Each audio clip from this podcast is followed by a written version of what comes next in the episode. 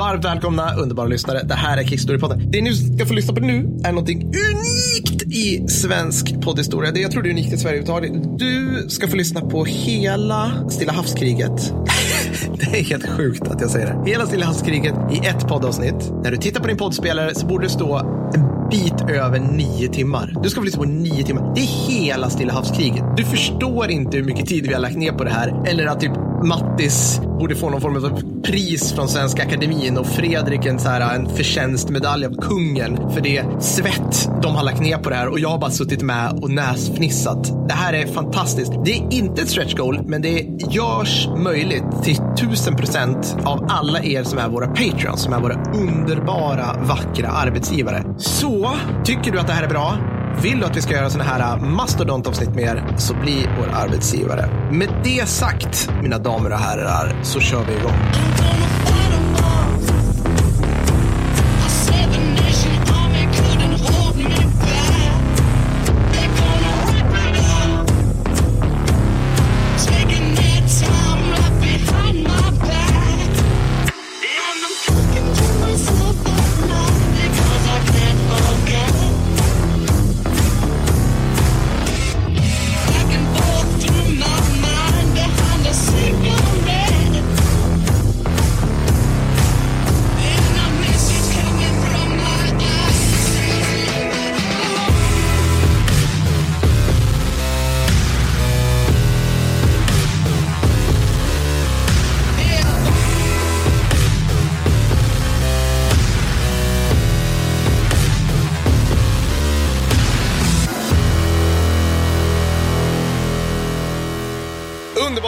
Lyssnare, varmt välkomna. Det här är återigen ett dundermastodontavsnitt. där vi ska prata om vad då, Mattis? Eh, vi ska försöka prata om hela Stilla havskriget.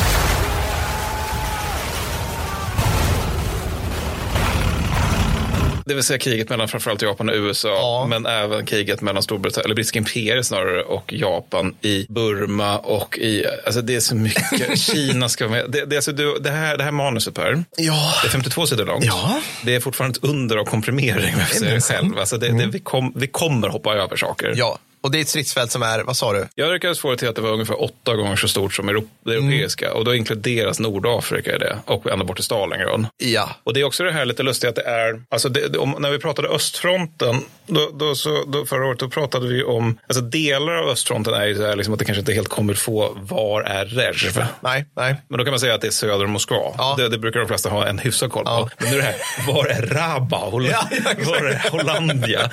Marshallöarna, exakt Ja, precis. Rangoon, är det liksom en, en bättre chipsort eller är det Burmas huvudstad? Ja, och vart ligger då Burma? Alltså, Ja. Och det, här, det är ett opedagogiskt krig på så vis att, Ja. att geografin är så pass, så pass okänd. egentligen. Ja, och sen efter att Indonesien blev självständiga, då bytte de ortsnamn på alltihopa. Ja, Visst, det tog även Papua Nya Guinea för säkerhets skull. Så, Jajamensan. ja, nej, men så man går från holländska till, till någon form av mer lokalt språk. då. Ja, men det är jättebra att du nämner det där, för jag kommer, för det är ju underbara lyssnare, för, alltså jag kommer sitta med kartor och försöka säga ungefär vart det ligger Ja, på ett så här ja. otroligt tydligt poddsätt. Precis, och det, det blir bra då när det kommer till just Marshallöarna. För då, är bara, ja, men i mitten av Stilla havet. Så, Ja. precis. Ja, men precis, så det ska vi göra. Mm, det blir fantastiskt. Det här gör vi årligen, ett så här jätteavsnitt. Så det här är Ja. tänkt för att eh, du som lyssnar ska kunna lyssna på det här när du typ klipper gräsmattan, målar om huset och sådär över sommaren. Mm. Och ja, lyssna på det ofta som helst. Det, men också första gången vi gör ett sånt här långavsnitt som inte är ett stretch goal. Just det. För det, så, så har det varit tidigare. Att Just vi har det. gjort eh, första världskriget i östfronten som, jag vet inte ens vad det var, om det var 400 patroner för första världskriget kanske. Ja. Och 1000 patroner för östfronten, något sånt. Fredrik ser lite osäker ut. 150. Ah, ja. Ja, det... Okej, ja, så kan det vara. Pärlor försvinner.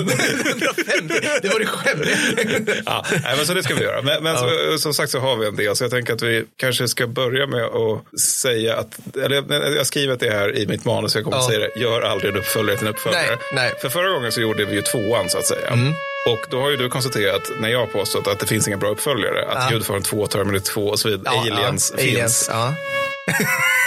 Hur många treor finns det som är bra? Matrix Revolution. nej, nej. Nej, ja. Eh, Terminator 3 kanske inte Nej. den bästa stunden. Så. Star Wars 3 när de introducerade Bumbibjörnar där. Det kanske... Jag gillar ju Return of the Jedi. Jag hade den på VHS. Jag hade den, ja. inte, inte New Hope eller Empire Strikes Back, men jag hade just, så jag har det ömmar jag för Tillbaka till framtiden 3. Nej. Alltså Gudfadern 3 brukar ju sägas vara en av de sämsta filmer som jag gjort. Jag tycker inte den är så dålig, men Nej. jag tycker att ett och två är bättre. Ja. Nej, men så, så det, det Kommer ni göra. på någon bra trea så hör Ja. av er. Ja, men sen så är det också att Stilla havskriget är ju lite udda. Ut- Utöver det här med storleken på det hela och den okända geografin. Så är det också det här med att om vi jämför då med de tidigare, vi fortsätter vara lite meta här. Så att hela första världskriget, Ja. det är ju lite fnissigt trots allt elände. För det finns en Konrad, det finns liksom de stora karaktärerna. Så över hela östfronten, det är ju liksom inga karaktärer och ganska ofnissigt. Ja. Men Stilla havet, det är ett oändligt mörker. För jag sa det här i... Men det finns karaktärer. Det finns karaktärer, Ja. det gör det. Men, men, men alltså jag sa ju det i... Det var, det var när vi släppte Östfronten så var det faktiskt några som hörde av sig och sa att de tyckte det var bra men de hade alltså inte orkat lyssna igenom det hela för att de Nej. tyckte det var för mörkt och dystert. Ja, Liksom. ja. Och som jag sa, jag tror avsnitt 93, ni trodde Östfronten var mörk, för nu ska vi ut i Stilla havet. In the grim, dark future, there is only war. Ja, men, men så det, är lite, det är lite intressant krig på så vis att det, fin, det, finns, det finns det fnissiga och det finns också ett mörker som är liksom så på en nivå som är liksom hejdlös verkligen. Ja, Men det, det är faktiskt intressant. Min fru frågade mig häromdagen, ja, men, så här, vad ska ni spela in nu då på tisdag? Jag bara, ja, men vi ska spela in hela Stilla havskriget. Hon bara, ha, japanerna, de var rätt grymma va? Jag bara, ah! alltså, jag höll på att ramla av stolen. Jag bara, du kan inte ana. alltså, så här, Det går liksom inte Nej, och då, då, jag, är inte, jag är inte ens med i Agent 731 i det här avsnittet. Nej. För att vi har redan gått igenom Jo, jag Agent vill aldrig mer 731. prata om 731. Det går, det går bra utan. Liksom, Ja, så det, precis. det, precis. Men med det sagt så tänker jag att vi kör. Mm. Ja. Och vi ska börja med Kina naturligtvis. Ja. Ska Såklart. prata med, om kriget mellan Japan och USA så måste man naturligtvis börja med Kina. Det är den typen av krig. Då kommer, då kommer Fredrik lägga in så här, om vid den här timestampen, då kan du vakna igen kära lyssnare. Då har Mattis pratat klart om Kina. För ingen bryr sig om Kina, alltså på riktigt. Nej, det är verkligen... det. Och det, det är också, jag tänkte när jag började läsa in mig på det här manuset i, för, ja, i som, sommar 2022, Mm. att det, ska liksom att, ja, men det, är lite konstigt det här med liksom att man pratar alltid om Kina när man skriver om Stilla havskriget. Men sen är det som att det liksom slutar Ja. 41 och slutar man beskriva det. Och nu förstår jag varför. Ja. För det, kommer in varför på det. Men okej, vi börjar med Kina då. Ja. Så då är det då att vi har Marco Polo-bron som ligger strax utanför Peking, eller Beijing, hur man nu säger. Ja, ja. Vi kommer säga fel på alla ortsnamn under hela avsnittet Ja, det- och massakrera alla språk som vi kommer i närheten av. Det är helt korrekt. Det är helt Ja. korrekt. Ja, men vi börjar där i alla fall rent geografiskt. Då. Det Den 7 juli 1937 Ja. då försvinner menige Hikojiru Shimura från sitt förband. Han är liksom vanlig japansk trattbasse som råkar... Japan är i Kina. Vi kommer till det. Ja, okej. Ja, eh, kommer till det. Nej, men så han försvinner och det är liksom lite oklarheter hur och varför. Och, så där. och då uppstår omedelbart gruff mellan lokala kineser och japanska soldater som letar efter Shimura. Då. Jaha. Och när Shimura då är, kommer tillbaka till sitt förband, eventuellt för att han behövde gå och kissa, det säger i alla fall fol- folkbaren, Ja. att han behövde gå och kissa lite. Och sen så försvann han. Druckit för mycket sake kvällen innan etc. Det kan vara lite... Ja, Lite så. ja, ja. Lite så. Då, då när han kommer tillbaka, då har japanerna börjat leta efter honom med artilleri. så att det har spårat rätt mycket rätt snabbt. Så. Ja. så redan den 28 juli fall- faller Peking. China has been generous. Är det sant? Japp. Så de, de tar. Japp. Vilket inte var en byhåla då heller. Nej, det är inte det. Är inte. Nej. det är inte huvudstaden, men det är, det är en stor, stor stad. Ja. Så, att, så att eh, andra sidan av japanska kriget är ett faktum. Ja. I och med Ja. detta. Och det, det här är en sån här grej som, det, är, det, det finns ju några sådana historier. Alltså att det är enskilda individer gör någonting slumpmässigt och så får det liksom fatala konsekvenser. Ja. Klassikern är ju Gavrilo Princip har, ett, eller fel, Frans Ferdinands chaufför har ett lokalsinne värt namnet. Ja, och första världskriget bryter inte, utan det Nej. lite, vi kan, ja, man kan problematisera det. Men det här är verkligen en sån grej där man kan fundera på om nu Shimura inte går och kissar, vad händer då? Ja. Jag kan avslöja att det blir krig i alla fall. Ja. Men, men för att besvara frågan då, vad gör japanerna i Kina Mm. då? Och då är det liksom att, för att jag kommer inte göra en Dan Carlin nu som bestämde sig för att han skulle ha motsvarande hur lång den här podden kommer bli som bara är om Japan från Meiji-restaurationen till typ Nej, 37. tack. Men, ja, ja. ja. men lite så. Men, men lite bakgrund behövs ändå. För att, alltså, om man tar Japan då vid den här tiden, då är det att stora depressionen och japansk extremhöger skrikiga retorik har under 1920-talet gjort japanerna övertygade om att det finns ett stort behov, ett starkt behov av militära äventyr.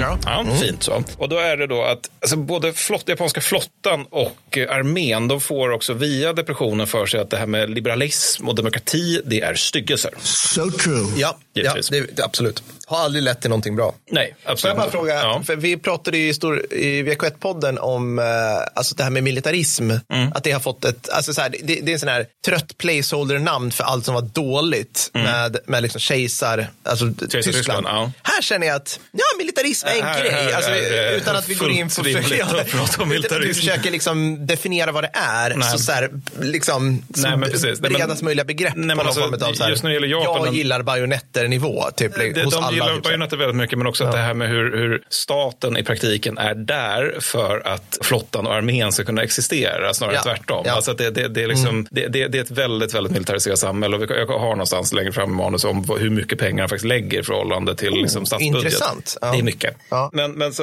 när, när, de, när man är framme vid 20-30-talet så finns det redan japansk trupp i Manchuriet som alltså vid den här tiden ligger lite norr om det som är Kina Mm. liksom, för att skydda japanska civila som är där. Varför japanska civila är där? Det är på grund av Boxerupproret och det, vi kommer inte fortsätta på det här stickspåret längre. Förr eller senare är vi tillbaks till Sengoku Jidai och det blir liksom, det, det är alltid så här. Men, men, 1800-talet kommer och kastar rep om dig Mattis. Precis, kom precis. här gubben, kom Exakt så. Exakt så. Nej, men, och sen, så, sen då, och, och I Manchuriet så har jag liksom att lokala chefer där, alltså för de här japanska styrkorna, där har fått för sig att Manchuriet är ett citat vilda västern. Ja. Aldrig ett bra tecken när folk pratar om Nej. vilda västern på Nej. 30-talet, för då blir, det, då blir det folkmord. Ja. Så att de genomför på allvar alltså två, alltså inte en utan två false flag-operationer för att få igång ett krig. Sådär, lite största Ja, visst. Så att det är alltså japanska armén då som genomför false flag-operationer i vilket japanska civila dör, vilket eh, också är nice. De offrade sig för en god sak. Ja, ja. Krig med stor K. Absolut, absolut. War, it's eternal. Ja, ja nej, men, nej, och då, då är det alltså att japanska högkvarteret som hände efter den här podden kommer att kallas för IGHQ, det vill säga Imperial General Headquarters, men det är en bra för, förkortning. IGHQ, de, de, är, de, de är emot att Manchuriet ska erövras. Så att det här med att det faktiskt erövras, det är alltså på alltså Kwangtung-arméns, det vill säga japanska Ja. armén i Manchuriets egna initiativ. Ja, ja. De lyckas göra det här 1931-1932, så vilket gör att Tokyo sålunda är nöjd i alla fall. Men, men alltså, notera här också graden av ingen kontroll alls. Nej. Alltså att högkvarteret vill inte en sak. Nej. Men lokal armé vill en sak. Och det innebär att lokal armé tar en bra bit av det som idag är Kina. Ja, det är ungefär som om, ja, men ungefär som typ, vad heter den här 42 Combined Arms Army som stod, eller invaderade Ukraina där förra året. Om de hade varit kompetenta och agerat på eget initiativ. Ja, det är precis lite så. den. Ja, exakt så. mm. Ja, exakt så. Ja, men precis. Eller liksom, jag vet inte, när du var i Afghanistan, liksom, att det din, din förbandschef bara hade fått för sig att nu behövs, behöver Sverige en bit av det här landet som också kommer vara en del av Sverige. Ja. Alltså den, den grejen då. Nej, men så, så att den här oförmågan att kontrollera armén Ja. leder mest egentligen till att Tråkigheter. Ja, dels det, men också att Japans väldigt kledande demokrati, för de har en form av demokrati, men den är liksom skröplig och orkeslös. Den kollapsar helt, naturligtvis. Och eh, det, liksom, dels är det den här Manchuriet-grejen och dels är det den här detaljen att liksom, officerare ganska ofta mördar japanska politiker. Jag tänkte säga det, det är väl under den här tiden som det går åt så här en premiärminister var tredje timme i Jo, Japan. PGA, alltså, ja. lönnmord. Liksom. Fullkomlig massaker. Det där tycker jag är så konstigt för att hela deras kultur får man ju för sig går ju ut på att vörda de äldre och respektera eh, hierarki. Mm. En god poäng. Men politiker är fortfarande smuts. Då. de är smuts. Alltså, då, då, då kan man, är skottpengar på dem. Ja. Skjut dem när man ser dem. Nej, men, och, och I regel så de här morden sker ju för det mesta för att det är någon politiker som bara, vi kanske ska investera i... Ja. Nej! Och så kommer de med ett svärd. Liksom. Skolor, nej! Precis. Vi kan, ja, sen, ja. Lägg ner alla förskolor, bygg Yamato. Precis. Ja, men det här är också en grej för att det här tror jag är en del anledning till att eh, kriget i Stilla havet inte är lika omskrivet som det i Europa, trots att man utan problem kan säga att det är minst lika viktigt. Det är att det här kriget saknar en tydlig hit- Hitlergestalt. Alltså det, man kan ju tänka sig, och det görs försök till ibland, att det kanske är Hirohito som är det, alltså den japanska kejsaren. Men grejen med Hirohito det är att han styr, och nu använder jag stora citationstecken, genom att ifrågasätta detaljer för att indi- indikera riktning snarare än att ge order. Ja. Och notera hur invecklat det här är. Alltså att det- när han får höra vi ska göra så här tänkte vi och då säger han, tar han ut någon liten detalj där för att liksom folk ska förstå att indirekt att kejsaren vill det här. Ja. Och han utgår alltså i de här besluten av vilka detaljer han ska ifrågasätta utifrån fragmentariska och ofta motsägelsefulla eller rakt av lögnaktig information Ja. som han får av sina rådgivare. Så han har liksom ganska liten, det, det liksom, han har på, i teorin väldigt mycket makt, alltså Ja. han har mer eller mindre alls makt. Men i praktiken är han liksom, han har ju inte mer makt än den information han får. Den information han får är dålig och han är inte heller så intresserad i att verkligen använda Nej. den stora makten som han nominellt har. Då. Så med andra ord, ingen, ingen Hitler-gestalt att tala om. Trots amerikansk propagandas stora försök att Ja. liksom så här, äh, Ja, de försökte även med Tojo, men, Ja. men, men inte det, det är inte heller helt riktigt. För Tojo var premiärminister och det innebär ja, makt. Mm. Så. Men, men alltså man ska prata vem, vem som styr Japan. Mm. Är det liksom inte en sån där enskildhet? Och det är därför jag inte kommer nämna så mycket japanska politiker Nej, heller. Det, nej. för det är snarare liksom som ett, liksom, olika kotterier och maktkluster som drar åt olika Mm. håll och sådär. Så att det, ja. Nej, men så i alla fall, när det gäller eh, Manchuriet då, så pumpar japanerna in mer resurser i Manchuriet på tio år än britterna gör i Indien på 200 år. We are all on the ration. ja. Jag vet inte om det säger någonting om, det kanske säger mer om britterna på sätt och vis. Men det, Britterna var ju samtidigt mer framgångsrika under de där 200 åren. Eller, alltså än vad, eller hmm, hur ska jag uttala Var de det? Ja, men de hade ju det. Men i Ja, andra sidan, jo, jo, det- å andra sidan tappade Japan kanske för att de muckade i krig med resten av världen. ja, det är så att, det. okej, ja, ja. Nej, men så, Ja, så, ja. så, Manch- ja, men så Manchuriet blir asiatiska fastlandets mest industrialiserade område och en yta för japansk emigration. Då. Mm. Men det är fortfarande lite av en besvikelse där. Liksom att japanerna tycker att "Nej, men det var ju vilda västern det här. Det här, är Mm. det, som, det här, här ska vi få ut jättemycket. Så därför så börjar japanerna tugga i sig delar av Kina söder om Manchuriet Ja. då, i jakt på framförallt järn och kol. Det här, Just det. det. Det, är just den här resursjakten här för övrigt, det är så här återkommande drag i japansk strategi i den här tiden. Och då pratar vi väl egentligen, alltså, så, om man ska säga, om man tittar på en karta så har du ju, Manchuriet är den här stora ytan norr om Nordkorea och Sydkorea. Nu börjar de ta neråt Peking där. Mm, Precis, exakt så. Och kanske söder om Peking, I don't know. Nej, Pek- söder om Peking är efter Marco Polo-bro-incidenten. Ah, Det okej. som hände 37 där när Ja. Shimura är ute och kissar. Eh, men men det, det jag vill att vi observerar här är att även detta är ju alltså emot Tokyos vilja. Ja, ja, ja. Ja, ja. Det här är återigen Kwangtung-armén som gör lite som den vill. Och det, det, det, alltså det tar till 1936 innan IGHQ får kontroll över vad japanska armén gör i Kina. Ja, ja. Eh, Orsak, man har just krossat ett uppror, rakt Ja. av uppror av yngre officerare och är liksom lite trötta på att yngre officerare håller på att freebasea. Alltså sådär. såhär, Karlberg stormar riksdagen. Ja, typ den, den, ja, ja, den ja. nivån. Ja, Det, här, ja, det här borde jag skrivit ner, men jag har för mig att det är det här också. Att det, det är liksom på nivån att alltså, upprorsmakarna tar liksom så offentliga byggnader och sen allt, allt är förlorat. Och då hör de av sig till Hirohito och bara, vi vill nu ha din välsignelse att ta livet av, det, av oss. Då. Och då, det han gör då är typ att han inte ger den för att han är jättearg på dem och det är Ja, det. och så vidare. Men det är också så mycket han ingriper i Ja. det hela. Då. Eller jag har för mig att han säger åt dem att lägga ner också. Men, men så att, nej, men så att Tokyo är liksom lite, till 36 lite trötta på det här med Ja. officerare som håller på och freestylar. Ja. Men, men, så då gör de även försök att få kineserna att lugna ner sig. Mm, Och Man kan ju förstå att kineserna känns lite ömma över hela den här situationen. Då. Men det är lite sent, för Mm. japanerna har bedrivit 50 år av nästan konstant aggression mot Kina och håller på att tugga i Ja. sig och mörda ta sig. Så, så att då, liksom, kineserna är inte längre så intresserade av det här Nej. med fred. Då. En som är in i det sista vill förhala och kompromissa är dock Chiang Kai-shek. I am in control. Vem är då Chiang Kai-shek? Ja, honom känner vi igen. Ja, det är nog, jag, jag kommer inte gå igenom vem Roosevelt är. Mr. Speaker, Jag kommer inte gå igenom vem, vem, vem Churchill är. Ladies and Men gentlemen, jag kommer faktiskt försöka beskriva vem Chang är. För kul. han, jag skulle säga att han ändå är den minst kända av de här stora aktörernas Mm. ledare. Så.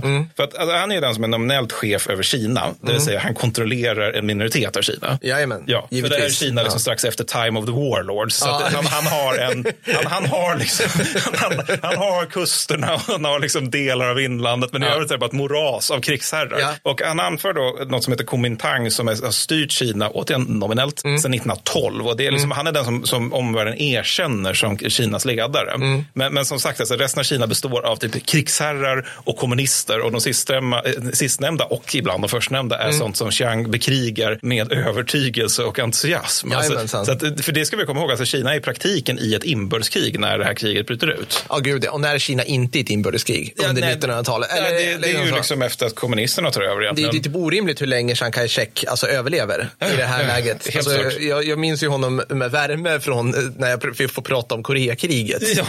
Så, alltså, det finns liksom helt... Och det här måste man också koppla upp, eller du kanske kommer till det, men eh, jag tycker det är intressant också, Kina-lobbyn i USA. It's a thing. Mm. It's det är sjukt att tänka på idag, men det är ja, verkligen en grej då. Ja, Liksom. men det var Truman, han torskade väl sitt andra val på grund av att han citat lost China. Något för mig. Alltså, det är något sånt där. Det var för att Republikanerna trummade på det där väldigt mycket. Att han Ja. förlorade Kina och att det, vi borde ha Kina på något sätt. Ja, ja. Men vi kommer komma lite grann till Kina-lobbyn. Men, men, eh, men grejen är att Chiang, han, han har varit ganska okej det här med att japanerna håller på att expandera Mm. söder om Algeriet. Orsaken är mycket enkel. De som råkar ut för de här eh, expansionerna det är ju alltså, till honom ej lojala krigsherrar som, som krossas på kuppen. Då. Så, så han är lite av en Har du varit med pragmatiker. om det här förut?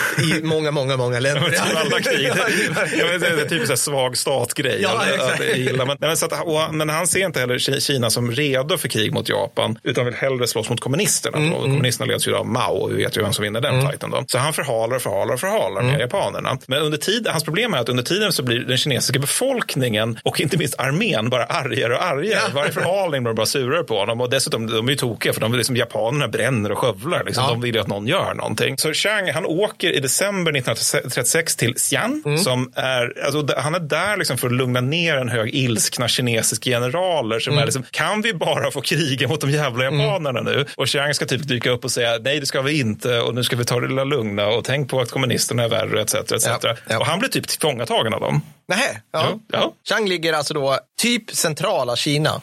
Jag skulle gissa, baserat på mitt hopplösa ögonmått, så här 100 mil sydväst om Peking, in i till landet. Vill jag bara säga det. Så här. Ja, det är bra. Nej, men så han blir typ tillfångatagen av dem och eh, alltså, i praktiken hålls som gisslan ända tills han liksom, blir, liksom ger ett löfte om att ja, okej då, jag ska kriga mot japanerna Ja, och sluta ja. jaga kommunisterna. Och efter det då, så, och notera hur sjukt det här är egentligen, liksom att mm, armén börjar kidnappa regeringschefen och sånt där. Men så kan det väl vara. Men och efter det börjar Chiang då förbereda sig med krig då, för krig då, mot Japan. Och att krigsutbrott sker i samband med Marco Polo-bro-incidenten då är med andra ord en slump, men att kineserna ska börja göra motstånd är mer eller mindre oundvikligt. Så att det, det är liksom mer så här tändande gnistan, men det är liksom en tändande gnistan som står liksom i en hög av fyrverkeri, olja och, och granater. Liksom. Alltså det, det är inte som skotten i Sarajevo där så att det finns spänningar och tendenser. Det, det pågår ju de facto krig. Ja, så att det, är ja. liksom mer så här att det här är liksom det som leder till att kineserna börjar aktivt nå motstånd. Och obs, vill jag att du kommer ihåg att Chiang är ingen mysfarbror. Nej, nej, nej. Oh, nej. nej. Det, det finns alltså, jag, jag har ju stört mig rätt mycket på de här som, som vill framhäva Sovjetunionen, Röda armén och i värsta fall Stalin som att ja, men det var professionellt och kompetent. Och hum, hum, hum, hum. You're like a blind kitten, comrade. Det finns ju liksom en sån för Kina under andra världskriget också. Ja. Men, men alltså när, man, när man läser om de här som skriver om Röda armén, då är det mer så här, liksom, ja, jag, jag fattar vad du menar. De, de hade liksom en imponerande liksom, mängd divisioner, de hade förmågan att ha så mycket folk vid fronten och så där. Man kan ändå förstå en del av det hela och sen kan jag, för, tycker jag för mest att de överdriver liksom, effektiviteten i det hela. När det gäller Kina, mycket svårare att förstå. Men, men, men, men fler författare jag läst har liksom försökt framhäva Chiang som någon form av så här stor ledare. Ja, att det är liksom Östasiens Roosevelt eller något Ja. sånt där. Vi har då Shanghai-massakern 1927 där 5000 kommunister mördas utan rättegång. Mm. Ja. Eh, det är en grej han gör. Men det krävs hårda nypor för att bilda ett land, Ja, ja, ja. Gotta break some eggs. Ja, och så precis, vidare. never made an omelet. Nej, men så Chiangs ideologi den är för mig helt, helt obegriplig. Men, men, den, men han har liksom något som kallas för blåskjortorna. Vad tror vi det är baserat på Per?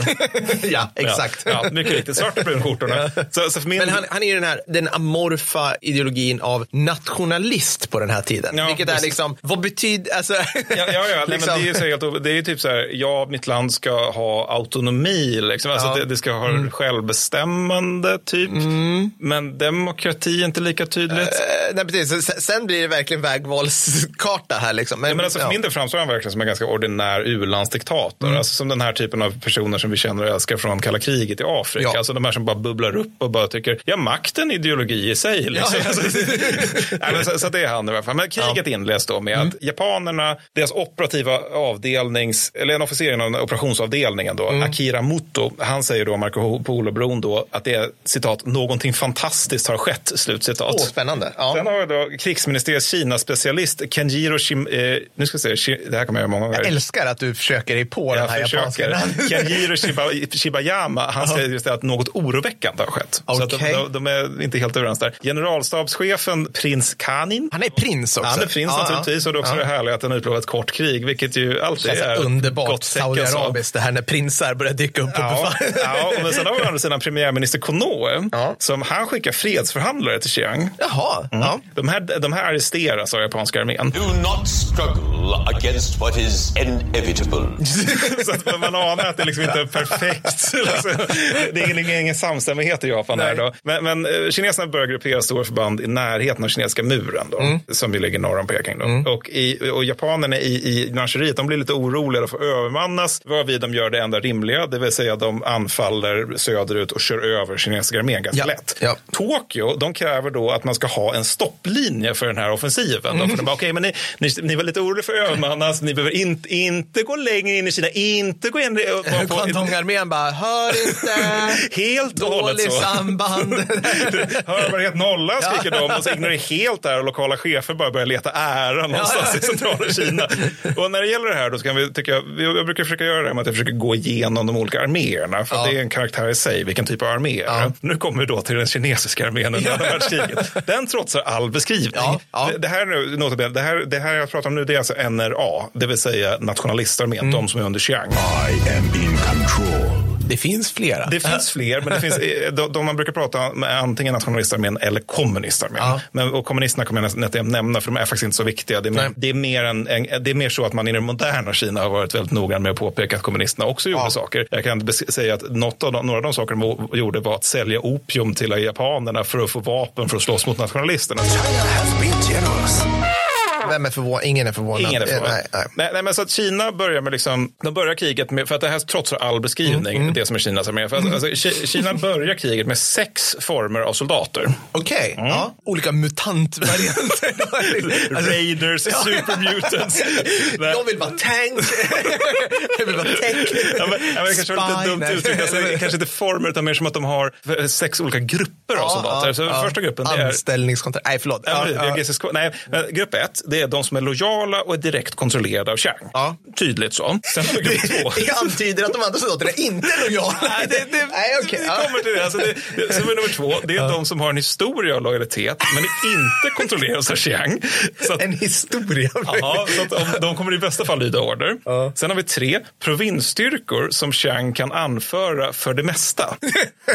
så att, det är också en skillnad här. Vi måste göra en skillnad mellan det här som är alltså kinesiskt hemvärn under mellankrigsstigen. De har bokstavligt talat spjut i Ja, vissa ja, fall. ja, ja. Sen har vi fyra provinsstyrkor som Chiang inte har kontroll över. Nej, de här blir ofta, det här står ofta i böckerna, alltså att de provinsstyrkorna som de inte har kontroll över fick pisk eller liksom hamnade i problem på något sätt, blev sen banditer. Alltså det är så här hårfin skillnad mellan här och stråtrövare. Sen nummer fem, kommunisterna, som är, de har kanske 50 000 man vid den här tiden då, varav 29 000 man har vapen. Och sen så nummer sex är manchuriska förband som redan har spritts, spritts för vinden av japanerna.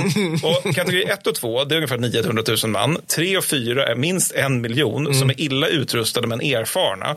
Och 4 och 5 är kanske 300 000 man. Så inalles så har ju liksom Chiang, alltså det, eller om man, om man tänker sig att Chiang skulle styra Kina som helhet, vilket han inte gör, då skulle han ha över 2 miljoner man att jobba med. Extra large. Ja, ja, visst. Men Nu har han ju inte det och nu är han ju inte det, så att det blir liksom lite annorlunda. Men det är, det är ju inte få. Det här ska man ju komma ihåg med Kina. Det är alltid enorma truppmassor. Ja, ja, det, är, det är gränslöst stora trupper. Fast, man, Alltså. fast det är liksom inte den här bilden man har framför sig som är liksom så här preussiska led som marscherar. Utan det, det är så här folkförflyttningar slash liksom Det gräshoppesvärmar här som rör sig. migration som ute. Ja, en del av dem har vapen, Ja, en del av dem har officerare. Ett gemensamt mål kanske. Ja. Men grejen är alltså att alltså, man tar just kinesiska Koder, staten. liksom. Ja, det är det verkligen. För man tar kinesiska staten som den som stat som är under Chiang Mm. och inte som är under krigsherrar av olika slag. Den, den får alltså 65 procent av statliga utgifter.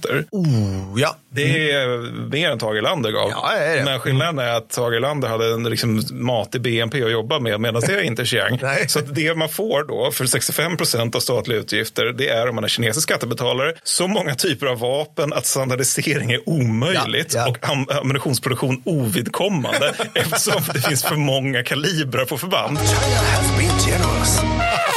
Eh, artilleri saknas i regel och får ersättas med granatkastare. Ja. Det, det är väl liksom okej. Ja, det gjorde Sverige under några år. Kan jag berätta, när vi hade, inte ens hade rikspjäsen där. Precis, precis. Och, men, men sen också att i den mål det finns artilleri så är den gjord av kinesiskt stål. Och kinesiskt stål är vid den här tiden undermålet. Så Ah. pjäserna, eldaren spricker ganska lätt ifall det är kinesiskt stål. Det finns en total brist på mo, mo, mo, motorisering och mekanisering. Mm. Och istället så använder man mulor då, varav två tredjedelar saknas.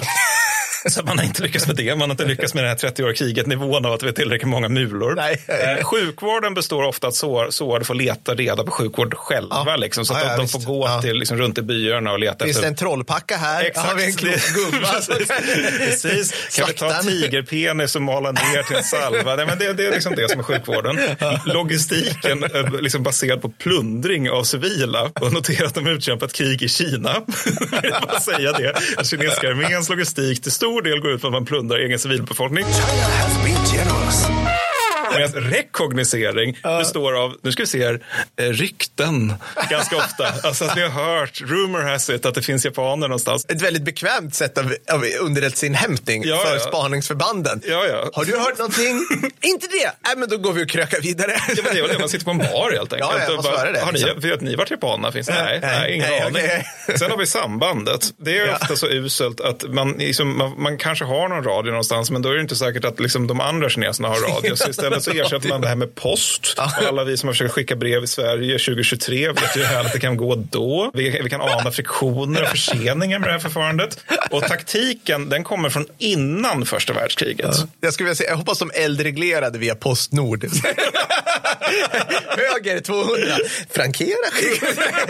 Fyra dagar senare, på den själv. Ja, ja, absolut, absolut. Inga konstigheter. Där kan man ju fråga sig, finns det stabsofficerare? Svar nej. Eh, Jo, men det gör, Eller gör det? Ja. Ja, men det är ingen som respekterar dem. Varför Nej. varje general är sin egen stab? Det här blir inte alls rörigt. Det är som jag när jag spelar Total War. Jag behöver ingen jävla stab heller. Nej, precis. Va? Det är bara, bara ha lite idéer. Liksom. ja. Precis. Vem ska se till att logistiken fungerar? Nej, men allt det här är dessutom marinerat i liksom nästan parodisk korruption och Mm. understött av ett, en mycket beskedlig industri. Då. Men de har ett S i rockärmen. Mm. Och det här är lite spexigt faktiskt. Det är att de har tyska rådgivare. Ja, fortfarande. Eller, ja, mm, just det. Mm. De, de byts mot sovjetiska senare och Ja. Mm, efter det mot amerikanska, men, men liksom lite under krigets gång. Så. Men, men, men 37 när kriget bryter ut i Kina, då har de tyska rådgivare. Ja. Och det här är liksom inte heller så här att det är så här myspys, baden, någonting, liksom tjohopp tjohej tyskar, utan Nej. det här är ju alltså nazityska officerare Ja. som utkämpade första världskriget. Ja, ja. Men de, de är där, Ja. militär mission. De, de, de skulle egentligen utbilda 80 infanteridivisioner, men de, de har liksom inte haft så mycket tid egentligen, så det blev åtta. Plus det är några som, är, som tyskarna ser som halvutbildade. Så jag, Ja. jag tror det blir så här 13-15 stycken totalt. Är den här tiden som de här spexiga bilderna kommer ifrån, vi kanske kan lägga upp dem, eller någon, vi får se, men där man ser kinesiska soldater i liksom Stahlhelm Japp. och hela baletten. Ja. Exakt, Mm. Stalhelm, Stilhandgranater, he, hela det där. Hela Så kittet, de, liksom. de ser ut som slåsstruppen på, fast i Kina. Liksom. Och de har, alltså, de har också en, en alltså, löjligt mycket högre stridsvärde än vad en reguljär, normal kinesisk division har. Ja, ja. På grund av att liksom, de, de snälla tyskarna, eh, kanske inte för snälla, Hans von Sector Company har varit där och berättat för dem det här är uppdragstaktik, Ja. det här är infiltrationstaktik, det här är förmågan att ta ett initiativ och att inte använda rykten som, som rekognosering. Ja. men, men det är dock fortfarande kinesiska divisioner, så även om det här är det, här är liksom det bästa kineserna har, det här Mm. är liksom faktiska elitdivisioner på riktigt så. så. Så trots det så är det att liksom, de, de har hälften så många soldater, lika många lätta och tunga kulsprutor med hälften så många artilleripjäser och GRK som en ja- japansk ordinär division har. Så Mm. Ja. det bästa Kina har är fortfarande mycket, mycket svagare än liksom bara så här trött bassedivision som lag Japan ställer upp. Och då kan vi säga att lag Japans, ja. lag Japans liksom materiell tunghet är ungefär hälften av en västerländsk när det gäller kulsprutor, Mm. Ja. indirekt eld, Ja. you name it. Liksom. Precis så. Så att ja. kineserna har gjort sitt bästa, de tyska rådgivarna har gjort sitt bästa, men det är fortfarande, det, vi måste komma ihåg att det här är kinesiska divisioner. Ja, liksom. Så att, och de har många svagheter, framförallt när det gäller materiell. Då. Så japanerna, de har en tumregel och det är att ett japanskt regemente kan strida med framgång mot en kinesisk elitdivision. Ja. Mm, Så att det är alltså de, de Det är omvänt 3 till 1 förhållande Ja, är ja, det bästa. Yes. När det gäller en vanlig kinesisk division så menar japanerna att det räcker med japansk bataljon. Ja. Vet du det sjuka? Nej. Enligt amerikanerna stämmer det här. Ja, ja, men det- ja. Mm. Nej, men så den här ärorika styrkan då, de bestämmer sig i augusti 37 för att öppna en ny front då mot Mm. japanerna. För man är ute uppe och slåss då, uppe, uppe vid, vid Peking då, eller Mm. Peking har redan fallit. Och nu så ska det vara en ny front då vid Shanghai för att avlasta kineserna i norr. Och dessutom så bor det många västerlänningar i Shanghai Mm. eh, på grund av olika så här, opiumkrigsskäl mer eller mindre. Cue Indiana Jones-soundtracket. Och alla så här, såna där. Liksom. Ja, ja, ja, men lite så. Nej, men- nej, men, så, så, så, men Chang tänker sig att det finns många, många liksom, eh, västerlänningar där. Så att då, då, då, då tänker han att de ska liksom se Kina slåss och bli imponerade av det. Då, och liksom, då Ja. stödja Kina. Och kom, då ska det ramla in pengar från an, utlandet helt enkelt. Ja. Någon form av stöd. Liksom. En Zelensky på något vis vill han göra Ja, där. fast en mycket mindre lyckad Zelensky. Jo, jo, ja. men, men absolut, det är epa Zelensky. men men, men så, så, så kineserna inleder då med att försöka inringa och utplåna japanska förband nära Shanghai. Hur tror du det här går? Det går eh, definitivt på röven. Ja, det är ett fullkomligt misslyckande. Ja. Mm. Helt, helt otroligt dåligt. Men japanerna får ändå panik, för de, de är liksom inte alls redo för att kineserna ska hålla på och spexa loss lite grann i Shanghai. Nej. Utan de, så de ruschar in 5 000 man från, från eh, alltså, vad, vad blir det på svenska, SNLF, alltså marininfanteri i Ja, praktiken. ja, ja. Särskilda landstigningsstyrkan på det japanska mm. eh, De är ju militärteknologin. elit och Ja, då kan man väl lägga in det. Ja, ja, men det, det, är, det är de vid den här tid. 32 var de tydligen ganska dåliga. Men, men till 37 så är de duktiga. Ja. Mm. Det är då, nu är de bara för så hopputbildning och skit. Men, men eh, för att varför ska inte marininfanteri ha Ja, ja, ja, hopputbildning? precis. Nej, men så de, de, rush, de, de rushar in 5 000 SNRF till den här staden, då, Shanghai. Och de får då sen hålla mot tio gånger så många kineser, vilket absolut går bra. Ja, ja, inga problem. Sen följer väldigt grisig SIB då, i vilket kineserna följer, föder in 750 000 man. Is that all? För att vi pratar aldrig om små, små numerärer i Kina. Och japanerna replikerar med 250 000 man. Visst är det här Christian Bales eh, första roll, va? Ja, det är det nog. Ja, det- Eller ja, det är det. Ja, det Nej, kanske är. nej, Eller det är Nanjing Hongkong. Där. Det är Är Hong- Hongkong. det måste ja, vara Hongkong. Hongkong är det. För Ja, det men vi är- kommer komma till Hongkong. Ja. Men, men nej, det, det här brukar däremot kallas för Stalin, Östasien Stalingrad. Eller Ah, liksom ja. Stalingrad by the Yangtze finns det en bra bok som heter som det handlar då. Och, och det här kriget har liksom redan här börjat ta, liksom, fått vissa mönster som kommer att hålla i sig. Mm. Det vill säga att i oktober så utfärdar japanerna en order om att civila som hjälper kineser, det vill säga kine, civila kineser som hjälper soldatkineser, ska citat behandlas hårt. Slutcitat. Det är alltså innan den ordern utfärdas så är det så här, typ skottpengar för kinesiska civila. Så Ja. efter det så blir det inte bättre. Nej. En kinesisk general då, det här är ett annat mönster, skrev senare då att citat, jag såg ett fulltaligt regemente marschera mot striden. När det kom tillbaka återstod bara några sjukvårdsbiträden. Slutcitat. Mm. Det, här är alltså, det här är så Kinas krig är. Det är att de, de skickar fruktansvärda mängder folk, folk mot fronten och sen Mm. så brukar det vara liksom så här fem, sju personer som överlever den Mm. upplevelsen. Inte många veteraner i den här armén kan jag säga. Ett mönster de inte bryter under kommande krig, kan nej, man säga. Mm. Nej, nej, men precis. Den som undrar kan lyssna på när vi pratade om sino-vietnamesiska kriget där vietnamesiskt hemvärn spöade skiten ur kinesiska armén. Men så kan det ju vara. Ja. Mm. Slaget är slut först i november. Då, då har japanerna tappat 40 000 man. Kina minst 187 000 man. Jajamän. Det är fler. Och eh, alltså, Kina tappar ju bland annat mycket av sina elitdivisioner här då. Och även 70 procent av sin officerskår. Vilket är, Det är mycket. är mycket och det är dåligt. Men samtidigt så blir det liksom, Shanghai det blir som, som en slags Thermopylae-symbol i Kina. Liksom att kineserna får den här, liksom, ja, men som man får i krig när man utkämpar försvarskrig. Alltså att man får den här symbolen. Jag antar, det lär ju ha fallit ur det här laget. Men alltså som Bachmut har varit för Ukraina länge. Liksom, Ja. alltså att man, man har den här symbolen över dem som bara håller ut och så vidare. Ja. Eller Mariupol kanske? Ja, Mario, absolut ja. Mariupol. Ja, Ja, ja, bara- nej, men, nej, men absolut. Alltså det, det här liksom, de få mot de många, Mm. de höll, de dog, men det, det var tappert det hela. Den typen av symbol. Och i väst så där ser man också slaget då. Och därmed gör man då utifrån slaget tolkningen av att japanerna inte är speciellt farliga. We haven't yet fully committed to this fight. Man gör prognoser kan man säga. Det var många krigsvetare i väst vid den tiden. nu kommer... Hade de krigsvetare där? Ja, ja, ja, Nej, just jag det. vet Mm. Nu, nu kommer vi då till rubriken som heter Nanjing. Mm. Den som kan någonting om det här börjar nu dra lite öronen åt sig. För vi kommer, vi kommer genast hamna i Grimdark här. Nej, men för, alltså att kineserna retirerar från Shanghai mot huvudstaden Nanjing. Och moralen i kinesiska förband var god så länge man slogs i Shanghai. Det var liksom ändå så här, bra, vi, vi, vi, vi slåss, härligt, kul att slåss mot japanerna och sådär. Vi lider, men vi biter upp hela den där grejen. Nu kollapsar den helt och hållet. Man når vad man kallar för citat Kinas Hindenburglinje, slutcitat. Man når den utan kartor och när man kommer dit så visar den sig vara låst. Alltså man har inte Ja. nycklarna till att eller, eller, eller låsa upp den. Nej. Varför japanerna naturligtvis bryter sig igenom där ganska snabbt. China has been generous.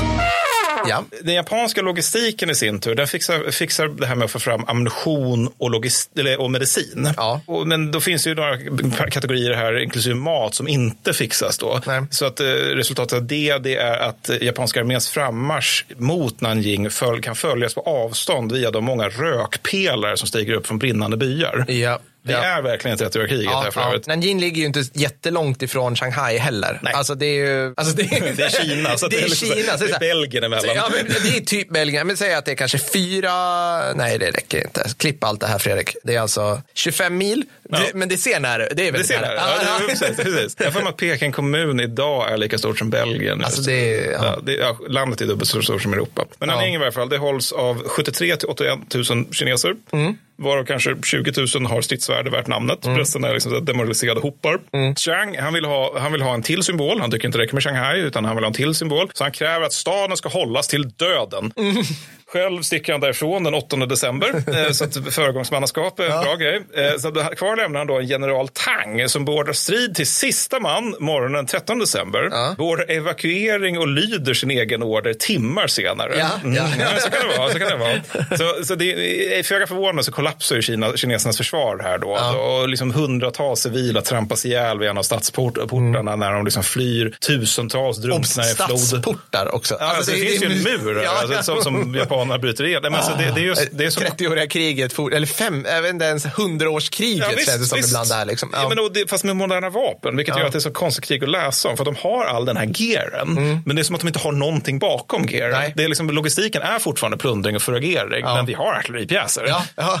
Nej, men så, att- och det här så liksom att många dödas bara liksom via att, att, att liksom kinesiska armén drar sig utåt, det, det, det är också ett slags mönster för Nanjing. Då. För japanernas första prio när de liksom har tagit sig in, det är att hitta mat, skydd och skyl. Liksom. Alltså att de, de är trötta och hungriga så de behöver vila lite. Sen kommer vi till 14 december, dagen efter, då de inleder storskalig plundring, vilket eh, medföljer 5 till 20 000 våldtäkter. Det här är väl enda gången i världshistorien, nu när jag kommer att tänka på det, som om man läser i Wikipedia vad som helst, där det heter våldtäkten av någonting, någonting. Det är väl enda gången, alltså jag kan bara komma på, alltså, Ja, det finns- Rape of Nanking Ja. är ju det enda liksom. Ja, det, det finns en annan som ibland kallas för det och det är våldtäkten av Manila. Aha. Det kommer vi komma till när vi kommer till Ja. 1945. Men Ja. ja, nej, det, det är unikt, nära nog unikt och det är också, det är nog delvis på grund av det jag ska beskriva nu. För att det, det är en, alltså det är en av eh, liksom topp 10 grisigaste händelser som sker under andra världskriget. Och det, det säger ju inte så lite egentligen. Nej. För grejen är att japanerna bestämmer sig för att, utifrån oklar grund, att, att eh,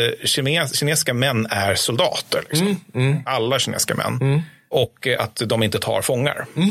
Ett problem. Ett problem. Eh, Så att eh, någonstans mellan 40 och 200 000 massakreras då, alltså kinesiska civila massakreras, framförallt kinesiska civila, med, med en kulspruta, bajonett och ganska ofta också brinnande bensin. Alltså att man bara buntar ihop folk och tänder eld på dem. Eller att man binder ihop dem och kastar ner dem i floder och sånt där så de får drunkna. Alltså bara ett japanskt regemente har ihjäl 7000 kineser på en dag.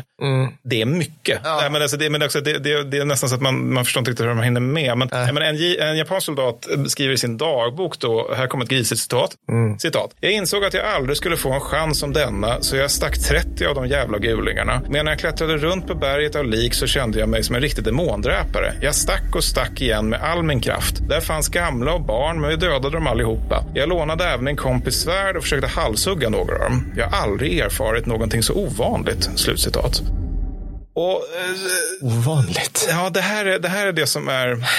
Jag kommer göra lite försök. Alltså, det, det svåra med att beskriva japanska armén under andra världskriget det är att man väldigt lätt hamnar i det här, alltså så som amerikanerna beskrev dem under andra världskriget. Att det här är, liksom, att det är obegripligt. De är liksom inte människor. För att de, de, alltså, det, det är demoner, de slåss för hårt etc.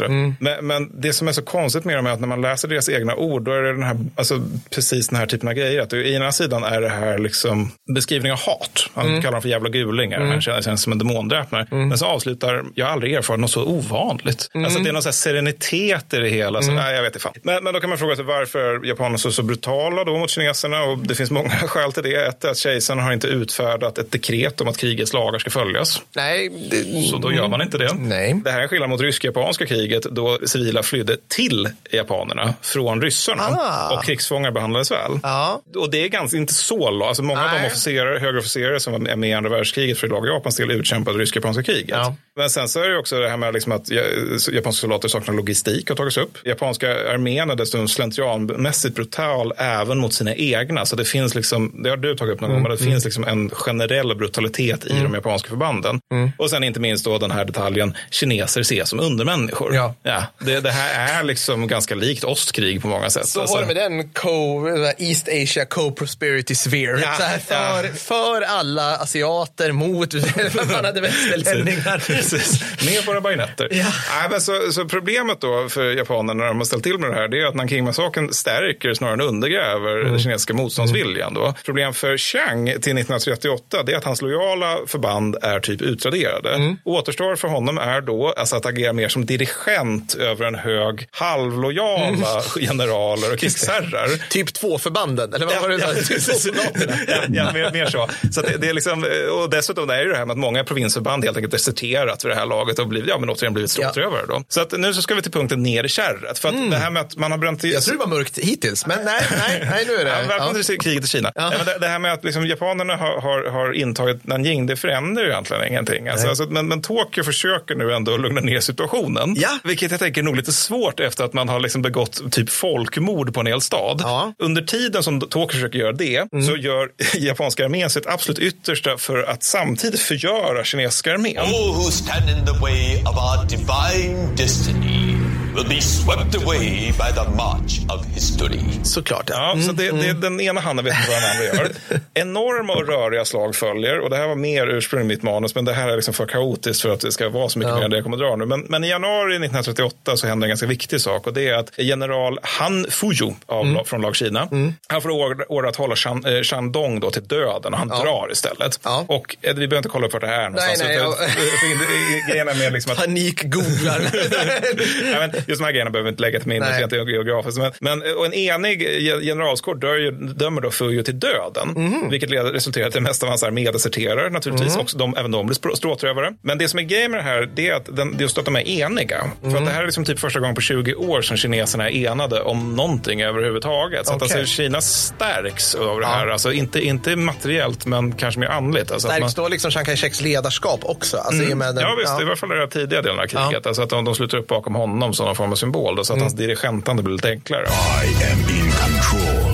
Och en viktig grej, eh, liksom, en viktig moralisk grej för kineserna, det är att de faktiskt lyckas vinna ett slag också, vilket inte är så vanligt i det här Say kriget. Eh? Även de vinner ett slag vid en stad som heter Taie- Taie- Taie Shuang våren 38. Ja. De förlorar ju liksom 20 000 man, inklusive nio generaler då, som rakt av stupar.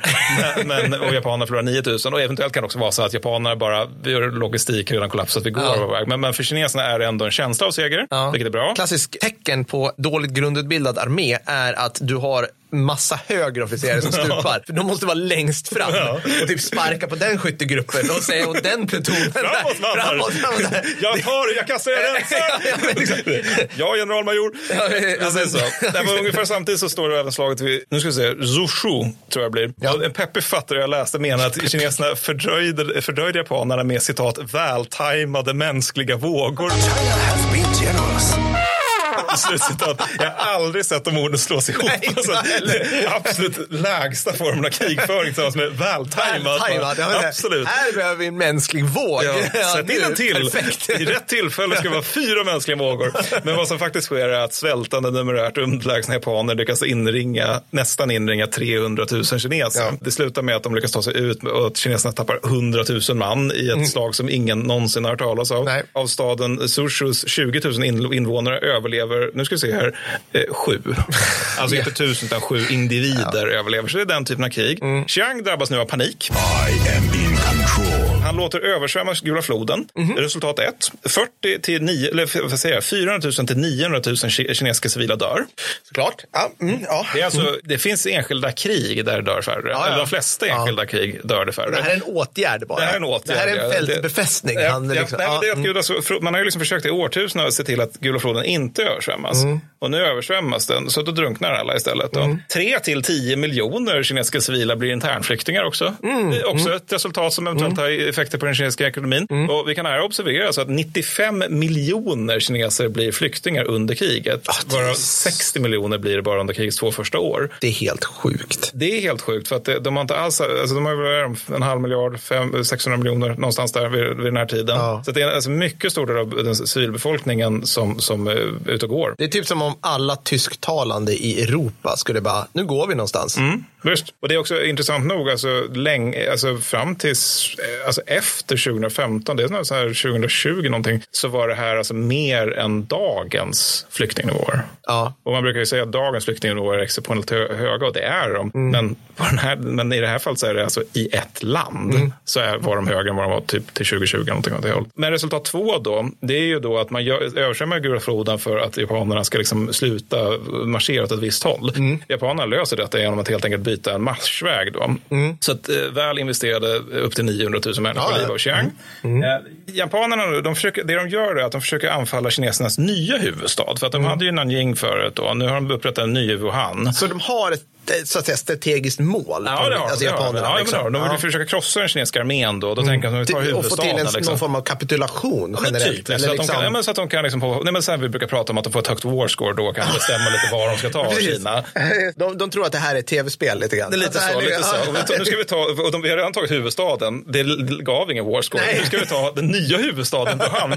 Så att det, den anfaller de då i, eller de snarare försöker ta den i juni och oktober 38. Ja, ja. Och där, alltså det här fälttaget präglas av extrem sommarhetta, malaria, dysenteri och havererad logistik. Då. Ja, ja. Och även senapsgas. Ja, men gud vad bra. Ja, eller hur? Den sätter japanerna nämligen in vid upprepade tillfällen mot kinesisk trupp. Så det, de, de, de, det är ju något så här som efter andra världskrig, eller första världskriget så är det ju alltså, italienarna i Etiopien, Saddam Hussein under Iran-Irak-kriget Ja. och Japan under andra världskriget. Ja. Alltså, det, det är de som har pallplats där. Och det, Mm. det säger nog någonting om hur vidrig japanska krigsmakten är under det här kriget. Mm. Att de bara, absolut, vi använder, jag tror de kallar det specialgas eller något sånt där för att man behöver göra en eufemism för att det ska kännas bra i magen. Special.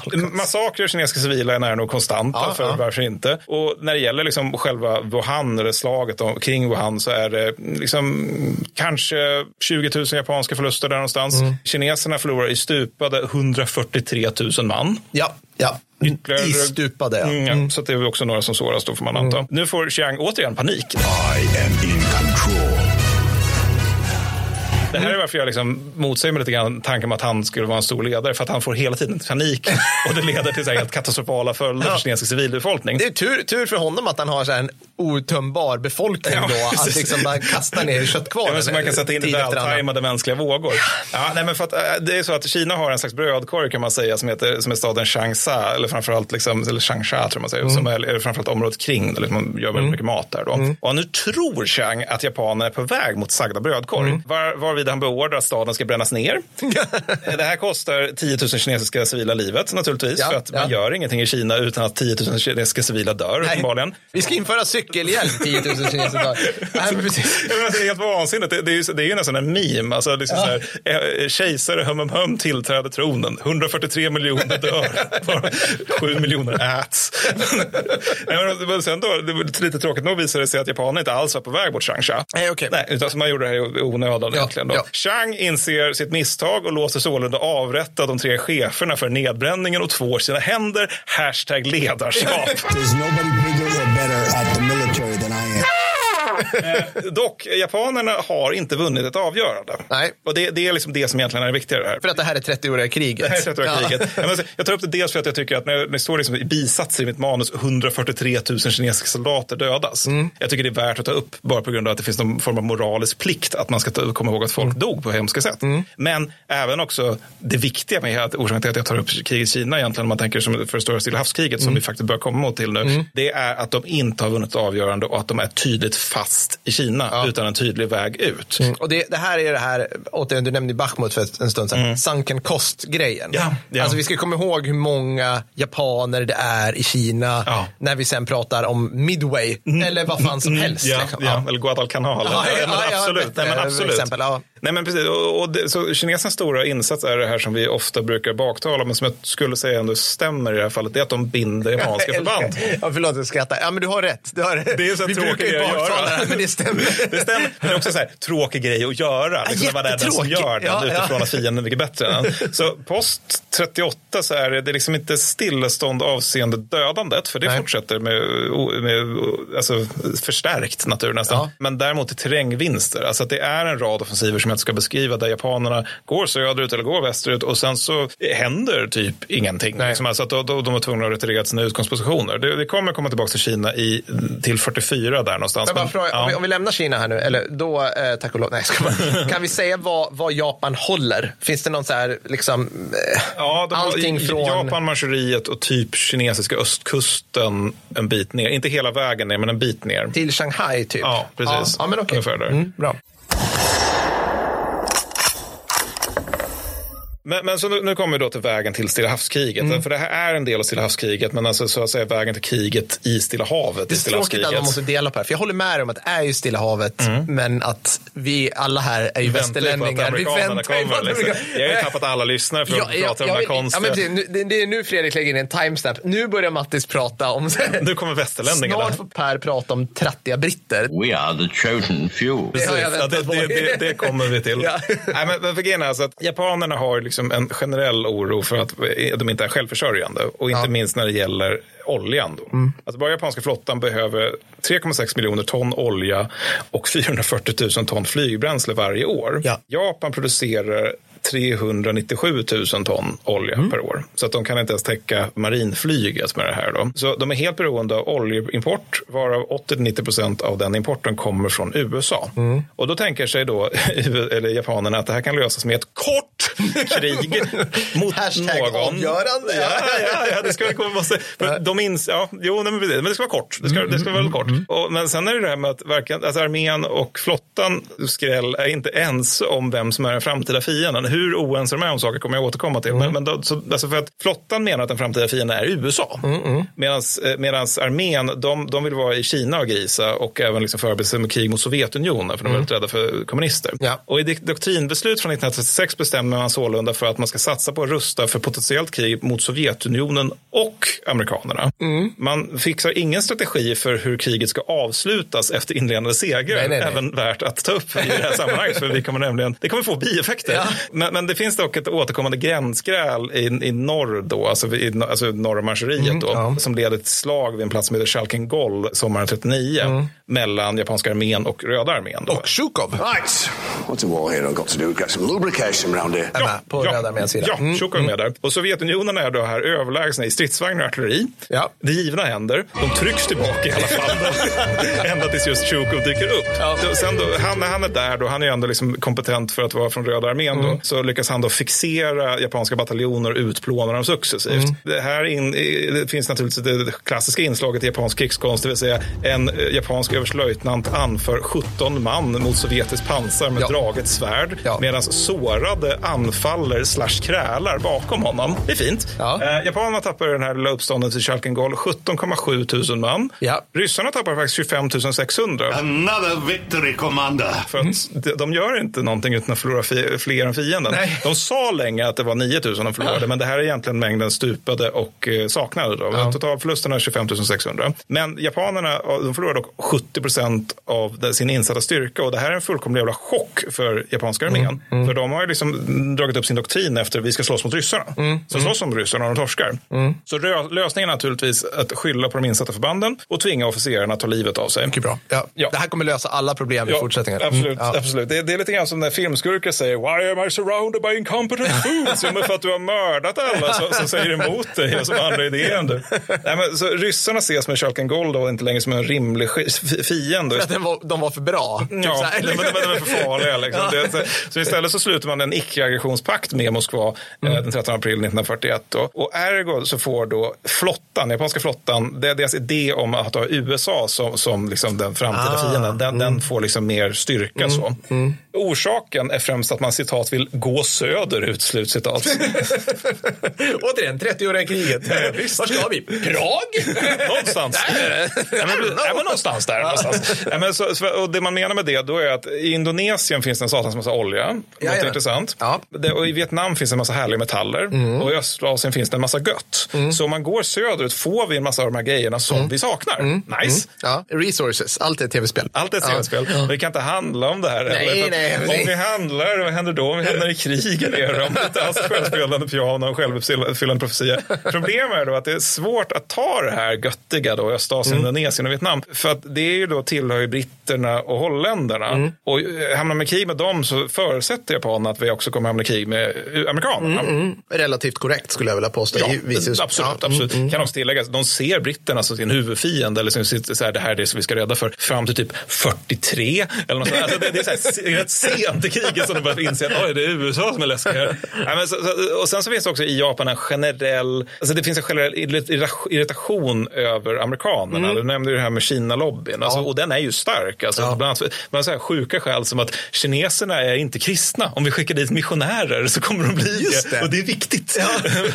men, men, men, eh, men, och sen så är det också att de upplever sig som att de har blivit illa behandlade i tidigare krig. Och det har de blivit. Alltså de, de vinner första sino-japanska kriget, de vinner japansk-ryska Mm. kriget. Och de, men de får liksom inte fullt så mycket som kanske är rimligt förhållande till Nej, hur hårt de, de är vinner. segrande sida i första De är världskriget. segrande sida i första Mm. världskriget, och de, de, men de får, ju, de får liksom inte igenom de grejer i Vers- Versaillesfördraget som de Nej. har. Så att det, det, det fin, just den biten kan man ha förståelse för. att de, de känner att det här diplomatiska spelet gynnar västerlänningar och vita och inte oss. Just det. Och visst är det någon form av, är det någon form av embargo som USA har Ja. mot Japan innan Pearl Harbor? Ja, Såklart. Va? Ja, det är exakt. Det alltså, de, de, de sätter eh, japanerna under embargo redan sommaren 39. Mm. Och då är det främst sånt som kan vara bra för flyg och fartyg och sånt. Mm, Precis Men- sånt som Japan gillar idag. Precis Ja. som gillar. Och det här gör ju japanerna bara ännu argare. Ja. Men japanerna ser som tur, som tur en vän i Tyskland. Just och det här har jag aldrig förstått hur de tänkte där. Liksom att vi är här, tyskarna är var någonstans. Ja. Hur ska vi understödja operationer? Nej, nej. Det, bara gör en världsomsegling så kommer det gå bra. Det finns någon sån här när jag har spelat eh, typ Access and Ally som man, man spelar, om den som spelar Japan och den som spelar US, eh, Tyskland lyckas Mm. träffa varandra och då brukar man göra det typ i Indien eller något sånt där. Alltså, man gör det. Men det är liksom, då har du vunnit allt annat under tiden. Ja, ja, Alltså, men, här, men då är det färdigt. det är det liksom. sista du gör. Ja, precis. hej, du skakar, men det är som det där fotografiet när ryssar och amerikaner skakar hand när de träffas i mitten av Tyskland. Ja, det, är liksom, det är bara så här mop-up kvar. Ja, det, är det det är samma grej. liksom. Har du inringat Sovjetunionen då är du hemma. Det, det är liksom så. nästan. Jag ska bara storma Nepal så är Ja. färdiga med det. Liksom. Men, men så då ser en vän i tyskarna och man sluter ändå allians med, med tyskarna i september Mm. 1940. Och den här grundas på mer än lovligt naiv omvärldsanalys Mm, kan ja. man kunna säga. För man hoppas och tror och vill. Hoppas, tror och vill att, så vidare, att tyskarna ska lyckas spöa både britterna och ryssarna. Ja, ja. Och det här är alltså, ja. Ja, men så det är lite naivt kanske då. Och Frankrike och Holland, Hollands svaghet i Asien är samtidigt någonting som leder till möjligheter för japanerna då. Alltså möjligheter utifrån vi är helt tokiga och Mm. Ja. bara tänker bara anfallskrig. För jag menar, vid den här tiden så är ju då Nederländerna en parkeringsplats för, eh, för her. Ja, Liksom. Mm. ja de står där liksom. Precis, och Frankrike har fallit. Baguette. Sådär. Mm. Så, så att lokala chefer erövrar mot eh, Tokyos vilja Mm. alltså, och mot japanska regeringens uttryckliga order norra Indokina.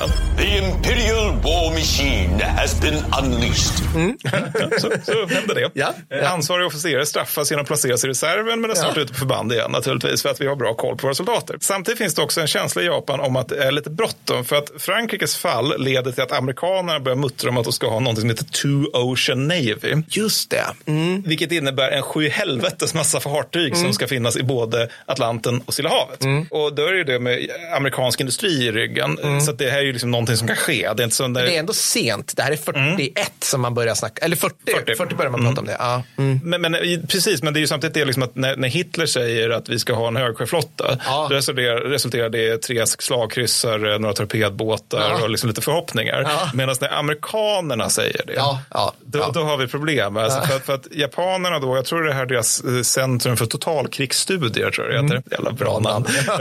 då, då, det, det, det är för mig att det är de som då inser att till 43, då kommer japanerna ha flytetyg motsvarande hälften av amerikanska flottan. Till 44 så kommer de ha 30 procent av, japanska, eller, amerikanska flottan. Ja. Och amerikanerna kommer då också ha tio gånger så många flygplan. ja.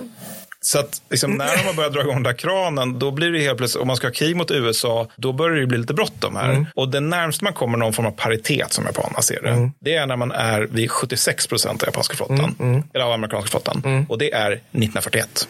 Så nu ska vi till 1941. Då kör vi.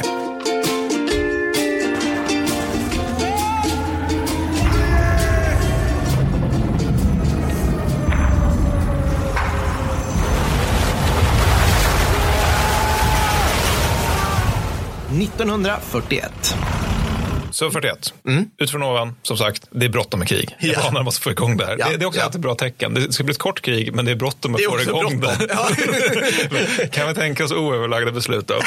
Men så, men samtidigt sker det liksom någon form av diplomatiska samtal mellan, mellan Japan och USA. Ja. Det finns en bok som heter Tower of Skulls som jag läste inför den här. Då. Och väldigt mycket av den upptas just av de här olika liksom, förvecklingarna mellan olika diplomater som slarvar bort olika meddelanden och sitter och dricker dåligt kaffe. Men det är inte jätteintressant, men man ska sammanfatta det ungefär liksom att alltså, de här samtalen, i dem så kräver Japans utrikesminister Matsuoka att amerikanerna ska underkasta sig Japan. You will bow before us, or you will cease to exist.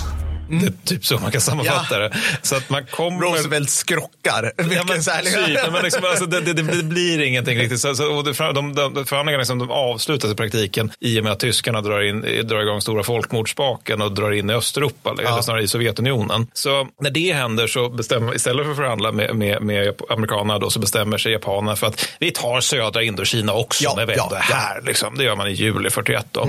Och då svarar amerikanerna med, för att de, de, de, är liksom inte, de tycker, kan ni sluta expandera? Det är ju det vi håller på att prata om här. Och, så, och Indokina det är alltså Vietnam, Kambodja, Laos. Ja, det är den, precis. de, de trakterna. Ja. Tänk bort att det finns landsgränser i det här laget. Ja, ja bara men liksom- alltså, vi ska tänka oss här vad Frankrike tycker bör vara Ja, ett ja. område. Det är mer det. Liksom. Ja. Nej, men så, amerikanerna blir lite, lite ledsna i ögat över det här, så de svarar då med kraftiga begränsningar av japansk oljeimport. Mm. Vilket vi återigen, som konstateras ovan, Japan är helt fucking beroende av import av olja Ja. från USA. Och så här kan man ju tycka att, ja, det, det, kan, fan, säkert- det fan, har säkert ingen val, men här kan man ju tycka så här, om de är oroliga för att de inte är självförsörjande och de samtidigt ser USA som en potentiell framtida Mm. fiende. Är det så smart att liksom binda upp sig på det här sättet via oljeimporter? Är det inte lite grann som att den ryska, de ryska pengarna fanns i utlandet när Ukraina-kriget började? Vodka. Ja, Ja, nej, nej, det, kanske. det, går, det går ju inte ihop det här. Nej, det, det, nej, är- nej.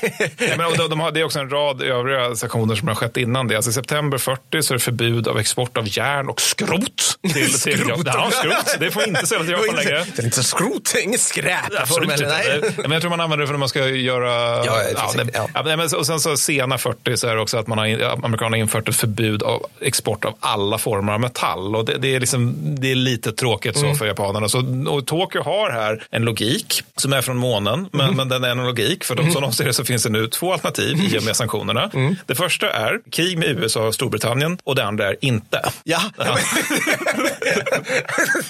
Ja, men exakt. Apropå den här militarismen. Eller liksom på ja, ja, men exakt. Ja. Det, det är någon form av ö, de går ju runt med ödet i huvudet. Ja, de det fortfarande. bara, det måste ju ske någon form av urladdning. Ja, för vi, kataklysmisk. vi är ju så bra. alltså, Precis. Men också att det, det, det är liksom det här med att alternativ ett, då, det vill säga krig, det kommer ju då leda till brister i bränsle och en rad metaller inom tre år, vilket kommer förvärras om fartygslusten är höga. Ja, precis. Mm, det är alternativ ett. Det är konsekvensen av det, det är alternativ de ett. konsekvenser vi bryr oss om. Att en massa människor dör, det är ju Nej, så nej, ovidkommande. Det, det har vi redan Ja. styrt upp i Kina. Ja. Alternativ två, det vill säga inte krig, det är att exakt samma sak kommer ske, men snabbare på grund av embargo. Ja, just det. Såklart. Ja, så- så I att- deras logik från månen. Ja, precis. Exakt, så att det, det är liksom fred innebär förlust i praktiken, men snabbare än krig. Så att alltså, för grejen att japanerna förstår att de vid fall av krig med väst, västvärlden i praktiken då, inte kommer ha bränsle för mer än några, något års flygkrig och ett halvårs ambitiöst flottkrig. Då. Och det här blir då ett argument för krig Ja. naturligtvis. Vi måste liksom få det här överstökat Ja, nu som inte har precis. något bränsle. Och somliga som får höra om USAs industrikapacitet väljer att helt enkelt inte tro på den. Nej, nej, nej. Nej, måste vara lögner. Ja. Och Institutet för, för totalkrigsstudier, åt det bästa namnet. Varför har vi inte Jag det? vet inte. Det, måste, det finns ju institut för saker. Vi måste bara starta ett. Ja, ja. Det tankesmedja. Liksom. Ja, Ja, men de, tankesmedja. de påpekar för premiärminister Toyo då att eh, japanerna kommer förlora. Mm. Japanska flottan och till och med många av de som är för ett krig mot USA Mm, tror att man har extremt små chanser. Och trots det så anser man att man ska köra på grund av att det är bättre chanser nu än senare. Liksom. Mm. Alltså det, det är lite grann som där som det har förts fram att eh, tyskarna inför första världskriget när de står i valet och kvalet där, krig nu eller inte, är lite så här, vi kommer ha sämre förutsättningar sen. Mm. Så att vi är lika bra att vi kör nu. Ja, och eh, under vecka ett så var det den här äh, mobiliseringslogiken. Ja, det är bäst att vi mm. mobiliserar nu, annars kommer de andra mobilisera. Ja, de gud, andra ja. tänker likadant och så håller det på sådär. Ja, men, visst, visst. men här är ju liksom, här är det roliga liksom att ingen räckte upp handen och bara, vi skulle ju kunna kolla vad de vill, vad de vill att vi ska göra för att lyfta embargot. Mm. Alltså, Jo, men, alltså, det det säger, säger amerikanerna och det är ju då er ur Kina. Mm. Och det, där kan man också för sig förstå Japan på något, nå, något plan. För att där är det så, de har förlorat typ så här 100 000 stupade till Mm. 41 i Kina. Det är lite svårt då att inte tappa ansiktet, vilket jag har hört en grej i Japan att man inte vill göra. Ifall man bara, vi tappar 100 000 man här. ja. Och eh, nu går vi ut.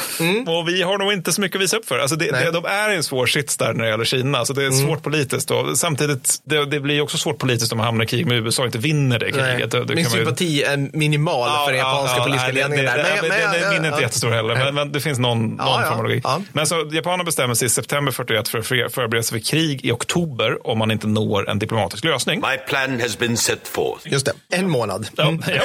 Så då ska vi, då ska vi köra. Ja, ja. Även, och, och Roosevelt då, han känner, sig, han känner sig inte heller helt redo för krig. Alltså, man har börjat med Two Ocean Navy 40 men man, har liksom inte, man är inte där än. Så, så att han, han, han erbjuder vissa lättnader av embargo men han kräver dock återigen att japanerna ska ta sig ut ur Kina. Och det återigen har japanerna svårt att svälja. Mm. Så ergo beslutar sig japanerna för ett krig. Our rise to world domination has now begun. Det som följer då, det är det som jag tänker att folk mer känner till om, om eh, Stillahavskriget, det vill säga Pearl Harbor. Ja, just Ja. det. Nu har vi kommit dit. Ja. Vad känner folk till? Pearl Harbor, Midway och att en flag- flagga reses på en ö, men man kan kanske inte nödvändigtvis nämna ön. Nej, och atombomber. Ja, atombomber också Så det är fyra ja. punkter Ja, skulle jag säga, precis, precis. hållpunkterna. Och de går, de går pedagogiskt nog från öster till väster. Ja, Det precis. rätt nice. Ja, det, ja, det måste ju vara svårt där man har den tanken då, liksom så här, vad händer mellan Pearl Harbor och, och atombombningarna? Jag antar att någon åker båt någonstans. Ja, jag vet det- inte ett vad... flyg åker liksom. Och så- Ja, det är typ så högstadiehistorien till havskriget där. Men, men, ja, men de har Pearl Harbor då, planen. De har en plan för det. De har verkligen en plan. De har en Mm. jättebra plan. Planen, är, alltså, planen upprättas av chefen för japanska flottan som kallas för Isoroku Yamamoto. Han, eh,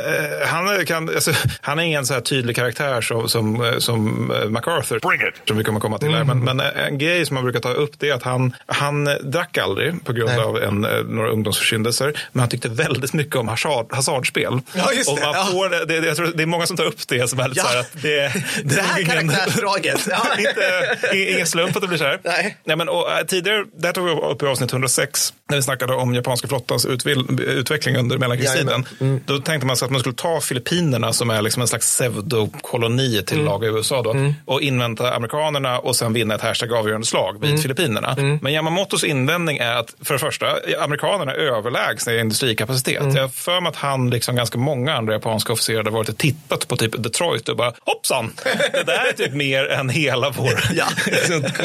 totala möjlighet att producera saker. Och det andra, hans andra invändning är att amerikanerna, alltså de skulle ju kunna göra så att de bygger upp och sen anfaller Ja. mot Filippinerna snarare än att Precis. de anfaller med en gång.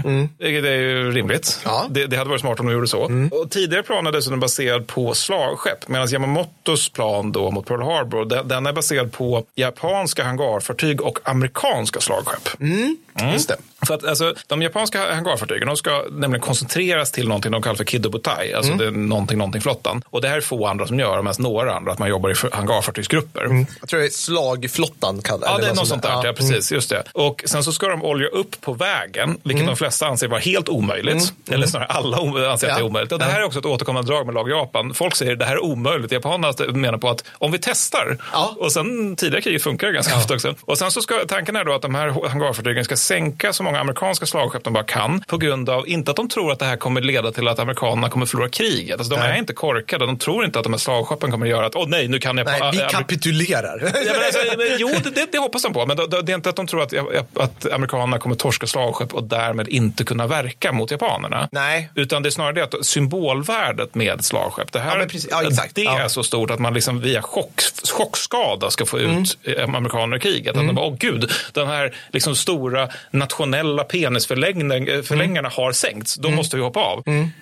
Om de inte gör det, då, då har vi eventuellt problem. Men det, det är planen i alla fall. Det är, lite såhär, det är lite såhär terrorbombningslogik mot alltså blitzen. Typ såhär, vi sänker Whitehall och Mm, ja, men då precis, kommer precis. alla bara, ah nej. Vi Typ. spränger Eiffeltornet Sacre bleu. i Paris, då kommer fransmännen ge sig. Ja, men något ja. sånt där liksom. Vi eldar upp McDonalds i, i Appalacherna och USA. Jag vet inte. Då kan man aldrig gå. Men, men eftersom, eftersom slagskeppen då, de ligger ju alltså i hamn i Pearl Harbor så får eh, de, amerikan, de japanska torpedbombplanen, de som amerikanerna kallar för Kate, de får torpeder med träfenor då. För att alltså, de ligger i hamn. Det innebär att torpederna, när de dundrar ner i vattnet, då tar de sig ganska djupt ner innan de börjar åka iväg. Så då får, ger man de här träfenor då för att de inte ska sjunka lika mycket. Jajamän. Sen så, då, störtbombarna då, som man kallar för VAL i USA, de får 41 centimeter pansarbrytande granater från slagskepp som sen moddas till bomber som ska slå igenom slagskeppsdäck. Det är rätt. Det är rätt Mad Max faktiskt. Det är Det det. jag gillar det här. Ja. Det är ganska ballt. Ja. Äh, Men så Yamamoto ser, ser, han ser mer eller mindre Pearl Harbor som Japans enda chans. Ja. Han är rationell så. Han har faktiskt en, en nykter syn på det där. Ja, för han fattar att de torskar ett långt krig. Ja, precis. Exakt. Liksom. Så att han bara, det här är mitt hasardspel. lite grann så. precis. Mm. Nu har vi en chans här. Försitt den inte. Nej. Så eh, det är också då när han ska säga farväl till Kiddo Bustais besättningar Mm. så, så gör han det med orden då. Vår nations framtid hänger på detta slag. Må varje man göra sitt bästa. Do not fail. Ja. Och sen drar de iväg. Och de gör sitt bästa också. Fast då kommer vi till liksom själva anfallet mot Pearl Harbor. Och då är det, ju, det, det är fascinerande hur dåliga amerikanerna är ibland. Alltså det, för det, det, det är alltså första vågen japanskt flyg då. Mm. Lyfter från sina hangarfartyg mot Pearl Harbor klockan 06.05 den 7 december 1941.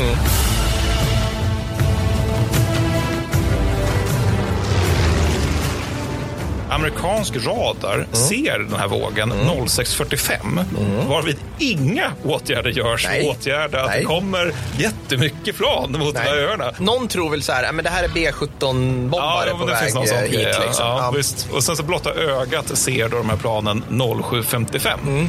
Återigen, inga åtgärder görs. Nej, nej. Eh, Strax därefter så börjar bomber och torpeder hagla, vilket Ja. är tråkigt. Och den värsta träffen av många under den här, det här angreppet då, det träffar USS Arizona.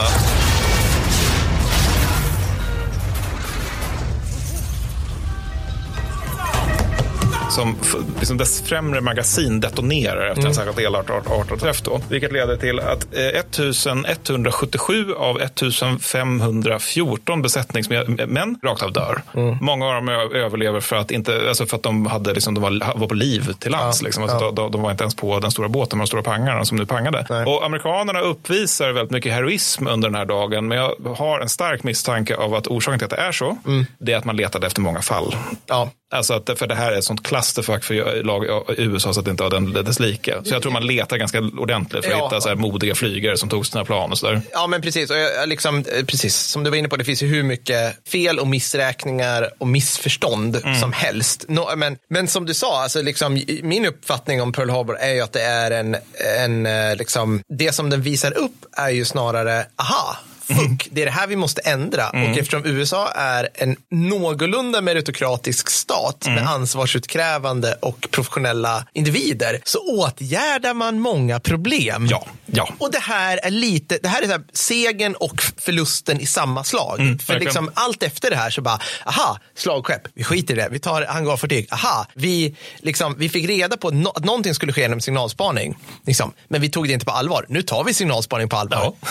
Alltså, Ja, ja, det, visst, det, är bara liksom, det är bara sån hejdlöst fuckeri efter det här för, Ja, men, och det är ju för att de har den här liksom, byråkratiska ingenjörssynen på krig. Ja. Att man har liksom en serie utvärderingar snarare än som att man som japanerna En kamp mellan viljor. Vår anda och traditioner. Min geist mot krigerideal och sådär. Men, men även med det sagt så är ju det, det är ju lite tråkigt där med Pearl Harbor för amerikanerna. De, de tappar alltså fyra sänkta slagskepp. Ja, det är mycket. De, det är de kan mycket. bärgas i många fall, men- men de är ändå ganska tunga förluster. Mm. Som sagt, stort nationellt eh, symbolvärde. Ett slagskepp skadas svårt, tre skadas lätt. Mm. Två kryssare skadas, tre jagare och en minläggare sänks. Och för bara så här, vi, det finns någon internet-meme eller rykte om att Yamamoto blev förbannad för att de amerikanska hangarfartygen var inte på plats. Men den, den kan vi väl lägga till handlingarna, Mm. Ja. för det stämmer inte. Nej, de var ute efter slagskeppen. Ja, exakt, Det, precis. Mm. Så, så det, det, det, vad jag har förstått stämmer det absolut Nej. inte. Men, men sen så tappar de också omkring 174 flygplan, då, de flesta sprängs på marken. Mm, Och eh, de tappar hisnande 2 403 döda och eh, sårade och döda av skador plus 1178 sårade. Och det är trots att Yamamoto, nej förlåt, han som var chef över Kudebutai inte skickade fjärde vågen. tredje tredje eller fjärde, de hade kunnat hålla på resten av dagen. Ja. Alltså, det var... men, och, ja, det hade de säkert kunnat göra. Men, men, men, men det är samtidigt också, deras förluster är ju på hela 29 flygplan Mm. och fem minubåtar. Och när det gäller minubåtarna tänker jag att jag upprätthålla mig dem, för de var en stor besvikelse. Det, det var första gången jag prövade dem. Japanska liksom. ubåtsvapnets bästa stund. Det Ja, är liksom... det, det är ju så här små, små likkistor som det sitter två män i Ja. som ska liksom in och vara snäviga och sänka någonting och Ja. överlevnadsmöjligheterna är mycket små. En av dem som sänks då, det är den, den spakas av en eh, kille som heter eh, Kazu eh, Sakamaki. Mm. Och han, då, då, alltså, hans komp- kamrat då, som han är i ubåten med, han, han drunknar då, men, men Sakamaki, han, han lyckas komma upp och sen svimmar han då när, när, när han, för, oh, de, de fastnar liksom inte rev då, Mm. liksom, och det blir dåligt. Men han svimmar när han väl kommer upp på land och då blir han också den första krigsfången i det här kriget. Just det. Ja, Ja. det är fint. Eh, han är ju japan under andra världskriget så att när han har kvicknat till och liksom eh, förstått vad som har hänt då anhåller han liksom artigt så, så, om han att han vill ta livet av sig. Det får han inte för amerikanerna. Så bara, vad håller du på med? så han får istället sitta och ha kriget i amerikansk krigsfångeläger i centrala USA. Så det är är fun fact. Men när det gäller de här med de amerikanska hangarfartygen, de är helt opåverkade av Pearl Harbor på grund av att de är ute på manöver. Ett av de här anför, anförs av en person som heter William Halsey som vi kommer återkomma till lite grann i den här podden. Och han, han försöker ju, han, han är en ganska eldig figur så att när han får höra att det händer någonting tråkigt då, då börjar han bara, var är de? Jag ska slåss mot dem, nu jävlar! Men, men misslyckas med det här och det är en jävla tur för honom för att han har liksom så få och så dåliga flottresurser att han förmodligen hade torskat ifall han hade försökt ge sig på Kid Butai. Och när han åter, det här är så typiskt amerikansk myt tror jag, men när han återkommer till brinnande Pearl Harbor, Ja, då påstås han ha morrat att when we're done with them the only place where we'll speak Japanese is in hell. Och jag vet inte, det, det här känns som en typiska, så här, vem, vem nedtecknade detta? Nej, Liksom, ingen. Är det så att det här kändes väldigt bra 8 december Ja, att påstå ja. i USA?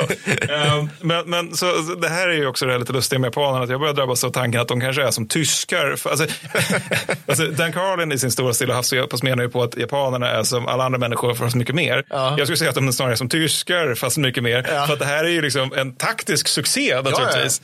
Strategiskt fullkomlig katastrof som inte går att överskatta Nej. hur dålig den är. Alltså, Roosevelt håller sitt tal, det är December 7th, In for me. Yesterday, December 7th, 1941, a date which will live in infamy. The United States of America was suddenly and deliberately attacked by naval and air forces of the Empire of Japan. Exakt, det håller han 8 december.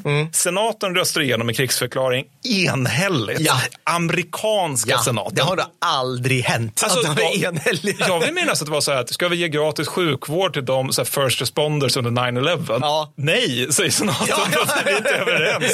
Eh, Sen då, nu är de enhälliga. Och representanthuset, de är också enhälliga, en, enhälliga utöver en ledamot som är obotlig pacifist och typ bärs ut i vad han är. Alltså, så det är så en i båda kamrarna som bara, nej, vi ska inte göra det. Nej. Alla andra är för. Och det här, i Östfrontspodden så upprätthåller jag mig ganska mycket vid att, att det är liksom, när förlorar tyskarna Mm, kriget sådär, hmm, hmm, hmm, hmm, finns det någon sån punkt? Nej, det gör nog inte. I, i det fallet I fallet Japan. Japan mot Äh, USA så kan man nog utnämna det här tillfället, 8 ja, december ja. 1941. Första stridskontakten, där förlorar ni Ja, kriget. ja, men det var för det här när amerikanerna bestämmer sig för att det, ni- okej, ni har sänkt slagskepp, och vi, men vi tar inte det som att vi har förlorat kriget, utan tvärtom som Nej. att vi ska mala ner er till grus. Ja, Liksom att, ja. Då är det ju över. Ja. Alltså det, det finns inte så mycket ord om, det är kört. Är- Vi kan stänga ner den här podden nu. Det är liksom, det, vad ska japanerna göra? Det var ett bra avsnitt hörni, tack för att ni lyssnade. så, här havskriget. Sen vet ni vad som händer sen, så Japan, det behöver vi inte Japan prata om. förlorade. Det var så. Mm, Men, men, men samtidigt ska man också säga det, det här är ju som alltid, det här vet man inte vid tiden. Nej. Tvärtom så kommer det dröja länge innan man förstår det. För det som händer nu, och det här är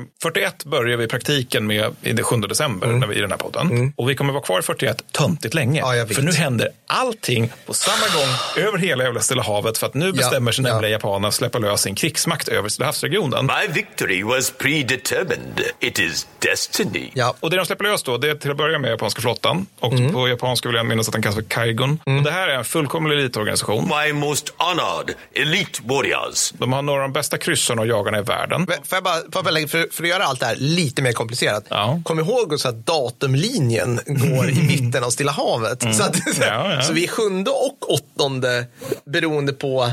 Jag, jag kan fortfarande inte. Mm. Ja, men jag, får blir dum i det- det är huvudet när jag flyger till är- Grekland. Och Jag jag har för mig att det är därför japanerna är sena med sin krigsförklaring. Alltså att de lägger in, lämnar in den efter på Pearl Harbor. Exakt, ja. Vilket amerikaner är svekfulla asiater och så vidare. Men, men jag har för mig att det just är någonting med tidsskillnaden där. Att de fuckar upp det. Men, men också, när det gäller i alla fall flott, kryssarna och jagarna som japanerna har så båda eldrör men framförallt rustade med krigets bästa torpeder. Det vill Ja. säga Type 93 Longlands. Ja. Den syrdriven. Vi har gått igenom det här i avsnitt 106 så att jag, jag tar det lite snabbt men de, är, de är rövbra sjömän också. Ja, ja. Alltså, de är helt, fenomenala, Helt liksom. otroliga. Men också att de är först med att använda hangarfartyg på det sätt som man använder det idag. Och hangarfartyget, äh, eller hangarfartygen har också vad som i praktiken är världens bästa flygare över den här tiden. Varje jävla pilot har 800 flygtimmar plus, plus krigserfarenhet från Kina. Ja. Det är ganska bra. Ja. Och som du säger, väldrillade officerare, likadelat vä- väldrillat manskap, specialister på nattsprid, har doktrin och materiell för att utkämpa den också. Alltså de, Kaigon är så inåt helvete bra. Sen har vi då det andra de släpper lös, vilket är japanska armén. Det kallas Kogun eller Rikogun och den, den är inte alls samma typ av elittjofräs, men, men, men den har ändå liksom flera fördelar. En är ju naturligtvis Knägranatkastare. Yes, yes. Ja, de är balla. det är Precis. Och det är, om jag inte missminner mig, inte egentligen granatkastare, utan att det, det är att de, de bokstavligt har kastar handgranater. Alltså att man skickar iväg, inte som en granatkastargranat, Nej. utan man kastar iväg en handgranat. Ja, liksom, men, som- ja, men det skjuts iväg. Ja, precis, är min precis. uppfattning också tror jag. Ja, Ja, ja. hur är det nu? Det är per pluton så är det tre skyttegrupper för lag Japan och sen så lägger de till en grenadjärsgrupp då också som har tre grana, äh, knägranat, det. knägranatkastare. Ja. Något sånt där. Men det, det är det kändaste vapnet mm. armén har. Men den har erfarenhet från Kina, det är bra.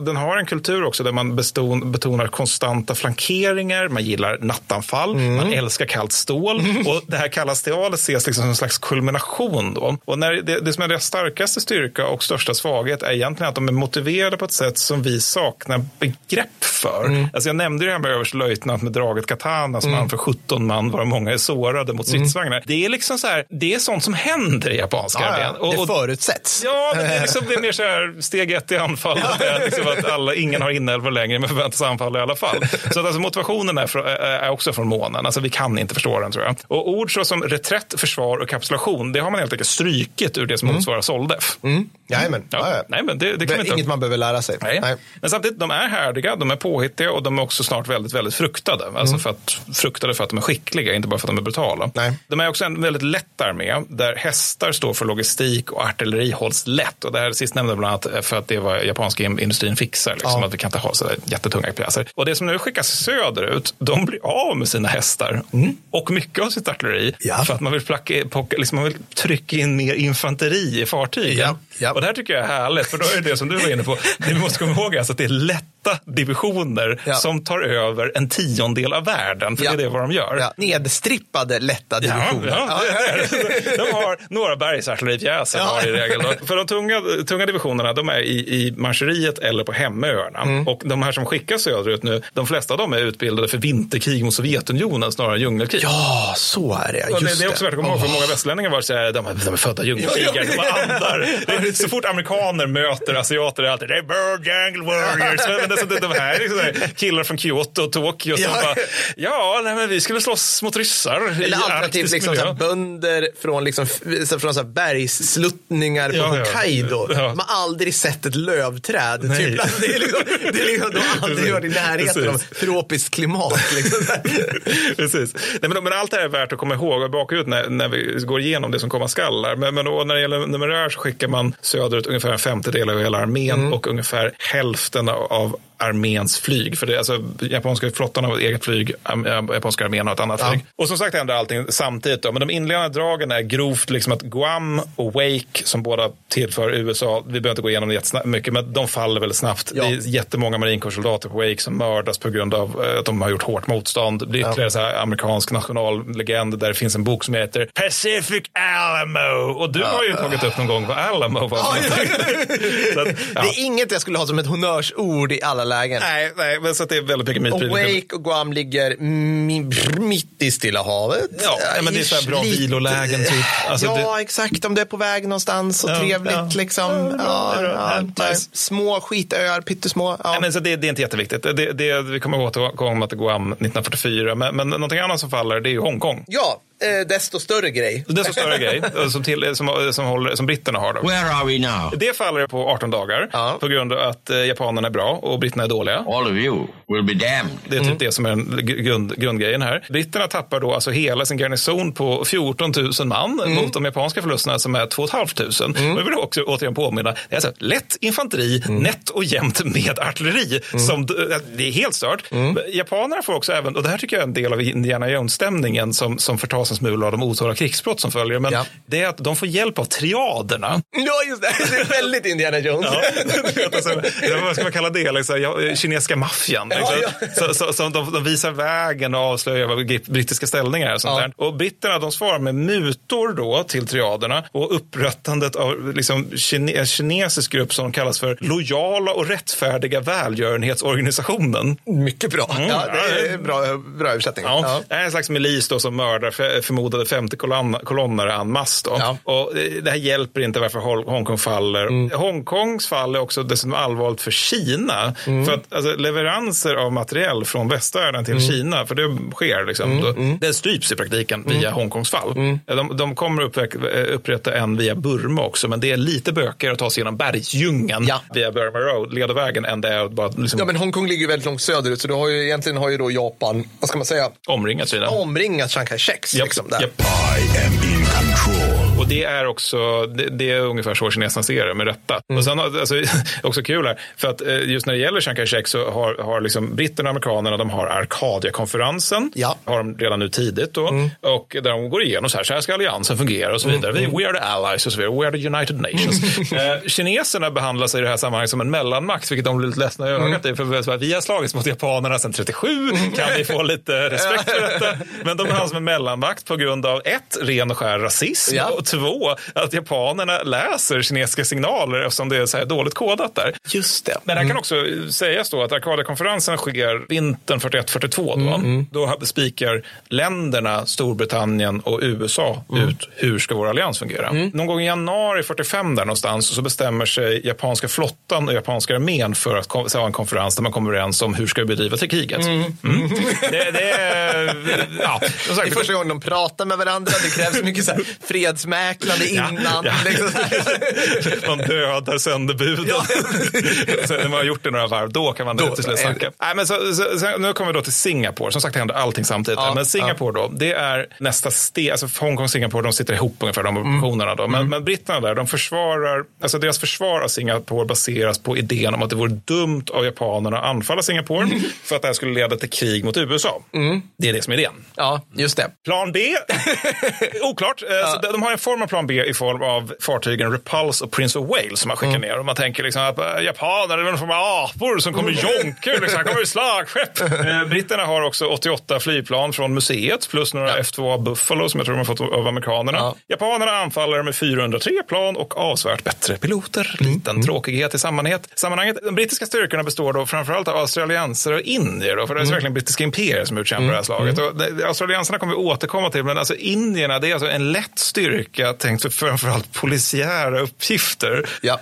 Alltså det, det är den här typen av verkligen kolonialarmé. Du vet, Vad ska de göra? De ska liksom hålla befolkningen nere. Det är uppgiften. så. Men, men alltså, det bästa är att Churchill liksom an, ansåg att Singapore, det här är alltså hashtag ointaglig, hashtag fästning. Alltså, han har ju inte lyssnat tillräckligt på Kristorypodden. Nej, det är en av hans många nackdelar, när man har en ointaglig fästning? Den faller omedelbart. Ja, men som också hålls av folk som är tänkta som någon form av kolonialpolis Ja. snarare än armé. Men vi Men kallar det dem är ju många soldater i Singapore. Alltså ja, det det, är det. det är liksom Ja, ja. inte, det är inte någonting som man bara har så här 30 pers i. Men som Nej, du nej, sa, de- det, det är liksom, många. Det är ja. många. Det, men men just de här indierna också, de är lite lustiga för att de rek- rekryteras ur vad, vad britterna kallar för citat särskilt krigiska raser. slut citat. Det vill säga de indier som inte är fullt så bruna som andra indier. Det är liksom det som är den brittiska liberala, fina, Ja, vackra kolonialismen ja. som är helt oproblematisk. Det är som man delar upp folk. Då. Och indiska armén den, den håller på att försöka växa till och bli någon form av riktig armé. Så, men den lider av svårartat växtverk för man har tagit in alldeles mycket folk i förhållande till hur många eh, officerare man har. Den anförs också av brittiska officerare som inte kan urdu, vilket är ett problem för det är det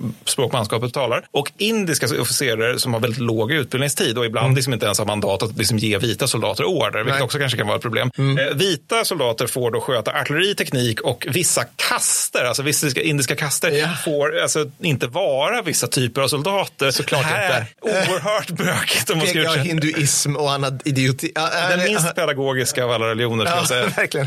Men alltså, britterna som du sa, de är inte få. Alltså, de har 138 000 man Mm. i och kring Singapore. Japanerna, de kommer hälften så många. Ner längs Malaccahalvön här, om ni tänker er från Vietnam, Kambodja, Thailand och så går det ner mot Malay, dagens Malaysia. Så är vi bara, ja. Tack, Mm. det, det, det är viktigt. Och de gör det här, alltså återigen, du kommer ju komma in i det, men alltså, jag, jag tittar nu bara, det, kan det vara 400-500 mil ifrån Hongkong? Mm. Alltså det är sådana töntiga avstånd som vi, tänk, som vi håller på med här nu. Mm, ja, alltså ja, sånt ja, där, ja, där visst, Japan gör samtidiga Precis, precis för det är inte så att de går från Hongkong, utan det är ju, här är ju separat. Ja, ja, ja, men, ja, exakt, men, de, de, och det är, men, exakt, de gör allting samtidigt och det är över en yta som är liksom åtta gånger större än den europeiska krigsskådeplatsen. Ja, det, ja. det, så jag kommer återkomma lite grann till det här, men det är, om vi tänker bort, om vi tänker bort alla otaliga krigsbrott och Ja, ja, förbrytelser, ja. så är det här imponerande. Ja. För de borde inte ha lyckats med det här, kan jag Nej. tycka. Men, men så problem då är att britterna försöker hålla allt, vilket innebär att de håller inget. Mm. Alltså de försöker typ hålla hela Malaccahalvön, vilket är en ganska stor plats. Men problem två, britterna förutsätter att japanerna inte är redo eftersom de själva inte är det. But we are making good headway.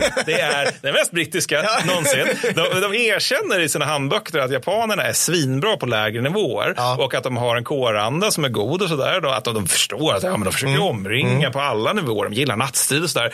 Men de tycker att det är lugnt eftersom citat Jap- japanerna bara stridit mot kineserna. Just det. Ja. Det är liksom underlägsen folkras mot en annan underlägsen Ja, folk. Medan ja, precis. are the British. Det är, det är myror som slåss mot skalbaggar. Liksom det, det, det kan man ju tycka. Men så är det det där problemet med att de mot sig har, utöver massa stridsglada japaner, så har de ju eh, Tomoyuki Yamashita. Som är en av de absolut bästa japanerna har i, överhuvudtaget under hela det här kriget. Och hans plan, den är ganska enkel och ganska rätt fram. Vad tror du den är, Bär? Typ. Alltså, det, det är typ ta och behåll initiativet. Det är Ja. typ det som är planen. Liksom. Och när Tokyo dyker upp och vill du ha förstärkningar, då säger jag nej. För min logistik består av förhoppningar, drömmar och en och annan cykel. Och han, Yamashita är lite lustig för att han ser, du nämnde det här med eh, Greater Asian Co-Prosperative Sphere som det heter på engelska som jag inte tänker orka översätta. Nej. Alltså, Yamashita ser det här fälttåget mot Singapore som rakt av en befrielse. Alltså på riktigt. Ja, han är en true believer. Han är true liksom. believer. Han, han ser det som en befrielse av förtryckta, kolonialiserade liksom, asiatiska befolkningar av olika slag. Vilket leder till att han ger den i japanska arméns sammanhang nära nog unika orden om citat, ingen plundring, inga våldtäkter, ingen mordbrand. Slutcitat. Nej, vilket är bananas. Ja, men det är helt sjukt. Alltså, jag kanske säger någonting om japanska armén, att jag tycker att det här är värt att ta upp. Ja, för det här är liksom en order som inte tenderar att ges. Nej. Eh, Ergo avrättar han japanska soldater som bryter mot ovan, alltså som, Ja, som ja. ger sig på civila på olika sätt, men struntar i att göra detsamma ifall de gör det mot krigsfångar. Så att eh, det, det är fortfarande en japansk general. Mm. Ja, ja, men Det- vi ska det- inte gå all overboard här. Nej, nej, men, men ändå är det värt att uppmärksamma kan man väl tycka. De brittiska fly, flygstridskrafterna förintas Ja, på marken ja, ja. 8-9 december 41. Så det är liksom det första man gör då. Det blev inte riktigt något flygram då för att britterna inte trodde att japanerna kunde nå Singapore. Nej. Och japanerna passade även på att ta Thailand när de ändå är igång, vilket går på någon dag. Så. Ja, det är bara stränder och bungalows. Så Ja, kan- alltså, ja, ja. Så Prince of Wales och Repulse de skickas ut för att sk- skipa evig ära och annat härligt. Det här är ju trots allt the eh, older service, eller äldre service, Royal Ja, Navy. ja. Så nu, nu, nu är det ju ändå, nu sätter vi ner foten. Ja, men när vi pratar om det här med symbolvärde med slavskepp. Alltså, det Oh, här är ju, ja. alltså, Royal Navy är ju det som har byggt brittiska imperiet. Det är ju det som är liksom det täcktunga. Det som gör att man, alltså, även i Storbritannien känner att det här är det som ger oss rätten att Ja. ha ett imperium. Ja. För att vi är så mycket mer avancerade. Ja. Det sista de här två får höra från Strand, det är då Regret Fighter Escort Impossible, slutcitat. Ja. Nej, blev inget, jak- ingen jakteskort. Nej. Sänks mycket riktigt av jap- japanska torpedbombplan och eh, med det sänks till stor del brittiska imperiet i Asien också. Det är en sån jävla prestigeförlust där. För att helt plötsligt så, eh, när asiat, alltså, så här, kolonis, random koloniserade asiater är så huh, de där var ju oövervinnliga. Det är därför vi fogar oss i att de Hashtag är... osänkbara. Ja, liksom, ja. Mm. ja, men också att britterna är osänkbara. De, de, de är ju, det är därför vi underkastar oss dem. För att de är ju, de, dels de är mycket starkare än oss, men de ska ju försvara oss också. Mm. Blir det sådär med det? Churchill ramlade omkull But we are making good headway. där hemma. Han beskriver det här som det största slaget mot Britt- Storbritannien under hela andra världskriget, Mm. exklusive Frankrikes fall, har jag för mig att det är. Det, det är no någonting åt det hållet. På land då så är det brittiska tänkandet eh, tryggt placerat i första världskriget. Det vill säga det är statiskt och det är toppstyrt. Stridsvagnar anses naturligtvis omöjliga i Asien. Ja, ja, ja. Japanerna de är flexibla och kör lätt, infanteri plus stridsvagnar. Vilket bland annat leder till att 1500 japaner plus ett stridsvagnskompani spöar 14 000 britter vid Jittra via ett anfall från Thailand. Då. Ja. Japanerna håller sig därefter ett anfallstempo på 20 kilometer per dag, bland annat på grund av cyklar. Och här om vi nu undrar, är 20 kilometer mycket? Ja, det beror på vem man frågar. Jag har många gånger läst på internet att operation Bagration är den häftigaste operationen i världshistorien. Hashtag operational art. Another victory, Commander. Ja, ja. Deep battle. När det gick snabbt under bagation så tog man 20 kilometer per dag. Ja. Och det, det slutade man med när Model dök upp. Och det var på steppen. Det var, på, det var på den centrala, det var ste, europeiska steppen i en motoriserad armé. Ja. Det här andra är på cyklar i djungel. Ja, det är korrekt. Liksom alla som har backpackat i Sydostasien bara, det är ja. Ja, 20 kilometer per dag. Ja. Det ska dock tilläggas att den här cyklingen då, och, eh, för de, de beter sig som mellanchefer japanerna här. Alltså, man- du, vet, det är så här, du är 45, drar triathlon och det är dåligt för dina knä. Alltså den nivån, liksom, du pissar blod. Singapore? eller? Ja, det tillsammans med den japanska logistiken gör dock att japanska soldater tappar i snitt 10 kilo var då under en fälttåget. Britterna de försöker hela tiden formera nya linjer då, men trycks liksom ut ur Malacca, Malacca mot Singapore och har när man når Singapore tappat trygga 19 123 man, japanerna 4 565 Just det, och britterna, någonting dyker upp i mitt huvud, de, de, de är helt bundna vid vägarna. Japp, och de japp. kan inte fatta att man kan röra sig runt Nej, det vägar. är går omöjligt. Nej. Nej, nej. Nej. Bara djungelandar och Det- demoner är troll. Går man en meter in där blir man uppäten av allt. Ja, men där tar Liksom, ja. teet slut. Liksom. Det Ja, finns ingen veranda man kan sitta och vara rasistisk och dricka gin och tonic Ingen, på. Precis säga, ingen kan servera mig gin och tonic om jag är i Nej, djungeln. Det går otänkbart. Nej, nej, ja. Nej, men så, nu, som sagt händer ju allting samtidigt. Så nu så ska vi lämna Singapore. Ja. För att nu är Singapore slut för 1941. Ja. Och nu ska vi över till någonting jag tror du kommer tycka om. Det vill säga Filippinerna. Ja, just det. Och Mm. då förflyttar vi oss då. Ja, men vart är vi nu då? Vi, ja, nu är vi inte fullt lika långt ifrån Hongkong, men Filippinerna är svin många öar Ja. och som ligger också så här. Ja, vad ska vi dra till? 500 mil söder om Japan över Filippinska sjön. typ så här. Ja, bara för att vi har ett hum om det här. En bit, Mm, en bit. En bit. Återigen, de här sker också synkront, vilket Ja, ja, jag tycker är roligt att säga. Mm. Nej, men så Fili- Filippinerna är som sagt en slags pseudokoloni då till laga USA Mm. som styr sig själv internt, men amerikanerna styr utrikes och försvarspolitiken. Då. Mm. Och eh, det fina med Filippinerna då, det är ju att, att, eh, att eh, de har en fältmarskalk. Mm. Vet du vad han heter? Han heter MacArthur. Well, I say the party doesn't get started until I arrive. Han heter Douglas MacArthur, mycket riktigt. Han, han, Det är nu japanerna såklart stoppas. Av hans bländande ledarskap Ja, och alltså, taktiska akumen. Han, han har ju varit arméchef för USA då, och sen gått i pension. Men sen så har, vad heter han nu, Manuel Quaison som är Filippinernas chef, har liksom lurat ut honom ur pensionen och sagt vill du bli marskalk och få jättemycket pengar och ett eget palats? Han bara, ja det vill jag. Får jag också designa min egen uniform? Ja det Ja, får det du. får Bra, du. då går jag med på det här. I'm honored to lead our country forward during these dark and dangerous times. Enligt, jag tog upp i något MacArthur-avsnitt eller någonting, men, men en ung Dwight Eisenhower kallade hela den här egendesignuniformen för citat väldigt bananrepublik. Suck it. Slutcitat. Men i alla fall, från juli 41 så, så är det, så, det det är lite förvecklingar i det här, men då, då så dras MacArthur ut från att vara fältmarskalk för Filippinerna och blir istället igen då i amerikanska armén då, men nu som chef under det som kallas för Far East Command. Och han har av en ha- hagiografisk författare kallats för American Caesar. och, och det, det för ju tankarna dels till militär kompetens, men Ja. även till den som omkullkastade romerska republiken. Ja. Men, men samtidigt med MacArthur är det här lite lustigt att han skulle aldrig göra en statskupp. Nej. För att han anser nämligen att ödet bestämt att amerikanska befolkningen kommer ge honom presidentposten när civilbefolkningen väl insett att han är USAs mest kompetenta person. You want freedom? Vote for me. Ja. Det, det är som så fint Ja. uppskattat att Ja. höra. Då. Ja. En annan fin egenskap han har det är ju då att han underskattar naturligtvis japanerna grovt. Ja, ja, ja. Ja. Ja, nej, men- Det är han ju inte ensam om. Nej, det är han jag har aldrig någonsin försvarat. MacArthur, men Nej. där måste jag ändå Nej, säga att det är liksom... Nej, men ja. det, det, det är liksom lite, lite VM i det under Mm. tidigare andra världskriget. Men absolut, men, men han gör det liksom på den nivån att han inte tror på tanken att japansk trupp skulle kunna genomföra amfibieoperationer. Nej, Visar sig olyckligt i sammanhanget Filippinerna då. Missade han att Japan var en ö? Ja, Alltså, och, och slaget vid Shanghai, jag antar, där de liksom sätter i land folken. Men det, ja, nej, men sen, sen är det då så att jänkarna, när man, det är inför liksom Pearl Harbor, men när man börjar förstå att det kommer nog skorpa till sig i, i Stilla havet, då, då grupperar man B-17 och B-24 på Filippinerna. Korrekt. För att ögruppen, och, då- och då ser, liksom, då ser MacArthur det som att Filippinerna nu är säkrade för att vi har de här bombplanen. Här. nu är det nog snarare så då att snarare gör den här, de här bombplanen det nödvändigt för japanerna att anfalla Filippinerna för att de kan nå Formosa, alltså dagens Taiwan, eh, där japanerna en massa gött. Så att japanerna vill i praktiken ha Filippinerna för att Filippinerna inte ska störa resten av japanska imperiet. Alltså det som är målet är hela tiden Indonesien och oljan och Filippinerna är mer som liksom ett mellanläge på vägen som Japan, amerikanerna inte får ha kvar för att liksom, ja, störa. Så. Ja. Och då är det ju så att Filippinerna har en armé. Men det har de faktiskt. Det har ja, de. Det har Ja. de. Den är inget bra, men Nej, de har nej, den. nej. nej, men för att, eh, grejen är att Filippinska armén får en del av amerikanerna, men ska liksom, i regel ska de finansiera mycket själv med medel som inte riktigt finns. Då. Och MacArthur i egenskap av fältmarskalk så har en av hans huvuduppgifter varit naturligtvis att se till att det här blir en, en ärorik styrka som kan slå över sin viktklass och bla bla bla. bla. bla. Och MacArthur som kom till, han hade såklart fixat, sparkat ihop en sån här styrka nolltid. Eh, Ja, han såg framför sig 200 000 man. Det blev 120 000 man, vilket är mindre, eller färre snarare. Plus då även 31 000 reguljära amerikanska soldater, varav 11 000 det som kallas för Philippine Scouts. Philippine Scouts är de filippinska soldater som har, de är en del av amerikanska armén, men de är filippinier. Ja. De är också de filippiner som har högst stridsvärde. De, de är alltså generellt bra, de är bättre än de flesta amerikanska förband, men, men de är bara 11 000, så spelar inte så stor roll. Nej. Filippinska arméns materiel består av eh, gammalt skrot från eh, USA. Nej, men- Har de MS Garand?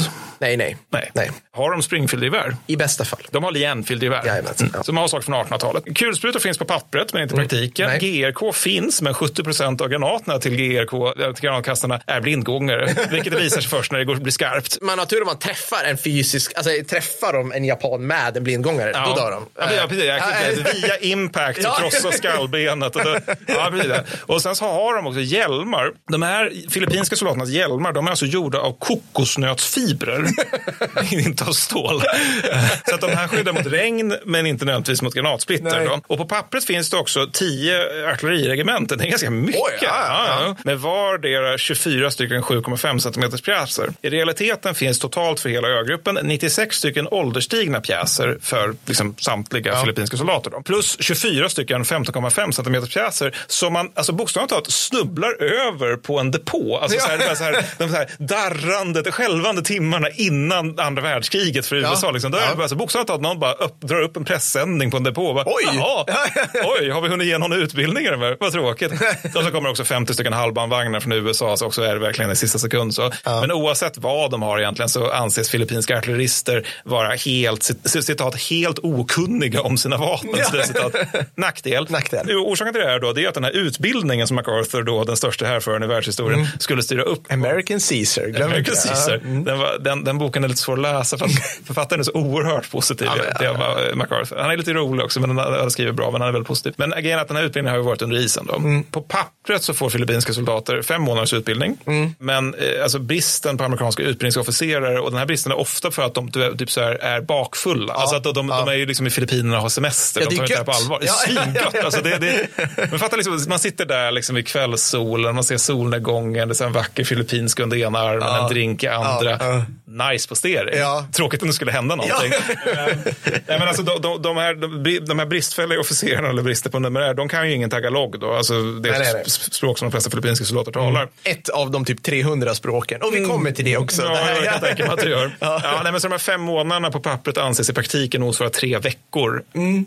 Ja, Du brukar ja. göra jämförelsen, vart var vi tre veckor in i lumpen? ja, exakt. Ja. Ja, nej, inte bra. Och det är inte heller frid och följd inom liksom de nationalamerikanska styrkorna. För MacArthur tycker ju liksom att flottan och armén har helt skilda uppgifter. ja, just det. Alltså att de ska, de, han, han skulle nog trivas ganska bra i, i japanska krigsmakten, tänker jag. För att där har man ju också idén om att man ska inte prata mellan, Mm. Nej. mellan Nej. vapengrenarna. Så. Och flottan då, som leds av en person som heter Hart, som tråkigt nog inte kommer vara med så mycket mer för han är kompetent. Mm. Eh, han, han tycker att man åtminstone ska samarbeta lite grann. Men det här är liksom så här, det, det, det var någon författare jag läste som beskrev de här samtalen mellan MacArthur och Hart som att de var improductive. Väldigt fin, eh, fin nyanserad konstiga sätt att uttrycka det. Och totalt, du nämnde att det är många öar. Har du någon aning om hur, hur, många, hur många jävla öar det finns på Filippinerna? Ja, jag har ju faktiskt det. Ja, du har det. Ja, jag har det. Det är ungefär 7100 öar. Alltså fan, guldstjärna till den mannen. Det, Ja, ja. Mm. det, det, är, det är fruktansvärt många Ja. öar och det gör att det är en kuststräcka som totalt är så avsevärt längre än USAs. Ja, ja. Och det gör att man inte kan eh, hålla stränderna ifall man får för sig att göra det. Nej. Nej. Ja. Mm. Vad gör MacArthur? Han försöker givetvis hålla stränderna. Ja, det är korrekt. Bring it! Ja. Det är korrekt. Men så 8 december 1941, återigen allt det här sker synkront, så anfaller 500 japanska jakt och bombplan Filippinerna. MacArthur har fått höra om Pearl Harbor under natten och gör noll och intet under sex timmar. Han drabbas bara av någon generell paralysering då. Det här tror jag vi går igenom i MacArthur-avsnittet. Ja, det gör vi. Det gör vi. Bara så här, ja, Det gör det, ringer en klocka Det, bara. Mm. Ja, det blir lite repetition på sånt Ja, som vi har gått igenom. Men, men han har ju då en flygchef som heter Barreton och han försöker då svårt bakis. Han, han har alltså varit uppe och typ supit till klockan fyra på natten. Eh, Han, han försöker svårt bakis få tag på MacArthur men spärras då rent fysiskt av, han heter Sutherland, Ja! stabschefen där. Eh, nazisten? Nej, det är inte Willoughby. Ja, det är Willoughby. Ja, förlåt. Vi kommer komma till vad MacArthur stal. Den här cirkusen. Blackadder utan humor. Ja, ja, typ så här, men Sutherland är alltså en enligt alla utsagor helt förfärlig människa. Och när Ja. Berton då försöker få tag på sin chef då för att bara, vi borde nog göra förberedelser ändå för att Japsen kanske kommer hit också. Då står liksom Sutherland bara i vägen. Liksom bara, nej, den store mannen får inte bli störd. Han står i, kom, ko, i komarock där inne och vet inte vad han ska göra. Så amerikanska bombflyget skickas ändå ut på patrull. Ja. De hittar ingenting, varför de då landar på Clark Field och piloterna går ut för att ta sig en drink.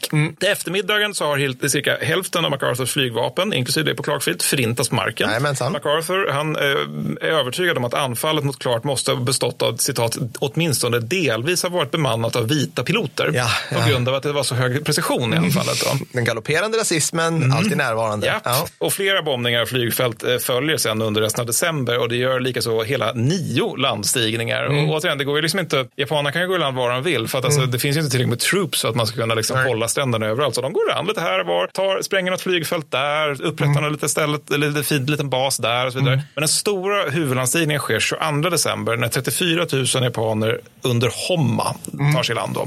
Och de, det ska också sägas då att, att eh, han har, Homma har en initialstyrka på 62 000 man. Och det här växer sedan, men de aldrig, alltså det är aldrig så att de är uppe i de här 200 000, eller fel, vad blir det, 150 000 som, är, som MacArthur har jobbat med. Det, är alltid, det tycker jag alltid är spännande med Japan. De är rätt få. De är få. Alltså, de är, är om vi tittar på Europa eller nästan alla andra krigsskådeplatser så är det så här. Det, det är liksom, ni ska ta Filippinerna som är alltså 7000 plus öar Mhm. som sträcker sig över, ja, vad ska vi säga? Typ, så här, fyr, typ 80 mil sträckning och du vet så här, liksom, med typ några stycken. Mm. men Men det två, tre divisioner, Visby, liksom. liksom. Alltså det är så det är otroligt få liksom. Utan artilleri. Ja. Ja, eller, liksom, eller i alla fall väldigt begränsat liksom. artilleri. Ja. Ja, visst, visst, visst. Nej, men, nej, men, och den här landstigningen sker vid Lingayen-bukten då och sker utan eldunderstöd och med saltvatten i radion. Eh, Ja. Varför det naturligtvis funkar i alla fall. Ja, ja. Japanerna tar snabbt terräng, men förutsätter också att liksom, någon form av amerikansk aktivitet måste ju komma. Så de är liksom ändå lite försiktigare än de brukar vara. Det som sker är då snarare att Manila, huvudstaden i Filippinerna, förklaras till en öppen stad 23 december och att MacArthur drar iväg till en öfästning som heter Corregidor. Som ligger strax söder om Manila kan man säga. Eller ja, ja i. Manila-bukten. Precis, precis. Och eh, problemet, eh, nästa problem snarare, det, det är då att MacArthur är vad som kallas vara en citat logist... Inkompetent. Nej, förlåt. Narcissistisk. ja, men det är han också. Men, men, men också att han är, har också kallats för en citat logistisk dyslektiker. Slutcitat. Som dessutom har en devot stab under sig som bara säger ja till Ja, den store ja, mannen ja. hela tiden. Så med andra ord så har alltså 18 000 ton förråd av olika typer, alltså ammunition, mat och annat Ja, gött. De har skickats för att hålla de olika stränderna. Mm. Nu har vi då det här lilla problemet att de ska inte vara på stränderna. Nej. För att när Mac då drar sig till Corregidor, då ska ju liksom filippinska amerikanska armén, de ska, de ska liksom följa med sydöst då på filippinska vägar. Och eh, de här, det här förrådet då som man har grupperat fram, det ska ju nu bakåt över samma väg. Det, det det. här funkar inget bra, det jag försöker säga. Så sålunda till Corregidor då, där flottan, för det är en flottbas framförallt, där den amerikanska flottan bunkrat upp. Det är ganska välfyllt, men där majoriteten av de amerikanska och filippinska styrkorna hamnar, det är Bataan. Och där blir det liksom inte så mycket, som återigen, de här är ju skrotar på stränderna, alltså all, all mat är ju skrotar på stränderna eller någonstans i mitten eller någonstans i Manila, var som helst. Alltså, De Ja. är inte där i Bataan i varje fall. Så att där är det svältransoner dag ett på grund av det här lilla, lilla missödet. Då. Eh, det- kan tilläggas också att Bataan då, som är en av, det är alltså en av de mest malariadrabbade regionerna på Ja, Filippinerna. ja. Och det skulle jag säga eventuellt eventuellt betyder någonting. Ja. Dit tar sig 15 000 amerikaner, 65 000 filippinier och 26 000 eh, civila flyktingar då till januari 42. Just det. Det här ger då, om jag inte räknar helt jäkla fel, 80 000 människor ungefär. Ja, Det finns mat för 43 000 människor. Ja precis. Till dess har MacArthur lyckats tappa bort 13 000 man. Homma har tappat bort 2 000 man. Så att eh, japanerna tillfogar amerikanerna och Filippinerna fem gånger så höga förluster som de själva lider. Stop attacking at once! That's an order! Det är ganska bra stridseffektivitet. Det är otroligt. Och med tanke på att han har gjort, Homma har gjort det absolut svåraste som finns enligt boken. Ja. En amfibielandstigning Ja. på flera ställen. Ja, ja. Med låga... Ja. Det är nästan som att de är ganska bra så här i början av kriget. Ja, man skulle kunna tycka det. Liksom. Ja, nej, men så någonting också värt att notera det är ju att någonting Mac tän- tänker på då istället för det här med, med, med logistik och annat tråkigt, det är ju presskommunikéer. Ja, det här är ju det viktiga. Ja, ja, ja. Det- Han skickar ut 142 stycken under krigets första tre månader, varav 109 nämner honom i panegyriska ordalag. I'm serving a steaming platter of shame with a side order of suck it. Så det, det är det som händer på, på Filippinerna 41. Får jag lägga in en grej? Jag var helt ute och cykla på var både Bataan och Corregidor ligger. Corregidor är en ö som ligger i Manila-bukten Ja, väg in. Ja. Ja. Och sen ligger Bataan-halvön norr om den. Så, att jag var, ja. så så är det, kära lyssnare, ibland. När man har fel i live. Om någon undrar så sitter, sitter Per med, med Google Maps för att vara pedagogisk. ja, jag försöker. Och jag misslyckas IRL, löpande. Så Liksom. nu ska vi över till Burma. För det är också, Ja. alltså, återigen, det är så jävla... Alltså, vi är fortfarande på 40... Alltså, det kommer inte Ja, jag vara, vet, jag jag lovar Fredrik, det kommer inte vara så här i resten av podden. Men alltså, det, just här i början så är det just att allt sker samtidigt. Ja. Och Burma då, där är ju då brittiskt styre och det styret syftar främst till att britterna skulle bli rikare. Of course. Varför britterna och också även indierna är väldigt illa sedda av vanliga burmeser. Då. Ja. För att alltså, indierna då, de, de, de har betett sig lite grann i Burma som britter beter sig i Indien. Alltså, det, det, indierna ser Burma som ett vilda västern de också. Ja, just det. Fint. Militärt så styrs de brittiska styrkorna av en Wavell som du kommer äh, återkomma till. Mm, Wavel, nu. Ja. Mm. Alltså, han, han ba- basar även över någonting som heter Abda, som du också kommer å- å- återkomma till. Så att han har sitt högkvarter på Java, vilket är över 3000 kilometer från Burma. Han vet ingenting om Burma. Och Mm. Han försöker då ge order via ett väldigt knastrigt samband utifrån gammal information. Ja. Det finns ledningsproblem med det jag försöker säga. Burma, liv, alltså det är ytterligare en livlina, men en, som sagt väldigt, väldigt svag sådan för kineserna. Så Chiang dyker upp som gubben i lådan då. I am in control. Kai-shek och erbjuder det enda pansar han har överhuvudtaget Ja. av sina sista tyskutbildade divisioner för att försvara Burma. Ja. Weivel, vad säger han? Han säger, det där vill vi inte ha. Korrekt, han säger nej. Och orsaken då är att han föraktar japanerna, han föraktar kineserna och han oroar sig därtill över att den kinesiska logistiken består av att leva av landet. Ja, ja, ja. Det sistnämnda en rimlig, eh, rimlig invändning. Han överskattar däremot sina egna förband, varav de brittiska saknar utbildning i djungelstrid. Ett tillkortakommande som säkert inte får några kon- konsekvenser. Och kineserna får till slut komma, citat, om de behövs, slut citat. Och som tur är så visar sig snart behovet uppstå. Ja. För japanska bombningar av Burma inleds den 23 och 25 december och eh, britterna har som vanligt inte orkat fixa några skyddsrum eller flyglarm varför 3000 civila dödas. Ja, ja. Och nu ska vi över till 1942.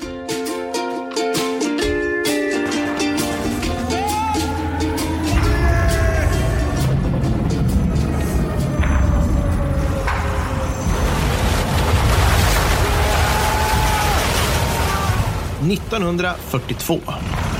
Då så, 1942. Vi fortsätter med Burma bara för säkerhets skull. Britterna återigen, det här är ju en jävla koloni som de Ja, ska försvara ja, skiten ja, då. ja. Och det här försvaret baseras då förstås på grundpelaren rasism, den andra brittiska grundpelaren arrogans och eh, den tredje grundpelaren idén att japanerna inte kan komma i söder på grund av djungel. Ja, ja. Mycket riktigt kommer Ja, japaner i söder givetvis. genom djungeln.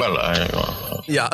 Från Thailand om man tänker sig. Så att om du på fyllan åker norrut från Bangkok och sen svänger vänster, då kommer du till slut in i Burma efter ohyggligt mycket pissig terräng i typ 70 mil, säger jag, drar jag till med. Japanerna gick genom där. Ja, har inga visst. problem med Ja, 40-talet. ja, är- ja, nej, men och de, de möter då en indisk brigad som anses helt olämplig för strid av britterna då, 19 januari. Wavell, hjälten i det här eposet, Jajamän. han anser den 21 januari att en japansk invasion, alltså nota bene, det här är två dagar efter att de har kontakt med japanerna. Ja. En japansk invasion är citat osannolik, slutcitat. Ja. Han flyger till Burma den 23 för att skälla på underställda chefer. Det är en Hutton som han heter då. För att Hutton vill nämligen ha förstärkningar och sånt där. Mm, töntigt. Ja, det, är väl, det kan han inte få. Det. Och det här sker då medan japanerna slår sig mot huvudstaden Rangoon. Hutton i sin tur, han är liksom helt ny så på jobbet. Så att han försöker lära sig om hur Burmas geografi är beskaffad och topografin och så via en karta. Och han försöker liksom så hitta linjer att hålla, vilket försvåras en smula, smula, smula av Burmas topografi. Ja. Och det här japanska förkärleken för infiltrationstaktik. Weivel, åter i Java, kallar eh, japanerna för citat överskattade, slutcitat, Ja. och kräver från och till motanfall av dem, som demoraliserade troops ska genomföra. Ja. Det börjar bra, eller hur? Det börjar jättebra. Jag, jag vet inte om jag ska säga, alltså så här, jag kommer in på det med Abda sen, men just ledningsstrukturmässigt så alltså flygningen är ju från Java norrut till Burma är ju, jag skulle gissa att det är ungefär som att flyga från Kairo till Island. För att ha- alltså det, det, är, det är långt. Det är väldigt långt. Det är väldigt långt. Med 40-talsplan också. Alltså det, det, det är nog ingen bekväm Det är nästan så jag är imponerad av Wavel. Alltså, så precis, precis. Nej, men så, Ja. 20 februari så genomför britterna ett stö, liksom större senkommen reträtt då Mm. helt enkelt. Och det här resulterar i kaos för att de har liksom inte velat retirera och nu måste de retirera. Ja, ja. Och motsvarande en hel jävla division försöker trycka sig över Sitangfloden på precis en bro. Eh, På grund av kaos och panik så sprängs då den här bron när två tredjedelar av divisionen fortfarande är på fel sida av den. För att britterna fick lite bully bully feeling.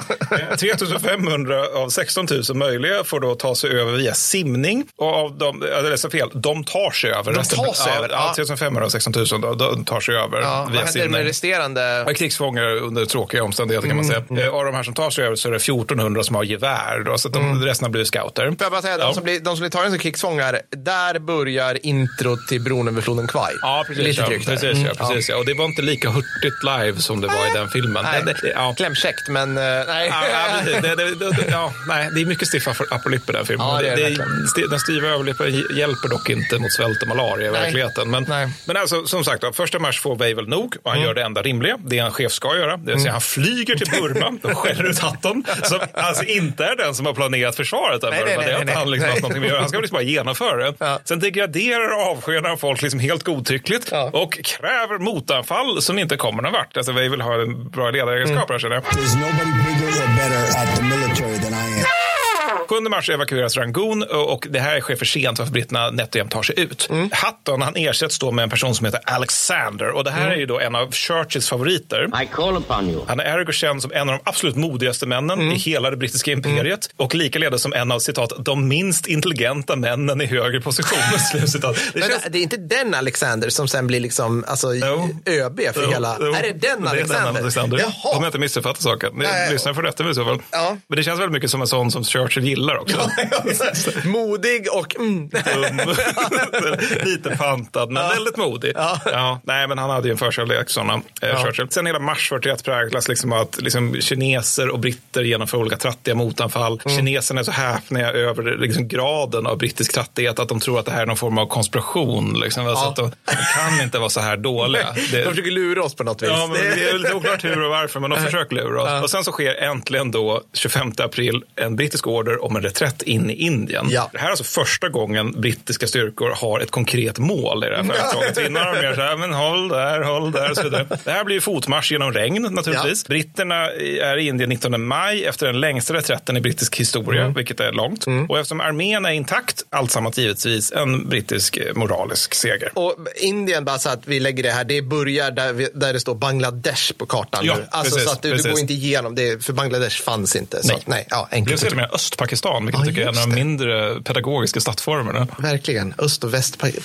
Ja. Jag gillar bättre Bangladesh. Även några andra som flyr Burma, det är ju också indier. Alltså, som sagt. Ja. och, och för som sagt, alltså, indierna har ju sett och betett sig mot Burma som om det vore vil- vilda västern. Och är liksom, burmeserna kan man säga är liksom lite hemsugna nu Mm. då. Så indier flyr i hundratusentals genom mon- mons- monsunregn tillsammans med alla sjukdomar i världen. Jajamän. 600 000 når uppsamlingsläger i Indien Mm. där vita får prio för bra förhållanden och vaccin naturligtvis. Mm. Och 50 till 80 000 personer dör under den här flykten. Mm. Ingenting man har hört talas om va? Nej, verkligen inte. Alltså, jag, har på, jag på riktigt, jag bara, vad ska han komma nu? För jag har typ aldrig tänkt på Nej, det. nej, men det är så här, Västerås befolkning dör här Ja, ö- ja. under en månad under det, det, det är mycket så här, bara folk, alltså hela Stilla havskriget, är det mycket så här, folk existerar på plats A, dör. Folk går mellan plats A och B, dör ännu mer. Och sen man bara så här, vad är kriget? Mm. Ja. Nej, men det är just det med plus A och B är liksom alltid de här de minst gäst, eller mest ogästvänliga platserna i världen.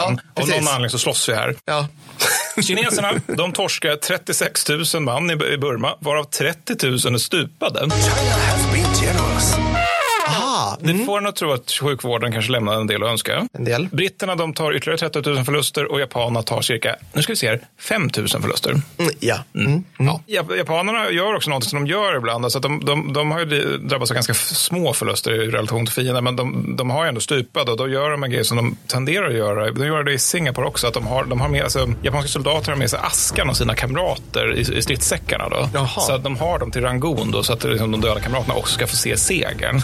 Och, det är någon grej de håller på med. Och en, en, det är också en divisionschef, Sakurai, som förvånar alla genom att upprätta ett monument över de allierade stupade. Ja, ju- just det. Men så helt plötsligt har vi lite så här Nordafrika-feeling. Ja, det alltså, lite så här, lite ridderlighet i allt detta. liksom, allt detta mörker. Men de gillar ju, alltså det gör ju japanerna speciellt i början av kriget. De, de är rövhål mot alla, Mm. men de har ju på något vis så här, de är ju precis lika rasistiska mot andra asiater Ja, ja, ja. som de västerlänningarna är mot asiater. Så de, de gillar ju lite mer att strida mot vita. Ja, det kan man alltså, nog tänka sig. liksom. Ja,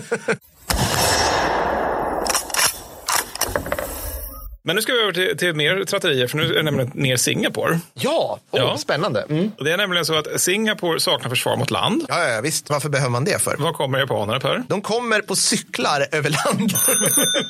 Precis så. Det här är cykelskyttes stora stund. Ja, det är det verkligen. Det här är krigsavgörande. Eh, Och eh, liksom, Singapore hålls då av 100 000 man då, där liksom många är demoraliserade, det vill säga indierna, eller odisciplinerade, det vill säga australiensarna. Och japanerna, de har färre pjäser och havererad log- logistik. Givetvis anfaller de och pressar tillbaka urlackade lakade brittiska styrkor.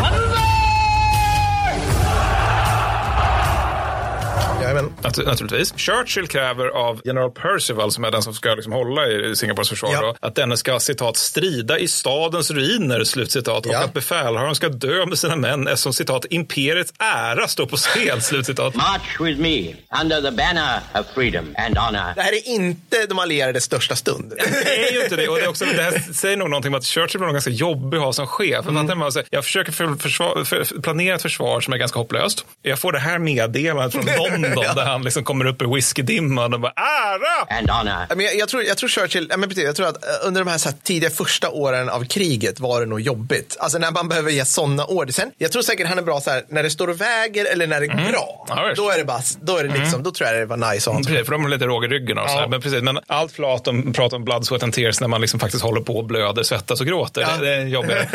um, men så 12 februari 42 så är den japanska situationen kritisk. De har liksom tre divisioner på ön Singapore som är utspridda. Brittiska- Nej, brittiska- japanska. japanska, förlåt. Jaha. De har tre divisioner. det är det som är så knasigt. Här. Alltså, de har tre divisioner på ön Singapore som är utspridda i numerärt underläge, i materiellt underläge och med sinande artillerigranater. Ja, ja. Yamashita blir alltså inte mindre aggressiv över det här. Nej. Utan, eh, för att han, han för, förstår förmodligen, det är svårt att veta, men han förstår förmodligen att även britterna är nära kollaps. Liksom. Så han trycker bara på. Och båda sidor skjuter asiater som misstänks för att hjälpa sidor. Japanerna bajonett, bajonettar ett halvt sjukhus när de ändå är igång.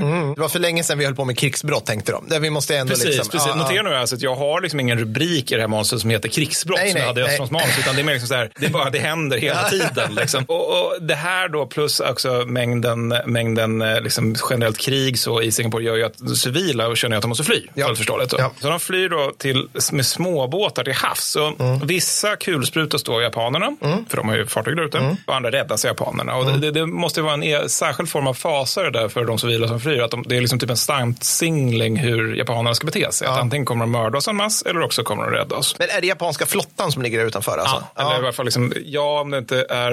Nu är jag faktiskt osäker om det är arméns fartyg, för de har ju egna. Såklart.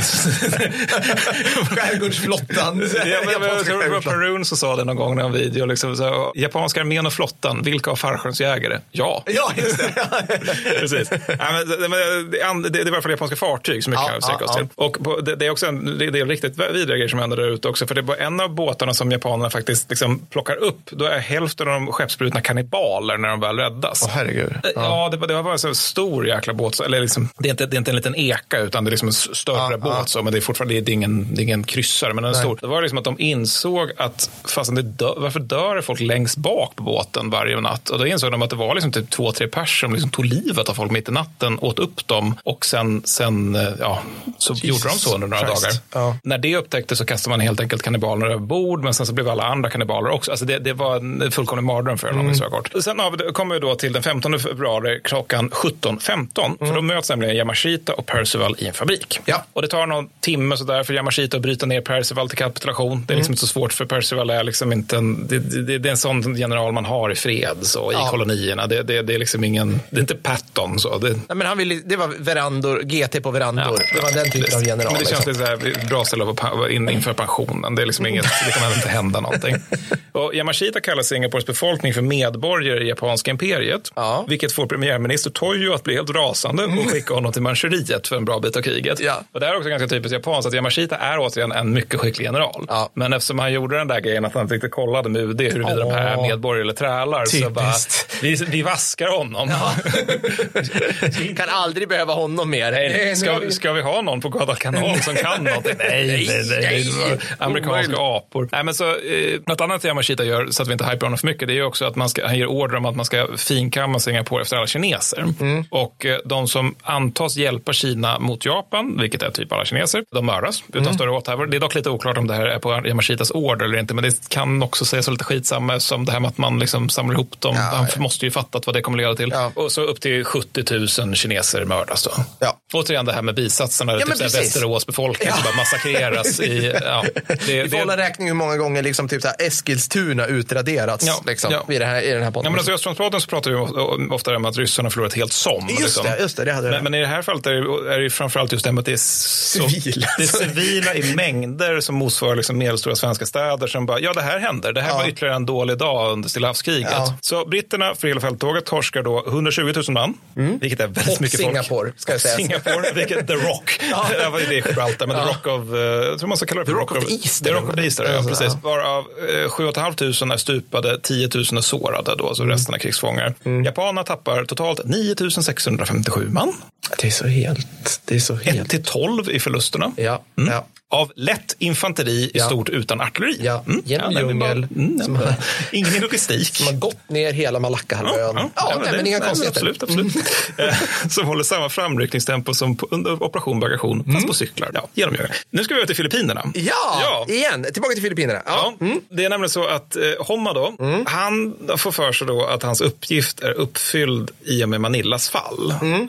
Han är liksom lite oklar. Det var ju en öppen stad. Ja, en öppen stad. Det, det var bara att gå in. Liksom. Liksom. Ja, så, ja, men de upprättar liksom lite propagandaorgan och sånt där. Då han bara, ja, men är här. Men så, så, och det verkar liksom även Tokyo tycka, för han tar ifrån honom eh, hans bästa division då. Mm. Och sen ger man honom order, nu ska du anfalla amerikanerna på Batan. Mm. Ersätter då en brigad som enligt den, alltså brigadchefen i fråga beskriver sitt förband som citat absolut olämpligt för strid. Ja, okay. ja, det är de som ska angripa USA. Så det med... fanns sådana japanska förband också? Absolut, liksom. absolut. Mm. Men det, det fanns det gott om. De, de hade väldigt många klassificeringar som jag inte kommit upp men det är så mycket A, B, C, alltså det är liksom alla möjliga. Så ah, okay. De är väldigt invecklat ibland. Mm. Men, och amerikanerna och Filippinerna då, de håller inför anfallet i två veckor, mm. men kollapsar i praktiken när ett japanskt regemente som tappar bort sig i djungeln och livnär sig på gräs i någon vecka helt plötsligt dundrar in i en exponerad flank. Ja, ja. För någon gick vilse, tycker jag. Det här är stort. Ja, det här är också på något sätt liksom att det är nästan som att man, det är nästan som att här, här, är liksom, här märker man fördelen med att ha soldater som bara, vadå kapitulera, det finns ju gräs. Ja. För att liksom, det kan vara bra att de helt plötsligt kan komma in i en flank. Så amerikanerna trycks bakåt medan MacArthur skryter om hur bra det går. Freedom and justice prevail once again. Ja. Han, han beskriver just den här reträtten som att det är liksom, ingen annan armé har någonsin genomfört en så framgångsrik reträtt. men, men, alltså, det är något sånt där. Det är en otroligt storslagen proklamation. Och han besöker också Batan. Ja. En gång. 10 januari. Mm. Det är den gången. Sen blir det inte så mycket mer. Jag sitter och myser på år istället. Ja. Till februari då så lever amerikanerna Filippinerna på Batan i stort på jägare och samlarkost så och ja. mer eller mindre alla är sjuka. 45 procent av styrkan där räknas som ineffektiv, mm. alltså ej, ej möjliga till mm. strid på grund av sjukdomar framför allt men även liksom undernäringselände och brist i största allmänhet. Jag, jag har ju fått, alltså mitt intryck av stridsförhållandena där, det är ju liksom, om du tänker dig att det är, så här, det är så här tät, pissig skog i, när du har gått ut på linje i din skyttegrupp och mm. det, är så, det är så tunna linjer. Mm. Så du är typ själv i ett hastigt utkrävt skyttevärn och sen har du kanske folk till höger och vänster om Ja. dig, men du vet inte. Och du har liksom 43 graders feber och malaria på Ja, det. precis. Mm. Och så ska ni täcka, Batanahalvön är liksom en 30 mil rakt över. Ja, ja. ja nej, men absolut, Tre de- mil, förlåt, tre mil. Nej, men Ja. att de har som, alltså just där när det gäller hur glest det är linjen, de ställer stupade amerikaner och filippiner Mm. alltså som, som fågelskrämmor i världen för att de ska liksom se ut som att det står någon där. Eller, liksom, det Ah, gör det ja. Och MacArthur då, han evakueras den 11 mars och får, vad då Per? Han får Medal of Honor såklart Ja, för han det. får, Ja. han får, det är han och, eh, så det, han och hans, de kallas för The Batan Gang, det är alltså det är hans stab då som. Då. Hans fru, hans son som jag vill minnas också heter, han, är, man heter Arthur MacArthur. Såklart han gör Eh, det. ja, men efter, hans bror heter också Arthur, hans pappa heter Arthur. Och eh, sen så, sonens amma också. Ja. Och eh, sonens lilla tygkanin som heter Old Friend, vilket jag tyckte var väldigt rart. Men alltså, de evakueras i varje fall, och mycket Ja. riktigt, och får ett Medal of Honor. Eller, Ja. ja. son, Old Friend får nog inte, MacArthur det. I shall return, Ja, påstår vi- han att han har sagt. Och vi vet inte om det stämmer. Ja, men... det, det gör han faktiskt. För att han anländer, anländer till eh, Australien strax därpå och säger då ett tal den 20 mars, just I shall return. Ja. Problemet är ju att det här är ett tal då som amerikanska UD hade typ formulerat åt honom och där, där, där så ville de att han ska säga We shall return. Ja. I am humbled that you have chosen me.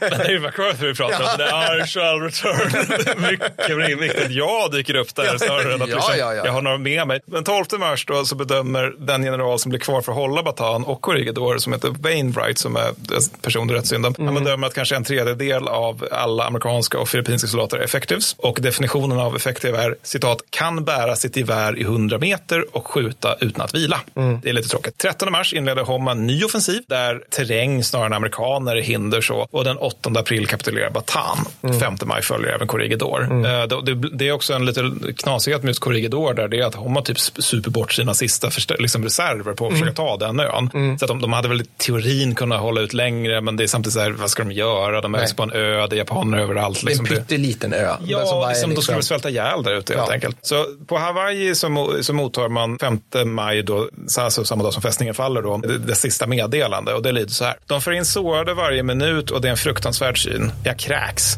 General Wainwright är en bra kille och vi är villiga att fortsätta med honom. Alla gråter som småbarn. Mitt namn är Irving Straubing. Meddela min mamma, fru Minnie Straubing, 605 Barbie Street, Brooklyn, New York. Och sen bryts den. Mm. Så det där är det sista man har av Filippin- garnisonerna på Filippinerna. Det är en liksom ensam rädd pojke som saknar sin mamma. Mm. Så så är det med det. Av de som kapitulerar på Bataan så dör 650 amerikaner och 5 till 10 000 filippiner på det som kallas för Batans dödsmarsch. Mm. Det här är också lite oklart om det här är någonting som Homma gör med flit eller inte. Jag har läst alltså, både och. Alltså, Mm. Jag har läst att han faktiskt försökte se till att de, de skulle klara tog sig fram, eller Ja. skulle ta sig fram till fånglägren. Ja, precis. Men sen så har jag också läst att han sket i att ge dem mat. Alltså det, det, jag, jag har inte lyckats kom, få reda på vad, om det här var med Nej. intention eller inte. Men Nej. oavsett, det, är liksom, det som händer är att de får ingen mat på tre dagar och de är liksom i redan väldigt dåligt skick. Men nästan det jag tänkte säga, för Batan, alltså det är inte stör, det är inte att du vandrar över halva östfronten för att ta det någonstans. Alltså min uppfattning är ju bara, det är inte så här, det är inte oöverstigligt långt, men just att de är i så dåligt skick, Ja, så många. Ja. Och det är det, det är liksom Ja, det som knäcker dem. Gå liksom 80, dag, eh, 80 kilometer på tre dagar. Mm. Det, det blir, alltså, om man redan har malaria, bajsvattensjukdomar och inte väger någonting, då leder ju det till dödsfall. Ja, ja. Och sen är det ytterligare 1600 amerikaner och 16 000 filippiner som dör under de efterföljande 6-7 veckorna efter dödsmarschen. Ja, ja. Så att det, det är liksom ännu fler som dör Mm. efter dödsmarschen. Då. Liksom, vad det nu än beror på så bidrar naturligtvis japanska soldaters liksom nästan slentrianmässiga brutalitet Mm. mot allierade, eller mot krigsfångar generellt egentligen, och den japanska slentrianmässigt dåliga logistiken till liksom, eländet. Då. Även för egna japaner. Ja, ja, ja.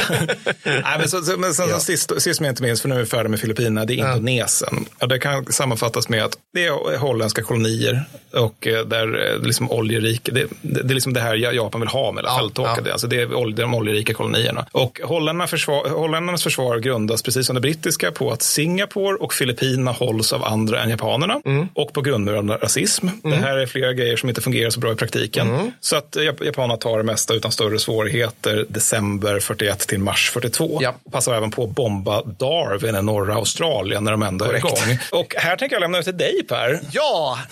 Det är ju det här med Indonesien. Ja, nu fick vi äntligen Indonesien. Indonesien är ett stort land. Här kommer en timme där Per ska prata om Indonesien. Nej, Enligt, enligt uppslagsverket så är Indonesien så definieras Indonesien som...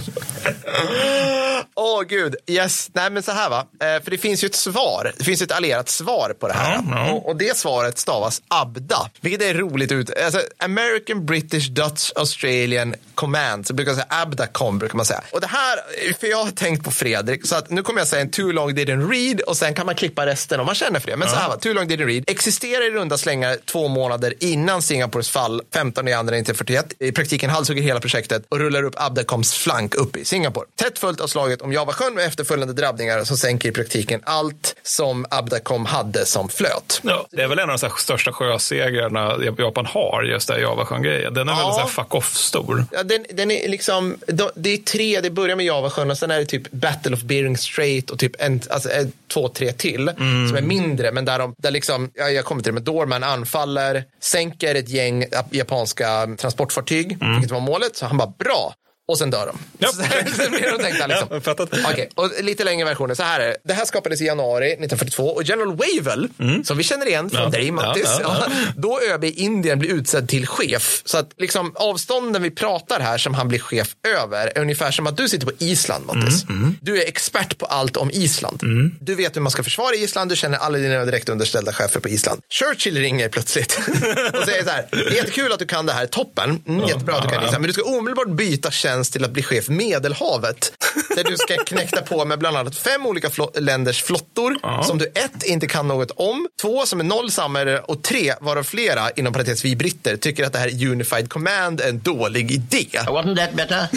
Eh, när du väl kommer dit så upptäcker du då till Medelhavet att dessa länder har fullständigt olika agendor och att det är inskrivet i stadgarna att när till exempel ett land säger Australien får feeling och bara nej, vi skulle vilja dra tillbaka två jagare, PGA hemopinion Ja, ja. från den här gemensamma styrkan. Darwin bombades just. Darwin bombades. Ja, men utifall typ emuerna får för sig någonting igen. Eller så här, vi måste ha eh, jagare på hemmaplan. Då gör de det och så blir det hux flux av med de här. Så alla hade liksom fokus på sina grejer i det här. Det här låter som ledningsproblem, Per. Det här är stora ledningsfrämst. Så USA hade fokus på Filippinerna, britterna på Singapore, holländarna på Java. Och det här blir inte bättre av att Wavell kommer dit och bara, okej, men vad har vi för styrkor då? Australien bara, jo, vi har flotta. Så här, kan ni skicka en trupp? Nej, det är i Europa. Ja. För det var det här, Ja. liksom sen 39. De är Nordafrika. Nord, de är Nordafrika allihopa. Jaha, jag undrar, det skulle vara kul att veta, läsa brev från australiensare hem vid den här tiden. Ja, bara, just det. Vad gör vi här? Ja, Eller ja. liksom här, ja. Min son, du är vid fronten. Jag förstår dock inte varför du är vid just den fronten. och det här hela blir inte bättre av att ditt ansvarsområde, alltså Wavels i det här fallet, är världens dittills största slagfält. Alltså operationsområde. Alltså, jag roade mig här med att dra från Rangoon ner till Darwin. Det är ungefär 530 30 mil. Ja som fågeln flyger. Det är jättestort. Ja, det är alltså, det är skitstort. Så att, du har lite att göra. Mm. Och jag, jag tänker så när man läser om Abda så är det tråkigt av flera anledningar att, den här, att Abda sänks bokstavligt talat och bildligt Mm. så snabbt. För att det är en underbar studie i hur man inte ska organisera multinationella insatser och förband.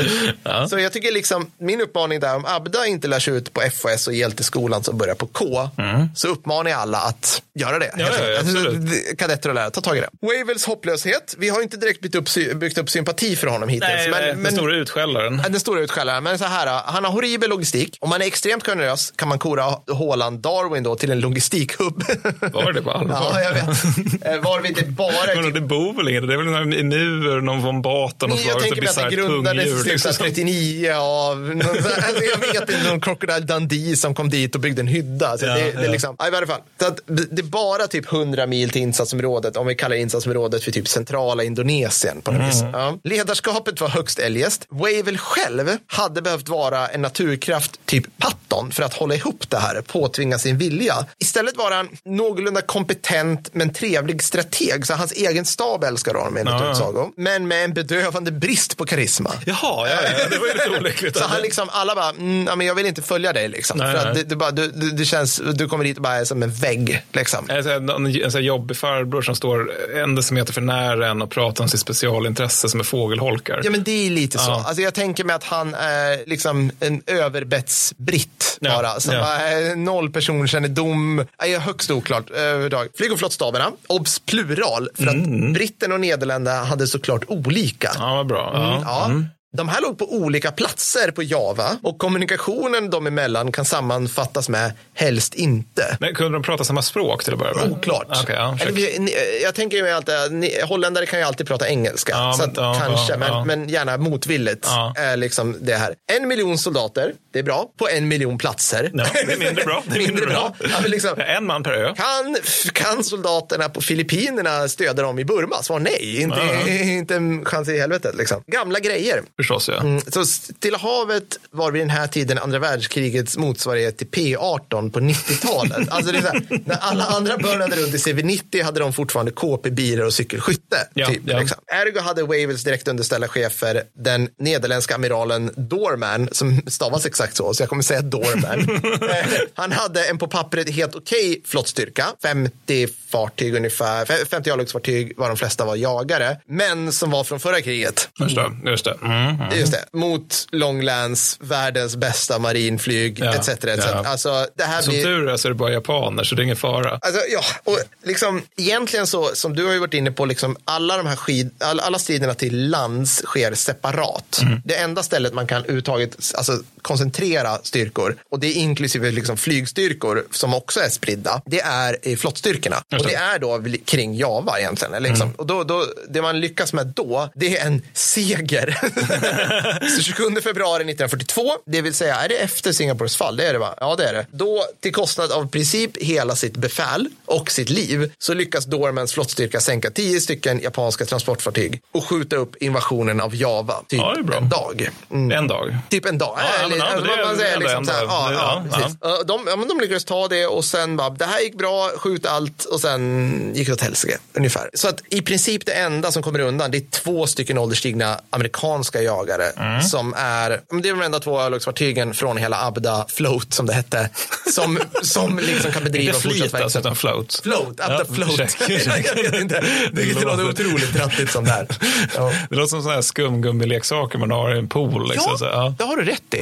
Så här, leklust, man köper någonting. Så det är Abda kom i, stor, i stora drag. Och sen så man får ändå ge dem det att det kan inte ha varit lätt att sam, alltså, spika upp där utifrån fred, krig, panik. Alltså att det, Nej, och de har, vet ju inte riktigt. Alltså, de, de har ju då en, en, liksom ett täcke av typ rasism och dålig underrättelse över sig. Fine. Ja. Men det är också typ så här, kanske alltså, vid tidens bästa flotta de möter. ja, visst är det. Visst är Så det. att- och då så ska de improvisera ett multinationellt Ja. svar utifrån förberedelse noll. Ja, nej, Ja, nej men det, det var nog inte lätt, men det var inte bra heller. Nej, nej.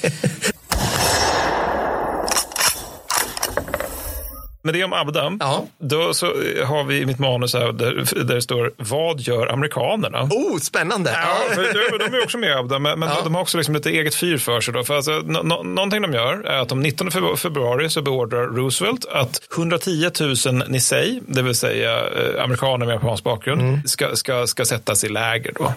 Majoriteten av dem är amerikanska medborgare. Mm. Det här är ju alltså någonting man gör mot sin egen befolkning, vilket jag tycker faktiskt är lite. Jag vet att Mm. det, det är inte okänt, men det är en sån här grej som känns som att det ändå 109 000 personer Mm. som man sätter i läger för att de råkar ha fel härkomst. Alltså det, det är väldigt sjukt tycker jag att liksom en, en demokrati gör så. Men så är det i alla fall. Någonting annat man gör är att man bärgar slagskepp på Pearl Harbor. Då. Mm. Bland annat så hittar man då i USS West Virginia tre lik som via liksom markeringar på väggar har, har markerat tiden fram till 23 december. Alltså från Mm. 7 december till 3 december som de har suttit där nere. Mm. Och sen slutar de markera för att det är där som deras luftficka kollapsar. Mm. Helt enkelt. Det finns en del beskrivningar som jag inte kommer att beskriva allt för noggrant här, med just de här dykarna som är inne i West Virginia och ute och drar bland liken där som har varit i vattnet länge. Det, det är ganska grisigt. Mm. Sen någonting annat som händer det är att Ern- Ernest King blir chef för flottan. Just det. Han är värd att komma ihåg. Jajamän. Och sen så blir då Nimitz, Chester Nimitz, han blir chef, äh, äntligen en amerikansk äh, härförare, general, men härförare som man kan tycka lite om. här. Ja. Så Nimitz han blir chef för Stilla havsflottan då. Ja, du har läst hans biografi. Ja, jag har läst biografi om honom. Ja, ja, det är kanske precis. därför jag gillar honom lite grann. För att, för att eh, det blir alltså. Men, nej, men så här, de, de är ganska olika varandra till sin karaktär. För alltså, King, han är ständigt rasande. Han har ett ansikte som ser ut som en tomahawk. Liksom. Alltså, det, det är bara så här, näsa och ar, ilska och arga små ögon. Han hatar MacArthur och är konstant, det gör vi alla. Why you little... Han är så konstant revirpinkande med armén. Ja. Så här, då, då vi kommer till det, men det här, de delar upp Stilla havet så här, olika operationsområden. Det är så här, inte en tum in på flottans territorium. Men jag tog vid själva tanken. Eh, sen så har vi Nimitz då, däremot så, som är, han han är mer liksom lik Eisenhower. Alltså att han är, han är väldigt bra intern diplomat, han, han ger liksom understyrda, ställa fria tyglar och har liksom ett högt i tak inom sin stab. Så, vilket gör att han är förmodligen en perfekt man på den platsen. För att alltså, om man är chef för Stilla havsflottan så det är ju så satans stort så att det, är liksom, det är så många rörliga delar att man måste nog ha de egenskaperna. Han har också mycket så här, liksom, lite småfyr för sig, att han har en liten låda så där på sitt skrivbord där, där det, liksom, det, det finns, hur är det, nu? det, det liksom finns, det finns liksom ett, ett, ett, ett kort per person som han kan tänkas träffa. Och så står det så här lite, lite kuriosa, så bara lite rolig info om den personen. Nej. Så att han ska liksom kunna ta upp ett sånt kort och titta in ett möte så att han ska säga, ja men du har ju en hund ja, hur går det med det? Alltså den typen av så här, du vet, så här lätt att ha att göra med person. Ja, ja, ja. Han har också från 43 och framåt ett foto på MacArthur på skrivbordet för att påminna sig om hur man inte ska agera som chef. That's it! Vilket är Yes. bra. Vilket är väldigt bra. Kung. Ja.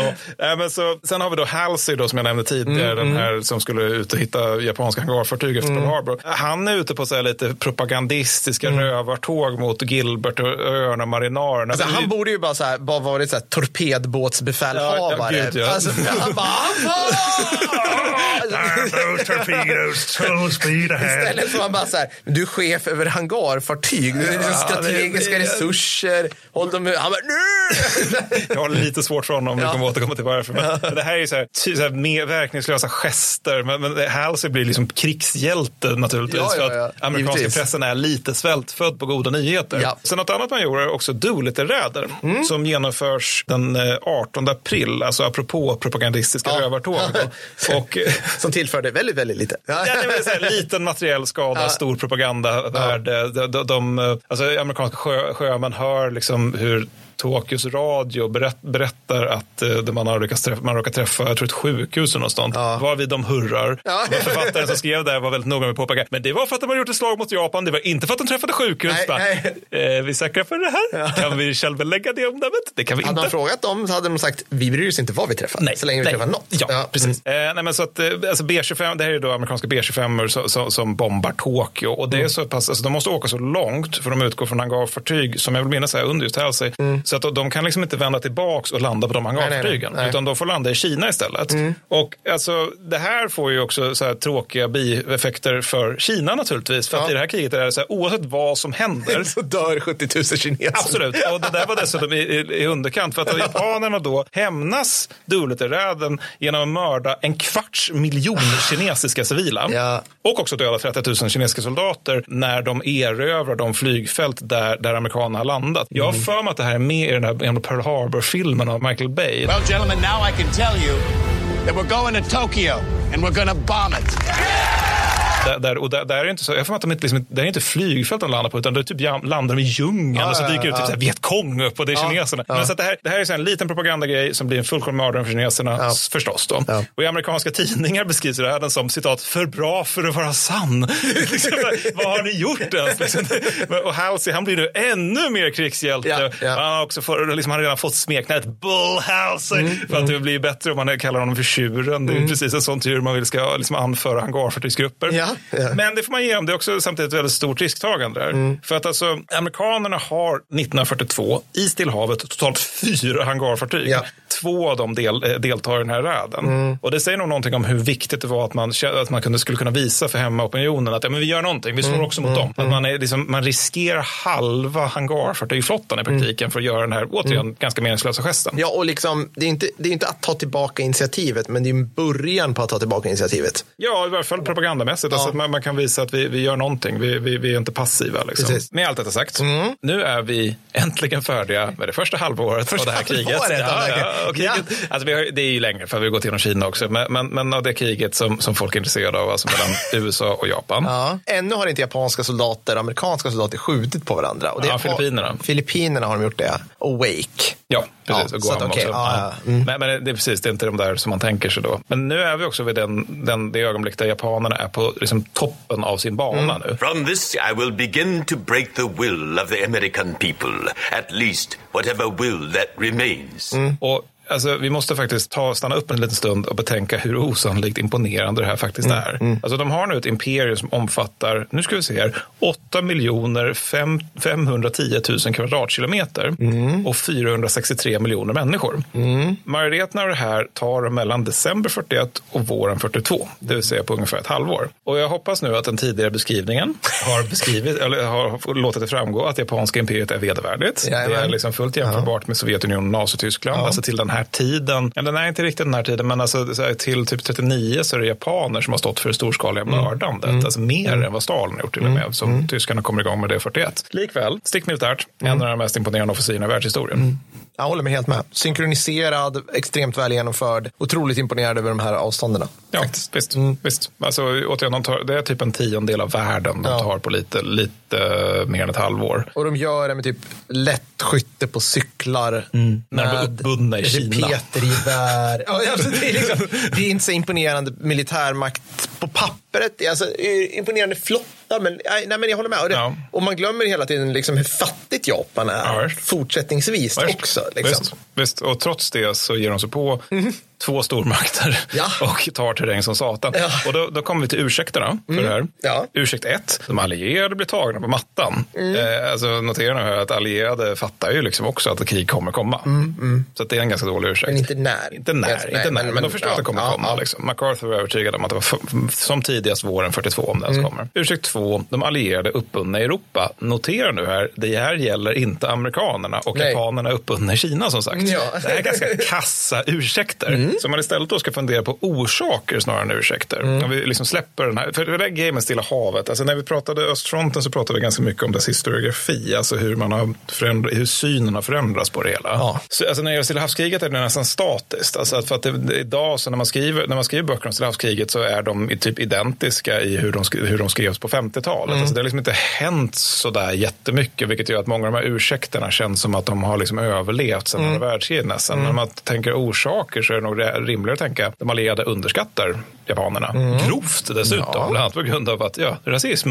Och det andra är ju naturligtvis faktisk japansk kompetens. Alltså, och det, det är nog viktigare än det här med liksom att ja, men vi var uppbundna. Vilka förband är USA i Europa? Men fråga. Ja. Kanske inte så många. Nej, precis. Och sen så kan man också betänka att det tar alltså, och när vi pratar om det här med kompetensen, det tar resten av kriget utifrån förkrossande materiell och numerär överlägsenhet att ta tillbaka det mesta, inte allt, Nej. av det japanerna tar på ett halvår. Ja. De är Ja. nog ganska bra då. Ja. Och betänk även att liksom under den här södra offensiven så är japanerna konsekvent, som du var inne på, i numerärt underläge Ja. när de Ja. tar så här, Indonesien. Ja, det, det är liksom hela länder på ett helt annat sätt. Och det är inte liksom Belgien. Nej. Utan det är, Nej, här- precis. det är så här stora enorma länder. öfederationer. Nej, ja, Hur gör ni det här? Ja, det. men också att de, de till 6 maj, det, för de, de gör det här, då, kan man, då skulle man kunna tänka så här, ja, ja, men då måste förlusterna varit helt horribla. Mm. Alltså till 6 maj 42 så tappar de 15 000 stupade. Mm. De tillfogar de allierade 65 000 stupade och 300 000 krigsfångar. Mm. Alltså när det gäller irreversibla förluster så är liksom, det är en helt sjuk militär effektivitet här. Och inte minst beror det här på att alltså, den japanska flottan och flyget är väldigt skickliga som sagt.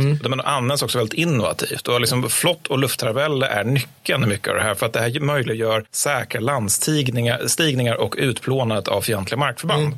Därtill så är ju alltså överraskning strategiskt initiativ, det, det är också en grej. För det är att de kan slå på liksom rätt platser så. Alltså, Ja. naturligtvis. Men samtidigt finns det en nackdel för japanerna. För det här är liksom den ena delen av vågskålen någonstans. Och den andra delen, och det är det som japanerna själva kallar för segersjuka. Alltså, de, de tycker själva att det här går ju alldeles för lätt. Vi kan inte förlora. Det andra, na, liksom nackdelen är dock för japanernas del, det är att de inte har mött eller slagit fientliga huvudstyrkor. Man har Nej. vunnit mark snarare än kriget. Och som sagt har man ju faktiskt ingen som helst plan för hur man ska avsluta kriget Nej. egentligen. Så alltså, diplomati försvåras ju också då. Och diplomati är ju bra har vi hört. Mm. Det försvåras av att armén är helt ointresserad och tror att fred bäst uppnås genom att man tar ännu mer terräng. Ja, ja, ja, det, Måla kartan ska vi göra, bara tills, tills det inte finns något mer. Ja, men det här är liksom Ja, någonting man kan känna igen sig i när man spelar typ Total War. Eller någonting, att man helt plötsligt hamnar i en situation där man har alla fiender och alldeles för få resurser för att hålla liksom, det område som man har tagit. Så, och, och, sen kan man ju försöka invända då, de tog bara vatten. Och, absolut, men det är liksom inte just lättare för att flytta tiotusentals soldater över hav Nej. än via land. Särskilt när man har japansk trådtunn logistik i ryggen som är dålig och trådtunn, trådtunn redan i Kina 37. Men likväl, värt att notera, det är imponerande erövningar men som också leder till att japanerna är nu extremt utspridda. För de ska med ganska små styrkor återigen hålla en tiondel av vår planet. Mm. Ja, ja. Ja. Och det här leder till en slags do japansk dominoeffekt kan man säga. För att alltså, erövringen av Indonesien, det innebär i praktiken att nu Japan, nu har vi upp, uppnått vårt viktigaste mål. Så, vi skulle ha den här oljan här. Och allt efter det är egentligen olika försök att säkra erövringen av Indonesien. Så Rabaul, som ligger på det här, nu är det dags Ja. för dig vid kartan här, för det ligger på New Britain som ligger Ja. väster, eller vad fan skriver jag, öster om Papua Nya Guinea. Ja, exakt så. Jag sitter här och här frenetiskt googlar. Nej, men precis. Att man, ja, precis. Papua Nya Guinea känner man igen. Det ser ut som en, en konstig liksom halv, eh, ja, typ så här, och delad på mitten. Och sen rakt österut därifrån, där ligger då Rabaul. Ja, Ja. På, på en större ökedja som kallas för New Britain. Ja, precis. Och det, det här är liksom, det här är också, när nu det här kriget börjar bli opedagogiskt på riktigt, för Ja, de här verkligen. bitarna av världen är jätteviktiga under det här kriget. Ja. Ingen vet var de ligger. Papua Nya Guinea beskrivs av en författare som en blandning av en prehistoriskt monster och en fågel. Det. För att beskriva liksom naturförhållandena där. Alltså det är pissigt att vara där idag. Ja, ja, precis. Alltså, det, det är liksom oupptäckta stammar fortfarande idag. Huvudjägare. Ja, det är liksom, det, förstå hur det var på 40-talet.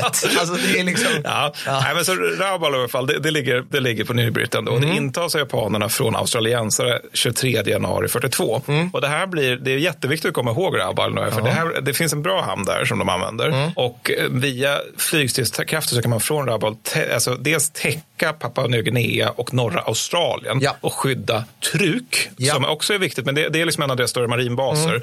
Det, det, behöver, det är inte jätteviktigt var den ligger, Mm, Nej. men det, det, man kan skydda det där. Och, där, och Rabaul blir liksom Japans viktigaste bas i södra Stilla havet under det tidiga kriget. Vågar jag säga hashtag fästning? Det vågar du. Ja, det, kan, det vågar du absolut göra. Vi kommer återkomma till hur bra det fungerar med en fästning ifall den är ett hav. Eh, Rabaul behöver alltså, behövs alltså för att skydda Truk. Port Moresby, Ja. som ligger på södra Papua Nya Guinea, ja. behövs för att skydda Rabaul. Ja. Norra Australien behövs för att skydda Port, Port Ja. Moresby. Och Solomonöarna som ligger öster Ja. om New Britain. Ja. Jag säger att det här är lite jobbigt. Ja, de har fortfarande helt rätt här. Ja, tack så mycket. Nice. tiden. Solomonöarna behövs Mm. för att anfalla Port Moresby och Australien. Och därmed behöver vi nu Fiji och Samoa för att klippa kommunikation mellan Australien och USA. Korrekt. Och Fiji och Samoa ligger ännu längre sydöst Mm. från det. Och om du tänker dig, så här är det, Papua Nya Guinea, framförallt Port Moresby, ligger typ, alltså i de här förhållandena, spottavstånd till faktiska fastlandet Australien. Så det är nära. Och då Fiji och liknande, det är liksom dit, alltså det är också väldigt nära. Fiji, när jag var i Australien, det var, det, det var dit flög australiensare för att turista. Det är typ deras Gotland. Det är typ deras Gotland. Ja. Liksom. Eh, och den klipper, alltså, sätter du dig där, då klipper du verkligen allting. Alltså, fly, med flygstridskrafter, då, då isolerar du Australien och Nya Zeeland i princip. Ja.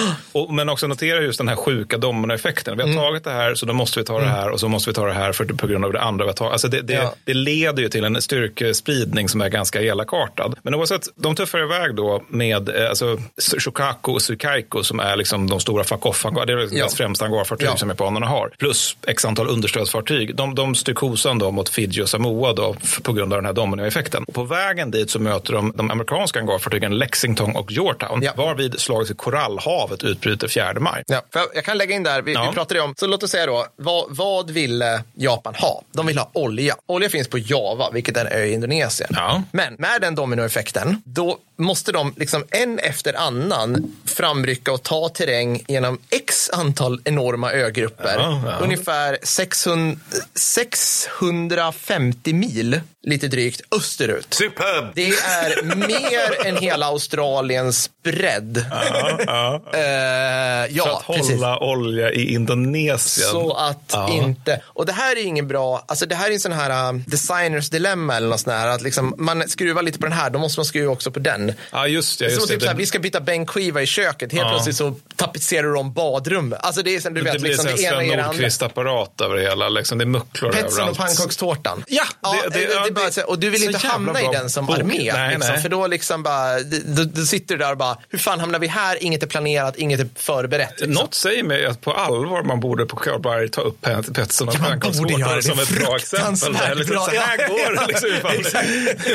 Nej, men Korallhavet i alla fall, det, det är utmärkt insteg för det. Men Korallhavet, det är intressant på många sätt. Men ett, det, det som är det mest intressanta är egentligen att det här är första gången, vad jag vet, i världshistorien som hangarfartyg strider mot hangarfartyg. Mm. Det här innebär med andra ord att det här är jättenytt och extremt svårt för båda Ja. sidor. Ja. Alltså, beskrivningen här kommer vara, det här är tratteri och det är det också. Mm. Men, men det är ändå liksom, man får ändå liksom konstatera att det är någonting, alltså ingen har gjort det här tidigare. nej. Det, det är liksom helt hopplöst. Alltså, spaning är det här helt centralt, Mm. men spaningsresurserna är mycket begränsade på båda sidor. Då. Och snabbhet i agerandet är också centralt, men hämmas av att flygplan står på däck Mm. och de har vapen och bränsle på däck och det är farligt. Så är, vill man liksom inte ha för mycket skit på däck. Så. Nej. Och man vill framförallt inte på och slarva när man ska åka iväg. Nej. Plus att liksom, hangarfartyg har ju hissar där de drar upp flygplan från, Ja. från hangarerna till flygdäck. Och de här kan bara dra upp en begränsad mängd eh, flygplan i taget. Och allt det här kan bli liksom lite olyckligt om eget flyg har dragit iväg mot en plats där fi- fienden kanske är. Notera dålig spaning, det måste gå snabbt. Så de kanske är Kan vi gå där. in på vad spaning är? Det är alltså en 18-åring i en cockpit som sitter och tittar ut genom sitt propellerflygplan. Ja, kapten, jag tror jag ser. Är det något där borta? Nej, där då? Nej. I Stilla havet. Ja, Alltså. Utifrån kartor, Ja. oklart. Så. Ja, Ja, men precis. För radar finns väl inte särskilt spritt på den här tiden? Ja, och så amerikaner har det. Japaner men, tycker men att det, är det är inte så här, det är inte liksom. sådana enorma signalspaningsradar där du hittar liksom stora fartygsgrupper. det fly, precis, det är flygspaning som står för det hela. Och allt det här blir lite od... Alltså man gör just det här, man skickar iväg folk mot där fienden kanske är. Om fienden då dyker upp med flyg när man själv har sämre jaktskydd över sitt eget Där Mm. man hangarfartyg. lite kokt i bajs. Det blir jättejobbigt. Så alltså, japanska flyget, de tror sig anfalla ett hangarfartyg och en kryssare. Angriper istället en jagare och ett bunkringsfartyg. Ja. How could you feel? Ja. Vilket är inte det. Eh, och orsaken till det här då, det är att spaningen då har varit dålig på grund av att spaningspiloterna är magsjuka. Va? Nej, att, vad jobbigt. Ja. Jättejobbigt. Det är Ja. krigets slumper. Va? För de, de lyckas få i sig dels öl men också dålig burkananas. Som de fick rännskita. Vilket resulterat i mindre erfarna ersättare då som får gå ut och titta lite och typ såg en ö och tänkte det där måste vara ett hangarfartyg. Ja, ja, ja. Men och det här vi- via japanska anfall, det här är med flottslag för att beskriva i, Ja, i vet. podd, det är Ja, det- jättesvårt men jag gör ja. mitt bästa. Men, men via de japanska anfallen så vet amerikanerna ungefär var japanerna är Mm. någonstans. Så amerikanerna skickar iväg 93 plan mot vad spaningsflygare har rapporterat in, eller tror är två kryssare och två jagare. Alltså nu, amerikansk spaningsflyg tror att det är två kryssare och två jagare. Ja, precis. Så man ja. skickar 93 plan mot det, det de tror det är. Men ett tryckfel i de amerikanska kodböckerna gör att det här rapporteras som två hangarfartyg och två kryssare. Ja, ja. Det är större och käftigare grejer. Det är Jajamensan. därför man investerar mycket flyg i det här. Mm, Fletcher då, som är chef för den amerikanska styrkan, när spaningsflygarna landar och säger nej, nej, det här var inte, eller liksom där, där någonstans som har förstått misstaget. Ja, han ja. säger då till spaningsflygarna, son you just cast a United States an aircraft carrier.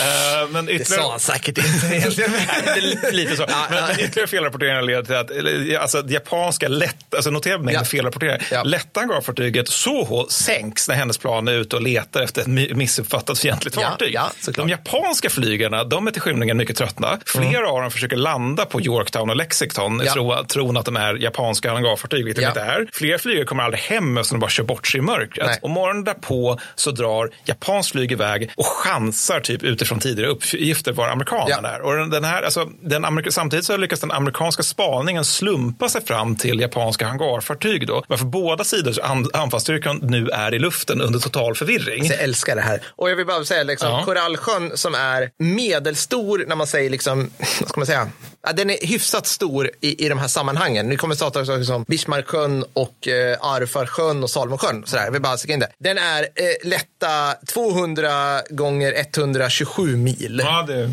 Så att du täcker in en bra bit av Europa Ja, ja. i det här. Ja. Jag vill bara liksom lägga in det här. Det, det, det är bra att du säger det, för det förklarar nog varför det här är så förvirrat och så galet. Sådär. Ja, på 200 mil då kommer man från Madrid till Budapest.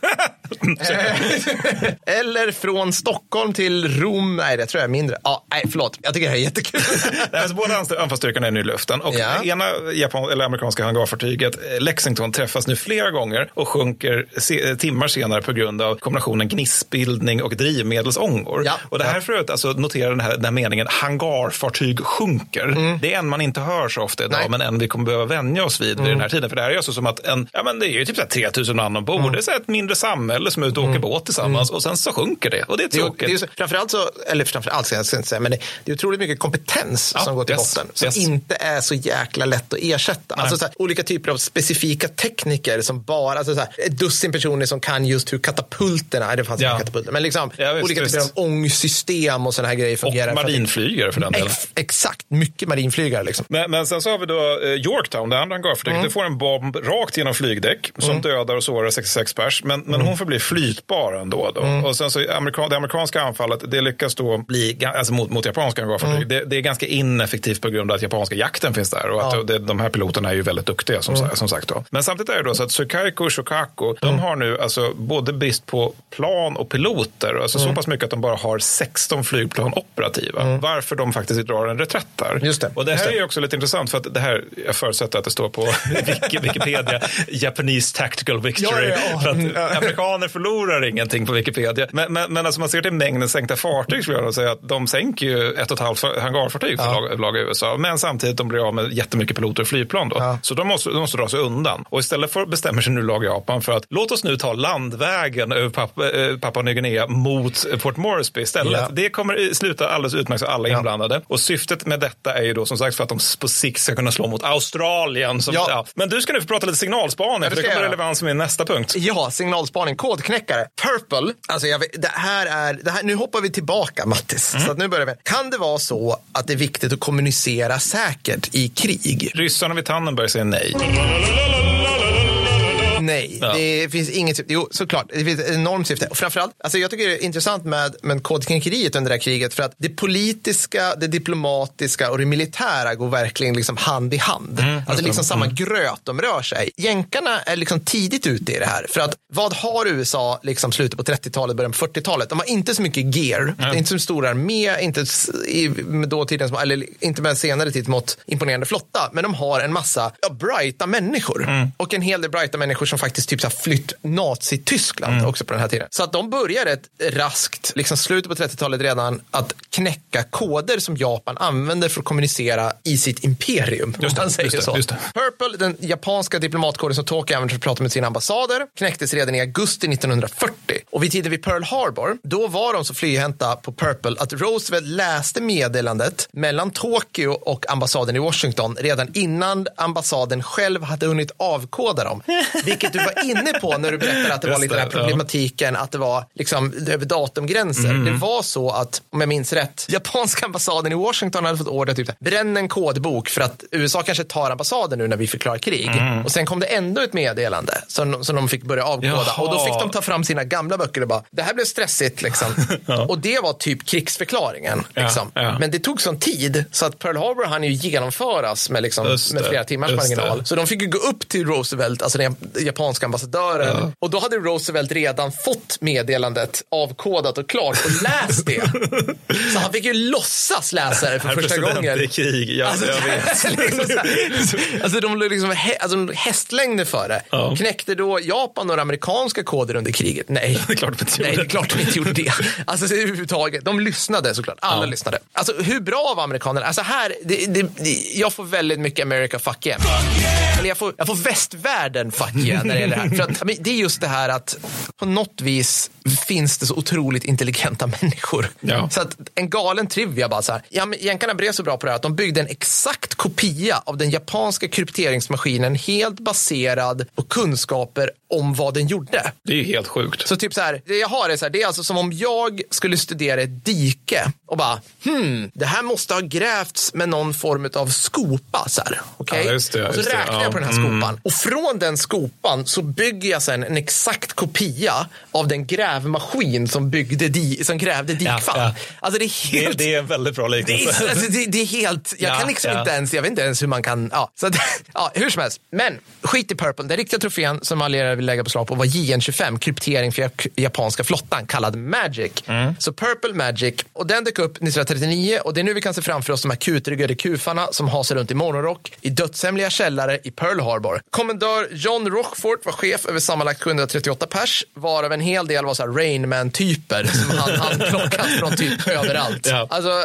och nu pratar vi att folk, särskilt efter attacken på Pearl Harbor, dyngade big time alla liksom svenska spelföretag för att knäcka den här koden. Och bara faten typ uppfann de datorn. Alltså det, alltså det är liksom någon så här galen liksom maskin, alltså, höll på att säga maskininlärning, men inte riktigt. Efter bara några månader kunde man läsa delar av meddelandet och de översatta meddelandena kallades för Ultra. Just det. Och det har ni kanske hört, att man läser Ultra. Och det är det, alltså Ultra fick typ bara Churchill och Roosevelt och typ Alltså de absolut högsta. Marshall kanske fick, fick ta del av Ultra. Men ingen, alltså alla, typ, jag tror knappt Eisen.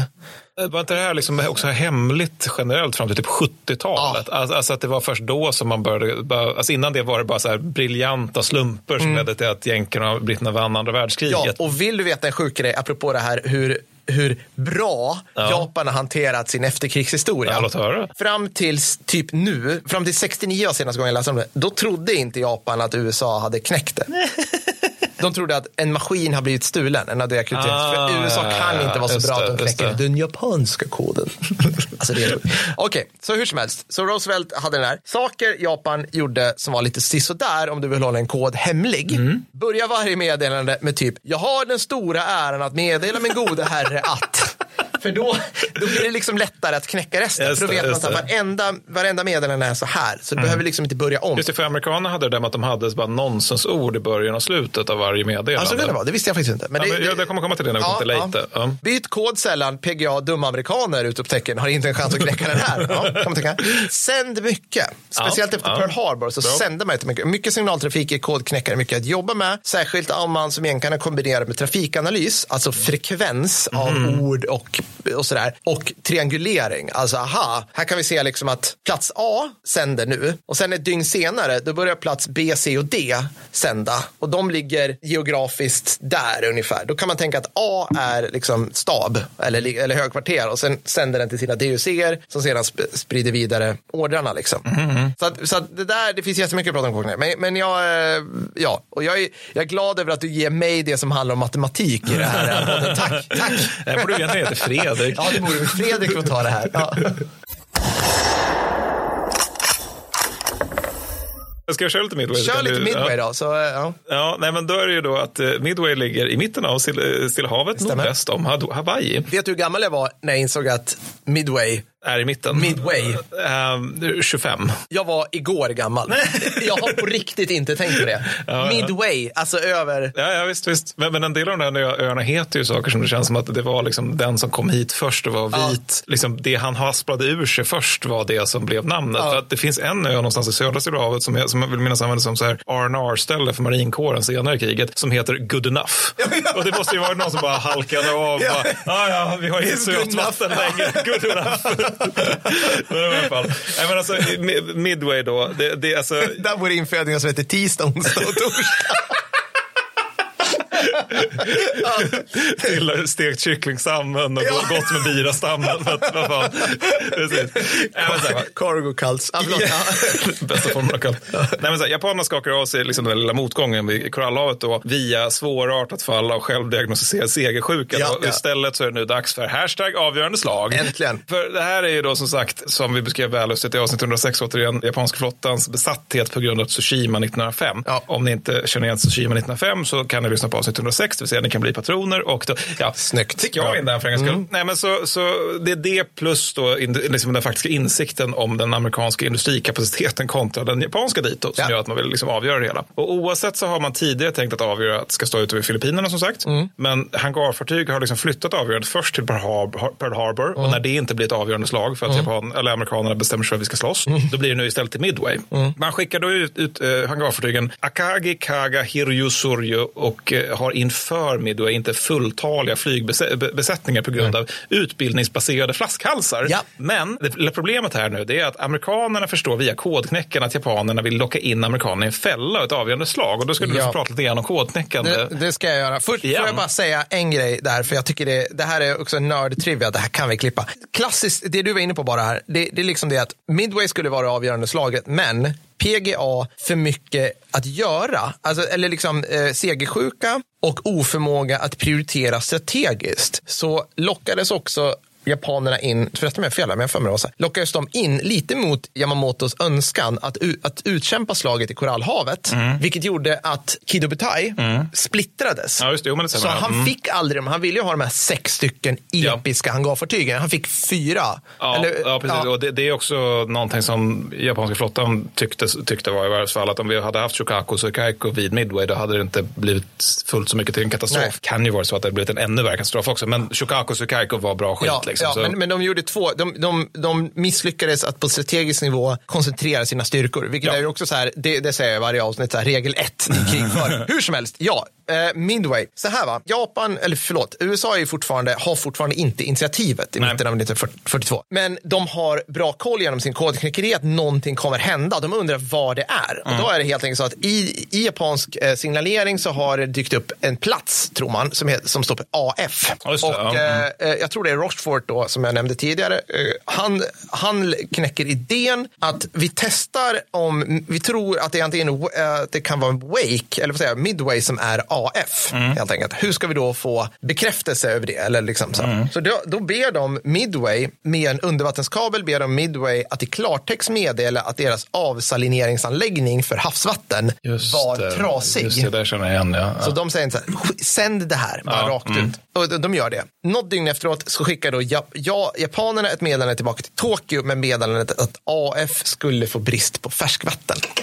det är Bingo. stiligt. Det är stiligt. Det, det, det är väldigt fint spionage. Det, Det är väldigt fint med Ja, det, är, det enkelt. För oss är det ju så här, ja men det är såklart man skulle kunna, så, men det är ju inte alls självklart. Nej, då, nej, det är liksom. absolut inte. Nej, jag skulle inte komma på det. Jag skulle bara ha panik och undra vart, vart är de någonstans? Vad ska jag göra? Men, så att, eh, ja. ja, det, det är väldigt snyggt. Där. Och då, där läggs väl en fälla då, Mattis? Där läggs en fälla. Mm. Och det, de som skickas ut är Enterprise, Hornet och Yorktown, vilket är tre stycken amerikanska hangarfartyg. Mm. Eh, vi kommer återkomma till alla tre faktiskt. Och, alltså, de, de, det är ju det här lite knasiga, men, men alltså, så att säga kan de lägga sig i bakhåll för, för de japanska styrkorna. Då. Hur man nu gör det ute på öppet. Jag har inte riktigt greppat det heller. Flottfolket får av sig förklara, mansplaina för mig hur man gör. Så 4 juni inleder japanskt flyg angrepp mot ön Midway. Mm. Det de ju inte gör är att slå ut vare sig öns luftstridskrafter eller dess luftvärn. Utan de, de, de spränger lite grejer och sen så åker de hem. Fångat på film tror jag det är. Eller Alltså, var, ja, var det inte jo, men fan, det, jo, men det är det nog. Just det. Just det. det filmteam där, typ, Jo, men det, något det stämmer nog. Så japanerna får nu välja mellan eh, alltså antingen förnyade anfall mot Midway eller förberedelse för strid mot eh, de amerikanska Mm, hangarfartygen. Då. Och det är i det här ögonblicket som amerikanerna hittar Kido Butai. Mm. Eller ja, det, det som inte är fullskalig Kido Butai. Så am- amerikanska torpedbombplan de utplånas då när de försöker angripa. För det är de här Devastator-bombplanen som är alltså så här, typ flygande kalkoner med defekta torpeder. så de, de, de försvinner. 20 kilometer i timmen. lite så. Lite så. Precis. Om vi springer, springer mer om när de börjar. Flygande start så kan de komma upp i 21 kilometer. Men däremot störtbombplanen, de träffar Akagi, Kaga och Soryu. Och de här väldigt snabbt blir fullkomligt övertända och måste överge snabbt. Och det är, det är det här som är så sjukt med sjökrigföring. Det är mycket som är sjukt med sjökrigföring. Just att det, är liksom, det här handlar bara om en halvtimme till. Det, det, här, det finns ju så här legendariskt de här minuterna som förändrar kriget. Men det, det här är mycket kort tid och det är tre jävla hangarfartyg som går förlorade. Och det också var något så här misstag, eller det var inte ens misstag, det var bara en, så här, det kan vara så här eller det kan vara så, sa någon så här, den japanska styrkechefen där. Ja, vi, vi tror att det är så och då gör att vi behöver ombeväpna de här flygplanen, vilket gör att precis i fel timing så har vi en massa flygbränsle och, det, där, eller? det där är lustigt för det finns en bok som heter Shattered Sword Mm. som bestrider den grejen. Den menar på att det, det, där, det handlar snarare om liksom schemat för, för hur, hur amerikanskt flyg åker iväg i luften. Alltså att det, det, det är inte, de, alltså de menar på att, jag får att de menar på att de inte är på däck utan att de är i hangaren. Eller sånt. Okej. Jag tycker det är lite skitsamma för det är Ah, så här liksom att de, ja. de angrips när de inte har alla plan i luften som jag Ja, förstår saken. Och det finns, det finns också, jag minns inte vilket hangarfartyg det är nu, men det, är om, om, det, om det är Kage, där det är, det är, är några japanska sjömän då som är nere i liksom maskinrummet där då, och liksom hör saker slå, slå ner på dem då, ovanför dem. Och då undrar de vad som står på. Någon öppnar liksom en dörr ut och det bara oj, det är ett moln av eld. Vi stänger den Ja. dörren. Och sen så sitter de kvar en liten stund och bara mm, undrar hur det här går. och sen då så märker de liksom att färgen ovanför med taket börjar spricka för att det börjar bli väldigt varmt där inne. Ja. Då. Så då bestämmer de sig för att nu måste vi gå ut. Och då hittar de liksom någon form av, alltså, jag fatt, minns inte riktigt, men det är typ att de hittar som en liksom, liksom, liksom gång genom, genom fartyget. Alltså liksom en, en liten tunnel så, som de, de kan klättra ut ur maskinrummet. Då. Och sen när de kom, till slut klättrat en jättelång tid så kommer de ut på flygdäck och bara, det är typ 90 graders vinkel på det här flygdäcket. Det är något som har gått fel. Och då sätter de sig ner och gråter för de inser att vi, det är så, vi är så fucked. Vi är liksom rakt ut i Stilla havet. Det finns liksom, ingen kommer kunna hjälpa oss. Men då är det någon så här fullkomligt slumpat liksom jagare eller korvett, någonting lite mindre fartyg så, som lyckas se dem och plocka upp dem. Då. Men så de, de överlever faktiskt, men det är en satans massa japanska sjömän som inte gör det. Ja, verkligen. Hiryu då, eh, det återstående japanska hangarfartyget, de skickar iväg eh, eget flyg då och lyckas allvarligt skala, skada Yorktown. Yorktown kan sedan liksom boxeras iväg då, men sänks senare av en japansk ubåt då, så det står 3-1 då i, i hangarfartygsförluster. Jag tror vi ska lägga in här också, det här pratar jag om i lite fredagsartiklar, så ni som Patriots har koll på det här, verkanstålighet, Mm. det vill säga hur man utbildar sjömän att se till att båten de åker i inte sjunker vid minsta utsatt för eld, Mm. Ja. är en grej. Och jag tror att jänkarna är bättre än japanerna ungefär under hela kriget. Ja, de är på det här. överlägsna på det. Alltså, det- De är inte bättre sjömän, men just... Just jag- det gäller, alltså, de har Ja. strukturerat sätt att hantera bränder Exakt, ombord. Medan japanerna det är mer så här lite ad hoc. Det dyker upp Ja. någon och skriker och bara ta alla hinkar med sand ni hittar. och sen, så, ja, sen så blir det inget bra. Liksom. Nej. Men, men, men Yorktown eh, sänks till slut då, med, med, och de här störtbombarna som ger sig på det, de, de, gör, så- alltså, de, de släpper sina bomber på 300 meters höjd. Mm. Så att amerikanerna tror att de står i begrepp att genomföra en tidig kamikaze. Ah, liksom. Men så lyckas de precis bara. Eh, Som sagt, de är duktiga. Ja. Eh, Efter det så sänker Enterprise och Hornets flygare Hiryu. Och den här segern beror då dels på att man eh, tidigare med upptäcker japanerna och att Genom japanerna... en slump. Ge- genom, och, och att eh, japanerna har svårt att fixa liksom, sin jakteskort över hangarfartygen. Det var någon som beskrev samverkan mellan japanska flygare som pojklagsfotboll. Det vill säga att alla springer mot bollen samtidigt. Liksom. Ehm, och det här, men det beror även på liksom, att de har reducerade flygförband. Och det här i sig då, eh, de reducerade flygförbanden beror, beror på de här väldigt stora begränsningarna i den japanska pilotutbildningen som p- springer ur att det är en elitorganisation. Vi kommer återkomma det, till det lite grann. Men, men, alltså, men även då liksom att Det är sånt glassvärd, hela, hela Ja, japanska men, det- ja, men det är ju krigsorganisationen. det. Men, men, men även liksom i hur, alltså, men, men det, den belyser även liksom en generell begränsning med japanska flottan. För att alltså, amerikanska varv kan efter Koral, para, eh, Korallhavet reparera Yorktown alltså, avsevärt snabbare än vad japanska varv kan rep, reparera Shokaku. Ja, Vilket ja. gör att Yorktown kan vara med i båda. Ja. Medan Shokaku är fortfarande i, i, i docka liksom, och behöver plåstras om. Så det, är liksom, det, det är den här skillnaden i effektivitet i ren industri som, gör, som är liksom en liten edge En amerikanerna liten har. edge, ja. ja, ja. Men, men, men så att eh, inalles så tappar japanerna fyra hangarfartyg och en tung kryssare. Ja. Det är förluster. Det är otroligt kännbara förluster. Ja. Särskilt när man har sex totalt. Och amerikanerna har eh, förlorat då ett hangarfartyg och en jagare. Notan är döda motsvarar då 307 döda amerikaner och 3000 döda japaner. Och du nämnde det här med att det här, den här kompetensen som går i vattnet Ja, där också. ja. Det här är liksom det japanerna har alltså i, i vissa former av kompetens. Då. De här marinflygarna med sina 800 flygtimmar, det finns ju inte tid att göra det igen, att man Nej. bara låter dem köra liksom ett år. Nej. Och då är frågan, då, är det här avgörandet? Just det, hashtag avgörande Ja, slag. jag kommer bara ställa den frågan en gång till i den här podden. eller så det är den här gången. Men, men alltså, och då kan man ju tänka sig då att ja, det är avgörande. Vi, vi fick lära oss det i högstadiet. att De avgörande slagen var El Alamein, Midway och Stalingrad. En byfight och Stalingrad. Nej, men alltså, Ja. Eller Alamein för att det var britter med. ja, ja. Och britter måste få sitt... De måste få sin seger. Sin Annars, seger. alla måste ha gjort något i det här. Det är verkligen Ja, det- den det symmetrin. väldigt- liksom. ja, alltså, ja, de har vann varsin Det stor har inte jag seger. tänkt på. det Nej, exakt, så är det. Ja, ja, just det.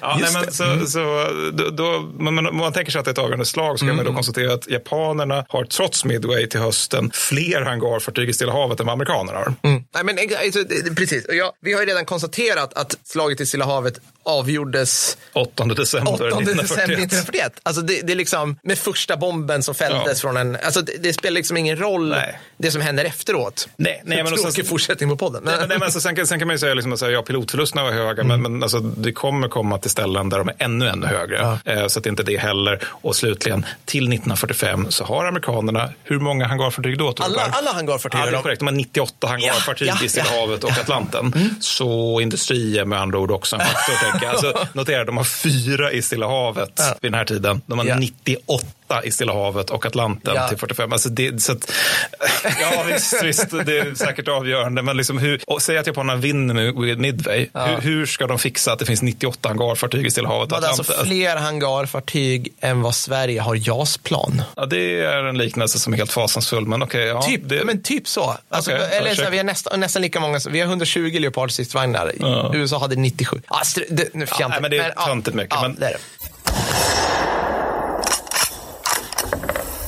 Men vi ska över till den extremt sexiga rubriken allierade ledningsstrukturer. För att den börjar nu bli, den bli relevant. Fredrik, klipp allting från tidsnummer. Fredrik kommer få göra jinglar efter de här. Då. För att alltså, MacArthur då, och de flesta civila anser att MacArthur borde vara den som bestämt tar kommandot över hela Stilla havs... eh, ja, såklart. Och. MacArthur säger att MacArthur anser att... Ja, det gör han. Det gör han. Precis. Sutherland eh, håller med. Ja. Och, och alltså, Willoughby säger Sieg Heil. Precis, missbedömer japansk styrka. Ja. Eh, nej, men så, och japanska, amerikanska flottan liksom fasar ju över tanken. Mm. Alltså King är helt jävla tokig över att det här skulle någonsin kunna ske. Så att man gör det enda rimliga. Man delar upp Stilla havet då i två operationsområden där er, ena he- heter SWPA. Vi kommer kalla dem Svappa i fram, framöver. Då. Så får jag höra Svappa ingen. Southwest Pacific Area. Och Svappa står för Southwest Pacific Area, så alltså sydvästra Stilla havsområdet. Då. Och sen POA, det vill säga, får jag höra POA-jingeln Fredrik? Pacific Ocean Areas. I'm not Pacific to be specific. POA är då Pacific, Pacific Ocean Area. Så, så det här är liksom separata och avundsjukt, bevak, avundsjukt bevakade Ja. operationsområden. Och det är bara Det är så amerikan- idiotiskt så att jag... Alltså det, det är bara amerikanerna som har råd att göra sånt här Ja, under andra ja. världskriget. Då. Och POA, det är framförallt, inte uteslutande, men framförallt marinkåren och flottan Mm. med inslag av armén. Och det är då under Nimitz, det vill säga också under King. Då. Här började Pacific.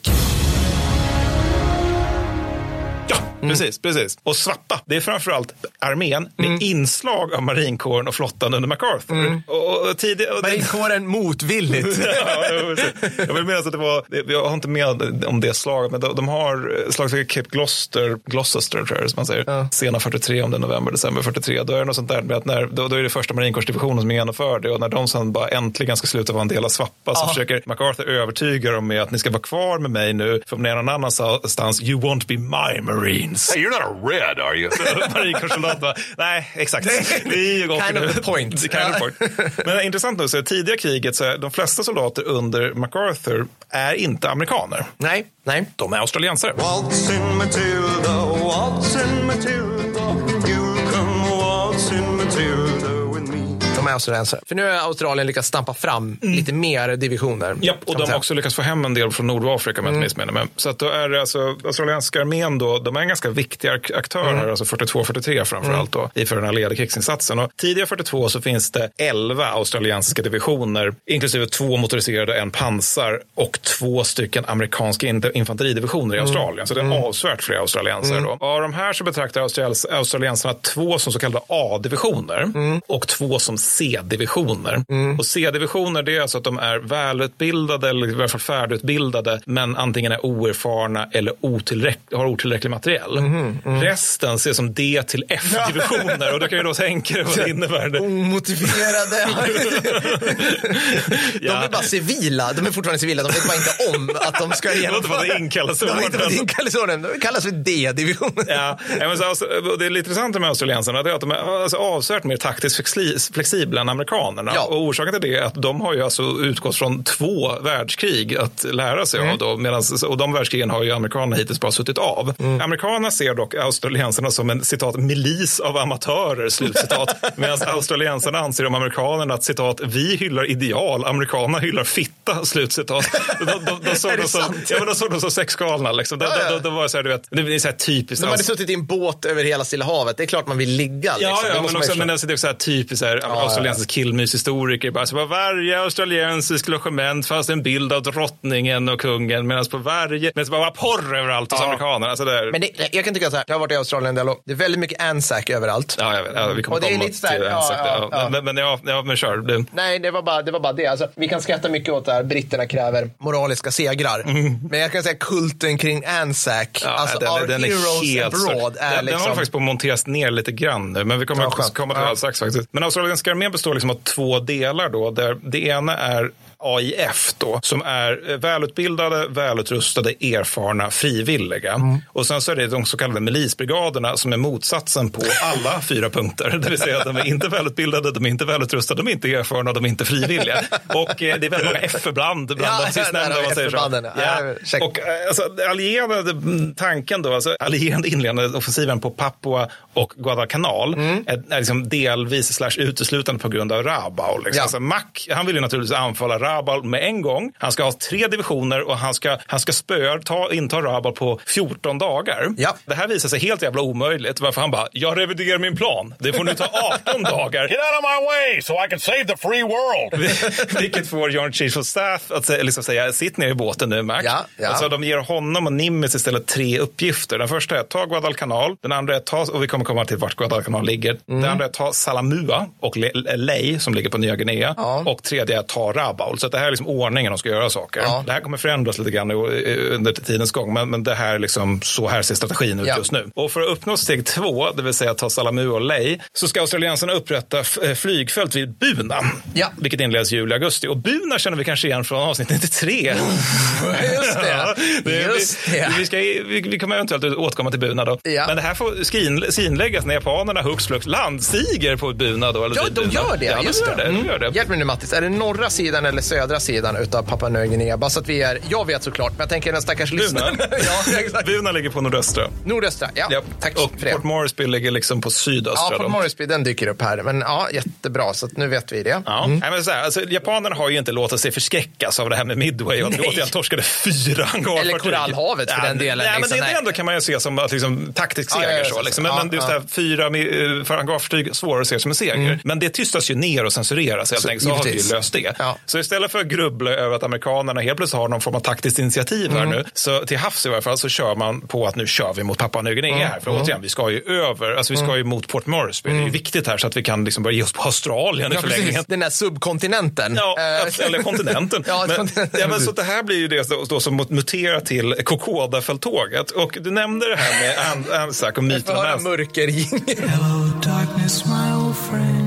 Heart of Darkness Alltså, över tid. we have seen nothing yet. Ja, men det är väl liksom, klipp in hela avsnitt, alltså andra, 93 världskrig, blir det väl. andra världskrigets värsta Slag. Ja. slag ja. Ja. Jo, nej, det, är, eh, det, det, det kommer bli ja. gräsligt där. Ja, Men, men, men samtidigt är det, du nämnde det här med Anzac-myten. Mm. Alltså, det, just Kokoda-fälttåget har i Australien på grund av Anzac-myten väldigt länge beskrivits som Thermopyle i djungeln. Det är liksom Mm. horder som, som, som möter liksom australiska lads Ja. som halvbeväpnade men har jättemycket jävlar anamma vilket Precis. trumfar att japanerna har bättre infanteriutbildning då. Ja. Och de här berättelserna har baserats på intervjuer med uråldriga australiensiska veteraner, varav, alltså, varav vilka en minoritet såg fienden. För att det är ju så extremt konstiga, eller det är bergsdjungel, man ser inte fienden. Mm. Nej. I själva verket, under Kokodafälttåget, så är australiensarna i regel fler än japanerna. Mm. Det här är någonting, alltså det kom ett, en, en bok ganska nyligen som handlar om det här och den har blivit så oerhört hatad i Australien för att den har utgått från japanska källor om japansk numerär. Nej, så får man inte att göra. Nej, men precis. Man körde tidigare då så Fritz, vi kan väl kalla, kalla för Fitzpatrick-modellen. Där vi återigen vi kollar, du där 97-årige farbror Ja. som inte minns vad dina barn är man på en heter. pub? Ja, vi- vi Hur många var japanerna? Jättemånga. Ah, Otroligt jättemånga. Nej, men för att i juli november 42 så har japanerna 16 000 17 000 man på Papua, varav 2 000 är bärare och 7 300 700 är stridande soldater, alltså Mm. någon, någon form av soldat som har strid som huvuduppgift. Australiensarna är tiden 60 712 på Mm. Papua och har en tredjedel av strid som, är 20, som, som huvuduppgift. Mm. På, på, på Kokoda då, som är ju bara en del av den här stora Mm. stridsskådeplatsen, så är det 4 660 japanska infanterister mot 9 000 australiensiska. Mm. Problem för australiensarna med hela den här ekvationen och problem för den här stora Kokoda-myten om att det var bara lads mot horders, Mm. horder, det är ju då att japanerna är vid den här tiden man för man bättre än Ja. alla andra, eller Ja. framförallt i varje fall under de, än de allierade, under här tidiga delen av kriget. Men andra krävs en numerär för att besegra dem. Mm. Och det japanska målet, som sagt, ta Port Moresby och strategiska punkter för att stå emot en kommande allierad motoffensiv. Och det här inkluderar Buna som de är tidiga med att ta. Så Buna, Kokoda och Milne ska bli flygfält som ska kunna stå emot hangarfartyg. Tanken, det. alltså, de pratar om att det ska bli liksom som en slags ej flytande hangarfartyg. För Ja. vid den här tiden har man någon konstig idé om att hangarfartyg kan aldrig besegra flygfält. Det visar sig inte stämma. Det visar sig inte stämma, men, det- men, ja, precis. men det tror man i alla Ja, fall. ja. Så att de landstiger i slutet av juli, rekar, tar förhör och mördar lite australiensiska krigsfångar samt framrycker. Och här kan också tilläggas att alltså, överhuvudtaget ingen australiensisk soldat som, eh, vid den här, som liksom hamnade i japanernas klor under det här fälttåget överlevde Nej. kriget. De, Nej. de mördas en masse helt enkelt. Så japanerna upp, upprättar vad de tycker är logistik då, vilket genom att de bygger en stig om cirka 100 kilometer och sen så slänger de in en massa bärare där som får bära grejer. Och en massa trattiga strider inleds eh, om Kokodas flygfält. Alltså australiensarna förlorade och så tar de tillbaka det en stund på grund av att en japansk bataljonschef är för full för att fixa försvar. Och därefter så drivs australiensarna bakåt och eller, alltså, Kokoda trailfälttåget inleds. Och Kokoda trail kan man sammanfatta som ett helvete i bergsdjungel. Ja. En rad strider på bataljon och kompaninivå utkämpas och de flesta av de här vinner japanerna faktiskt. Ja. Inte minst på grund av att de har med sig lätt artilleri. Ja, de släpar med sig lätt artilleri. Ja, de Var det det. du som drog i det avsnittet alltså så här, att man hade en så här galen uträkning på hur många bärare som krävdes för att få fram så här, typ en liter vatten? Nej, det var inte Ja, jag. men det var, fan, då läste jag det någonstans. Ja, men det, var, det var typ så här att det krävs fem bärare. Om du ska få liksom från, från liksom hamnen i Buna då, vad blir det? Nej. Mm. Ja. Buna, ja. Mm. Upp till Kokoda, liksom hela trailern. Då krävdes det så här tio bärare per stridande soldat och det skulle gå så här 100 liter. Vilket påminner mig om när jag var i Afghanistan, för då hörde jag något liknande. Att så här, för, för varje liter diesel som vi bränner så tog det 10 liter att få dit den. Ja, men det är klart det gör. Ja, ja, det var så jävla bra. Ja, men alltså, men det kan säkert stämma, men sen är det också det att den japanska logistiken i det här fältet består, och andra fält Mm. består till väldigt stor del av japanska soldater. Alltså vad 19-åriga värnpliktiga kan bära. Så Ja. japanerna har, alltså de har 30 kilos ryggsäckar på sig, Ja. Mm. varav 10 kilo består av ris. Eh, En japansk soldat beskrev, beskrev liksom hur det var att marschera genom den här, alltså, det, man säger ju trail, men det är liksom som en stig genom berg. Alltså, det, är liksom, det är ingen väg, det finns Nej, ingen. nej, alltså, det här är liksom huvudjägarna till vänster, Ja. kannibalerna är till höger. Alltså, Ja. det finns ingenting alltså, som de marscherar. Nej. Det var en soldat som beskrev det så här, det var så regnigt och lerigt att vi knappt kunde ta oss framåt. Några av de, de nya rekryterna började säga, jag kan inte gå längre, döda mig är ni snälla. Jag är tvungen att spöa upp dem och tvinga dem att gå. Slutcitat. Så att det är ungefär det som är på- förhållande för lag Japan. Australiensiska, nu ska vi se här, 53 bataljonen har till 7 augusti 39 stridsförluster. 37 personer evakuerade på grund av utmattning och 42 personer evakuerade på grund av sjukdom.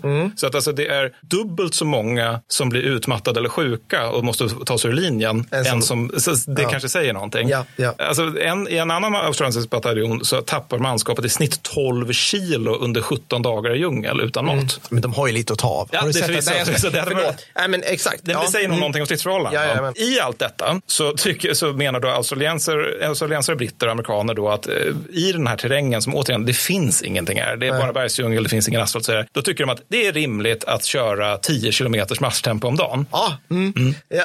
Japanerna kör 20. ja. Alltså, det är helt... Bagration. Det är den framryckningshastigheten i bergsdjungel till fots. Alltså jag fattar inte, gör de det här? Tjukov hade stridsvagnsarméer. Handsome devil. Det, det är väl ändå, eller vad är det något På ett fält. ja, men vad missar jag här? Och, det har jag liksom så här förklarat med att ja, men japanerna har liksom inte samma tooth to tail ratio, alltså att de inte har lika lång svans Ja, men, ah. och de har inte lika mycket liksom, behov av pool, alltså petrol oil lubrication. Mm. Så där, fine, men det är fortfarande det att de bär 30 kilo och de väger typ 32 berg. kilo. Ja, men, alltså, det, det, är så, hur, ja, ja, nej, men så det gör de. Med explosiv malaria. Alltså liksom, ja. Nej. Ja, nej, men, men sen så har vi ju det här här med då att, att japanerna då, de, de som sagt vinner ju de flesta av de här småstriderna på väg Mm, söderut över bergen. Men, men sen så drabbas de själva allt mer dysenteri, dysenteri ju längre söderut de går på Mm. grund av att de följer efter sjuka australiensare. För att alltså, alltså australiensare, en av deras många defekter är att de har ineffektiva fältlatiner. Ja, som bara svämmar över i regnen hela tiden. De har dålig sophantering och usel kroppslig hygien. Vilket en australiensisk officer avfärdade som a disgrace när han såg så här, någon kompani som har försökt. Alltså, det är så här luffarläger, det Ja, var ja. bajs överallt. Och det här blir typ så här australiensarnas hemliga vapen. För Ja. japaner blir bara sjukare och sjukare. Ja, men det är så, typ det. så liksom de lämnar sitt bajsläger. Japanerna kommer in och så får de så flugor i nyllen. och så Ja, bara-. Nej, men för det, det sjuka är att japanerna hade alltså en väl utbyggd immunologi, eller vad, vad är det heter, alltså medicin, sjuk, medicinsk Ja, sjukvård, ja, eller ja. alltså, vad är det heter, alltså immunologisk sjukvård, där- det är att de hade så här... Revmed? Ja, men jag vet nej, ingen men- aning, men alltså, de hade så här särskilda små grupper som höll på att hålla koll på vattnet, där det är rent eller inte. Jaha. Alltså, de, var en av de mest välvaccinerade arméerna i världen. Men nu kommer de i kontakt med kombinationen Papua Nya Guinea och lortiga australiensare. Det var hela offensiven kollapsar. Det är kört, det är kört. Och den stod... The lads! The lads, precis, deras bajsande. Men så att alltså, den stora krisen för japanerna sker dock först i mitten av september. För då Mm. faller det, nu ska vi se här, 400 millimeter regn på fyra dagar. Så det är jättemycket regn. 10 centimeter per dag faller eh, liksom bara rakt ner över dem då. Mm. Och det sköljer liksom bort viktiga broar och slår ut en bra bit av den japanska Ja, logistiken tillfälligt dock. Och till 24 september då så börjar japanerna retirera.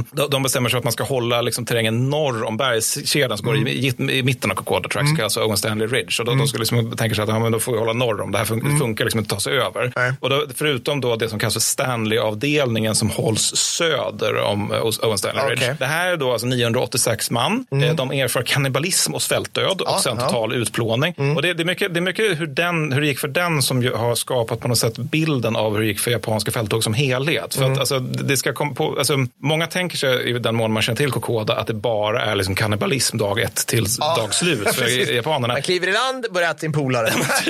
Ja, men, ja, precis, exakt så. Och krigsfångar. Nej, men, och, och, men det gäller egentligen bara den här avdelningen på 986 man. Resten, där är det så att de är sjuk- sjuka och hungriga, men det är inte den där katastrofen som det är för dem. Nej. För det där med storskalig äta människor-grejen, det kommer senare i kriget. Mm. Intressant nog på just Papua Nya Guinea.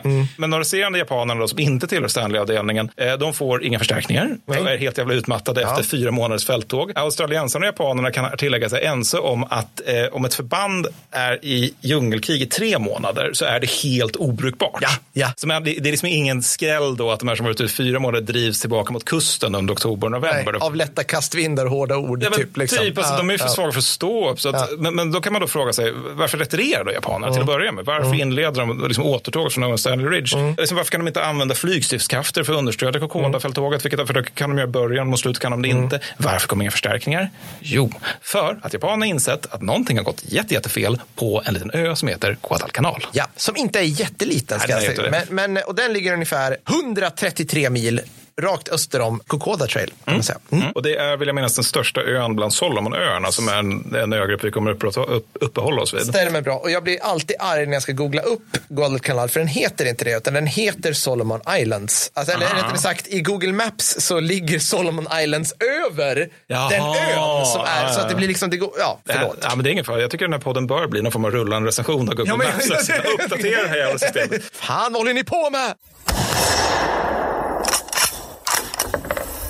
Varför har vi då en Guadalcanal, ett Guadalcanalfälttåg? Jo, Sanken kost. nej, men det är faktiskt för att King, då, alltså flott, marinchefen Mm. i USA, han, han har velat ha en motoffensiv länge i södra Mm. Stilla havet. Mm. Och eh, det, är liksom, det blir Guadalcanal när japanerna bygger ett flygfält där. Syftet är det här, med det hela det är liksom att Solomonöarna som, har det som helhet då för att säkra förbindelsen mellan Australien och USA. Mm. Och operationen kallas Watchtower. Och blir improviserat till tusen. På grund av att både japanerna och amerikanerna tror att den här motoffensiven kommer ske 1943. Varvid Mm. King säger nej, det blir tidigare. Vi skiter i det. Alltså, det, de, det är så improviserat att de som deltar i den kallar den inte Watchtower utan kallar den shoestring. För att det bara, vi tar lite lappat och lagat och lite allt Ja. möjligt. Och, och MacArthur är naturligtvis mot det hela på grund av att han inte leder det hela. The only candidate ready for the future is me. Den som istället får leda det hela det är eh, den som är chef för SOPAC. Mm. Eh, Så här, Southern, Southern Area, Southern Operations Operations Pacific Area Command tror jag det blir. Något sånt där. Det, det, Så det- kommer det också ha en jingle? Ja, Nej. ja, lägg in Sopak-gänget. Southern Operation Pacific Area Command. Det är alltså sö- söd, södra POA kan man säga. Södra POA, Eh, ja. Den som är chef där är en person Så som länge inte Svappa är någonting med saker. Nej, så det är inte. Zappa, det är Sopak nu. Så, ja, ja, tur. men- och den som leder här är då en person som heter Gormley. Han Mm. får mäktiga fem veckor på sig att planera det här. Vilket är lite, eftersom amerikaner är lite segare. Och Ja. dessutom så är det det här med att de ska liksom förflytta män och materiell över typ hela världen till en ö som är jättejobbig att åka till. För att det finns liksom ingen information om Guadalcanal. Mm. Nej. Alltså man har lite flygspaning, man utgår från en illustration i National Geographic. Alltså ja. sån här, du vet, vi har ritat vackert. Ja, ja. Titta, där, där är en vacker fågel. Titta, en flodhäst. Oj, varför, varför den här och inte i Afrika? Och sen så har man också så här, du vet, lite guiders minne. Man hittar det, det så är lite grann så här, here they be dragons Ja, ja, ja. i men mitten. alltså, så här, alltså, liksom. man, man, man skrämmer fram någon, så här, någon, någon botanist som har varit där och tittat på det. Vad minns du om det här? Och, allt det här sammanställt i en jättestor och fin karta som inte har någon som helst överensstämmelse med, med eh, Verkligheten. Nej, nej. Och den slarvas sen bort i ett förråd i Auckland Ja, på Nya Zeeland. Förstås då. Några som också får visa framfötterna det är Seabees. Alltså- ja, just det. Just det. Mm. Obesjungna hjältar i det här, Ja, ska man ja. säga. Mm. ingenjörerna då, som ska göra saker. Det är de och ett eh, kompani afroamerikanska soldater får inför Watchtower hugga ut en, ska vi se, en, vad fasen blir det här? 1800 meter långt flygfält då, som ska Mm. kunna användas som bombplan. Och de, de, de ska göra det här på en ö som heter Espirito Santo. Espirito Santo. Det ska ske på en månad. Espirito Santo består av djungel, tät Mm. sådan, och. Mm. typ apor och kannibaler. De här jävlarna jobbar dygnet runt med strålkastare på och väl färdiga så kan planen fortfarande bara tankas för hand. För att Ja. det, är liksom, det här måste ske snabbt. Vi Ja, måste bara ha liksom en, en ränna i djungeln. Så. Och alla som har byggt flygfältet har då malaria. Ja, ja. Det här kommer vara tema. Malaria kommer Ja, gå malaria. Lägg in malaria-jingeln över tid. Var ligger den här ön? Får jag fråga det? Ligger den långt ifrån Nej, den, den ligger tillräckligt nära för att man ska kunna ha bombplan på den. Ah, få- Den är okej. inte jätteviktig, sen behöver kolla upp. Men, Okej. Mm. men så under tiden har vi då marinkåren som dras ihop från, från halva världen då, och för stor del hamnar på Nya Zeeland. Där har vi nästa problem, för nya zeeländska hamnarbetarna de är militanta som fan. Ja. De, ja, ja, de har alltid en minut ifrån strejk. Ja. De tar te både på förmiddagen och eftermiddagen och därmed rök, äh, däremellan rökpauser Ja. naturligtvis. Så marinkåren tittar på det här och bara, vi får väl lösta våra fartyg själva. Liksom, vad ska jag göra? Och det, de, de har det som sina ransoner, så här kartonglådor som de ligger liksom och regnar bort på kajen. Alltså, det, här är inte, det här är inte den här liksom VM i logistikgrejen vi kommer ha i slutet av kriget. Utan det, det börjar med lite mer anspråkslösa mått. Så. Ja. Och landkriget på, på Guadalcanal ska utkämpas av första marinkårsdivisionen. Mm. Hoha. Ja, mm. Ja, och det är ju liksom de som är i Pacific. Det är ju huvudpersonen. För, eh, man kan inte säga att divisionen är Pacific, Pacifics huvudperson.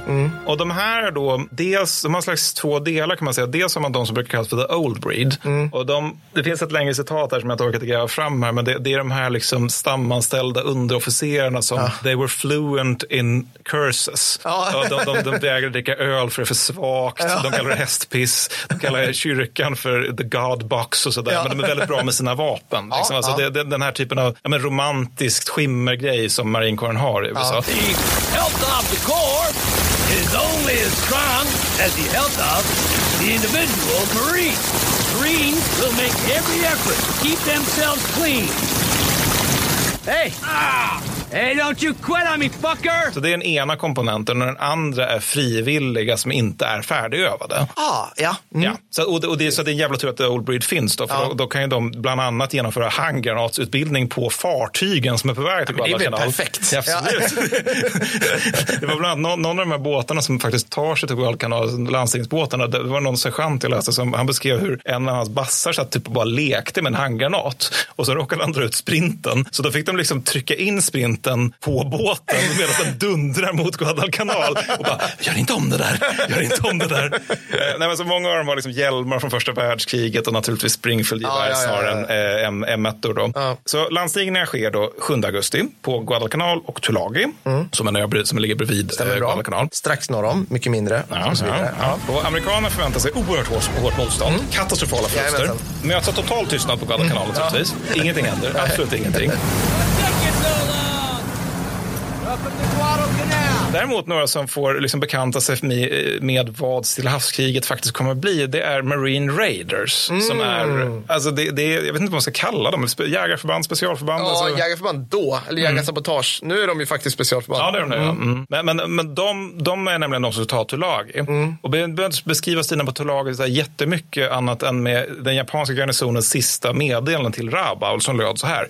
Fienden har landstigit med överväldigande styrka. Vi kommer hålla våra ställningar till döden och be för evig seger. You bring great honor to your family name. Ja. Slutcitat. Så att där, där fick Raiders liksom en så här lite försmak på vad det här kommer vara för typ av krig. Men det, det var inte så att de landsteg så här åttamannapatruller, utan de, de liksom... Nej, nej, nej. Det här är, liksom, det, det, det är en bataljon. Ja, ja, ja, alltså det, ja. det, det är en det är stö, större förbandsmassa. Mm. Så. Så på Guadalcanal däremot så intar man Cactus Airfield utan egentligt motstånd. Så. Mm. Marinkårssoldaterna driver runt, äter kokosnötter och kvarlämnade japanska garnisoner. Och det, många av dem tycker att så här, att det är lite konstigt, vad är japaner? Alltså, vi- för de hittar liksom så här, ja, men du vet, alltså, ris med ätpinnar i.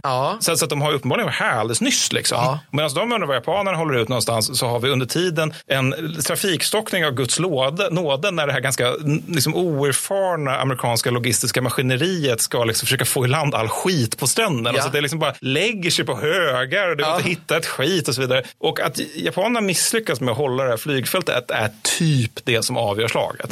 Men de försöker inte ens hålla det. Nej, det bara går sin väg. Alltså det, det, det fanns inte så mycket riktiga soldater där och det var mycket så här, vet, vag flygpersonal som bara springer ut i djungeln. Och Ah. Ja, så där. ja. För grejen är att japanerna fattar inte vad som, vad som har hänt. Nej. Alltså, det är först nu som japanska flottan berättar för japanska armén att de har ett flygfält på ön. Ah, ja just det. Apropå det här kända samarbetet som vi... Ja, ja. Det, nu avslöjar de det. Ja.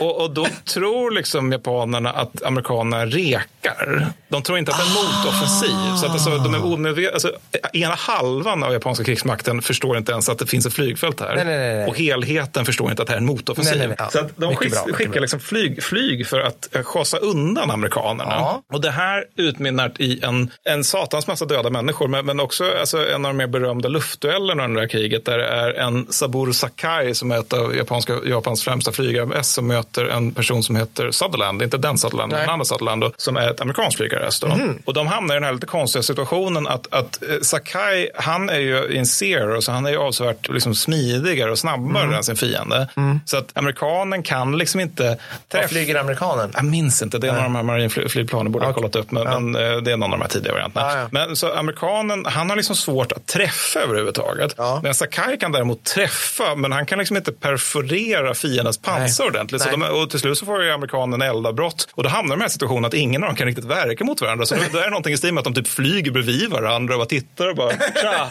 tja. Och sen, och sen när Sakai lyckas, jag får att det är typ att han lyckas få in några träffar med Akan som faktiskt får Sutherland Ja. att, att, att flyga i spat. Och han, han är överlever för att Sutherland är för att dör i någon flygolycka efter kriget. Ja, okej. Sakai själv däremot, han får en 12-7 samma dag rakt genom flygcockpit, leder till liksom glassplitter över hela jävla ansiktet. Såklart. Ögat för- försvinner iväg ut i luften. Alltså det, han bara blöder och blöder och Ja. blöder. Han flyger hela vägen tillbaka till Rabaul. Såklart. Och när han landat, då bara, nu kan jag svimma. överlever också kriget mot alla odds Helt faktiskt. sjukt. Sa Ja. till sin dotter att hon skulle lära sig eh, och flytta till USA och lära sig engelska och demokrati efter kriget. Ja. Så att, ja. Men i alla fall, en amerikansk fördel är att de har någonting som kallas för Coast Watchers. Mm. De, de, jag kommer inte prata jättemycket om dem, men, men de är ändå viktiga att känna till för att det är, det är liksom dels kvarglömda brittiska officerare, dels också så här faktisk australiensisk På organisation. Guadalcanal? Uh, ja, ja, alltså Ja. Guadalcanal och ända upp till Bougainville som är liksom den ö i Solomonöarna som ligger längst åt nordväst. Just det. Mm. Och de, de här, liksom, delvis är de faktiskt det är en, liksom en faktisk australiensisk organisation, delvis är det lite ad hoc med så brittiska Mm. excentriska hjältemän som har Ja. hittat fredag, torsdag och Ja, kycklingegottsstammen. Har Liksom. sju hustrur som köpte för tre glaspärlor. Ja, ja, absolut. Ja. Nej, men de är hövdingar. Kurre, kurre, dötterön. Men, men för de här, de, de ger hela tiden rapporter om vad japanerna för sig. De sitter, som sitter bokstavligt talat på kusterna och med radio och berättar att där kommer japanskt flyg, där kommer amerikanska flottstridskrafter så vidare. Men vi ska nog över till det första sjöslaget under Guadalcanal-förtåget. Ja. För att amerikanerna håller på att etablera sig här då. Och då så händer Ad någon... hoc, lite hit och dit. Lite hisan disan Ja, sådär. ja. Och då när de liksom håller på med det, de går ju i land 7 augusti som sagt och då 8 till 9 augusti, natten där, där är det helt plötsligt fem japanska tunga kryssare, två lätta kryssare och en jagare som smyger sig på amerikanerna. Mm. Vilket är det sjukaste jag hört talas om. Jag fattar inte att man kan smyga någonstans med en tung Men kryssare. det, här, det som händer nu Mm. är ju alla amfibieoperationers värsta mardröm. Ja, det är det. Det är det i högsta grad. Att, att du är utlämnad på din, på din stålburk flytandes utanför en strand, liggande stilla oftast då. Och så kommer fienden i natten och är kompetent Och du har i en transportflotta här. Ja, som du ska skydda eller i värsta fall är du på en av de här. ja. Mm. För grejen är att amerikanerna ser ju sjöstrid som någonting som man utkämpar under kontorstid. Jajamensan. Med eldrör. Det, det är så vi gör. Ja. Japanerna ser natten som en tid för fullskaliga sjöslag med torpeder. Ja, amerikanerna har radar, men de fattar typ inte hur den funkar. Plus Nej. att själva ön Savo, som heter slagit sitt lam- namn, slaget vid, slaget vid Sava Island, liksom, det ställer till det för radarn. Det är typ att den skymmer de japanska båtarna för, med stora pangar, för, eller stora torpeder snarare, för, för radarn. Då. Och japanerna då, de tycker ju att det här med radar är fett tråkigt. Så att de kör istället med utkiker och optik, det vill säga Ja. jättestora kikare. Ja, Mot all förmodan så fungerar det här. För att de lyckas alltså ta sig nära sex amerikanska tunga kryssare, två lätta kryssare och 15 jagare utan att någon märker det egentligen. Nej. Sen ständer de alla sina strålkastare samtidigt och på 40 minuter så lyckas de japanerna sen sänka fyra tunga kryssare och skada en tung kryssare plus två jagare. På 40 Alltså, minuter. Väldigt, väldigt bra. Ja. Genom att eldleda med strålkastare och kikare. Ja. bara, Yes, mm. absolut. Det här är ju så här kniv, knivslagsmålsavstånd. Ja, det är det. det, är det. är det. Och, och det är alltså också, de, de, deras förluster är dessutom helt försumbara. För de, de har liksom två skadade tunga kryssare och en skadad lättkryssare. Det, det, är liksom, det, det är ingen fara. Nej. Alltså, ett till ett förhållande i industrikrig mot USA är inte bra. Nej. För då kommer USA utproducera det. Men om det är så här, vi har tre skadade och de har fyra sänkta. Det, det är lite värre.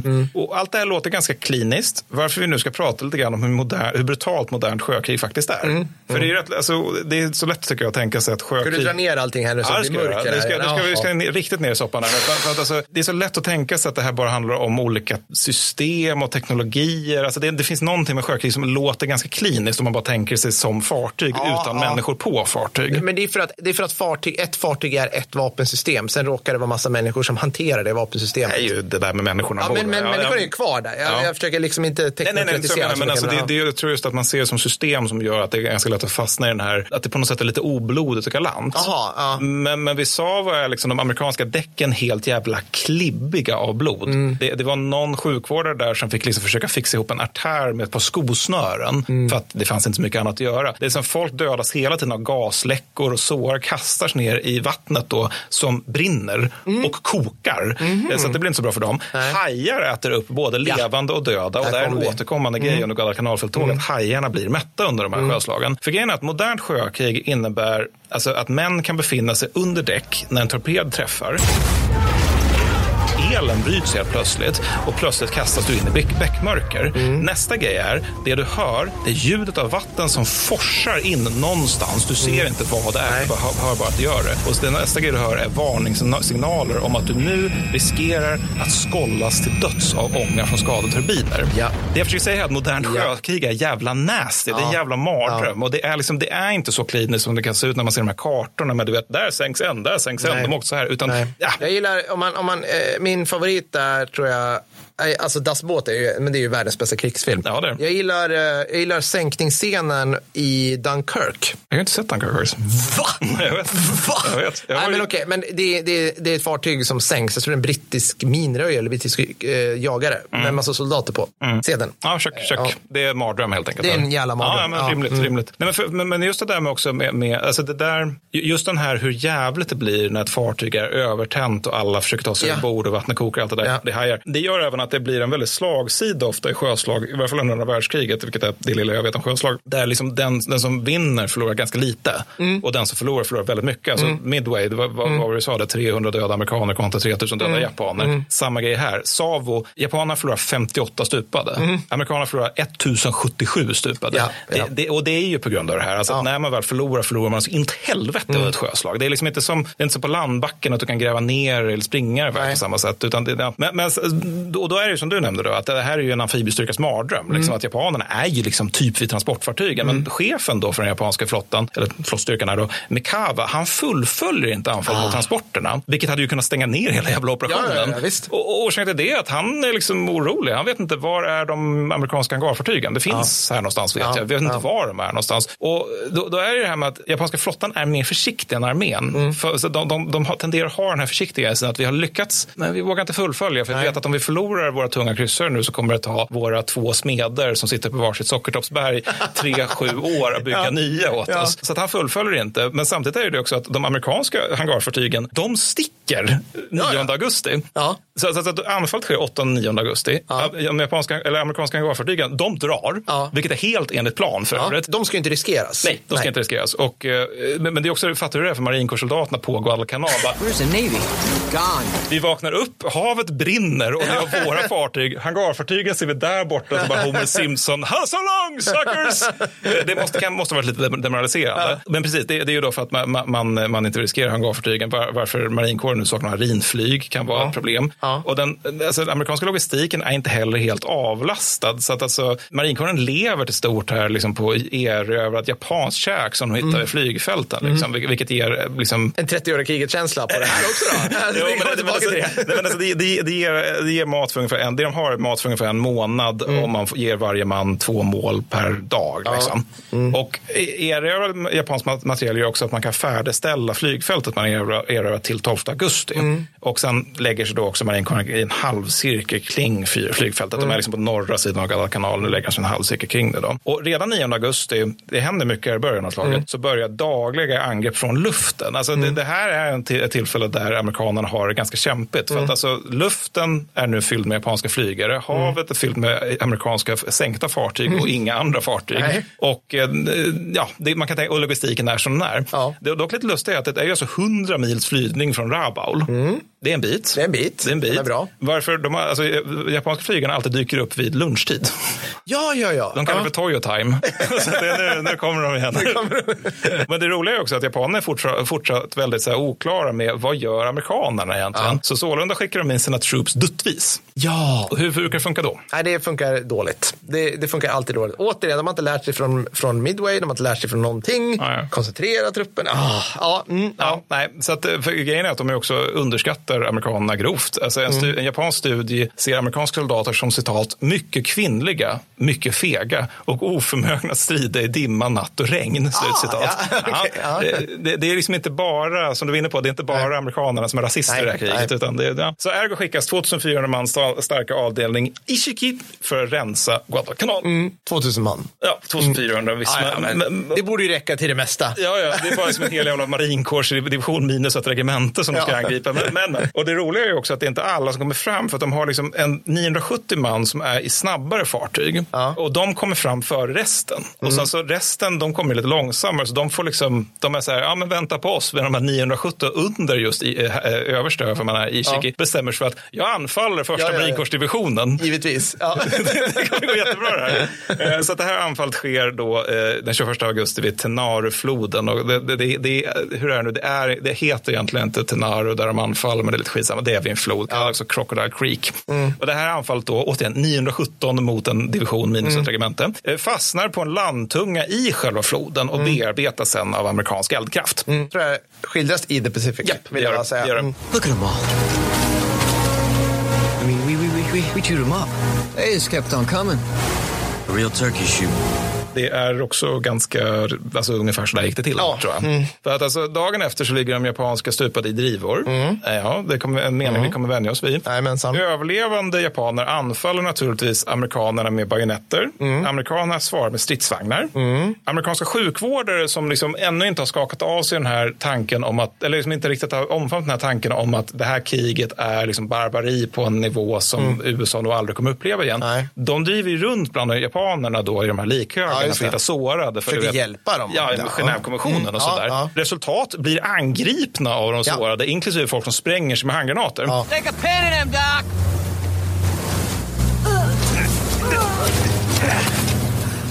No hiccup! Fucking yellow monkey! Det här gör ju då marinkårssoldaterna liksom lite mindre benägna hans försök att ta krigsfångar. Mm. Och det är en trend vi kommer se fortsätta. Då. Totalis då för Tenaru så har vi då 813 stupade japaner, eh, 14 krigsfångar. En ratio som inte ska se ut så. Nej, kan vi också vänja oss med i resten av det här Ja, det kriget. kan vi absolut Ja. Och vi har 109 amerikanska förluster. Så att det är 1 till 8 förhållande i förlusterna då för lag USAs del. Det här gör att den idén om den japanska supersoldaten får sig en ganska allvarlig törn. För Ja. att det, som sagt, de var fruktade i armén. Armén, äh, japanska armén. Men alltså, det räcker med de här ganska små framgångarna för att amerikanerna ska få lite råg i ryggen. För det här är bara ett slag. Jag, jag menar, sånt här sprider sig med blixtens hastighet trots vägen. Ja. Alltså, ja, vet du vad som hände? Vi dör, jaha, ja, men säkert också, vidare. När det är så förkrossande. Alltså, mm. Bilderna härifrån ser inte kloka ut. Det är liksom mattor av mm. lik. Mm. Alltså, när är, man vinner en sån dunderseger mot en fiende som man tidigare fruktat. Ja. Det, det, det, är ju liksom, det förstärker ju. Tänk vad man... konstigt att det inte gick att springa mot kulsprutor det här kriget heller. just det, just det. Oh. Försöker om och om, om igen. Om men igen. snart i en by nära Donbass. Ja, Ryssar som springer med skridsprutor. um, jag tänker att för att förklara det här med varför de torskar så stort vid Tenaro, mm. så tänker jag att man lite snabbt skulle kunna diskutera det här med, med japanska arméns nackdelar. You have insulted me in my own garden. Now you will have to deal with me personally. det finns några sådana. Det finns nog bara sådana. Jag har varit inne på fördelarna. Mm. Eh, nackdelarna skulle man kunna sammanfatta, sammanfatta som en distinkt asymmetri i eldkraft. Mm. Det är korrekt. Ja. Alltså en japansk skyttegrupp är 13 man mm. med en lätt kulspruta. Mm. En amerikansk skyttegrupp är 9 man med mm. en bar och en grenadjär som är en snubbe med gevärsgranater. Mm. Mm. Redan här så har vi då alltså att amerikanerna har mer eldkraft på grund av grenadjären. Om vi går upp till plutonsnivå då så har vi i det japanska fallet tre grupper plus en knä granatkastargrupp. Mm, ära. Mm. Med tre, med tre knägranatkastare. Ja, ja. ja. Den amerikanska plutonen har tre grupper plus en bargrupp med tre bars. Så vi är här, redan här uppe i sex bars. Så vi är redan här uppe i sex lätta kulsprutor. Mm. Och, men alla lätta kulsprutor är magasins Mm. Just det. Och jag, tro, jag, skulle vilja tro att de japanska har större trummagasin än baren. Det har de, men sen kommer vi upp på kompaninivå och mm. på bataljonsnivå. Och där börjar de medeltunga bandmatade kulsprutorna faktiskt dyka upp för lag, USAs del. Där börjar liksom allt tyngre granatkastare dyka upp. Mm. Och liksom för varje jävla steg uppåt i organisationen så blir den amerikanska eldkraften starkare än den japanska. Mm. Den ökar exponentiellt medan mm. den japanska bara lägger till kanske ett vapensystem ja, eller något sånt där. Liksom. Om man har tur. Och ja. det här är ju de lätta divisionerna. Mm. Det här är ju inte de här tunga som Nej. ska vara i Manchuriet och ha pansarvärn och sådär. Alltså grejen är att japanerna har ju också, också naturligtvis artilleri och GRK, ja. men de liksom är färre och klenare. Och det vi ska komma också ihåg är att det här är liksom hösten 42. Mm. När vi kommer till hösten 44, då är det inte en bar Nej, per skyttegrupp. Då är de tre bar ja. per skyttegrupp. Så att alltså liksom, det blir mer ju högre upp mm. och ju mer ju längre fram i kriget mm. man kommer. Jag tror till och med, jag ska inte svära, har, nu, det här grundar jag helt och hållet på The Pacific, men har inte marinkåren på plutonsnivå, de här vattensylda. Jag tror kompaninivå. Är, är det också kompaninivå? Jag tror det är kompaninivå. Ja, okay. Jag ska inte mm. svära Nej, men du, jag, jag tror du har rätt. Jag tror du har rätt i så fall. Det är det. Ja. Men, men nackdel två är ju faktiskt också det här med den japanska kampandan. Ja. För att de kommer slåss mot omöjliga odds. Det är inte definitionsmässigt bra. Nej.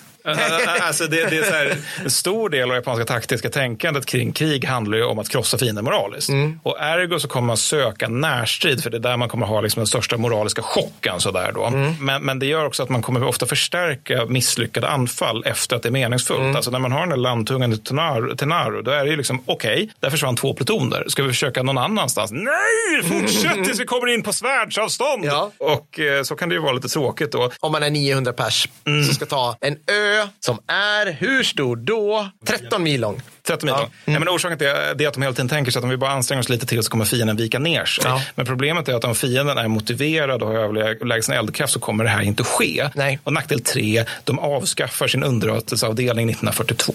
Ja, för, för den behövs inte det? längre. det, är, det, det, är liksom armén som gör det, men flottan de har en, men den insamlar snarare än analyserar information.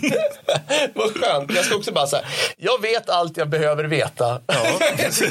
När jag fyller 40, då ska jag sluta lära mig saker. Ja, ja absolut. absolut. Men, men det, det här leder som en slags japansk paradox. För det är liksom att japanska armén är en utpräglad anfallsorganisation ja. vars styrkor lämpar sig bättre för försvar mm. och vars svagheter gör den olämplig för anfall. Särskilt mot faktiska amerikanska förband. Det låter som en väldigt klok analys där. Tycker Tack, jag, jag kom faktiskt på den själv. Ja, det... Snygg. Ja, precis. Du låter som en krigsvetare, Mattis. Ja. Och det, men på det bra sättet. För, mm, tack så mycket. Bara ta en snus. Eh, men med det sagt, vi ska fortsätta på Guadalcanal. Det här är mest komplexa slaget vi går igenom, men det är också förmodligen det viktigaste slaget under det tidiga Stilla havskriget. För det är ju lite dynamiskt. Det är väldigt dynamiskt. Ja. Det, det här, skillnaden från senare slag är att båda sidor anfaller. Senare slag är att amerikanerna anfaller. Japanerna är ganska lätt att beskriva. De håller i sina värn tills de dör. Det, det är lättare att beskriva det. Det skulle vara kul om Fredrik bara, han bara, alltså så här, från Pelelu till Iwo Jima, så här exakt det som händer. Ja. Borde bara kunna, Fredrik borde bara kunna klippa ihop samma och så byter han ut namnet. Och då går vi sen över till Iwo Jima.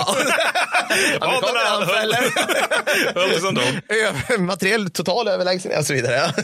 Men alltså, grejen är att de japanska problemen bara fortsätter. För nu har de problem med luften också. Alltså Rabaul, det är så långt borta att bara liksom resan till Guadalcanal är utmattande. Alltså piloterna riskerar att liksom störta för att de är trötta. För att återigen, det är en ganska lång flygning. Och avstånd och generell japansk inställning gör även att japanska oersättliga piloter som kraschar nästan aldrig räddas. Nej. Nej. för de är ju så långt bort liksom. Ja, men också att det är hederlöst att räddas. Ja, man, man, man har liksom inte inte ut det här ordentligt med sjöräddning. Medan amerikanska piloter som störtar, de, de, de räddas nästan alltid. Ja. Dessutom gillar, ogillar japanska piloter fallskärmar på grund av vanära.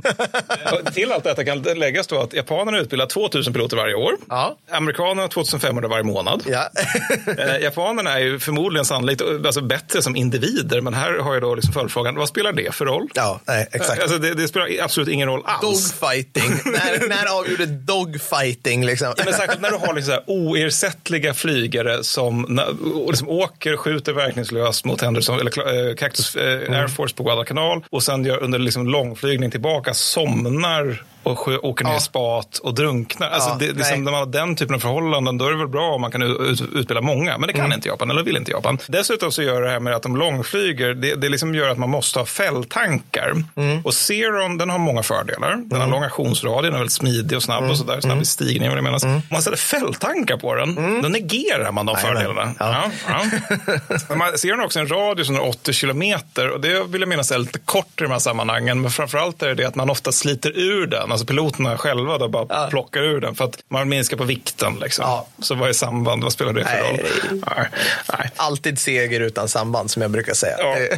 Däremot det japanska flygfältet som döps till Henderson Airfield då, efter en person, krigshjälte för, som dog vid Midway. Då, Ja. eh, Det är ju operativt från och med 20 augusti och de har inte de här problemen. För att de, de, de åker upp i luften, skjuter och åker ner. Alltså det, De behöver inte åka, vad sa jag, 100 mil. Liksom. Och eftersom japanerna kontrollerar luf- luften under lunchtid och på natten så kan amerikanerna föra in en rännil av förråd under resten av dygnet. Omvänt så gör det här att japanerna bara kan sätta in infanteri på ön under natten. Och det här, det här, liksom, det här, är, så pass, det här är så pass snyggt liksom, att när, vem, vem, vem är det som styr och ställer i luften och på vattnet att liksom, marinkåren är övertygad om att det här är något avtal mellan IN och USN. Liksom, att de måste ha kommit överens om att vi, ska, vi kommer överens om att vi slåss inte med varandra. Nej. Eh, så man gör, liksom man gör eh, en rad ömsesidiga försök till förstärkningar av ön, vilket leder till en rad sjöslag. Vi- Alltså, vi, har, vi kommer inte gå igenom alla de Nej. jävlarna, men det är svinmånga sjöslag. USS Enterprise och Saratoga skadas av japanska ubåtar under de här. USS Wasp sänks, alla de här tre hangarfartyg. Det här innebär att USS Hornet är amerikanernas enda hangarfartyg i södra Stilla havet. Ja. Lite Ja. olyckligt. Sålunda bestämde Gor- Gormley, alltså Sopac-chefen, att fartyg ska hålla sig borta från ön för att det är ju läskigt där. Ja. Vilket är Syftet med fartyg är...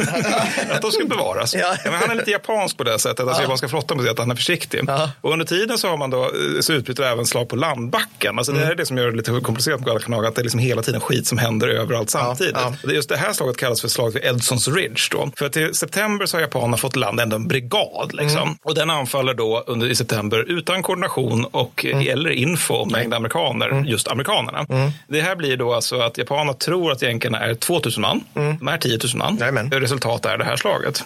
Och det här, det här inbegriper ju liksom det vanliga härliga japanska stormanfall och goda amerikanska skottfält. Ja, ja. dålig kombo. Det inbegriper även en japansk soldat som krälar slash anfaller med inälvorna släpande efter sig. Och Ja. den amerikanska soldat som såg det här kände att inget kul att slåss mot de här längre. Nej, nej, alltså att de är var läskiga att Ja, slåss mot ja. helt enkelt. Ja, för de gör väl, är det redan i det här kriget som de liksom infiltrerar på natten? Eller, ja. älskar att slåss på Eller, natten. I den här delen av kriget menar jag. Ja. Mm, jo, men, ja, men det är jättemycket. Alltså, det, de, alltså, amerik- japanerna är otäcka att slåss mot, inte bara för att de är brutala, utan även just för att de gillar nattstid så pass Mm. mycket. De tenderar också att ta sig ganska nära fienden. Alltså, de gör inte det lika effektivt som de brukar vid Edsons Ridge. Här, för att det, alltså, marinkårssoldaterna har skottfältsröjd så pass mycket att de, de kan inte riktigt göra det. Mm. Nej. Men, alltså, på Kokoda till exempel, då är de liksom bara meter ifrån australiensiska ställningar och ligger och lobbar handgranater och skriker saker åt dem sådär, bara för att skrämma upp dem egentligen. Eh, och det är också läst någon skildring av det här med hur, hur liksom anfallet föregås av att alla skogens djur springer ut ur djungeln. Vilket känns väldigt mycket Disney-film. Ja, ja, jag vet inte om det stämmer. Men, det, men grejen är alltså att amerikanerna på Helsons Ridge, de, de är alltså ganska nära att förgöras. Men så sker inte på grund av att det är liksom en japansk regemente som bara tappar bort sig i skogen. Så att de kan liksom inte sättas in när de ska sättas in. Men, men det är alltså, vi har hela kompanier amerikaner som flyr och måste sparkas tillbaka i linjen. Så det, är liksom rätt tajt. Men det är samtidigt så att när alltihopa är färdigt så har liksom amerikanerna tappat 260 man och japanerna 1200 man. För, för att liksom, när de inte lyckas förgöra dem då hamnar de i det där att de bara springer på tills alla är döda. Eh, och det här är eventuellt japanernas sista chans att vinna överhuvudtaget. Mm. För marinkåren är vid den här tiden i september extremt dåligt skick. Mm. Alla har malaria och alla andra vidriga djungelsjukdomar. Alltid har alla malaria. Det är alltid det som vi kommer tillbaka till. tidiga i Sopax. Ja, så. ja. Nej, men så, så att liksom per tusen man så finns det 1781 fall av malaria. Det är alltså inte felsägning. Nej. Man har liksom flera former av malaria för säkerhets skull. Alltså, dysenteri är vid det här laget så pass va- vanligt att fast avföring leder till jubel eftersom många marinkårssoldater bajsar 20 gånger per dag. Alltså de bara står i sina värld och ja, så, så härligt är det. Ja, det är också vanligt att man bär, alltså japanerna har en slags höftskynken under uniformsbyxorna och det är ganska vanligt att, att eh, marinkårssoldaterna ditchar sina uniformsbyxor för att de har, liksom, de har förintats av jungle rot. Ja, just det. Så att får de det. köra höftskynken istället då. Men det är ju problemet att deras ben nu förintas av jungle rot. Alltså det är Ja. bara så här täckt med olika äckliga Ja, som sagt, ja. dåligt skick. De är också mycket avmagrade för att som sagt har de lite svårt med logistiken i den här Mm. tiden av kriget. De liksom upplever nästan det som japanerna upplever, men bara nästan. De kan ju inte behålla vätska om de skiter så mycket heller. Det är också en nackdel. Alltså, oh, Nej, men så att de tappar i snitt 15 kilo under fälttåget Mm. och eh, de bor i ett slags luffarläger kring, eh, f- kring flygfältet då, som, Mm. som, som eh, anses vara en skandal när högre officerare är officerare.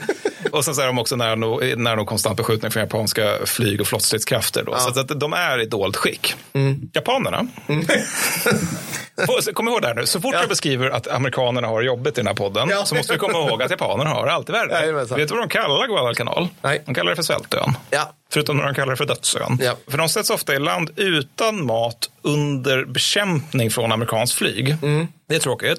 De får ofta order om att de ska livnära sig av det djungeln har att erbjuda. Just det. Ja. Vad har djungeln då att erbjuda? Ja, Matte? alltså det, det är ju en öken i alla praktiska Ja, hänseenden. det är ju det. Det är ju ingen Disney-film. Liksom, så det, det, det är inte som inget- Baloo som bara plockar ner bananer där och ananas där. Du, du, du, du. Var nöjd med livet som vi alla lever här. Bland träd och bär. Vi lever här.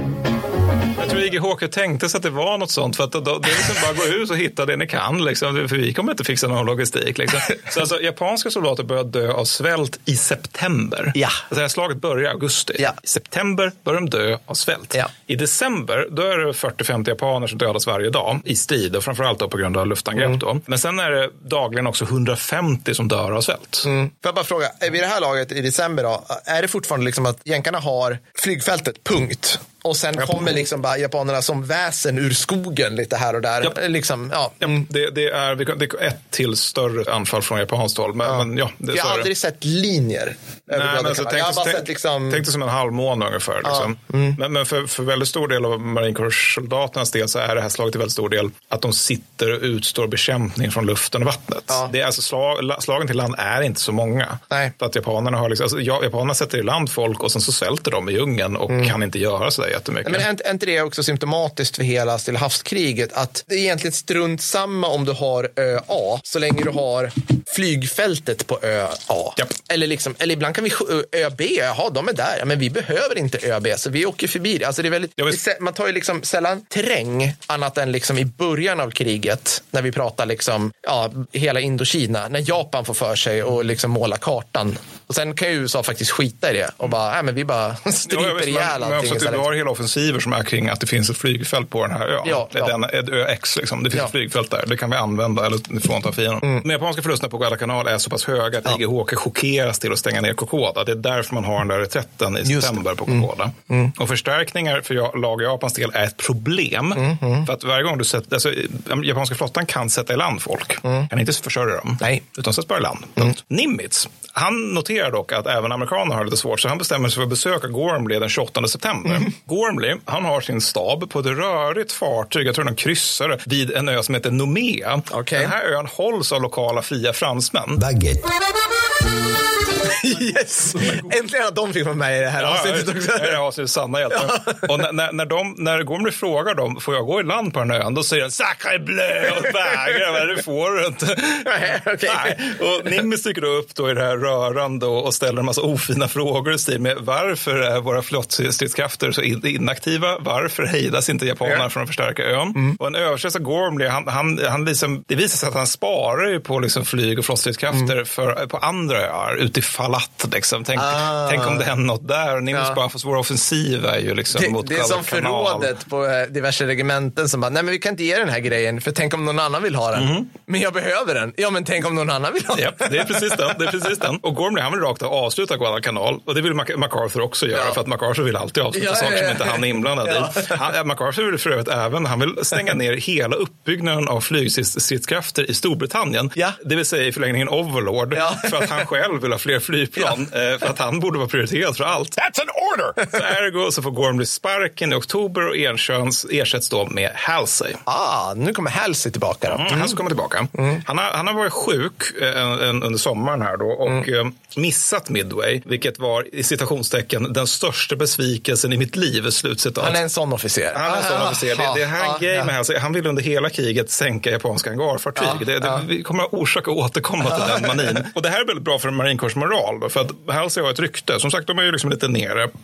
På grund av 1700 fall av malaria på 1000 pers. Liksom, Ja. och 1000 där som är lite nere. Men Halsey, han är ju krigshjälte redan nu. Trots på grund av Trots på grund av. Ja, men, det är bra. Ja, men, det är väldigt oklara rövartåg. Liksom, så att det är Halsey är här. Så det är liksom två marinkårssoldater som nästan hamnar i slagsmål för att den ene menar att Halsey, alltså på hans närvaro motsvarar två slagskepp i stridsvärde. Wow. Mm. Ja, Den andra menar att det är två slagskepp och tre hangarfartyg. Ah, ja, det är enskilda personer och allt det där.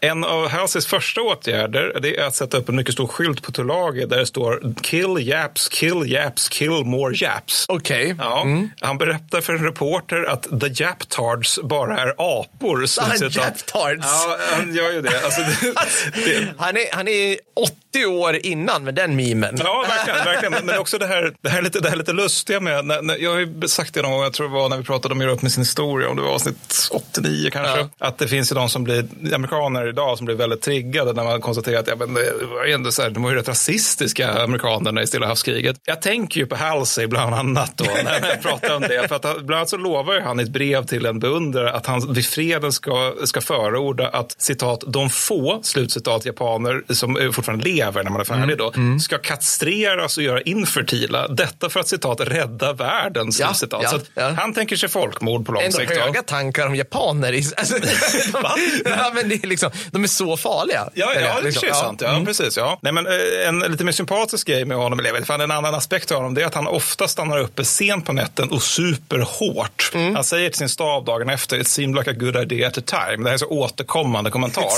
Han är alltså alkis. Ja, alltså, i dagens mått skulle man nog Ja. säga det, ja. Jag vet inte om folk kunde vara det på 40-talet. Nej. Alltså, det känns som att på 40-talet var det så att om du kan ha ett jobb, då är du inte alkoholist oavsett hur Nej. mycket du dricker. Om du sitter på en parkbänk och inte kan ha ett jobb, då är du alkoholist. Ja, att det det fanns var en lite liberalare kemiska- syn på, Ja, på missbruk. eller ja, ja, ja, eller vad är ja. missbruk?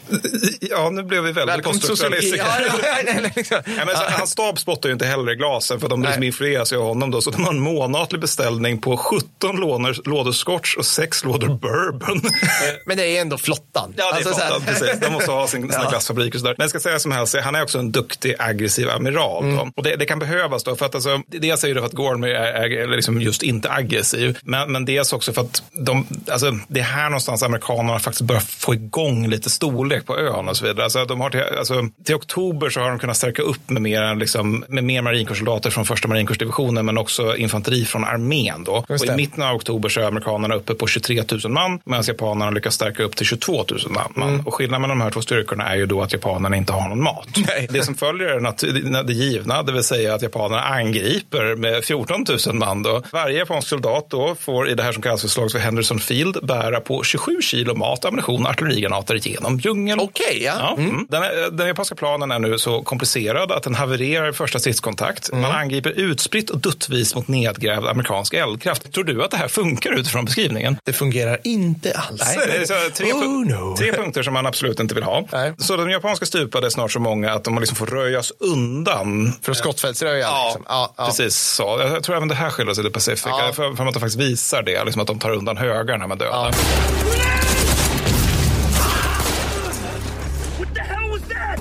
Now you got a Clearfield 5. Clearfield point. Evans, stay here. Hold this position.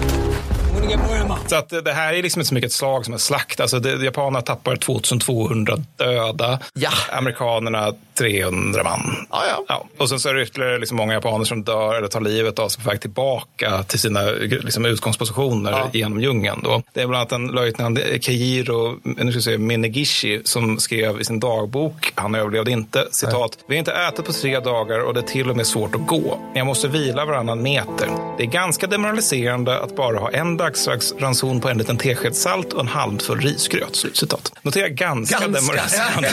Ja, ja, så, så kan det vara. Stridsvärd är ändå trea. Alltså, så- ja, men alltså, det, det, det, det är historiskt får man säga. Han, jag vill minnas att han svalt ihjäl. Och det här anfallet mot Henderson Field då, som återigen bara egentligen Mm. en väl organiserad, eller illa organiserad massaker. Det är en del av något japanerna kallar för Operation X.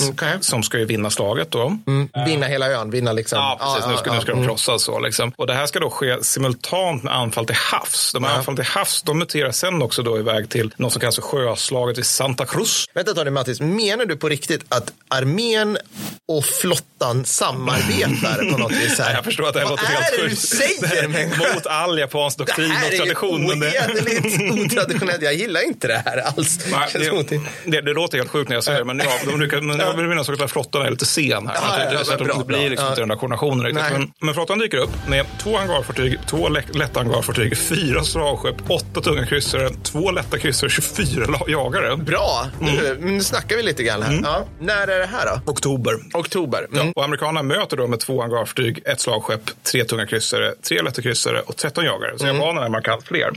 Och ett av de amerikanska eh, eh, hangarfartygen är Enterprise. Och det skulle egentligen lagras borta i Pearl Harbor, för det är skadat tidigare under de här slagen. Men det amerikanska hangarfartygsunderskottet är nu så kritiskt att man får typ epa-laga henne på vägen mot Guadalcanal. Det är liksom så här typ att de har stora plankor. Ja, jag Jag tänkte- säga, det lite silvertejp fixar det mesta. Liksom.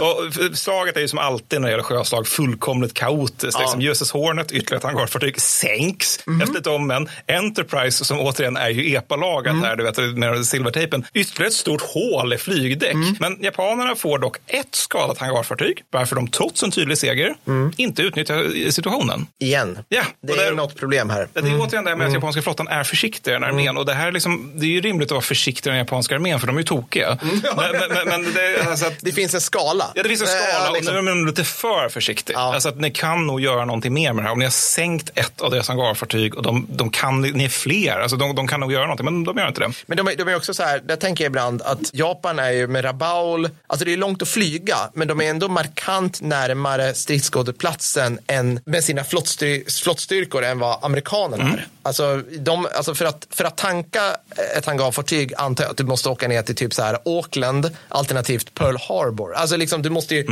medans om du kan tanka i Rabaul, det är betydligt närmare. Så att, Alltså, liksom- Auckland fanns det inga tunga kranar vid den här tiden. Nej, nej, men det var väl får som lastade allting där. Ja, antar jag. Vet det, inte, alltså, det, det var inte väl utbyggt. Nej. Men grejen är att Yamamoto låter sig inte bekomma. Utan han beordrar japanerna på Guadalcanal att de ska på sikt försöka komma upp till 30 000 man på ön. Liksom, Mm. Vilket är väldigt svårt eftersom alla dör av svält hela tiden. Och vill nu liksom att bombplan och slagskepp ska förinta Henderson Airfield. Det är Ja. liksom, Henderson Airfield är det det här slaget kretsar kring i, i grund och botten. Så transport av större japanska truppmassor leder till sjöslaget till, vid Guadalcanal med start 13 november. Och det här är ett fullkomligt klaster faktiskt.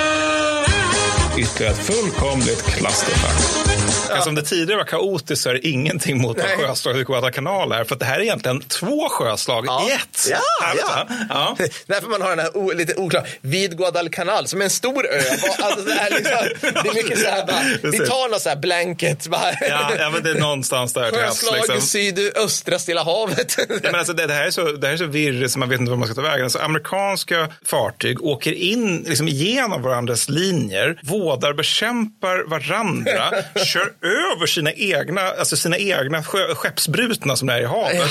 Och liksom sjunkande jagares sjunkbomber tar död på egna besättningar. Alltså, det, det är Va? sån... Alltså som detonerar? Ja, de detonerar. Som, jag tror att de kommer ner i brinnande vatten eller någonting. Sen, och sen så liksom är det ytterligare några hundra japaner, eller amerikaner som dör. Då. Och så, den amerikanska chefen för det här är en riktig hjälte. För att han, han sitter på en kryssare utan radar eftersom hon heter San Francisco och han är från San Francisco. Så att han får liksom andra fartygs radarinformation via radio då. Jaha, han, nu fattar jag. Han vill sitta på det fartyget Ja. för att han är från San Francisco. Och han hon sitter heter på San. USS Ja, San Francisco. Ja, precis. Och hon har ingen radar så de får liksom ringa in och berätta Nej. vad radarn ser. då. Nej, och de sa Bosse, kan du inte sätta dig någon annanstans Det med en radar inte. så du kan leda? Han bara, nej, nej, nej, nej. Nej, men Hon- föga, ja. föga förvånande så är det en förkrossande japansk seger Mm. där amerikanerna tappar tio örlogsfartyg varav sex sänks. Mm. Japanerna tappar sex varav tre sänks.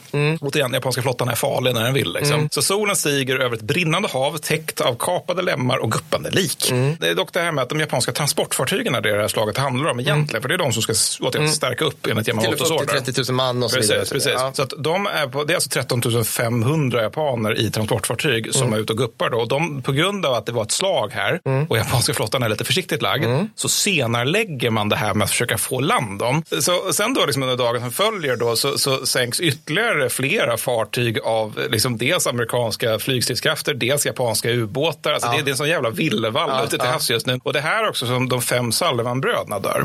Alltså de som Red Meg Ryan är baserad på. Ja, ja, ja. De, de Okej. var inte som de är i, i um, alltså i Red Meg Ryan är det typ så att det är en i Airborne, en i armén, det är några som är i flott, alltså Ja, de är utspridda. Någon, någon liksom. dör i Stilla havet, någon dör i Italien. Ja, typ, och så här. visst, visst. Ja, ja. Men, men i verkligheten så var det att alla fem var på samma fartyg i Stilla havet. Och den sista då, han dör genom att slitas i stycken och hajar när han på en livbåt hallucinerande av skador och solsting ska försöka simma för att hämta mjölk.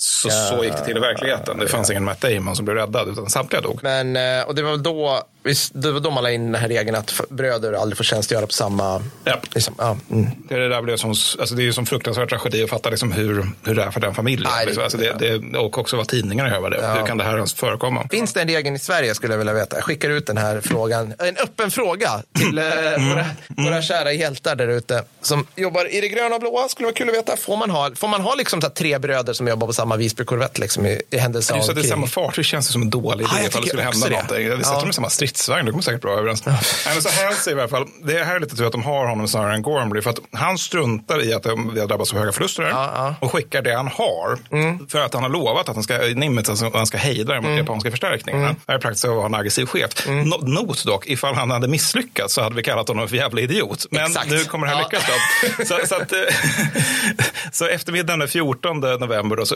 upptäcker amerikanskt flyg japanska transportfartyg som japanska fartyg misslyckas med att skydda. Ja. Vilket leder till att sex av sju transportfartyg sänks. Mm. Hundratals japan, japaner dödas av amerikanska piloter som bara sprayar rakt ner på deras fartyg. Mm. Och de, alltså, de sitter i sina flygkabiner och kräks för att de blir äcklade av massakern. Och sen så är det tusentals också som räddas av ja, eh, japanska jagare. Men det är fortfarande det är lite tråkigt helt enkelt. Ja. Sen natten den 14 och 15 så vinner amerikanerna ytterligare ett kaotiskt sjöslag som är ännu mer kaotiskt än föregående delen av Mm. Ja. Sjöslaget på Ja. Men som jag inte orkar beskriva här. Och, och då, då är det liksom att fyra japanska transporter lyckas strandsättas då och angrips nästan omedelbart av amerikanskt flyg och artilleri. Då. Så av de här 13 13 500 japanerna som skulle till ön så är det 2000 som faktiskt tar sig till ön. Mm. Eh, Och de här saknar då tung materiell och mat. Olyckligt. Och resten antingen... redan djupt traumatiserade, Ja, ja. stressade, utmattade av den här resan. Ja, ja. Ja, absolut. Och resten dödas eller åker hem till Rabau. helt enkelt. Så japanerna, de förlorar utöver då eh, ganska mycket folk, så förlorar de också två slagskepp slagskepp i de här mm. röriga drabbningarna då. Och det här gillar inte flottan. Nej. Man gillar inte att förlora slagskepp. Nej. Återigen den nationella symbolgrejen ja. då. Spegeltänket mot amerikanerna där i början. Liksom. Här, vi gillar slagskepp, ni måste gilla slagskepp. Vi vill inte förlora. Om ni förlorar då blir det dåligt. Ja. Precis så. Ja. Nej, men så, så då, då, då börjar de inse, alltså i flottan börjar man nu inse att vi kommer nog inte erövra den här jävla ön. Nej. Och det här är egentligen det som är det viktiga med sjöslaget och Guadalcanal. Mm. Alltså det är just att slag, alltså hela Guadalcanalfälttåget handlar på något sätt att endera sidan ska ge upp försöken att förstärka ja. ön. Och nu ja. blir det japanerna i och med det här. Då. Ja. Så jag bara, Yamamoto är nu typ redo att kasta in handduken. Men problemet är vilka då Per? Armén såklart. Ja, självfallet. Alltså, självfallet. De som egentligen styr Japan ja, eller på något men, vis. Nej, de, de, är inte redo. Nej, alltså. nej,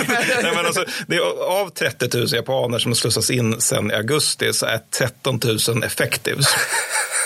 Av de 30 000 så är 10 000... 200 meter kan avfyra sitt gevär. Ja, ja. ja. Alltså, och, och, av de här så är alltså 10 000 har dött rakt av. Ja. De flesta på grund av svält och sjukdomar och några på grund av våld. Och tusentals lever men kan inte röra sig. Alltså, det var ett citat vi hittade här som beskrev hur Japan då, som beskrev hur styrkan vid fronten var uppdelad på så vis att de som inte kunde gå på grund av sjukdomar eller skador fick ta hand om försvaret. Ja. De som kunde gå med hjälp av en käpp fick sköta transporter och matlagning medan de som var relativt friska fick störa fienden från de bakre områdena.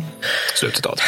Så det här är liksom Kunde tillstånd... gå med en käpp. Alltså det... Ja, nej, men alltså det, det, här är tillståndet för killarna på Guadalcanal. Ja. Och den japanska logistiken nu, de har, den har degenererat till luftlandsättningar och ubåtar. Ja. Man prövar också även liksom halvfyllda tunnor som släpps som jagare. Då. Ja, det är nu det kommer. Mm, ja, det har man ju sett. Ja, lite grann. Mm. Och problemet med det här är att de här, alltså, de här är beroende av, av alltså, hur, hur vågorna, mm. dess nycker, liksom, alltså, strömmar och sådär. Ja, flaskpost. ja, men det, Vår logistik går ut på flaskpost. Ja, men det, det är ungefär så. Ja. Så, så att, alltså, det, det, det liksom, de åker, kan åka lite hur som helst. De kan skjuta sönder ja, amerikanerna. Så att i 70 procent av fallen kommer de inte fram till japansk trupp. Nej. Och problem två är att jagare då riskeras. Då. En sån här aktion led bland annat till sjöslaget vid Tassafaronga. Okay. Som är ytterligare ett sjöslag för vi inte behöver lägga på minnet egentligen. Jag har slutat kolla upp öar. Ja, ja, ja, Jag är redan inte uppe och vi är inte ens inne på 43 än. Ja, vi kommer till 43 alldeles strax faktiskt. Nej, men, nej, men så, så, att allting blir däremot bättre för amerikanerna. För att alltså, de får eh, kalkon till Thanksgiving ja, den 27 november. Ja, nu, nu, börjar vi, nu börjar det bli det USA som vi känner igen. Ja, äntligen. Och det måste vara också lite intressant för marinkårssoldaterna som har gått från det här. Vi lever av japanska ransoner som vi har liksom fått neddragna ja. till att oh,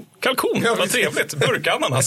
kommer bli ett glassfartyg här snart. Nej, men det, och det, jag tycker det är kul. Jag hade ingen aning om att, om att Guadalcanal var så dynamiskt just på mm. flottsidan. Mm. Till lands är det så här, ja, jag fattar liksom det du sa, att ett kompani drivs bakåt men de tar tillbaka det. Men det är fortfarande folk, det är fortfarande människor med bajonetter som springer mot kulsprutor. Mm. Du kan inte komma ifrån det. Det är nej, svårt nej. att liksom, medans, medans liksom den japanska flottan, det är intressant. Ja, de vinner ju faktiskt ja, flera ja. sjösegrar över Guadalcanal. Ja. Det, det, det är rätt intressant. Japanese strategic defeat. American tactical Jag orkar inte. Jag ber om ursäkt kära lyssnare om det här är lite rörigt. Men det är, nej, men det, är det, det, är ett svårt slag att beskriva. Jag gör mitt bästa. Nej, men, men, men det som är min poäng är liksom med kalkonen nu, det, det, är att amerikanerna nu nått en nivå av logistik, flygstridskrafter och flottstridskrafter mm. och liksom också folk på marken som, som är liksom, det är omöjligt för japanerna att rucka det här. Det är en kritisk egentligen. massa. Ja, det är det. Ja. Och i december så byter man till och med ut första marinkårsdivisionen mot andra mar marinkårsdivisionen. Alltså man har den förmågan att göra ja. det. För att första marinkårsdivisionen, de är ju helt slutkörda nu. det är alltså en tredjedel av femte marinkårsregementet som då ingår i första marinkårsdivisionen. Ja. De, är, alltså, de är så pass nedbrutna av dålig mat, lite mat, med väldigt god tillgång till sjukdomar, mm. att de beskrivs som helt olämpliga för att någonsin tjänstgöra igen. Ja. Och amerikanerna, de är nu så pass pigga att de kan fortsätta operationer västerut. Ja. Så alltså av och till så På har man... ön? Ja, eller? ja precis. Mm. För att av och till har man det här, alltså när man läser typ Guadalcanal av Richard B. Frank eller liknande böcker, då är det här liksom hela tiden att, och sen så angrep eh, eh, amerikanerna västerut mot Mat, eh, nu ska säga, Matanikau. Mm. Och, och det, det, här gör de liksom det hela, mm. hela fälttåget, men jag orkar inte beskriva varje enskild liten dust nej, nej, av nej, det här. Nej, För att det blir liksom ett VK1-resultat av det hela. Men nu, nu har de liksom tillräckligt mycket med män och gear då på Guadalcanal för att de faktiskt ska kunna trycka på ordentligt. Ja. Så man, det man gör då bland annat då här i december, det är att man angriper 200-300 nedgrävda japaner vid ett ställe som heter Gifu. Mm. De här japanerna, de svälter och är sjuka. Mm. De har fått order att retirera, men ordervägrat på grund av att de inte vill lämna sina sårade kamrater. Amerikanerna tappar 400 man på mm. att inte ta Gifu och ett helt jävla regemente krossas moraliskt. Mm. Så japanerna fortsätter hålla där. Vi kommer återkomma till Gifu för det har en liten poäng med det där. Försmak för resten av, av äh, liksom. Ja, ja, men, men också att du, när det gäller liksom resten av liksom armén som helhet, japanska armén på helhet, de vill ju ha nya anfall naturligtvis. Ja, givetvis. Ja, ja. Eh, det vill de. Yamamoto han skjuter dock ner den här tanken på att han menar på att det, det här liksom, det går, vi kan liksom inte försörja folk så länge Henderson Airfield är, är, är aktivt. Nej. Och på ön så äter nu japanska soldater bark, varför Mm. deras chef Hyakatuke ber Tokyo om att få anfalla så att hans troops ska få dö med heder. Ja, ja. Och juldagen konstaterar Toyo att japanska arméns krav på 300 000 ton fartyg för att försörja eh, Guadalcanalföretaget skulle haverera den japanska ekonomin. Ja. ergo inser man att det är kört och ergo in- inser man opera- inleder man operation K. Operation K, okej. Så då kommer vi in på 1943.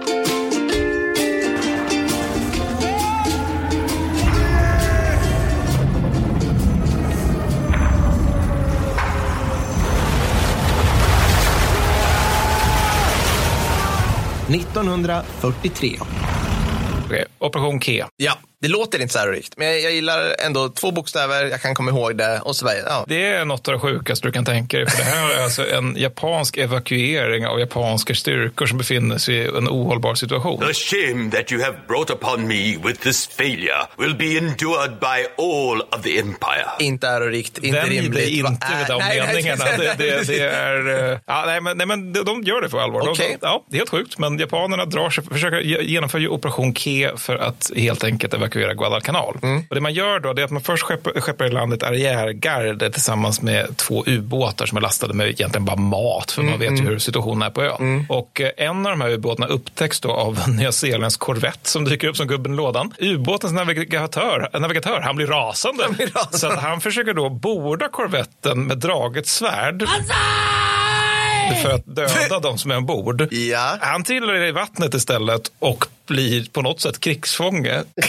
Jag det var liksom Vänta, så ubåten ligger då, den, den, med ytläge då. den är i ytläge Ja. och den försöker då, han försöker då borda. Han försöker hoppa över liksom, till Så de är korvetten. så pass nära att det liksom, ja. ja. den- och så försöker, han tänker sig att han ska besegra korvetten med ett svärd i praktiken. Ja, misslyckas tråkigt Korvetter är små, men inte så små. Inte så små. Nej. Inte så små. Nej, men jag, jag tog med det mest för att det är typ det mest japanska jag någonsin hört.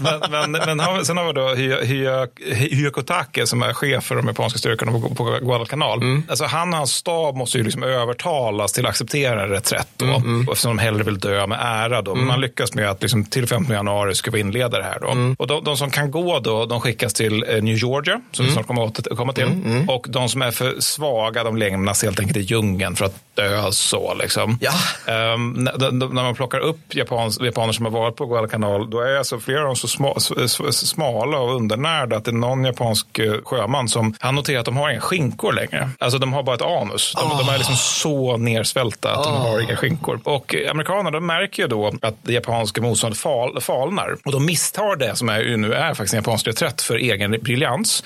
Och när de kommer in i de bakre områdena då så, så liksom de möts av en vägg av död, liksom stinkande vägg av död på grund av att det är en massa svältdöda japaner överallt. Då. Men med det sagt så är Kea faktiskt en, det är en framgång för japanerna. De lyckas få ut 10 000 man utan att eh, amerikanerna ens ingriper. Och orsaken till det, det är att de av ren slump har råkat byta kod. Ja, just det. Kod, ja. Ja, ja. Det, det, det, det slumpades så att de skulle byta kod och så blev det så. Och då tog det väl liksom så här, den där pisskvarten tog Ja, för ja, amerikanerna. en eftermiddag för någon alltså, knäcka den och det var det de behövde. Det var det de Typ. behövde, så Ja. de, lyckas faktiskt få ut det då. Och Ja. det är där också som Guadalcanalfälttåget slutar då. Mm. Och när det gäller liksom förlusterna så är det att ja- lag Japan tappar 30 343 stupade. Var 25 600 är folk som dör på landbacken. Ja. 3 543 är folk som dör till havs och 1200 dör i luften. Mm. Amerikanerna de förlorar 7 100 stupade, varav 1 769 är på landbacken. Notera nu här, 25 000 mot 1 700 till lands. Det är en dålig ratio för lag Japan. Ja. Sen är det 4 911 till havs. Så där är det alltså fler amerikaner som stupar ute på, på, till havs än det är japaner. Och så är det 420 i luften. Sen är det ytterligare till de amerikanska förlusterna får man lägga 7700 sårade och en oklar mängd sjuka och eh, liksom sårade som inte är längre i användbart, ba- liksom an, användbart skick längre. Nej, just det är ganska stor andel av marin, femte marinkårsregementet till exempel som inte kommer, kommer kunna bli soldater igen. Nej. Så av de 25 000 japaner som stupar från armén så är den överväldigande majoriteten de dör på grund av svält och sjukdomar. Mm. Plus infanteri som dödas i hav, till havs när, när deras transporter sänks. Ja, så det, det. är ganska få som faktiskt dör i strid. Och med andra ord är liksom totalförlusterna är avsevärt mer jämna än liksom bara dö stupade Mm. mot stupade. Men skillnaden är då, och det här behöver vi- vänja oss vid, det är att de japanska förlusterna till extremt stor del består av döda. Medan de amerikanerna har även förlustkategorierna eh, typ sårade och så. Och det här är ändå eh, det slaget som Japan retirerar ifrån. Vänd Ja. inte vid det. Nej, det är inte, nej, nej, det är synnerligen ovanligt. Nej, men så, här kommer vi nu åt, återvända lite grann till GIFU som jag nämnde där. För GIFU, där, där det faller då för 23 januari. Vad var GIFU? Nu ja, det var där du hade 300 japaner som vägrade retirera för, för att de ville inte överge Mm. sina sårade kamrater. Och då- det, alltså GIFU faller 23 januari efter att ha slagit tillbaka ytterligare två anfall på bataljonsstorlek understödda med, av oceaner och artilleri. Och återigen, alltså, återigen har för, försvarare vägrat att lämna sina sårade kamrater. De har hellre ätit stupade amerikaner än att rycka tillbaka eller ge sig. Så jag tänkte vi skulle prata lite grann om det här med mystiska gre- konceptet, ja, japansk kampvilja. Igen. Ja. Ja, ja, precis. Ja. men du grottar lite grann i det. För ungefär samtidigt faller Bunagona som vi gått igenom tidigare. Jag kommer inte gå igenom Bunagona igen, för vi har liksom redan kört Men det faller. Det faller ungefär Ja. vid den här tiden. Mm. Då. Och gemensamt för GIF och Bunagona det är att ingen annan armé i hela världen skulle ha gjort det här annat, annat än den japanska. Det är bara de som beter sig på det här sättet. Mm. Så då ska man ska nysta det här med, liksom, för jag säger ju det återkommande i den här tiden pod- poddar, Mm. de, de slåss till sista man. Det är liksom, man måste på något sätt grotta ner sig i det här, men samtidigt är det, liksom, det är helt obegripligt och det är också ganska märkligt oomskrivet. Alltså annat än att kampviljan är extrem. Det, det, Jag har läst ganska få förklaringar till det. Så när, när jag har försökt skriva ihop någonting här, jag har liksom fått lägga pussel mellan olika uppgifter och så vidare. Ja. Men alltså, om man har dagböcker för Buna till exempel, där nämns aldrig kapitulation. Däremot motanfall. Det är breven hem därifrån, det är liksom vemodigt, saknad och så vidare, men avslutas hela tiden. Men plikten, etc. Men nära. Men nära, nej, men lite så. Ja. Men, men, men om man ska liksom försöka hitta liksom lite olika förklaringar till varför de slåss så hårt, då finns det ju liksom olika ben som den här kampviljan står på. Och en är det att du har nämnt tidigare, alltså det genommilitariserade samhället. Alltså för sol, soldater som ska iväg då till kriget, eller fel, till utbildning, alltså de ska bara göra lumpen egentligen, så håller man en fest som kan kosta lika mycket som ett bröllop och eh, där alla man känner är med.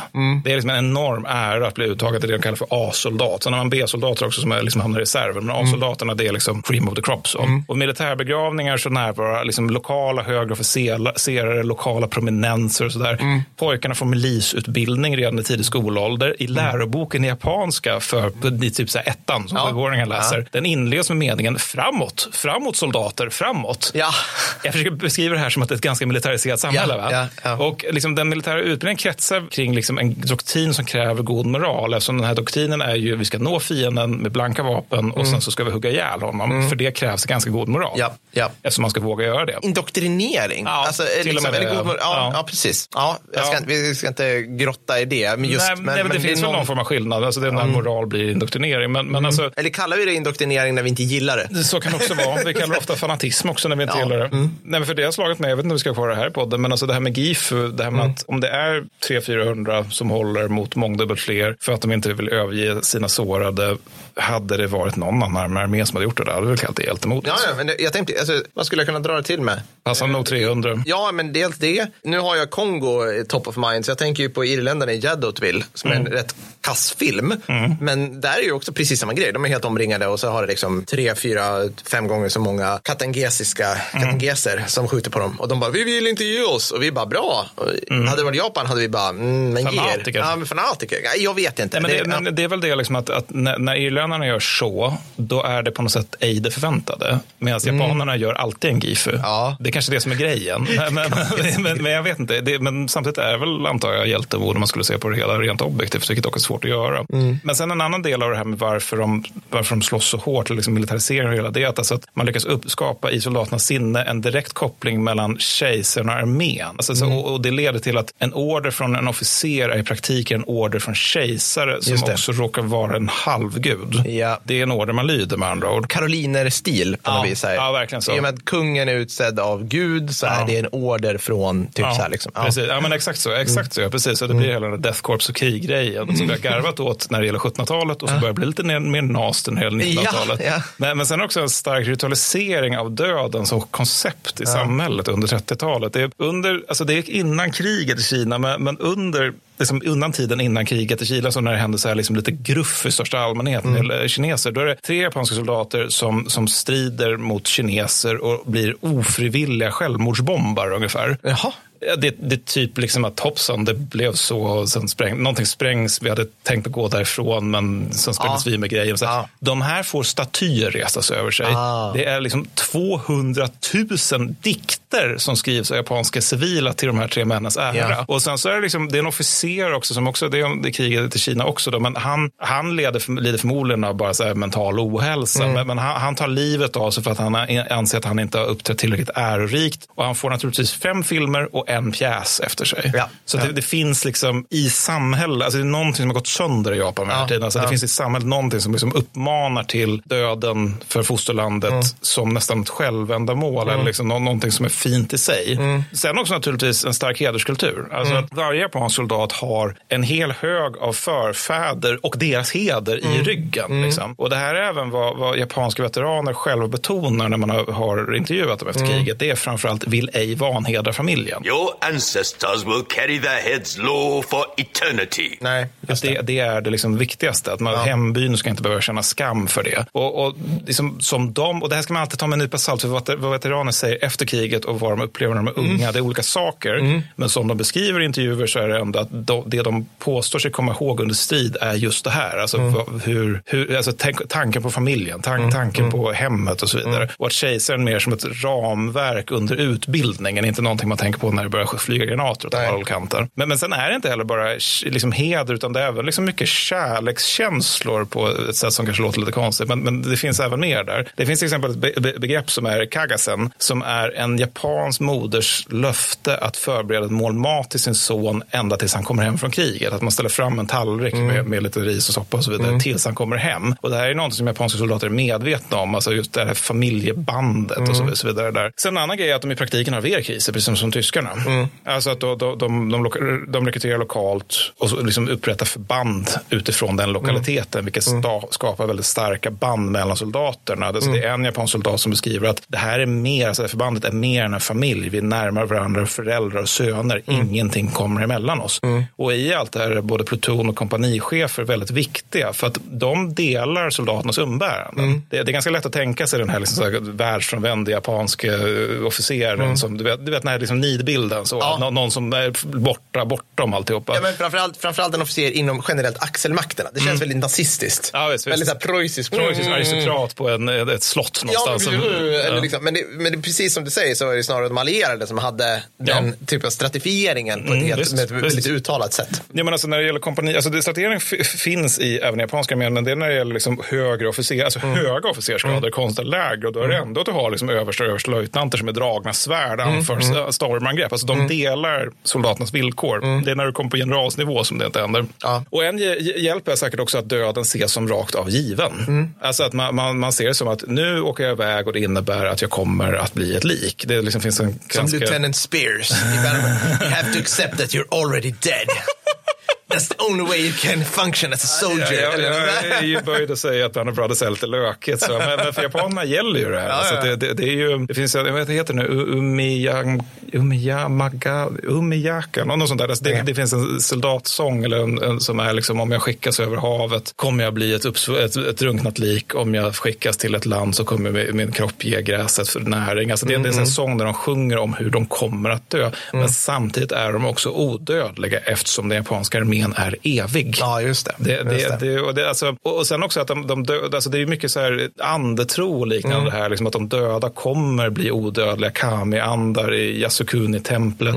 Alltså man, man har en, alltså deras namn kommer finnas i den där stora själaboken de har där och man har liksom alltså omfattande ansträngningar för att alltså aska och likdelar ska föras hem till Japan så att de, de liksom kan vara med förfäderna. Och det här är alltså dels soldater som jag nämnde tidigare med Rangoon och Singapore som bär, bär sina liksom stupade kompisars Mm. likrester och liksom lämningar i ryggsäckarna. Dels att man har liksom faktisk avdelad logistik för att skicka hem aska. Ja, ja. Det, det här är något vi lägger krut på.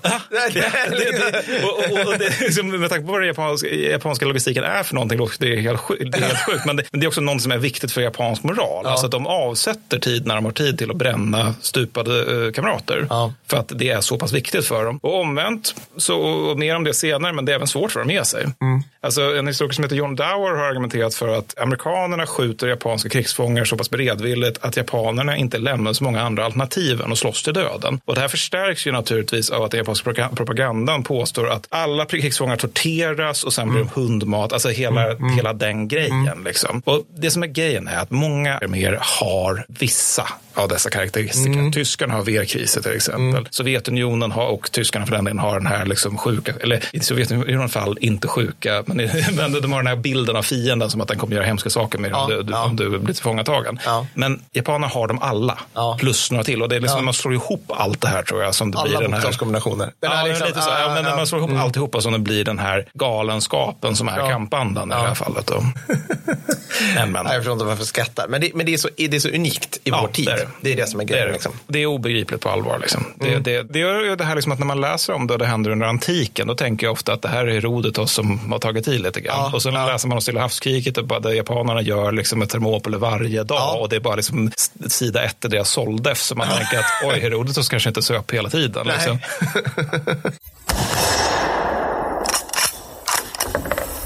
Men i alla fall, läget efter Guadalcanal. Det är att japanerna känner vi behöver en ny strategi.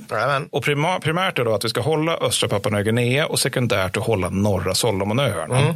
Flottan de har inte längre hangar, liksom hangarfartyg nog för att, liksom en avgörande seger. Så, så ergo tänker man sig istället en utdragen kamp med hjälp av de här landbaserade flygstridskrafterna som vi Just det. pratade om tidigare. Och man funderar på att dra tillbaka bland annat i centrala Stilla havet för att återigen, vi har inte så mycket resurser. Men, men håller i alla fall i brist, trots att man har brist på tonnage. Så Mhm. att, varför Ja. inte? Nu har vi gett upp en grej. Vi kan inte börja, kan, det här kan inte bli en vana såklart. Nej, det vi har gjort en liksom. evakuering så har vi gjort en evakuering. Det var den vi hade Ja, i leken. ja, liksom. Nu återstår leken Banzai i alla fall. Men det är i varje fall, de har i alla fall kortat linjerna till Rabaul, alltså till diverse flygbaser och flottbaser. Ja, i alla fall kommit ur Guadalcanal. Ja. Sen är det resten av Solomonöarna som fortfarande ska hållas. Då. Men, Absolut. Men sen på, på Casablanca-konferensen så kommer de allierade sin tur fram till ett, policy om ovillkorlig kapitulation. Eh, inte bara positivt. De kommer också fram till sin egen strategi, strategi för att vinna i Stilla havet. Då. Och då är det fortsätta Operation Watchtower. Och operationer på Papua Nya Guinea för att krossa Rabaul. Alltså, återigen, Rabaul är en grej här. Man ska framrycka västerut mot Truk, alltså den här flottbasen, och mot Guam som, som vi kommer komma till. Tre, man ska säkra aleuterna och det kommer jag inte gå igenom för att det kommer bli ett eget expressavsnitt en vacker dag nämligen. Det är en, en patron som Det är väldigt det. mycket norra Stilla havet. Ja, Men ni kan glömma det. det, är- det är norra Siladet och det är väldigt mycket köldskador. Ja, ja. precis. Så det är också med i det här, då, i det här mörkrets avsnitt. Ja, men det, det här, det, det, vi, vi kommer, vi kommer skriva, skrinlägga det till Expressavsnittet. Ja, ja, för jag kom ja. fram till att om jag behöver diska någonting för att det här manuset ska vara görbart så får fan bli aleuterna. Steg fyra, framryck längs med Papua Nya Guinea tills man är i linje med Timor. Och steg Mm. fem är återerövra Burma för att hjälpa kineserna. Mm, Det- mm, Alltså det sista är liksom, lägger man som ett ganska långt mål framöver. Då. Men nummer ett och nummer fyra gäller Swappa. Så här behöver vi swappa ingen. Southwest Pacific Area. Och det delas in i ett, säkra Guadalcanal. Två, ta resten av Solomonöarna. Tre, ta Rabaul, Guinea och New Ireland. Och två och tre, det vill säga ta Solomonöarna och Rabaul, Guinea och New, New Ireland. Det är det som återstår. En förfinad variant blir det som man kan kalla liksom Operation Cartwheel. Och Därför ska vi nu prata om något som man ganska sällan pratar om, det vill säga swappa på Papua Nya Guinea. Ja. Nej, men så här, va. Eh, MacArthur han har en underställd chef som heter Eichelberger som är synnerligen kompetent och är också den som liksom lyckas vända Bunagona-slaget till en stor Mm. jävla bedrövelse till en faktisk seger. Han får nu sparken. I was wrong about how good you are. Ja, såklart. Ja, Vi kan inte ha kompetenta människor här. I mitt hov. Det, det är typ det. Och också att Eichelberger är, liksom, han är inte oäven även mot kamerablixtar. Nej, det Han tycker också det är liksom lite nice det här med Ja, att journalisterna kommer och idoliserar honom. Aj, och så aj, kan vi inte aj. ha det, Nej, tycker nej, nej, MacArthur. För det, det ska han göra. Ja. Så MacArthur förvägrar honom ett högst välförtjänt Medal of Honor. Eftersom Mm. alltså, Eichelberg har ju typ liksom anfört infanterikompanier för att ta Bunagona. Det är så alltså? Ja, men alltså, det var ju det här slaget där liksom alla utöver han i hela liksom staben av generaler är sårade. För att de, de liksom, ja, det, var, Ja. det var lite hårigt så. Ja, ja. Så han, han får inget Medal of Honor och han skickas till Australien för hantera utbildning istället. Mm. Och när vi pratar om MacArthur då, han har ju då som sagt ingen stab utan han har ett hov. Mm. Så chef, och det, det är uppdelat i olika delar. Då. Så chef för arméstridskraften är en Kruger som Mm. är duktig och lättmanipulerad. Alltså han, han är inte som Eichelberger som liksom har åsikter om saker. Nej, utan nej. han bara, jag ska göra det du säger, Ja. stora herre, jag ska göra det du säger. Sen har vi Sutherland som jag beskrivit tidigare som är stabschef. Han är en förfärlig människa med en försmak för hovintriger och som enligt Kruger efter kriget gjorde världen, världen till en bättre plats genom att dö. Alltså, det är liksom, Kruger sa det, the world is a better place. Hur känner du nu inför att din gamla kollega död? Ja, ja. Sen har vi din favorit, Willoughby. Ja, Willoughby. Ja, han är underrättelsechef då och en av de sämsta underrättelsecheferna i historien. Ja, ja. Han underskattar konstant japansk numerär.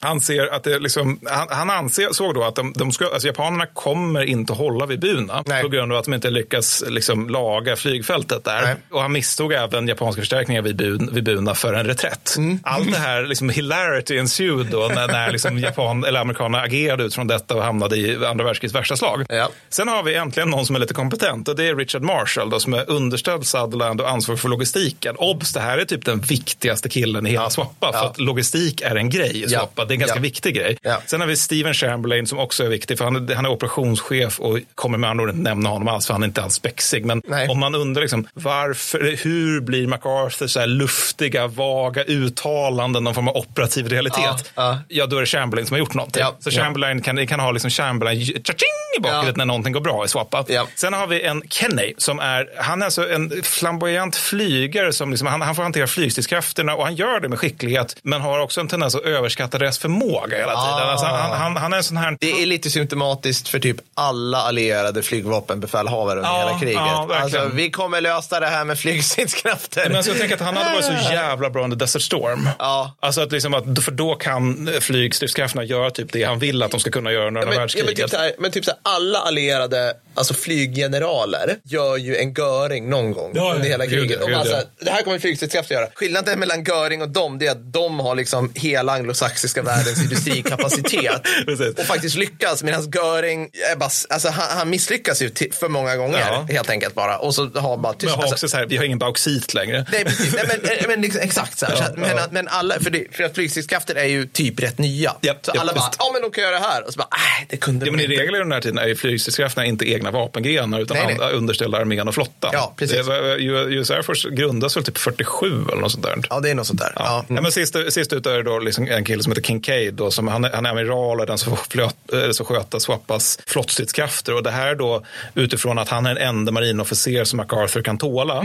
Eh, Så då blev det han. Ja. Och även då ett gäng australiensare då under en figur som heter General Blamey. Och de, men det är mer så liksom att MacArthur försöker hålla dem utanför det här med gemensam operation. Han vill inte ha med dem att göra. Han vill amerikanska göra saker själv. Och De har inte nyckeln till där. de, de var inte till, tillsammans med honom på Batan så de var inte att lita på. Och så vidare. Men så Mac, han är i och med Bunagonas fall, befrielse, vad man ska kalla det, då är han tillbaka på ruta ett. Mm, Tanken var ju liksom att de skulle använda Buna för att göra häftiga grejer, men sen kom japanerna och förstörde alltihopa. Mm. Så till 43 då är vi tillbaka till ruta ett. Då. Och det, men det, det finns ändå en stor landvändning med, med det här. Det är nya flygfält och mer, eh, fler flygplan. Då. Mm. Så Kenny, han är besatt nu här av att det går en massa jävla konvojer mellan Rabaul och Papua Nya Guinea. Ja. Och de vill han ha bort då. Och i mars då så upptäcks en, eh, mars 43 ska tilläggas, upptäcks en konvoj som är på väg mot Ley via signalspaning, Ja. mitt favoritämne. Ja. Resultat är vågor av australiensiska och amerikanska flyg då, varav vissa har, jag tror det är B17-plan som man liksom har satt, eh, alltså typ alla 12,7 centimeter, eller millimeters kulsprutor i un, liksom på magen och i Ja, nosen så att de de ska där. bara kunna spraya Ja. ner och sådär. Då. Så det här är en total katastrof för japanerna då, som tappar åtta transporter, trupptransporter. Det här är liksom inte roddbåtar utan det är mycket folk ombord på dem. Fyra jagare och sådär 2900 stupade.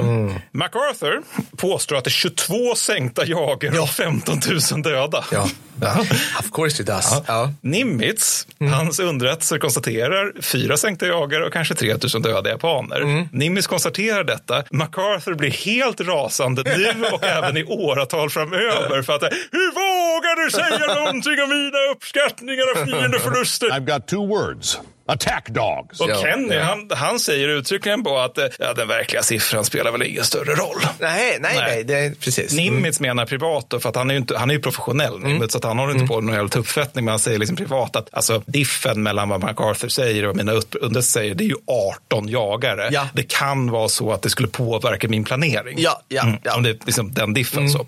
Men, men ändå, det här, de här anfallen då, som kallas för slag vid Bismarcksjöarna, vilket inte är så mycket till slag egentligen, för det är mer så här massaker av eh, japaner. Då. Det, alltså, det gör att japanerna helt överger att försöka förstärka Papua Nya Guinea via den vägen. Och mm. Istället övergår man till liksom så här pråmar och ubåtar. Och det här inverkar ju kraftigt på förmågan att liksom förstärka de soldater som är på Papua Nya Återigen känns det som att så här, när man har hamnat på nivån att man sköter logistiken via en ubåt, Ja, då är det- typ kört. Ja, något alltså, så här, då borde man bara så här, nej, Vi nej. överger Papua Nya Vi, Guinea. ja, precis, Ja. vi lägger ner det. Ja. När man börjar liksom, ubåtar är inte gjorda för att frakta Nej, skit. nej, Alltså, så här- nej, jag, jag tror inte man får plats med sådär jättemycket Nej, ombord på den. nej. Det, det, nej. nej, men, och, och, men det viktigaste är också, för det är, för det är liksom någon form av slutsats av Bismarcksjöarna, man ska säga, Mm. det, det är att ju mer övertag amerikanerna har i luften, desto mer stärker de sig själva till havs. För att luften gör att man kan kontrollera Mm. Ja. havet helt enkelt. Och till skillnad från i POA, alltså Mm. i centralstillehavet, så kan inte amerikanerna nere i Swappa bara hålla på att stänga in öar med hjälp av hangarfartyg som Nej. upp med ett stort moln av flygplan och sen så har vi liksom bara Nej. som en mur. Mm. av, av glada flygare omkring ön som vi ska spränga.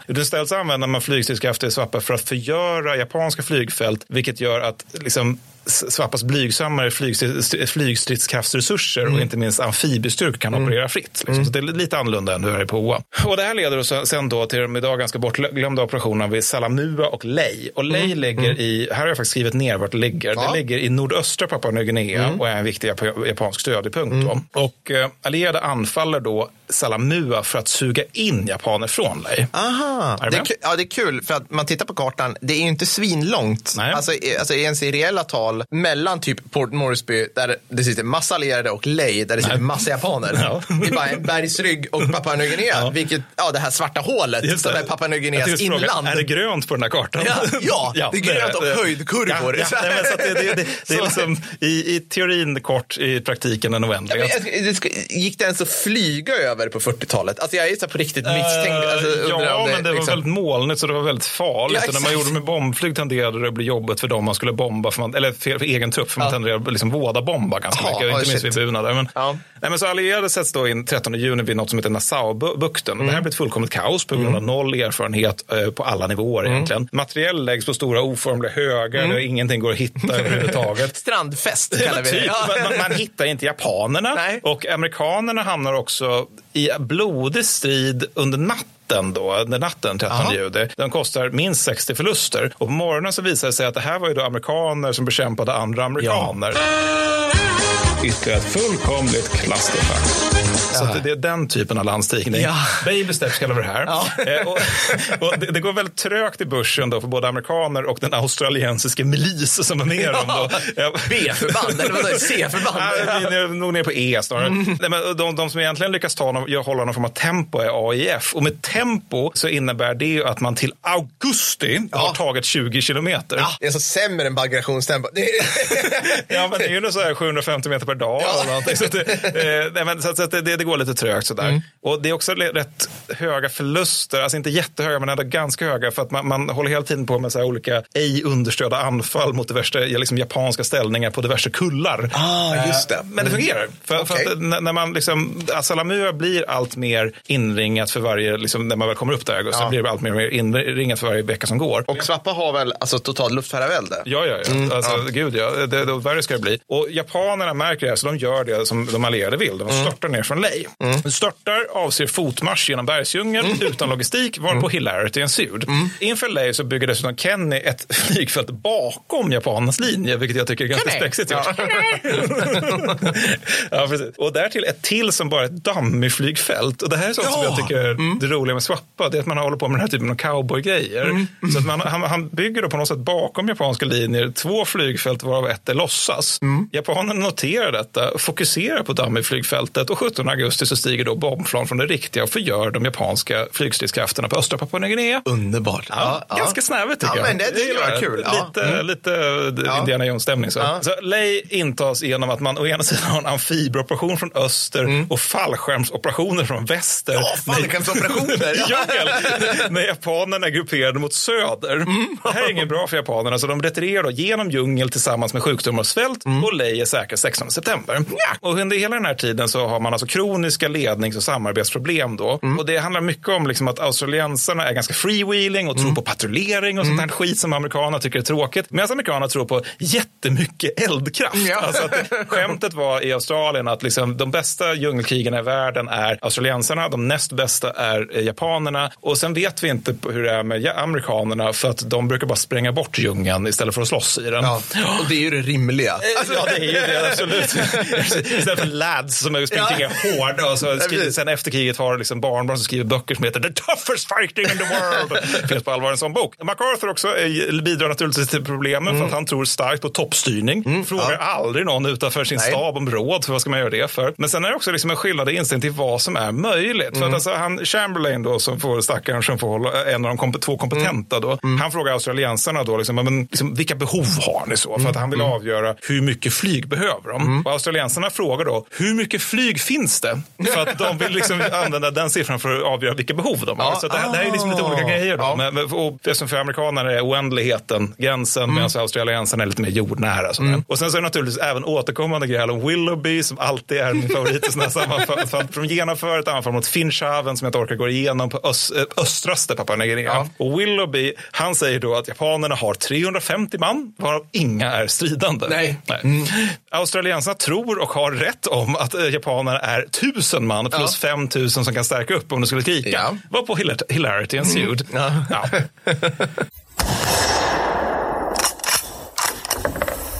Så det var Swappa. Nu ska vi över till Sopak igen. Oh, yes. Southern Operation Pacific Area Command.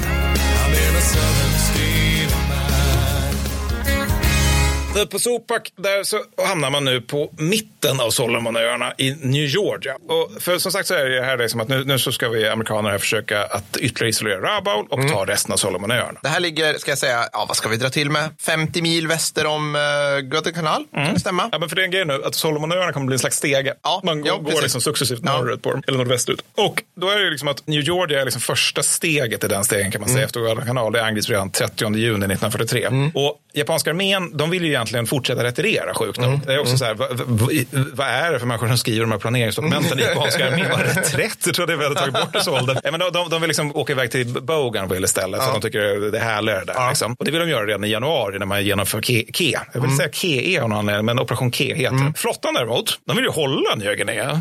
Ja, för de, de tycker att det är mysigt där. Varvid det mest japanska någonsin sker, det vill säga det sker en kompromiss som presenteras för kejsaren. Vad är det som händer? Är det upp och nervända världen? Nej, men alltså, de, de, de gör så här. ganska vanligt. Alltså, stabsarbete i Japan blev ofta att man, man eh, alltså, staberna pratade tills man nådde en, en konsensus. Ja, just det, för ingen vill ju tappa ansiktet Nej, heller. utan liksom man alla ska liksom få sitt. Så vi, Ja. når, vi når ett, ett beslut som ingen är nöjd med istället. Nej. Som alla tycker är dåligt. Mm, föra krig via kommitté, Ja, typ. det Liksom. blev inte alltid bra. Nej, men så man, man når en eh, kompromiss som presenteras för kejsaren i vilken armé- armén då får ansvar för Bougainville och flottan för Nya Guinea, men med arméunderstöd. Så att det liksom, man försöker göra båda samtidigt och det innebär att man gör inget samtidigt egentligen. Så inför anfallet mot Nya Guinea så bygger amerikanerna ut Guadalcanal och det, det är nu vi börjar känna igen den här glassfabriksmyset som är amerikanska krigsmakten under andra världskriget. Our American way of life.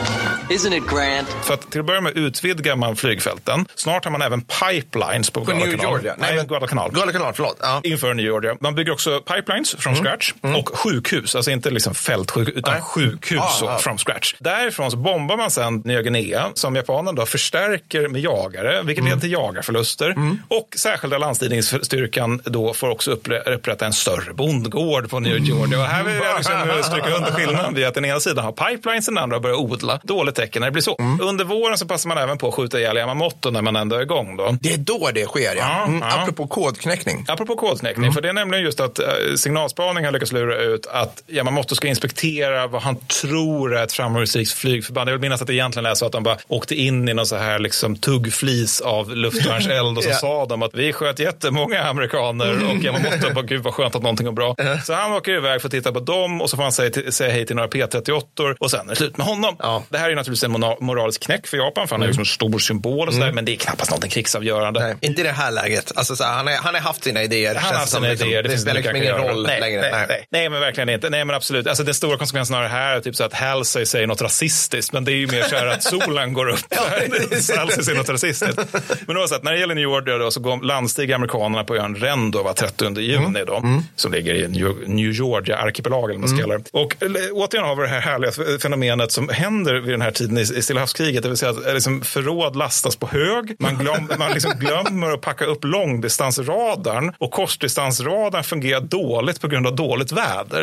Det, det, här, är alltså, det, det är liksom en utvecklingskurva för amerikanerna när det gäller med logistisk kapacitet. Men å andra sidan, jämför med Guadalcanal, för där var det så här att alla fartyg åker sig iväg innan vi har packat av ordentligt. Så att här är ändå, liksom, nu får vi land där. Så ergo blir det då naturligtvis 200 förluster bara på stränderna när japanska flygare dyker upp och säger hej för, i den här liksom stora trafikstockningen. Då. Så i början av juli då så kommer man ifrån Rendeva och landstiger på själva New, eh, New Georgia. Då. Och här har vi då en härlig incident när eskortjagaren Strong torpederas av, eller jo, torpederas antingen av en japansk jagare eller en ubåt. Det är tydligen lite oklart. Alltså 90 pers dör av det, det är inte så härligt. Varvid USS Chevalier rammar Strong då.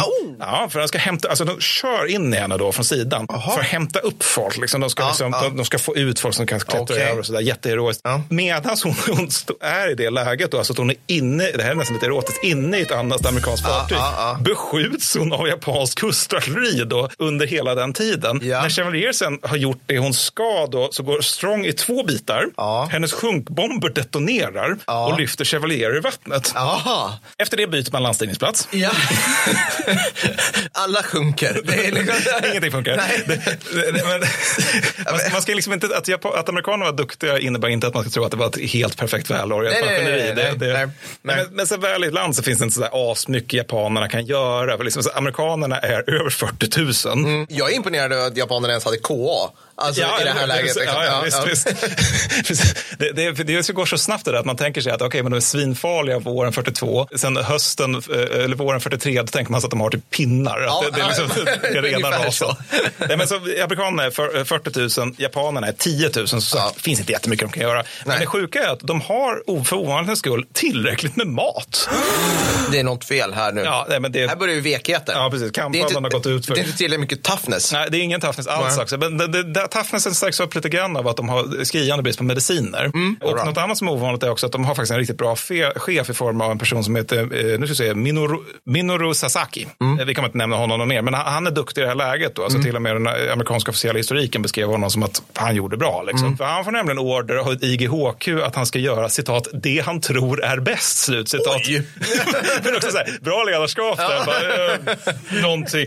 För menar, inte Vilken ö var det igen? Nej, jag eh, minns inte det här. det här är, finns, har vi folk där? Jaha. Ja, men det, är också, det är inte den här uppdragstaktiska där liksom du ska göra någonting i syfte att. Nej, utan nej, det nej, bara, Gör det du tror är bäst, det kommer nog sluta väl. Så att, eh, det, Sasaki han tolkar det som okej, fördröjningstid då. Mm. Och, och han gynnas lite här då att eh, New Georgias djungel är så tät och så vidrig att amerikanerna inte kan använda stridsvagnar. Mm, det är bra. Den är så tät och så vidrig att liksom inringade japanska bataljoner Mm. kan helt enkelt liksom bara utnyttja djungen för att exfiltrera Mm. bataljonsvis genom de amerikanska linjerna. Att de bara, ja. nej, men vi går väl iväg då. Och både japaner och amerikaner har mer eller mindre fri tillgång till malaria och så begränsad sikt att artilleri är fullkomligt jävla livsfarligt för egen Mm. trupp.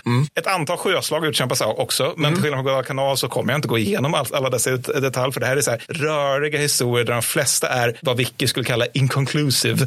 Eh, Och där japanerna också vinner sin sista sjöseger i kriget vid eh, Vella la Vella, 6 oktober 1943. Nice. Mm. Eller nice. Ja, ja, Ja, nej, men liksom, ja, ja, visst. Kul för dem. Dem. Kul för dem. Mm, ja. eh, också så här förvånansvärt sent. Det väl också en grej jag tänker mig att de... Ja. Men Nimitz, han, han är ändå ganska nöjd med den här typen av inconclusive grejer. För att alltså, så länge förlusterna är i paritet så är det en vinst för amerikanerna på grund av den amerikanska industrin. Ja, men alltså vid det här laget så kan man väl typ, alltså Nimitz kan väl snart gå från Hawaii till Salomonöarna genom att bara lägga antalet nyproducerade jagare och Liberty Eh, Chips och ja, sånt efter ja, varandra. ja, och så. torrskodd, alltså Ja, typ ja, ja, liksom. Ja, men det, precis.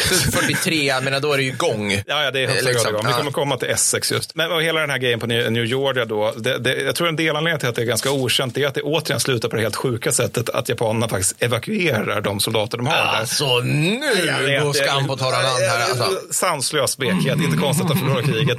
Nej, men så de evakuerar eh, sina truppmassor då till Bougainville och sedermera till Rabaul. Och liksom utmattade amerikaner får, får liksom börja bygga flygfält som rast förgör 70 procent av japanskt flyg på Bougainville. Så att bra för lag, USA. Slaget är liksom färdigt 7 oktober och egentligen det som är mest spektakulärt med det är egentligen att japanerna tappar 5 200 man, amerikanerna 6 100 man. Och det, här, det är en ganska ovanlig ratio. alltså det, det ja. brukar inte vara att amerikanerna förlorar fler på det här sättet. Nej, de som överlevde är totalt otjänliga i typ ett år. PGA, alla sjukdomar. Absolut, Ja. absolut. Mm. Men, men dessförinnan så har Hirohito presenterats för den spexiga idén absoluta försvarslinjen. Excellent. Ah, nu börjar vi komma in på saker jag känner igen här. i det här kriget. Ja, nej, men, och det är lite tråkiga då det, för, för japanernas del det är att alltså södra Stilla havet ligger alltså utanför den här då. Ah, för, ja, för de som japaner som råkar vara kvar. De Ja. som har den dåliga smaken Ja, att hänga alla som ner i. hundratusentals soldater då. Ja, så, ja. så att då får liksom Svarta lokala... bara, hej då. Ja, men så här, ja. Ungefär, Mm. Ja, Papua Nya Guinea omfattas inte av den till exempel. Då. Så att lokala chefer förväntas klara sig med det de har helt enkelt. Ja, alltså ja, det är verkligen, ja. nu har vi gett er det Ja. ni behöver för att lösa uppgiften. Gör det nu. Självhushåll framåt. Ni har anda, självhushåll, jordbruk, allt det där. Och för amerikansk del så leder, alltså New Georgia, det, det är den här typen av grej som leder till att vi prövar en grej, det blev ganska jobbigt och dåligt, så vi kanske lär oss något. Alltså det du nämnde i början av den här långa podden, att, att eh, de är en lärande organisation. Så att det de lär sig är typ så här, vi behöver mer robust sjukvård och evakuering, vi behöver mer CAS, vi behöver fler stridsvagnar. Det vi har lärt oss är att vi om vi bara har mer av allt Ja, exakt. och förmågan att använda det på ett liksom välhållet sätt, då kommer det gå mycket bättre. Och men, men man inser också att det, det, det är liksom bättre att gå runt saker än på. Det var du också inne på tidigare. Liksom just att Man måste inte bumrusha varje ö som det finns japaner på som Nej. är beredda att slåss till, sist, till döden. Liksom, utan vi kan också bara gå runt dem. MacArthur, i sina memoarer, Ja.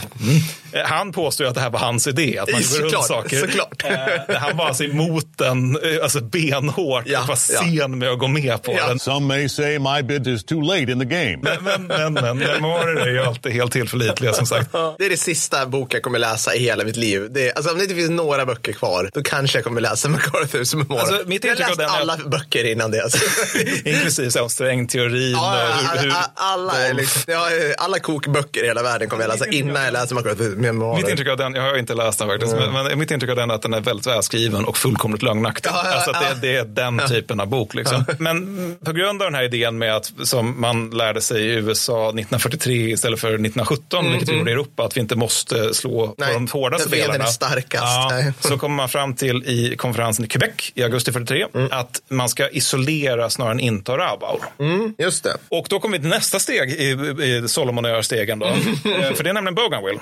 Och det här, är, alltså, det här är sista steget då i Solomonöarna som sagt. Och det är liksom egentligen skolexempel på hur en landstigning ska se ut. Alltså, man, man, man angriper den då för att i enlighet med Quebec-konferensen isolera Rabaul och för att det finns sex stycken flyg, flygfält här som japanerna var snälla nog att bygga som kan vändas mot Rabaul. Och efter att man bombat, som jag nämnde tidigare, bombat Bougainville från New Georgia då, så bestämmer man sig istället för att man ska ignorera majoriteten av japanerna på Bougainville som hänger liksom på flygfälten som är på östra sidan av Okej. Bougainville och istället bygga nya och egna flygfält på Nej. västra sidan av Bougainville. för att det är liksom så här härlig bergsdjungel emellan. Så Ja. man bara, ni måste gå igenom här ni ska komma åt oss. Så landstigningen sker 1 november med tredje marinkårsdivisionen spetset. Ja, på västra sidan av Bougainville. Mm. så det- Vad heter den? Que- Queen Augusta Bay har jag för mig att den heter. Empress Augusta Bay. Ah, fan också, Empress Ja. Augusta Bay. Ja. Mattis. Ja. Alltså att jag inte kan bukternas namn. Jag på tycker öar vi stänger av. glömde. Jag tycker vi bryter nu. Jag lägger ner. Ja. Adjö kära patroner, det var underbart förarbete för er. Jag ska nu bli låsmed istället. Nej, men så 8 och 12 000 amerikaner i land på en halvtimme. Ja. Det är ganska bra. Det börjar bli bra nu. Det börjar bli bra. Det, jag tänker mig att inlärningskurvan är så här, pappa packar bilen inför Sälenresan. Ja, ja. Nu börjar, nu börjar det liksom vara så här, gått från att vara så här, lösa ICA-kassar till att spela Tetris. så här, Exakt, liksom. exakt. Ja. Med familjen som Homer. This is what all those hours of playing Tetris were for. Mm. Alltså Homer Simpson, vilken jävla föregångsman som fadersgestalt. Alltså. Underbart. Men, men och då, så alla förstadagsmål är också uppnådda till lunch. Mm. Och japanerna då, de, de, de försöker ingripa då, men, men varken liksom flyg eller flotta gör det med vare sig plan eller entusiasm Nej, nej, nej. egentligen. Så att de, de lyckas skada två amerikanska fartyg lätt Okej. och blir på kuppen av själva då med en sänkt kryssare och en sänkt jagare plus otaliga flygplan. Jobbigt Ja, egentligen. ja, Och på landbacken så spenderar amerikanerna november egentligen mest med att expandera. De liksom har Mm. en perimeter som de försöker göra större och finare. Så. så de sätter in bland annat in då 5600 artillerigranater mot ett enskilt bunkersystem som japanerna har ute i djungeln. Det, detta resulterar i citat en märklig stinkande upplöjd djungel av sönderskjutna träd och slaktade japaner. Slutcitat. Så, att, ja. så det, alltså, det kostar amerikanerna typ 115 förluster att vidga brohuvudet. Japanerna tappar 1107 stupade då, plus extremt många eh, som, som dog av sina skador och tynade bort ut i djungeln för detsamma. Nu, jag måste bara säga, nu börjar vi komma in på de här, de här vansinniga amerikanska flottstyrkorna. Alltså flottsammandragningarna. Ja, vi närmar oss dem. Ja. Ja. men det, det är faktiskt nästa, nästa sektion i det här manuset. Men, men för bara sista ja, ja, ja. Bougainville, det är att, alltså att de här förlusterna liksom, det gör ju gällande att japanerna på Bougainville är inte riktigt problemet. Då, för att amerikanerna har så mycket gear nu att de kan liksom bara spränga bort dem. Något som däremot är problemet är själva ön i sig. Då, för den består typ så här, träsk, mangroveträsk, Mm. Ja. djungel, bergsdjungel, Ja. allting lagrat på varandra Ja. i en så här fasansfull dag och Alltså, det är backare. så Så att hemskt, alltså. Amerikanska sjukvårdare de hanterar framförallt olyckor och sjukdomar snarare än skadade. Det regnar 17 av 18 dagar i november Ja, och de har 37 grader varmt. Och sen naturligtvis kallt för natten. Is fine. Ja, Ja. Med extrem Är det, luftfuktighet. här, är det här man ser i The Pacific när någon tar livet av sig? Nej, det är han Cape fix-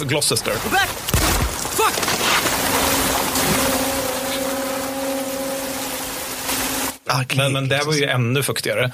Det, det var liksom bara en monsun som man slogs med där snarare än japanerna. Alltså bara så här, nej jag orkar inte med regn längre. Alltså helt. Nu är vi 80 mil ifrån Rabaul, så nu är de nära. Ja, nu är de nära. Nu är, de, nära, nu är det på, på gärdsgården faktiskt. Ja. Nej, Men all den här vätan leder naturligtvis till eh, jungle rot, naturligtvis. Mm. Ja, och ja, även skyttegravsfot och eh, svampinfektioner. Mm. Dock malaria, det har man lärt sig hantera vid det här laget. För att vid det här laget, alltså man har gått från det här ledsna vid Guadalcanal där det är så här att skyttet får, jag har tagit upp tidigare minst två gånger, skyttet får tablett, atabrintabletter mot malarian, förebygga malaria, vägrar äta den för att de tror att de kommer bli impotenta Ja, av den. ja. Till att varje soldat har 60 atabrintabletter var. Det liksom observeras av underofficerare Ja. att de tar dem. Ja. De har fyra flaskor myggspray och en fermonbomb per var fjärde man som man liksom kastar iväg så att myggorna ska dra sig dit istället för att Nej. få knäckta. Jo, visst. Sen också misstänkta malariaområden, när man ser ett kärr eller någonting som ser ut att där kan de myggjävlarna bo. Ja. De behandlar man också med diesel. Boy, that escalated quickly. Och så tenderar man också att dränera träsk. Så att Malaria, Alla miljöpartister som kanske lyssnar på det här dör. bara utvinningen av diesel är i sig ett brott mot naturen. Fredrik kan berätta vad, vad man var tvungen att göra om man spillde liksom en handfull diesel i Enköping som Ja, ett vattentäktsområde. Ja. Då gräver vi upp all topsoil. Är ja, det var helt sjukt. Ja. Nej, men så när japanerna är bortdrivna lokalt så inleds då den amerikanska logistiska dekadensen. Ja. Inom perimetern så byggs då i ordning flygfält som heter Pila Ankel. Så ett Mm. Det flygfält är rimligt att prioritera det. Ja, men det är bra. Ja, Man kan, det blir så pass stort att man kan landa bombplan på det. Man upprättar ett vägnät, oljecisterner, Ja, bra. pi- pipelines, en hamn för patrullbåtar, sjukhus, hangarer, plattformar på vilka man kan lägga hundratals ton förråd, Mycket bra. tennisbanor, en Ja, basegolfplan ja, och så hopp. vidare.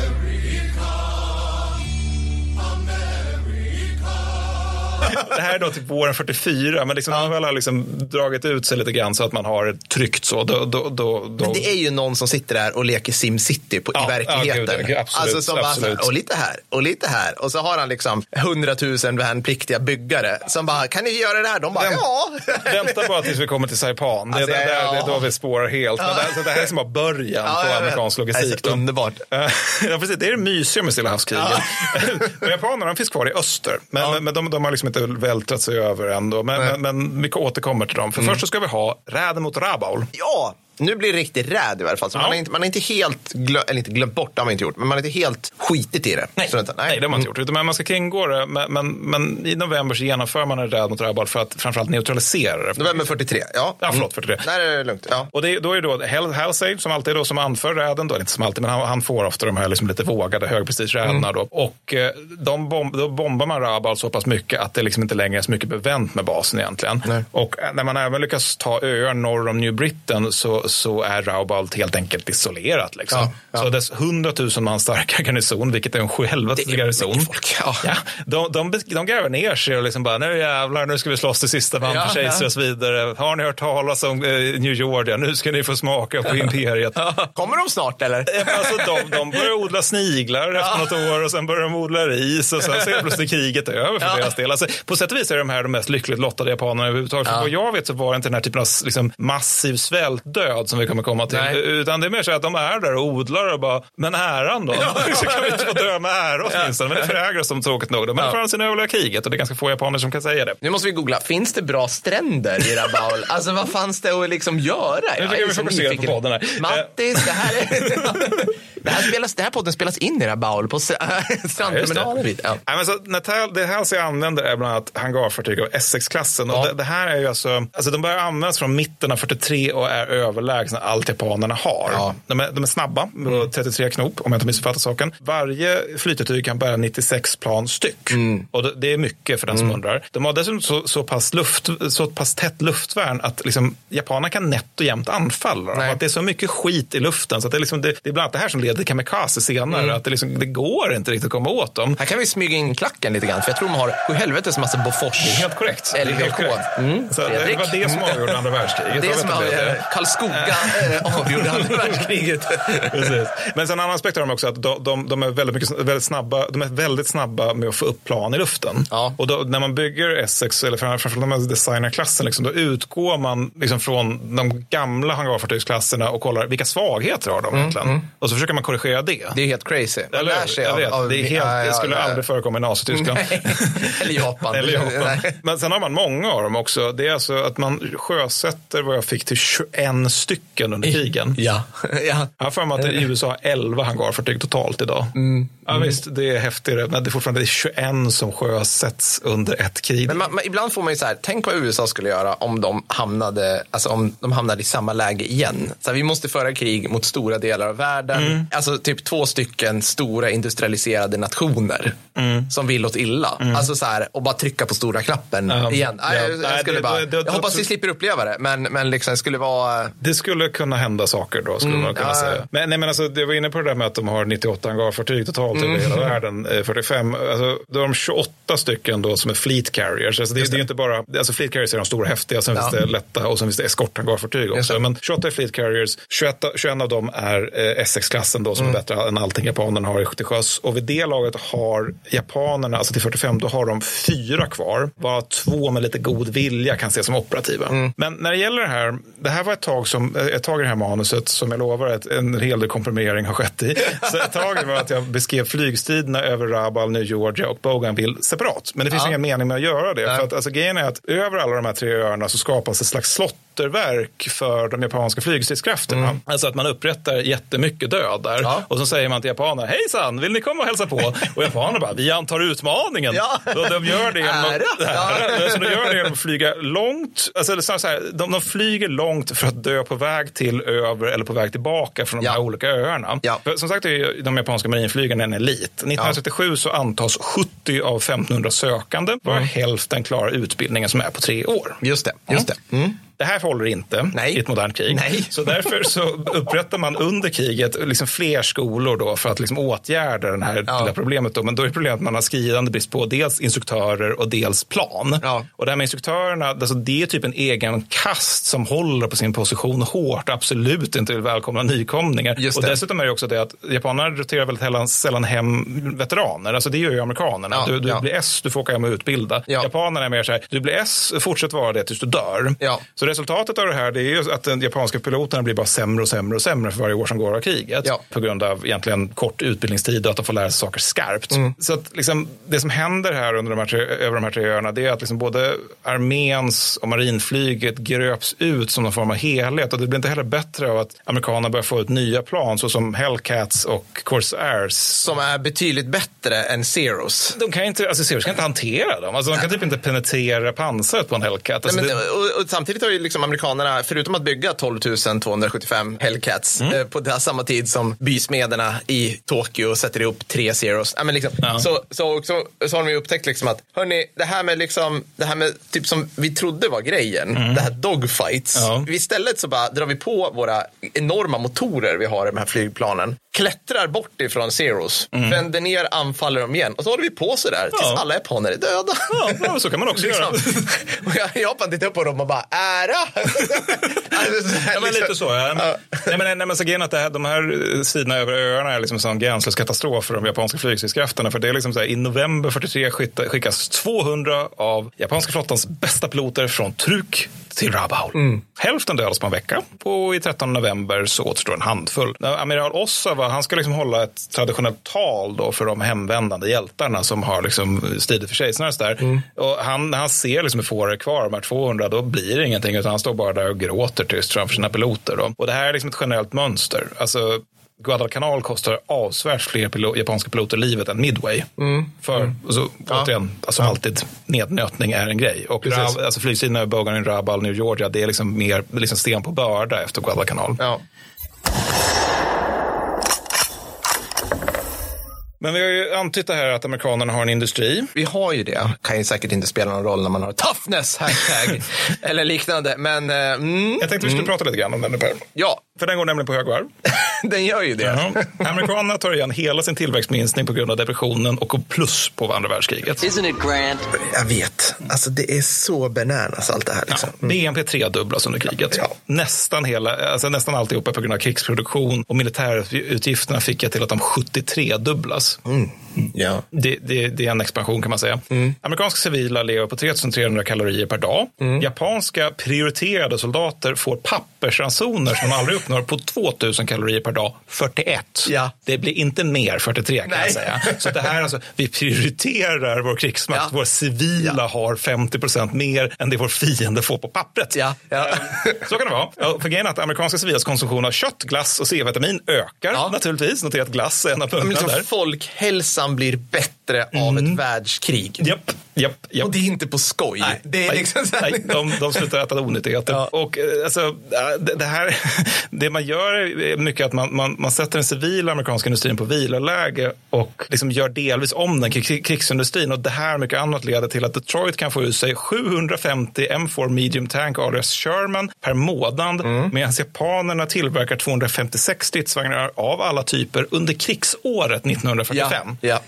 Ja, det, det här, och det här Har det här någon effekt Nej, på- absolut, det är helt, helt Ja, oviktigt.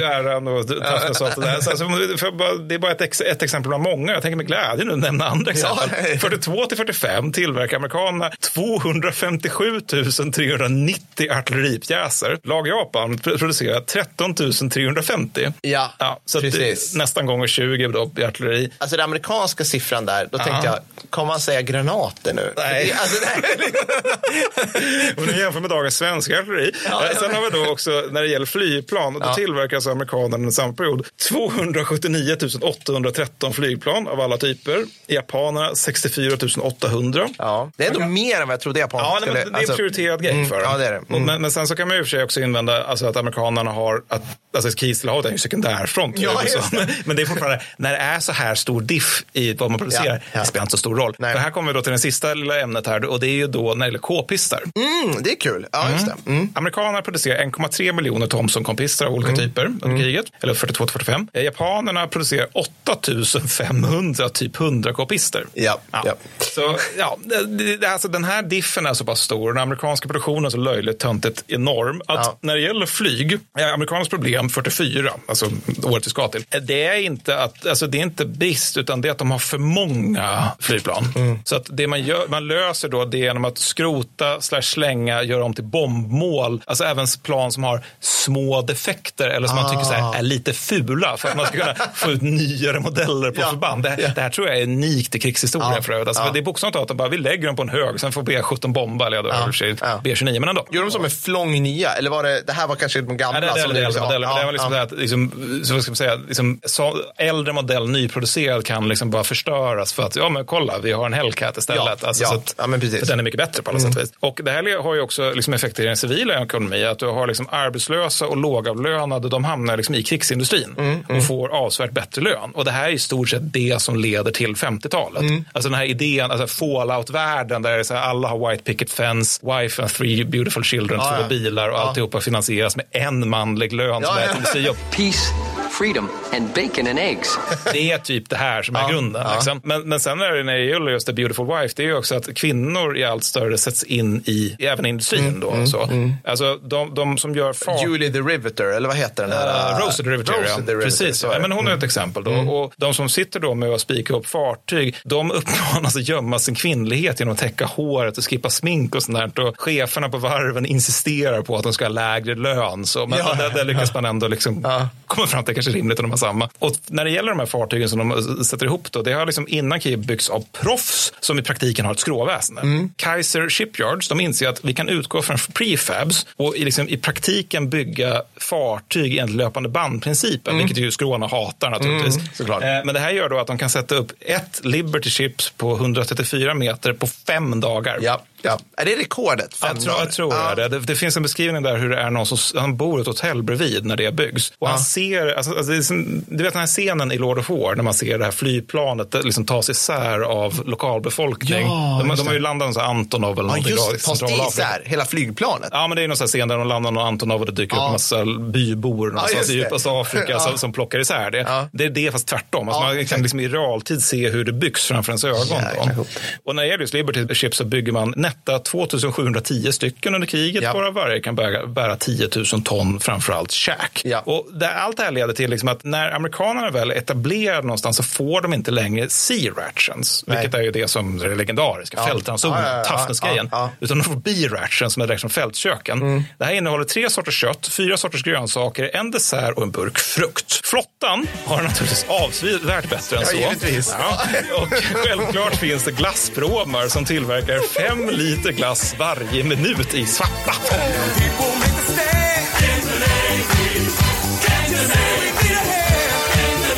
Den här byggboomen den gör liksom att San Francisco blir en storstad. Innan är det typ så här några får, men, men nu, nu blir det en storstad. Mm. Och byråkrati gör detsamma med Washington. För Washingtons befolkning dubblas under kriget. Mm, det. Bara, man börjar man bara, shit, vi, be- vi behöver bygga världens största kontorsbyggnad, Pentagon, för att ens kunna hantera det här liksom, byggandet. Ja, mm. Ja, men exakt så. Och det leder ju till behov av... Alltså, av Barer? Nej, men, Nej, men- nej, men allt, allting. Liksom. Det, det, det, nej, men alltså, så, alltså, det är liksom, I Washington dyker det upp 10 000 nya medborgare varje dag. Alltså, Det är bara vum, vum, vum, bokstavliga busslaster. Inte minst är det då alltså, skrivmaskinister och administrativt folk. Då, som, och du nämner Pentagon. Man slä- slänger också upp 27 stycken nya kontorsbyggnader som man konstruerar av en giftig blandning av betong och asbest på Capitol Hill. Då. Och det här då motsvarar en miljon kvadratmeter bara på de här 27 Ah. byggnaderna. Och de innehåller 40 000 personer per byggnad som jobbar i åtta timmars skift dygnet runt. Och september 42 så arbetar också 17 000 personer i ett halvfärdigt Pentagon. Det är väldigt mycket 40K här helt plötsligt. Ja, det, Alltså, det, de här- alltså, jag, jag tar upp det här mest för att det är så jävla gal. Alltså, det, jag tror inte, jag tror inte, Administrator. men fatta att liksom bo i Wa- Washington ser det här framför sina ögon. Hela staden liksom bara, oj, vad- jag känner inte igen det här längre. Liksom. Det är helt nya gator, helt nya kvarter.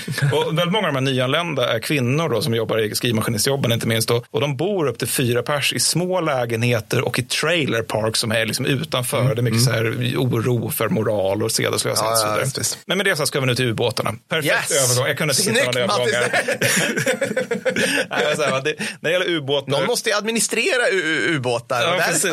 Förlåt, det, nej, det var inget snyggt, men, men jag kunde inte komma på någon bra övergång där. Nej, men grejen att när det gäller ubåtar, det är typ det närmaste man kommer liksom så här, typ av vapensystem som avgör Stilla havskriget. Ja, och det här är kul för det är det vapensystem vi har minst koll på. Speciellt när det gäller Stillahavskriget. Det är helt sjukt dålig koll vi har. Amerikanerna kallar ju sitt för the silent service. Ja. Så det, det, är nästa, det, var- det för mig att det är någon föreläsning på någon marinuniversitet där ubåtarna säger, liksom att, eller ubåtskillarna säger att vi måste nu liksom tala tyst om det här så att resten av flottan inte förstår att det var vi som vann kriget. Nej. Och grejen är att de har typ rätt i det. Du har liksom, om man tänker så här, kända förband, militära Mm. förband i bredast tänkbara bemärkelse under andra världskriget. Anglosaxiska världen har liksom, de har gett oss, ja men, 101st Airborne i ena änden.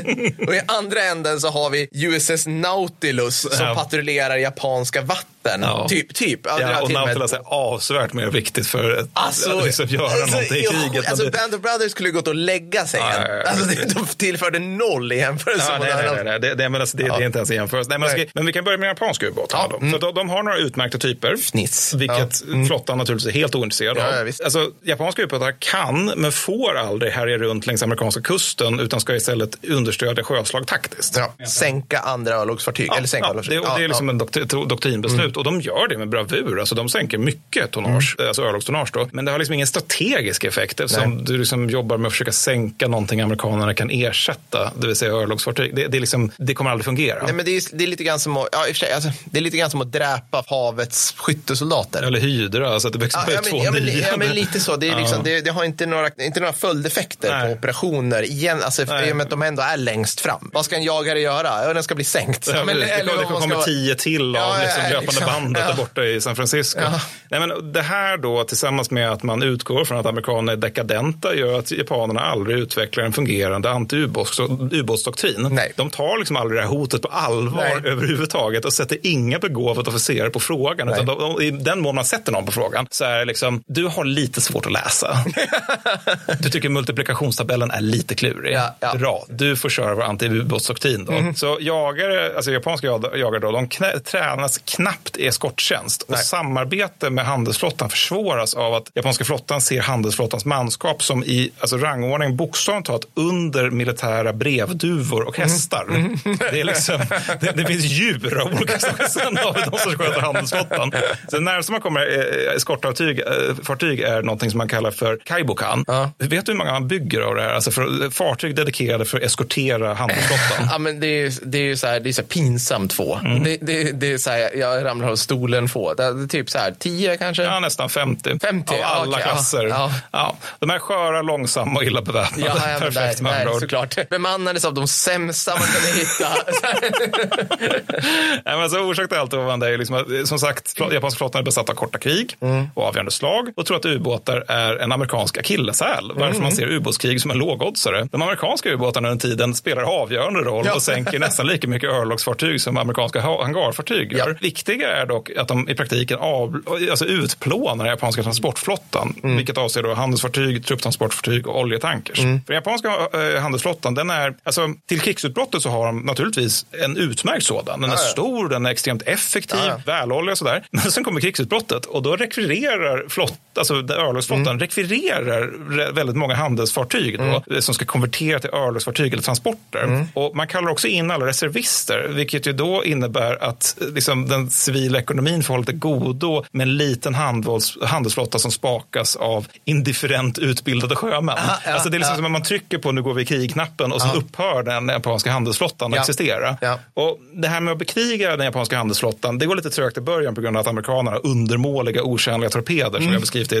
beskrivit i avsnitt 12 tror jag. De försöker sänka fartyg genom att skrapa av färgen på dem med, med torpeder. Vi rammar dem med torped.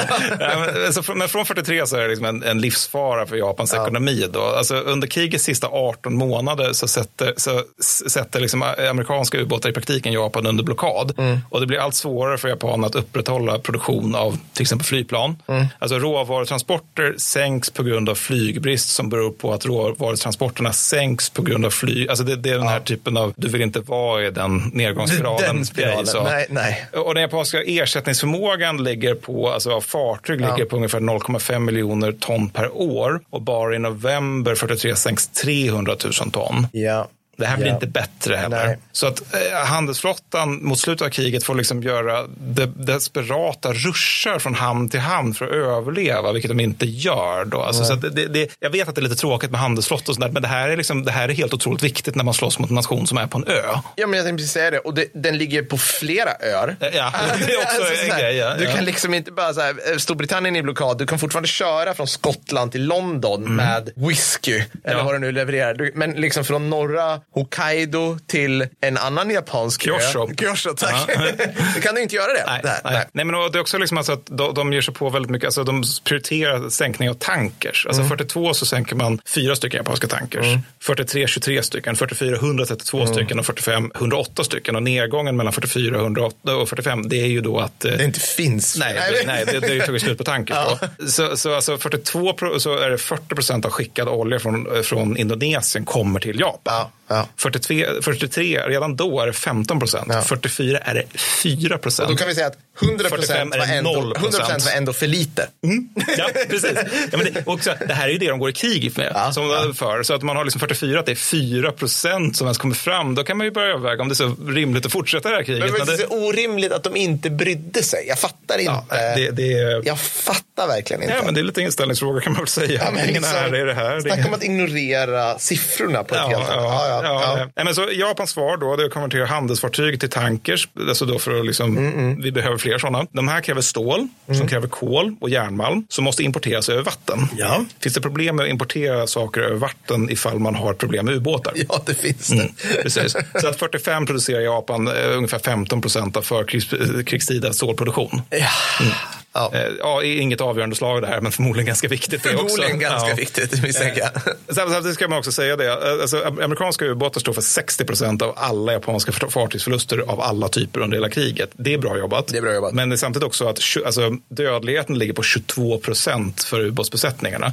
Ja, det är inte tysk dödlighet, men det är rätt högt. Ja, det är också Mm, alla det- amerikanska vapen- vapenslag. Ja. Är det det? Ja. Även bombbesättningar över Ja, Europa? jag läste Alltså- det i en bok i varje fall. Ja, men då tror vi på det. Då måste det stämma. Men sänktes de, alltså för jag kan tänka mig så här, sänktes de? de En 21? del, en del sänktes ju absolut. Ja, ja, ja. Va- Var det alla eller var det, jag kan tänka mig, tänka mig mycket olyckor. Säkert. En ubåt på ja, men det är ubåt 40-talet. på, ja, precis. Men det är väl liksom i praktiken en flytande likkista. Ja, men, men, mer eller mindre. Man, har vi någon luft med oss? Nej, inte prioriterat. Nej, Nej, kommer vi packade fullt med torpeder istället. det är jävla bra.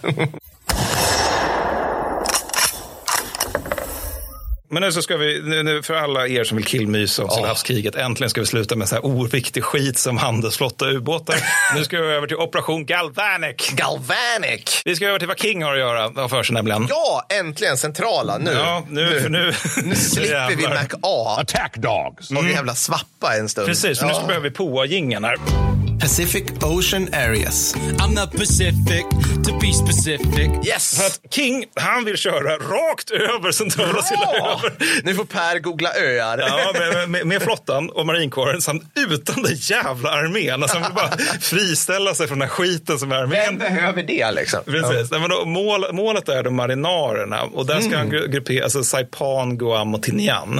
Och där ska han gruppera B29-plan som kommer komma på förband 44. Ja. Och i väntan då på att Cartwheel nere i, i Swappa ska, och Sopak ska ros i hamn så får man köra stötvis för det tar ju ändå en del resurser. Så man, man kan liksom inte rida hela vägen över till marinarerna med en gång utan Nej. man får först ta Gilbertöarna och sen ska man ta Marshallöarna till sist marinarerna. Ja. Och för operationen mot Gilbert så sätter man ihop den dittills största flottan Ja, nu börjar det hända som här. USA Ja. någonsin har haft, vilket Ja. jag skulle gissa innebär den största flottan överhuvudtaget, kallas för den femte flottan. Ja. Och då, den som får anföra den här då är ingen mindre än Spruance, som är mannen bakom Midway. Just det. Rimligt val av person. Spruance är en av mina favoriter i det här kriget, för han är så jävla skön. Han beskriver kriget som citat, mycket intressant, slutcitat, och sig själv som väldigt lat, slutcitat. Han är besatt av renlighet och går tvångsmässigt åtta kilometer varje dag, så han, han kan se sig Ja. spatsera runt på däck då. Ja. Och så sover han åtta timmar varje natt också oavsett vad som sker. Ja. Alltså, folk, kan, folk kan väcka honom när det är på, liksom, nu händer katastrofer och sjöslag och grejer. Och då får han, frågar han alltid, kan jag göra någonting åt saken? No sir. Eh, Men väck mig inte i så fall. Då somnar han om. Inte arg eller så. Nej, nej, bara, nej, nej. Eh, Han maler också sitt eget kaffe som han inte lika, litar på kockarnas förmåga. Är han en hipster? Lite, alltså, men- också att det är, också, det är ju amerikanskt kaffe, amerikanska som- eh, kockar, så man förstår ju hur han tänker. Ja, han dricker tre koppar till frukost, äter en macka och lite grapefrukt. Ja, ja. Till lunch blir det soppa Mm. och till middag så blir det stek och rå lök. Det Mm. här sistnämnda trodde han var bra för hälsan. Alltså, det här är en ganska excentrisk figur som förmodligen är en av de absolut bästa jävla amiralerna USA Ja. har under det här kriget. Och typ Halseys motsats också. De ska ju vara så underbart neurotiska tycker jag. Alltså det, det, Ja, det, ja. det är roligt liksom. Ja, men också att han är mycket mer av en tekniker än Halsey. Ja. Halsey är mer så här, krigare, vi ska Ja. ut och härja. Liksom, en Spruance är mer så här, vi applicerar överväldigande kraft och jag låter min stab gör det mesta jobbet. ja. Och jag erkänner det också. Eh, det- då, och där är det här lite röriga då, att det är ju liksom, eh, alltså marinkåren och flottan ska göra någonting tillsammans då. Och eh, flottstridskrafterna, und, alltså Spruance har, han, han har det som ansvar för hela femte flottan. Och den kan sedan delas in i alltså, de bitarna som flyter, det vill säga eh, flottan så att säga, under Turner. Och sen marinkåren, den andra delen som är under Holland Howlin Mad Smith. Såklart. Howlin Mad. Ja, Ja. det, ja, men, och de, de kommer absolut inte överens. Nej, såklart inte. Gräl konstant med varandra, Ja. förutom när de älskar varandra, för de är så här typen av passionerade män. Så här kommer man fram till en så här svinkonstig komp- kompromiss som är att Turner får ge order över alla när de är till havs Mm. och Smith över marinkåren i samma stund som de väl är i land. Mm. Och det här är en ordning som jag tycker, den låter lite bökig, men det är samtidigt som den, den, den liksom inleder man i och med Operation Galvanic mot Gilbertöarna, men, men den blir sen gängse över resten av kriget, så det måste ju ha fungerat hyfsat. Liksom. Och när det gäller då Galvanic och Gilbertöarna, då är liksom kronjuvelen, eh, det vill säga den stora, stora massakern i det hela, det är Tarawa, som vi beskrev i avsnitt 18. Men, Och vill du beskriva för de kära lyssnarna vart vi har Tarawa i allt den här uppståndelsen? Ja, det ska jag absolut göra. Härligt. Eh, Alltså, det tog ett tag innan jag hittade det. Man får zooma in så inåt helvete. Men det är alltså, uh, oh, vad ska jag börja någonstans? Det är typ mitten, alltså det är strax väster, och när jag säger strax menar jag x antal hundra mil såklart, över datumgränsen. Och sen strax norr om, eller precis på ekvatorn är det. Det är lite coolt faktiskt. Den är nästan precis på ekvatorn. Ja, det är härligt. Det, är det bästa med, med Tarawa är att när vi pratar om liksom de köttiga öarna, Papua Nya Guinea, all, alla eh, eh, vad heter det, Marshallöarna, eller förlåt, Salomonöarna Mm. och liknande. De är liksom öar. Ja, ja, visst. Det här är en sandbank Ja, i det havet. korallbit. Det är Liksom. en korallbit. Alltså, Ja. den, är, den är oerhört... Alltså, det, vi vi pratat om det där i det Det, avsnittet. det så- finns en bok som heter, vad är den heter? One square mile of hell. För det är typ one square Ja, mile. det är liksom inte jättestort där. Nu strategiskt viktigt objekt. det, det här är ju det sjuka med Stilla havskriget. För att det är liksom, eftersom man kan ha ett flygfält på en korallbit så blir det liksom Ja, faktiskt ja, ja. strategiskt viktigt att Den inta. ligger ju bra till, tror absolut. jag. Ja, absolut. Nej, men, så- men i korthet här, för vi har liksom spenderat en timme i avsnitt 18 med att beskriva skiten. Men Ja. det är alltså att marinkåren har tränat i 20 år på att genomföra våldsam landstigning mot ö. Mm. Och det här är i praktiken första gången de faktiskt gör det. För Guadalcanal, New Georgia, det är ju utan motstånd. det här är den gången de faktiskt köttar rakt in i eld. Liksom. Mm. Och den huvudsakliga striden på är liksom, är på Betio då, Mm. som hålls av 2619 japanska soldater från eh, nu ska jag säga, Yokosuka sjätte och Saspo sjunde Rikkosentai, alltså särskilda landstigningsstyrkan, plus 1200 bygg slash slavarbetare. Mm. Eh, amerikanerna de anfaller, anfaller 20 november 93, eh, 1943 med, nu ska vi se här, 19 965 man ur andra marinkårsdivisionen. Ja, ja, ja. Och amerikanerna då, de fastnar inledningsvis med majoriteten av sitt anfall i olika korallrev. Och alltså de som har Amtrax, de kan via Amtraxens band ta sig över korallreven medan resten fastnar då utanför för att göra avsittning på öppet hav istället. Då. Tröskande mardrömslika strider följer och när det är slut 23 november så har 3797 amerikaner räknats som förluster och av japanerna överlever 17 stycken Rikusentai och några hundra slavar. Ja, ja. Så att, eh, det, här är ett av de här staden, att man, slagen där man tar liksom uniformerad personal så är förlustration till eh, japansk fördel. Men med skillnaden att nästan ingen av dem överlever. Det finns nästan inga sårade där. Och en av japanerna som faktiskt överlevde, alltså en av de här 17 av strax under 3000. 17 styck. Ja, det var en eh, Kiyoshi 8 som han 23 november befann han sig i en bunker tillsammans med tio andra sårade japaner. Han själv var då svårt sårad redan som det var och han hade be- liksom deltagit i det sista bajonettanfallet som gick sådär kan man säga. Och så han sjönk in och ut ur medvetande och, sen 24 november då så hör de helt plötsligt röster utanför bunkern och sen her- är det en handgranat som flyger in i bunkern då, vilket dödar flera och förvärrar skadorna på andra. En japansk soldat skriker upprepade gånger mamma, jag har så ont, det gör så ont och sen dör han. Och Otta ser sen hur en eldkastare, eller inte en eldkastare utan snarare flammorna från en eldkastare börjar spruta in i un- bunkern. Han känner sen liksom hur han inte kan andas för att elden äter ju upp allt syre och sen kommer det massa rök. Och sen svimmar han då medan hans uniform fattar eld och det sista han hinner tänka på är sin mor. Till sin egen, och min, för den delen min förvåning, Ja. så vaknar han sen och blir krigsfånge. Men det här är liksom, det här är så det är ifall, ifall, ifall man ska bli krigsfånge från lag Japan. Man hinner gå igenom en del ganska tråkiga saker. Och det här är ju liksom en katastrof för alla inblandade egentligen. Alltså, det, alltså, man drar lärdomar av det och det är i stil med att om man, om man ska ge sig på en sån här pass liten ö, som du säger, alltså det är bara en liten bit korall, liksom. det, det, det finns ingen djungel som det gör på Papua Nya Guinea. Då behöver man kanske inte tillse att alla marinkårssoldaterna har med sig liksom ryggor som är fullpackade med mycket mat, vatten, sandsäckar, taggtråd, Nej. gasmask, hela Nej. mässkittet och. Nej, Man kanske inte måste ha Nej, det så. precis. M87, så här liksom. Nej. Damasker. Damaskerna ska med, Ja, alltså så här, de liksom. vadar ju alltså några hundra meter i midjehögt vatten med all den här skiten på ryggen. Man Ja. inser att det kanske inte var så bra. Däremot, mycket ammunition och granater är nog bra och det Mm. visar också att LVTs, alltså Amtrax, fungerar bra när det gäller korallrev. Mm. Och man inser också begränsningar med förbekämpning faktiskt. Alltså att det kommer vara tema i den här podden Mm. om inte redan märks att när det gäller förbekämpningar så blir det ofta lite besvikelser. Mm. För att man, alltså en lärdom på något sätt från andra världskriget är att du kan plösa ner en satans massa granater på en fiende, men det kommer alltid vara några jävlar som överlever. Någon borde ha dragit den slutsatsen kring typ första världskriget också. Mm. Ja, Eh, men där de Gallipoli. Ja, men typ så. Ja, Ja. ja, Mm. ja men som kanske. Nej, men för I det här fallet så är det att man ser liksom 16-tums granater avfyrade från slagskepp som studsar när de hamnar i fel vinkel. Just det. Ja, och det är ju tråkigt. Det, det är liksom inte helt äh, tandlöst, men det är otillräckligt. Och den amerikanska lösningen är ju fler och mer, Ja. samt också att man ska sikta in lite bättre. Är det inte vid det här laget, eller är det senare 44 när det börjar dyka upp ett raketskepp? Jo, precis. Man, sätter, man sätter dem på, äh, vad heter de, Higginsbåtar. Ja, men, nej, men större. Alltså, Ja, det finns också. Ja, Ja, men, men det finns också de här Higginsbåtarna som man har liksom satt typ en stal i Norge. Eller, på, eller vad det heter på amerikanska, Calitrope eller sånt där. Men, och det, det är liksom att Holland Smith då, som anför marinkåren Mm. på Tarawa, han, han säger officiellt att det här var ett jävla misstag. Det här Mm. var ett clusterfuck av Guds nåde. Men resten av marinkåren och flottan sluter upp bakom idén att det här var värt det. Och, och när det gäller det här, apropå liksom hur få jävla japaner som överlever Betty och Tarawa, så Mm. tänker jag att vi ska prata lite grann om någonting lite dystert igen. Om inte det här förra var Ja, dystert. jag vet inte. Jag vet Eh. Det kanske blir dystert. Fullständig mardröm. Ja, och nu ska vi bli dystra. Nu ska vi bli dystra Ja, men- ja, utifrån men det. Ni trodde östfronten var mörk, för nu har, vi, har vi punkten Det grymma kriget. Mhm. För det, det, det, så, jag håller på med en bok som jag inte har skrivit på sedan i november 2021 för att den här podden blev liksom ett jobb. Mm. Men, men den här skulle handla om landkrigföringen i Stilla havet och den Mm. kommer nog heta Det grymma kriget om jag någonsin blir färdig med det. För att det är just det att det, det är liksom så påfallande hur båda sidor är så ofattbart grymma mot varandra. Mm, mm. Om vi börjar med de som är minst grymma, men fortfarande fasansfullt grymma, så är det amerikanerna. Mm. För alltså, amerikanska soldater bär ofta japanska öron och tänder som halsband. Du säger ofta, menar du ofta? Alltså, ja, så här, alltså, ja. tillräckligt ofta för att Nimitz ska skicka ut förbud mot detta i september 42, vilket inte hjälper utan förblir en ovana, Ja. inklusive du vet, Ja. spika fast strids, sk- dödskallar på stridsvagnar och Ja. sådär,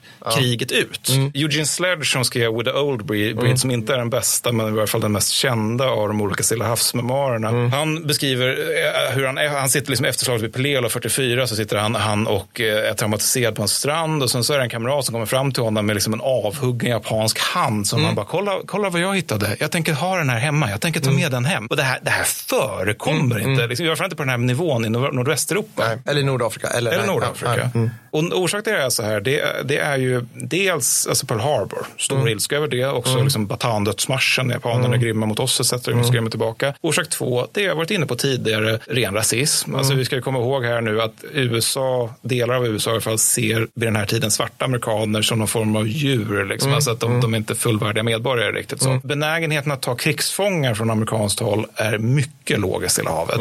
Alltså, orsak ett till det då, alltså det, det, det är inklusive sånt där som det händer på Guadalcanal, Mm. liksom att, Mm. att eh, ja, men där, där är det så Marine Raiders hittar eh, Japan, eller amerikanska soldater som har blivit torterade och mördade av Ja, just japaner. det. Just det. Eh, De svarar på det genom att citat avrätta, läs mörda, Mm. några av de få japaner man faktiskt lyckas ta till fånga. Och det, det. det här liksom sker utan större åthävor. Liksom. Ja. Och sen kommer någon sån här order som killmusförfattare bara, sen sa man att man inte skulle ta några fångar på ett dygn. Ja, det är ett krigsbrott kallar Ja. vi det. Ja. Och orsaken till det att det är så här då, det är dels att det är farligt att ens försöka försöka ta japanska krigsfångar med tanke på tendensen att strida även när de är sårade. Orsak två är att de tenderar, alltså amerikanerna tenderar att mörda de som ger sig i större omfattning än Nordvästeuropa. Det är alltså, se tidigare punkter om Pearl Harbor rasism, men även då alltså, är det en konsekvens av den japanska grymheten. För den är etter värre. De föder, de föder ju varandra Ja, på ett sätt. de gör det. det. är- Det är en våldsspiral som är påtaglig skulle man Ja. kalla och vedervärdig Mm. för den delen. För att alltså, japanerna, de, där är liksom så många jävla fall av grymhet så jag, alltså, jag tycker på något sätt jag har låtit antyda det. Att det Jag var jag ganska tycker vi, har, vi, har, vi har brutal- pratat om det i andra avsnitt och Ja, vi har, ja. liksom så. Men absolut. Vi kommer inte Mm. nämna 731, men, men alltså, när vi, om vi bara börjar med grymhet med krigsfångar så tenderar de att se krigsfångar, japanerna ser krigsfångar som hederlösa. Mm. Och sen är det också den där aspekten som är ju att de kan ju nätt och jämt utfodra sig själva varför krigsfångar då inte är prio. Nej, nej. Men om man ska ta någon form av fallstudie av hur det kan gå för allierade krigsfångar som hamnar i japanernas klor Mm. så är det fångläger Sandakan i- på Borneo. Har du hört talas om det? Nej. Nej Vart ligger det här någonstans? Borneo. Bon, Borneo? Borneo. Ja, jag bara, va? Nej, men det, det, här är ett- av de här ortsnamnen som jag uttalar fel enligt min fru. Jaha. Eh, ja. Ja, det var fel. Borneo. Borneo. ja, men i alla fall, Sandakan då, det ligger på Born- Borneo. Här hade i alla fall japanerna 2500 australiensiska och brittiska krigsfångar. Varav eh, sex, alltså som är 1, 2, 3, 4, 5, 6 överlevde kriget. Ja, Läget var helt okej i början, men från och med 43 så blev det värre för varje jävla månad som gick. Mm. Det, alltså, japanerna började här se komplett, komplotter överallt och med visst fog också. För Mm. De civila på Borneo reste sig och fångar försökte fly och sådär. Mm. Och de ägnade sig då, som, ett utslag av det, så ägnade de sig åt då vad en författare kallar för citat terapeutisk tortyr. Slutcitat. På grund av tristess och det går dåligt i kriget. Så att Ja. man, man torterar en annan människa för att man har tråkigt eller för att man har lite aggression man får ur sig. Och tortyr, brist på mat och för den delen medicin följer förstärks sen ju sämre kriget går för lag Japan. Mm. Och 45 flyttar, bestämmer sig japanerna för att nu jävlar, nu ska vi flytta krigsfångarna och oss själva då. Vilket innebär då att man tar svältande och sjuka krigsfångar, alltså de är ju typ skelett. De, Mm. de ser bokstavligt ut som någonting från Buchenwald vid det här laget. De ska, de, de ska användas som bärare för den här flytten. Mm. Det här slutar inte väl. En av de här marscherna genomförs över 260 kilometer bergsdjungel. Åh, herregud. En annan genom terräng som är så jävligt att den enda som överlever är en ensam japansk soldat. Resten bara tynar bort En i djungeln. japansk soldat? Ja, en japansk soldat. Alla andra japaner, alla krigsfångar i den, den kolonnen dör. Bara tynar bort i djungeln. Och alltså de som återstår, de få som överlever de här marscherna, förflyttningarna, de skjuts eller dör av svält eller sjukdomar. Alltså de, de, de sex som överlever, det är folk som bara haft turen att fly ut i djungeln och lyckas Ja, överleva ja, där på något ja. ja. mirakulöst sätt. Och är att Sandakan är inte unikt. Alltså, japanska fångläger kräver 27 procent av sina fångars liv under kriget. Mm. Om man jämför det här med tyska fångläger för västallierade, jävligt Ja, viktigt. Det är helt annat när det gäller Ja, de stackare som är från Röda armén. Men när det gäller för västallierade så är det 4 procent. Mm. Där är det 4 procent kontra 27 procent, vilket är en jävla skillnad. Och orsaken till den här japanska grymheten är återigen det med att man ser sig som kejsarens, alltså det finns många skäl, men en är att man, man ser sig som kejsarens representanter. Mm. Det är inte jag som gör det här, det är kejsar, jag är liksom utför bara order. Och dessutom det här återigen att de, de värderar liksom inte sina egna soldater speciellt högt, så varför värdera andra, särskilt när man ser de som man strider mot som undermänniskor. Ja, precis. Och när det gäller brott mot kvinnor, som vi tråkigt nog kommer behöva återkomma till, så är det också ett djupt rotat kvinnoförakt som, som är liksom befäst ordentligt i den japanska armén den här tiden. Men sen är man också alltså, fruktansvärt grym mot civila, vilket vi har ju antydit tidigare genom det här bisats 70 000 kineser dör. Alltså, I Mm. Kina pratar kineserna om att japanerna intar en citat tre alla-policy. Med det avser de Döda allt, plundra allt, bränn allt i de områden som anses göra motstånd mot den japanska ockupationen. Mm. Och det här gäller naturligtvis även ockuperade områden i Stilla havet. Alltså det är med fasansfull lätthet som japanska garnisoner på så olika konstiga småöar Mm. som de har ockuperat förvandlas till så småaktiga tyranner som mm. dödar och våldtar lite grann på, på infall egentligen. Be happy your work. Apropå eh, kvar. Men, men finns det några av dem inte? Alltså det skulle ju vara, det skulle ju vara eh, fnissvänligt om till exempel det visar sig att men katter vördar och mördar. alltså för för de, det, du säger är egentligen att de är, mon, de är monster är ju fel, men de är fruktansvärt grymma och barbariska mot alla. Ja. Även sig själva. Ja. Det. Alltså, Jag jag vill minnas att det finns en term för det här. Alltså att, man, det, att japanerna, kanske inte officiellt, men att de... Hatar livet. Nej, men alltså att de, de, de delar ju in sin historia i olika eror som ofta är efter vilken kejsare eller dynasti så, så, Mm. som styr. Då. Men jag vill minnas att man, jag tror inte man gör officiellt, men att man inofficiellt i vissa sammanhang kallar den här eran för Valley of Darkness. Alltså mörkrets dal. Alltså att det är någonting som går så fruktansvärt allvarligt fel under mellankrigstiden i Japan och som sen får komma lös under Mm. andra världskriget. Då.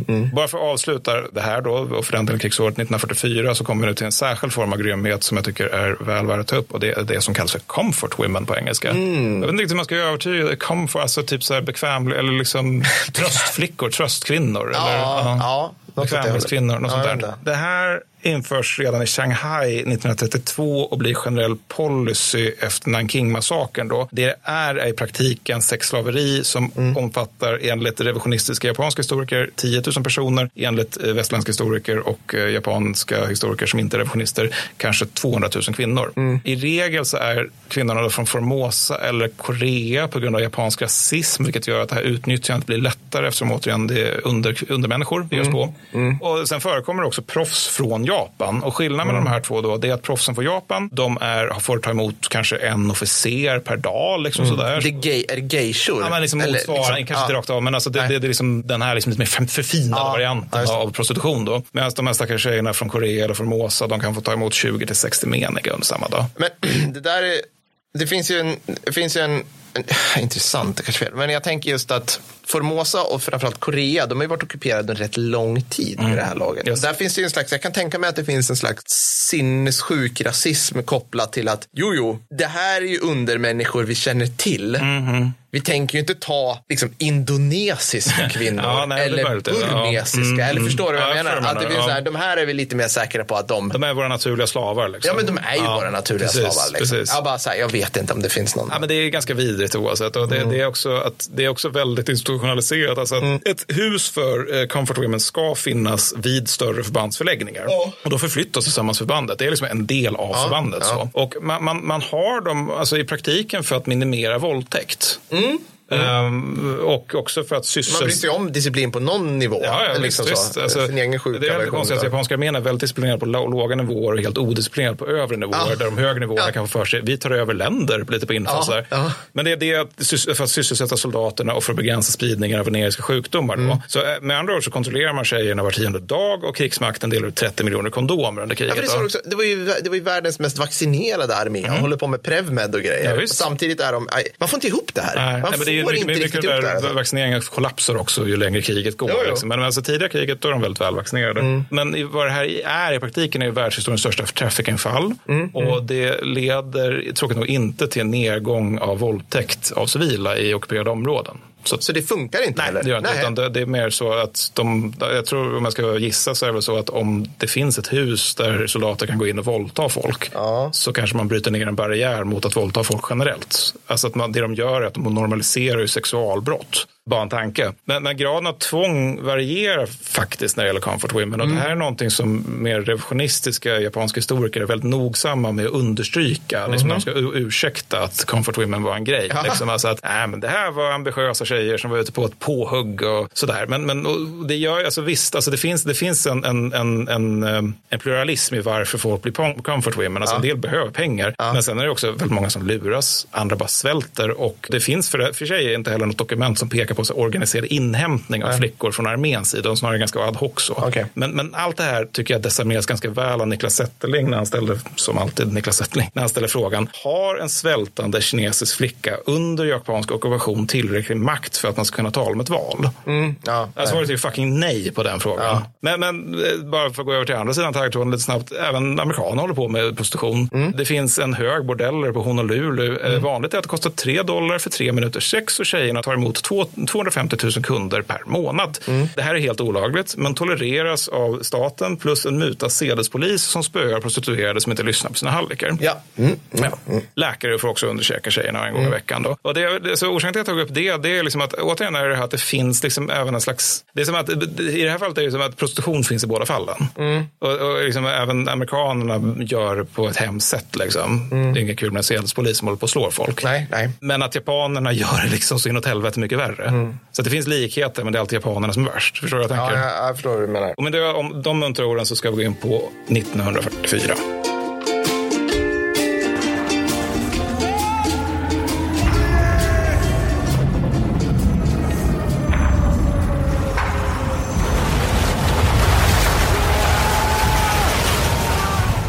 –1944.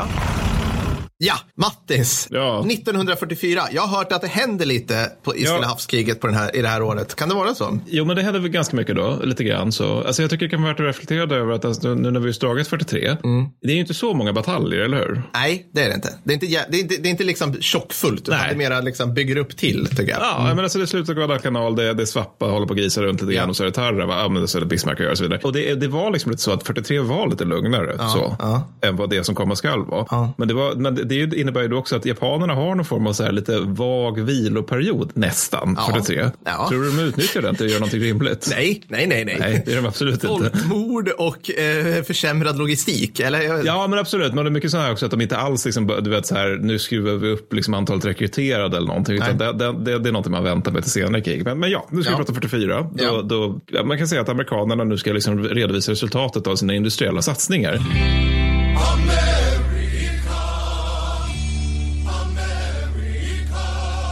Mm.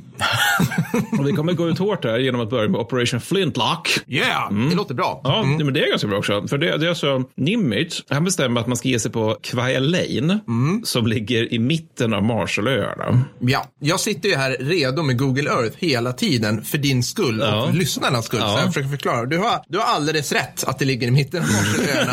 och var Marshallöarna ligger, mina damer och herrar, alltså det här är helt orimligt. Det är mitten, ja vad ska man säga, i praktiken i mitten av Stilla havet. Får jag säga så? det får du säga. Väster, väster om Gilbertöarna som de var grisade på förra gången. Just det, Men, precis. men, och, ja. och då, signalspaning avslöjar då att ön Majuro hålls av eh, sex stycken japaner. Ja, mhm. sex, alltså sex stycken. En, två, tre, fyra, fem, sex, ja. Ja. precis. Så man bestämmer sig att man kan ta den också när man ändå är igång. Ja, ja. Och eh, det här är ganska smart, alltså att man ger sig på Kwai Lane snarare än hela Marshallöarna. För att japanerna, de har liksom tänkt sig att men, amerikanerna kommer vilja ha alla öar och atoller Mm. och så vidare som finns i Marshall. Så att, så att de har liksom spritt ut sig över allting istället. Då. Ah, okej. Ja. Så, men, men det innebär ju då liksom att, att de är på en massa atoller så, som Nimitz nu bestämmer sig för att ignorera. Så D-dagen blir då den 31 januari 1944.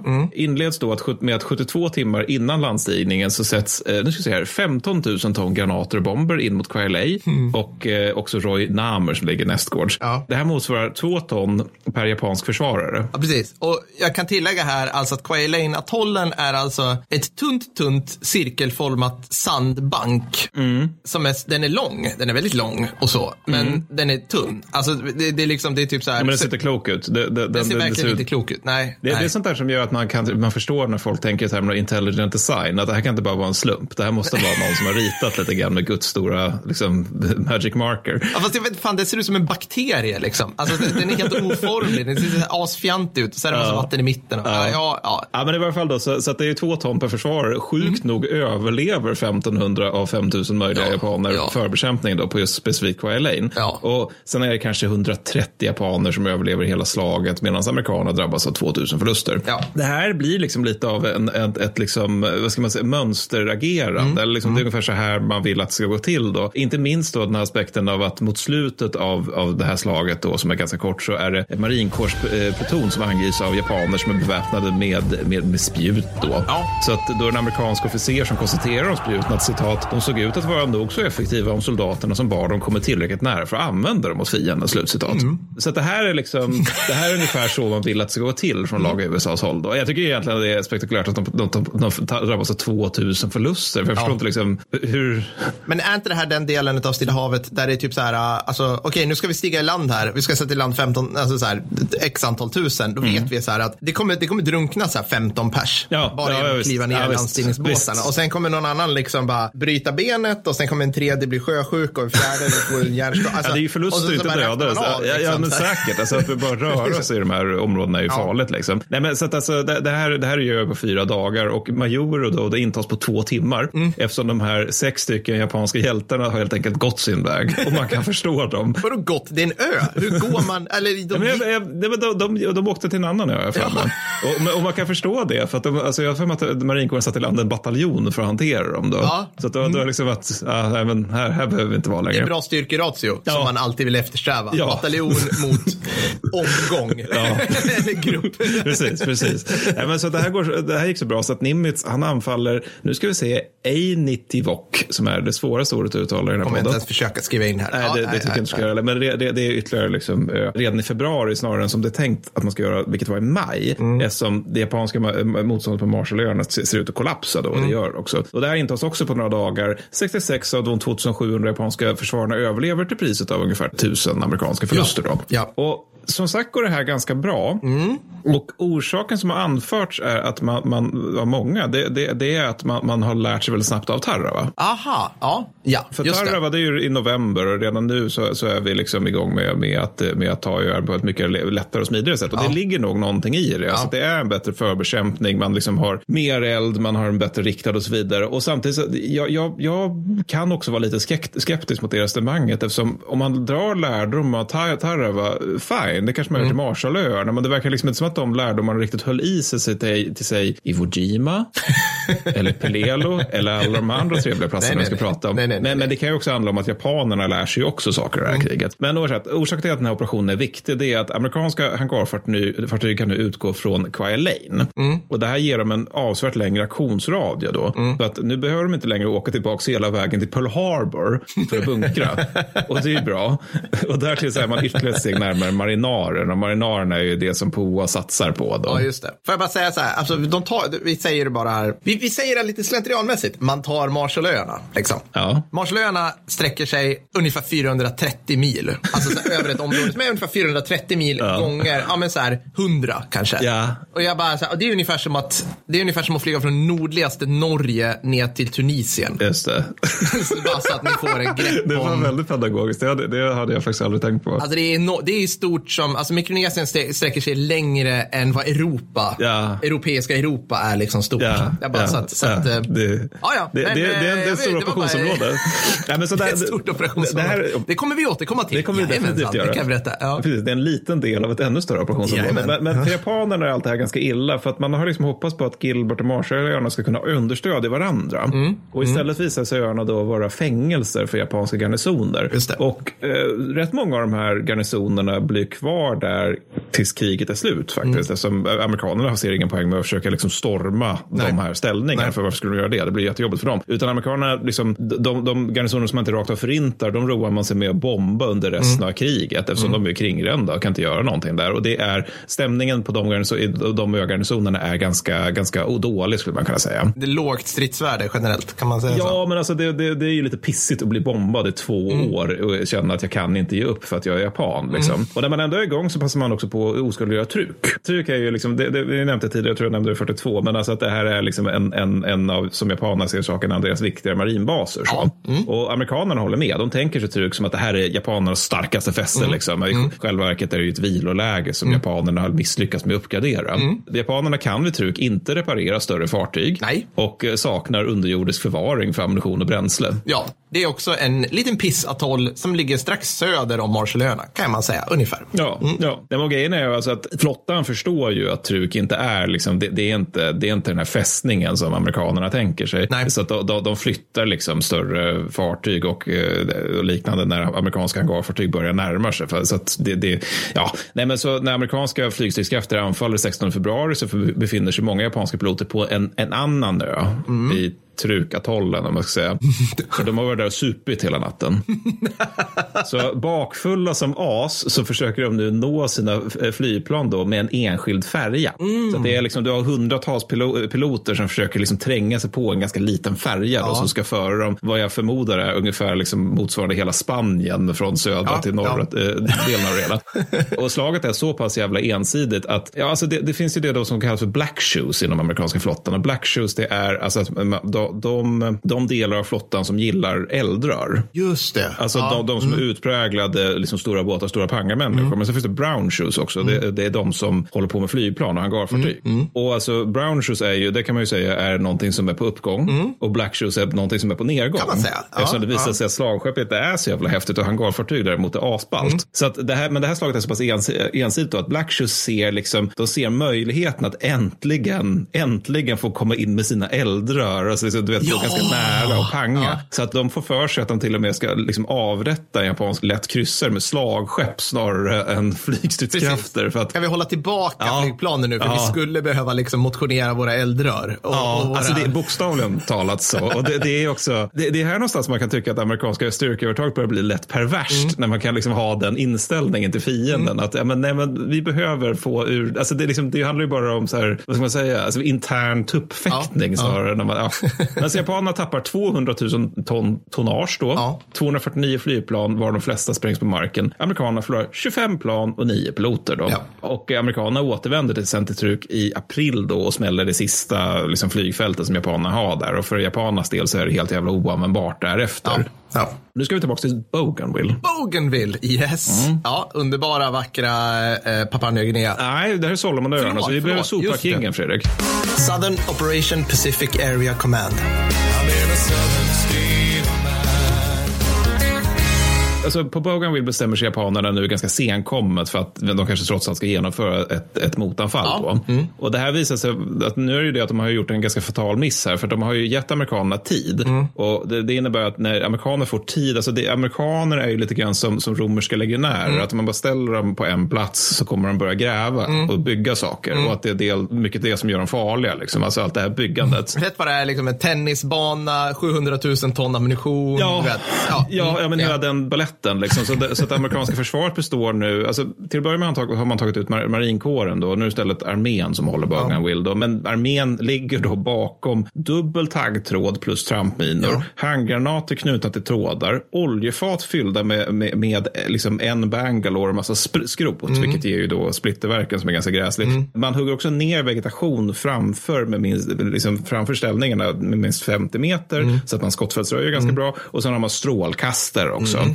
Alla förband får ut extra KSB och man har två stycken bars per grupp. Mm. Det här försvaret är i flera linjer på kullar med vägnät bakom.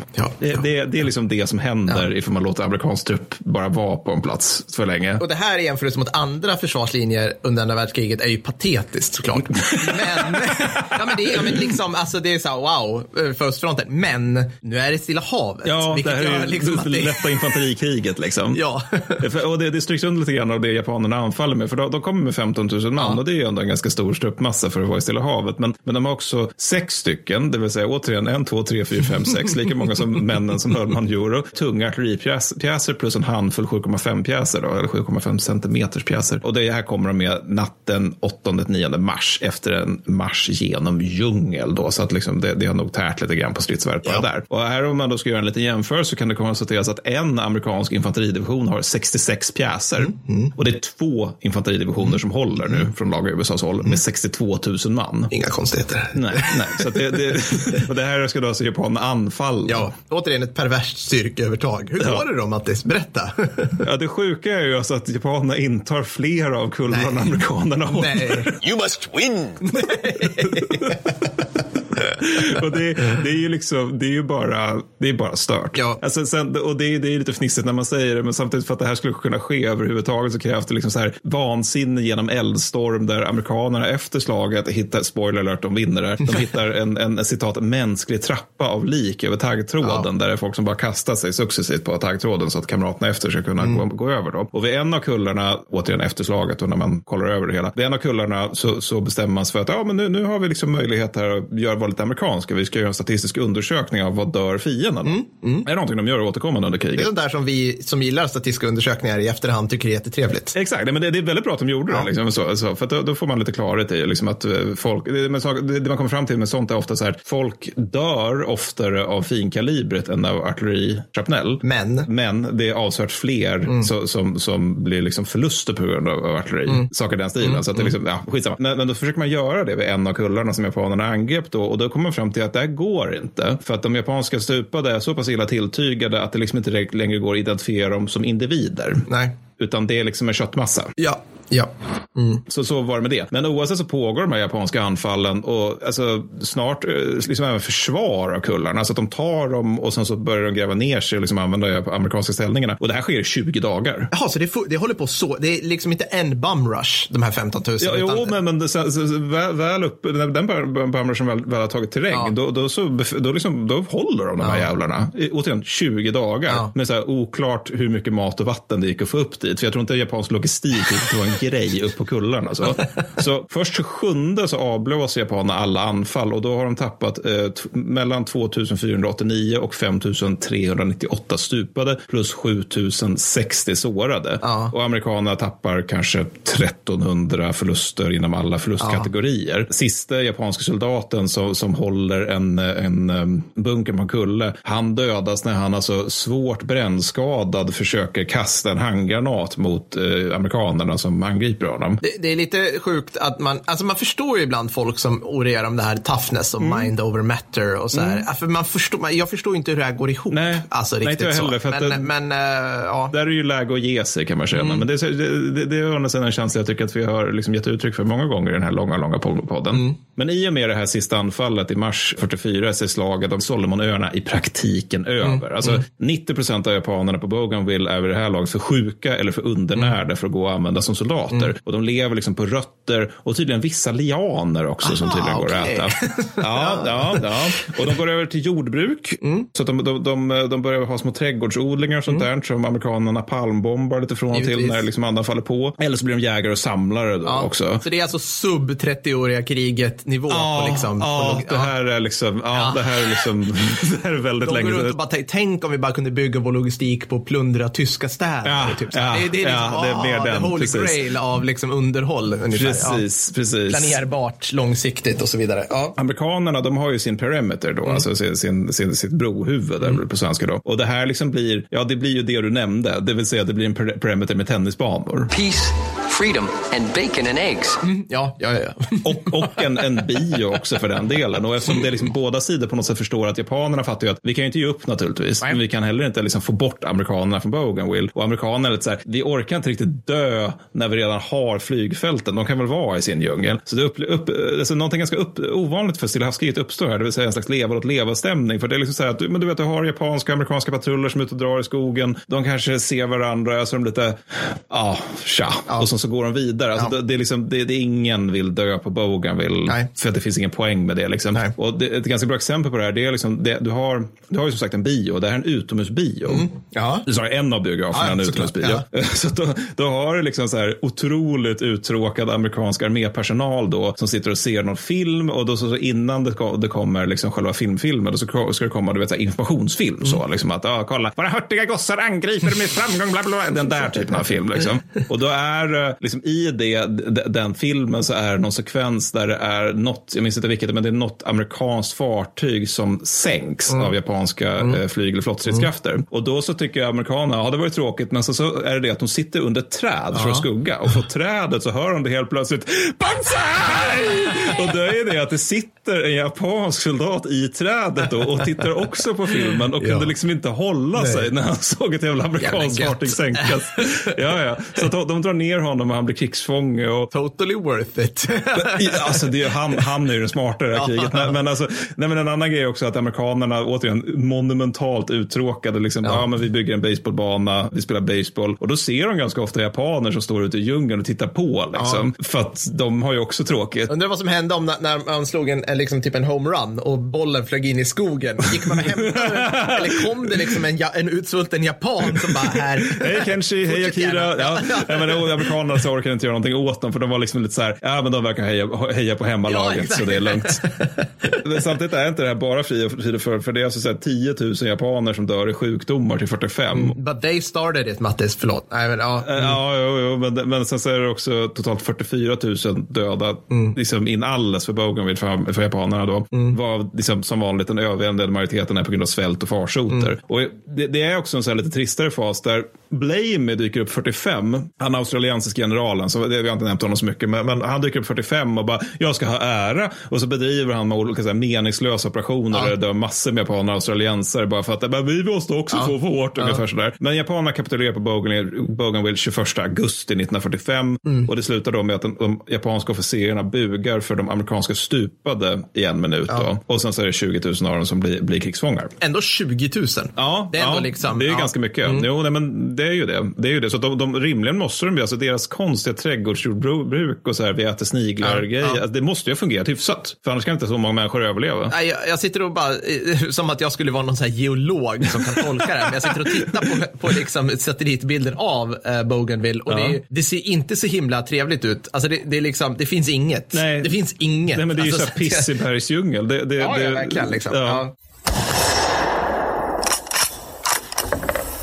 Nej, nu, nu ska vi prata lite grann om eh, japansk industri, Per. Oh, spännande. Nu äntligen. Känner du dig redo för det här? Jag känner mig verkligen redo för det här. Mycket bra, Vilken bra. industri? Ja, just det. Det var det som var Ja, poängen. den, ja, de, de två smederna som vi pratat om tidigare. Nej, men alltså, amerikanerna har ju naturligtvis en större och effektivare varvsindustri som jobbar med massproduktion, lärdomar från VK1 etc. Då. Några få varv gör jagare i den amerikanska industrin, Mm. medan för japanernas del så är det en rad varv som liksom småbygger på några få eh, jagare var. Det här är oerhört ineffektivt. Ja, precis. så man, man har en jagare Ja. och så har vi det ett varv som pillar med den. Ja. Gör de en grej och sen skickar de det till en Nej, annan? utan det är eller- att du har massor liksom- med varv som gör liksom långsamt försöker få fram en varsin jagare istället för att du har liksom varv som bara fokuserar på nu bygger vi jagare. Nej. Men de här japanska varven, de kanske liksom också bygger minröjare, eller inte minröjare, det håller inte japanska flottan Nej, på med, nej, men nej. slagskeppskanoner Ja. eller du vet, så här, hästkastare eller bajonettslipare eller något sånt där. Och det här, det här leder till liksom att det tar sex månader för amerikanerna att bygga en jagare och det tar tolv månader för japanerna. Mm. Ja, ja. Och det här är inte så bra eftersom återigen den amerikanska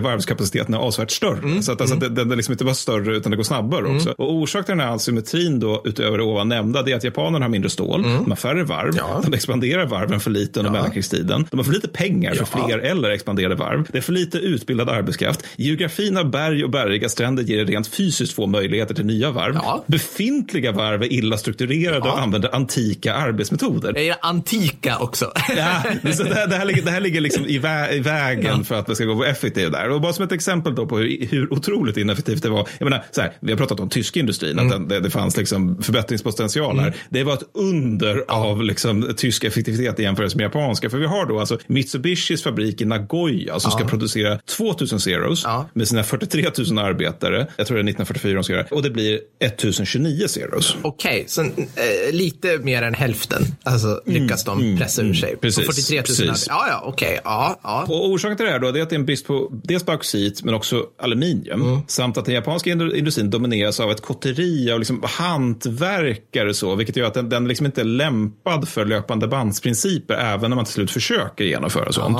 För, för att de är, det, det är liksom, återigen, det är som, som det var i den gamla amerikanska varvsindustrin. Alltså det, det, det är typ ett skråväsen. Ja. Det, du, vet, det är så här, du har gått gesällgrejen, du är lärling och sådär och nu är du mästare. Nu får du bygga flygplan. Och de kommer ju inte liksom acceptera att det bara släpper in en massa liksom, random, random arbetare som ska liksom skruva ihop vä- växellåda. Man, man, för, vad förstår, man håller lite på sin, på sin mark. Mm. Ja, liksom. så jag, precis. jag är den som kan kugghjul Ja. på den här fabriken. Så Ja. det är jag som gör det. Ja, nej, men nu är det te eller något. Och så går man iväg och så liksom. Ja, men som ja. jag förstått det är lite grann som det, liksom när, när vävmaskinerna kommer på 1800-talet. Ja. Du har ju liksom professionella vävare. Ja, just det. Och de blir ju galna av vävmaskinerna. Ja. Så de ersätter ju åtta vävare liksom, som har jobbat hela livet med Ja. att bli bra vävare. Så. Och de här planen när de väl är färdiga då, då ska de sen fraktas två mil Mm. till japanska flottan. Det, det finns inget flygfält vid fabrikerna så som man skulle bara kunna åka iväg med dem naturligtvis. Nej, det hade ju varit för rationellt. Ja, och lastbilar skulle man eventuellt kunna ha då, men de skakar för mycket. Så att de skulle liksom skaka sönder serieplanen Ja. och det är inte heller bra. Så därmed så får man transportera dem med 50 oxar, You must push forward.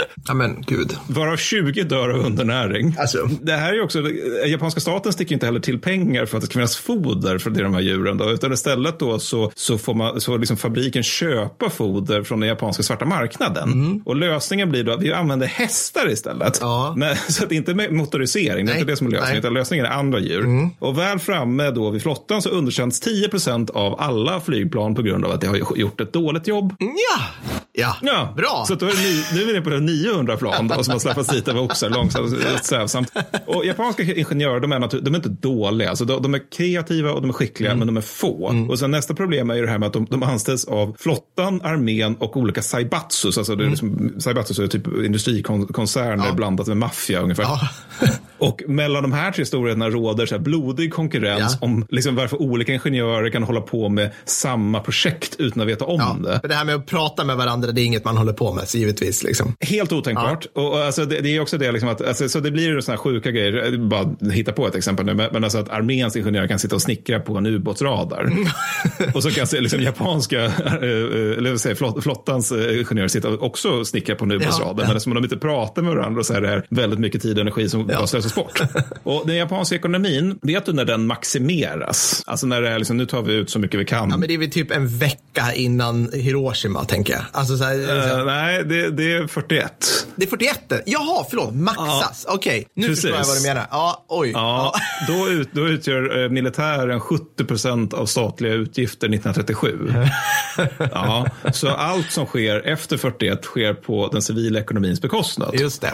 Mm. Och det här förenklas ju rätt mycket av att man 1943 helt enkelt gör vissa arbeten olagliga för män. Ja, men då så. Då så. Det här kan inte ha några följdeffekter på Absolut liksom, inte. ekonomisk Nej, nej. tillväxt. eller sånt där. Absolut inte. Nej, men för det, och det här är liksom ett, ett bisarrt försök att få fler män att komma in i industrin. Liksom. Mm. Men, men så att man säger liksom, att du får inte vara frisör, du får inte jobba på café, alltså du får inte göra liksom, någon, vissa grejer och då finns det bara industrin kvar för att gå till, Ja. så då ska du in där. Och sen har vi också det här med en och en halv miljon japaner tvingas helt enkelt in i krigsindustrin Mm. under kriget. Alltså man säger åt dem, nu är du industriarbetare. Och fyra och en halv miljon fastnar också i industrin på grund av tillfälliga förbud mot att byta jobb. Okej, vilket också det. är tecken på en frisk arbetsmarknad.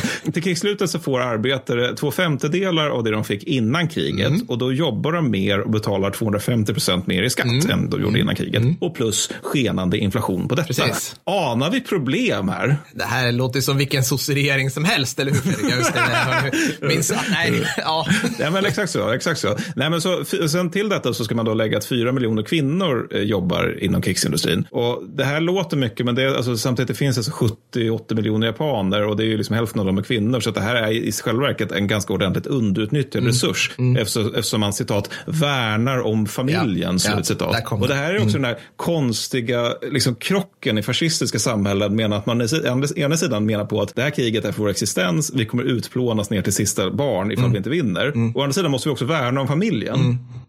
Det, det, jag får inte riktigt det att gå ihop, men sen är jag inte fascist heller. Därtill så importerar man en och en halv miljon koreanska och kinesiska slavarbetare, varav 66 000 registreras som döda. Jag misstänker för övrigt att det här, med, eh, det här är liksom registreras. När man orkar skriva ner det. Ja, men precis. Ja, men precis. Det, de är ju trots allt typ fauna. Ja, men det här är ju som, ja, men liksom, det här är ju som japaner ser Ja. boskap. Liksom. Den helt svältande armén prioriteras för mat. Mm, Just det. Vad, i- vad innebär det här för civila? Per?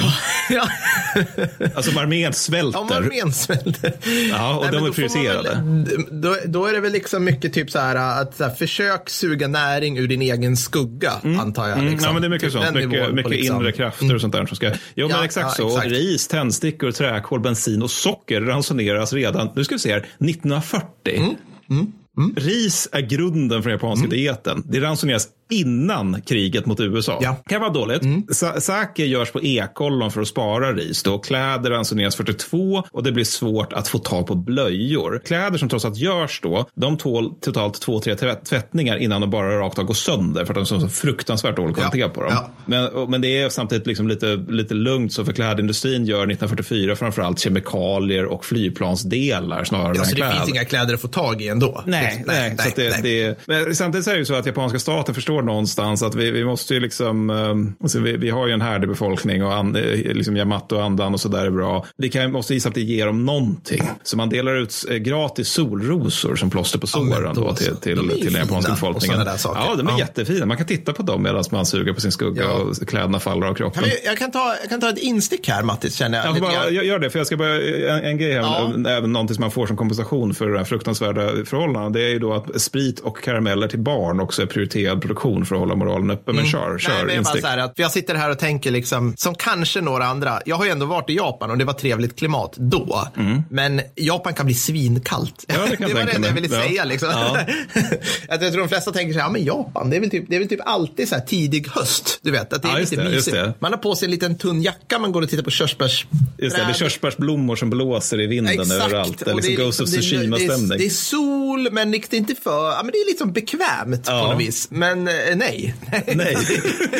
och du menar att det skulle vara Det ett problem svinkallt. kläderna då liksom faller av kroppen för att de är så illa gjorda? Ja, men om du bor liksom på ön någonstans på Sapporo, då ligger ju du liksom i samma, alltså du ligger ju typ vid Vladivostok, typ. Nej, men det gör du inte. Men du ligger ju liksom, du ligger norr om Nordkorea. Just det. Alltså, du, du Just ligger det. rätt norr, alltså ja, jag, jag, jag, jag, ser inga breddgrader här, men det är högt. Och det finns en bok om Koreakriget som heter The Coldest Winter Ja, för att det var så ja, jag vill jävla kallt i säga att- Nordkorea. ja, exakt. Det där. Nej men så 45 så är, är de civilas basföda pumpor av någon jävla Okej, anledning. ja. Mm. Man odlar, det är väl väldigt lätt att odla antar jag. då. Ollon används för mjöl och husdjur är i regel uppätna. Mm. Man uppmanas också även att äta tistlar och ogräs då. Så det är så, så det ser ut för den japanska hemmafronten. Mm. Ja. Och allt ovan förvärras då av någonting vi har antytt lite lätt och som vi nu ska gå igenom lite djupare. Och det är rivaliteten mellan japanska armén och japanska flottan. Åh, ja, just det, såklart. Mm. Jag, jag, jag har eh, läst någon gång, jag vet absolut inte om det här stämmer, men jag sätter påstås att den här rivaliteten har sin uppkomst i att de kom från olika samurajklaner men ursprungligen. såklart. Att det, då,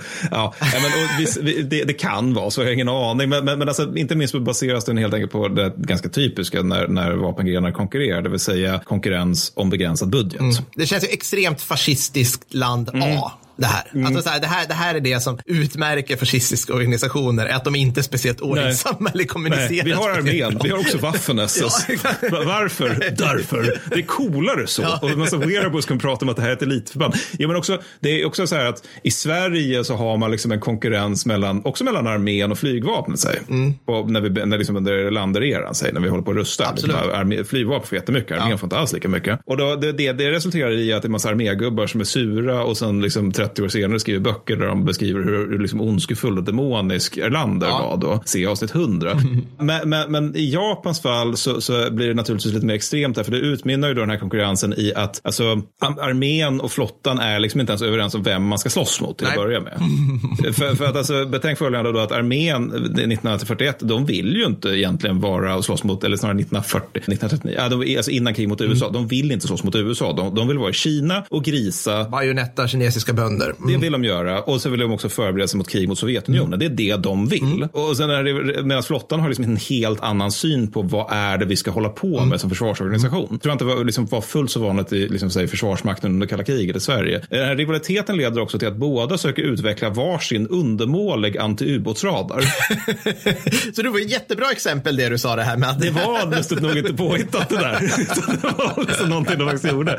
Och båda tävlar också om stål naturligtvis. Vilket får den civi- civila ekonomin att haverera. för att det innebär att den civila ekonomin är, alltså om de där två tävlar innebär att det blir inte mycket kvar Nej. liksom, till den civila Nej. ekonomin. Båda har också landsidningsstyrkor och fallskärmsjägare. Inga konstigheter alls. Nej. Inga konstigheter alls. Sen har vi också det där roliga med att japanska armén har vad jag får till tre hangarfartyg med fler planerade. Ja, okej. Och det här är ju Jaha. då i och för sig alltså eskorthangarfartyg, så det är liksom inte fleet carriers, men det är fortfarande liksom att det är inte många arméer som har just liksom hangarfartyg. Men hade de egna stridsflygplan också? Eller, köpt, eller lät de... Ja, visst, men alltså, hade de Zeros? Ja, nej, hade de har inte? Zeros, de har egna fighters. Men, alltså, Zero är marinflyget. med. Alltså, de- Nej, nej, men alltså Zeros är ju marinflygare. Ja. Och, och sen så har du liksom, jag minns inte vad de heter, men då, jag tänker inte på, påstå att jag minns vad, det, he- vad de heter nu. Men, men alltså armén har ju arméflyget. Ja, gud, det har ju man aldrig tänkt på. Varför har man aldrig tänkt på det? Jag vet man inte, tänker ser- typ att här, japanskt flyg, zero, punkt. Ja, precis. Det här var jätteintressant. Ja, nej, men, jag, jag, jag borde egentligen haft mer om Nej, japanska flygplan, men, men jag, någonting måste jag saxa liksom. Ja. Så, så att, eh,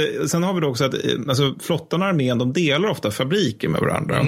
Och det, är, ju- det, är ju Mm. Det låter ju rationellt på något vis. Ja. Ja. Mm. det är rationellt för att eh, säga att båda vill ha artilleripjäs till exempel och båda vill ha granater. Men, men det som är mindre rationellt är att de här alltså, fabrikerna tenderar att vara liksom, åtskilda med en pansardörr och beväpnade vakter på båda sidor så att liksom, armén inte ska kunna vara snoka om vad flottan håller på med vice versa.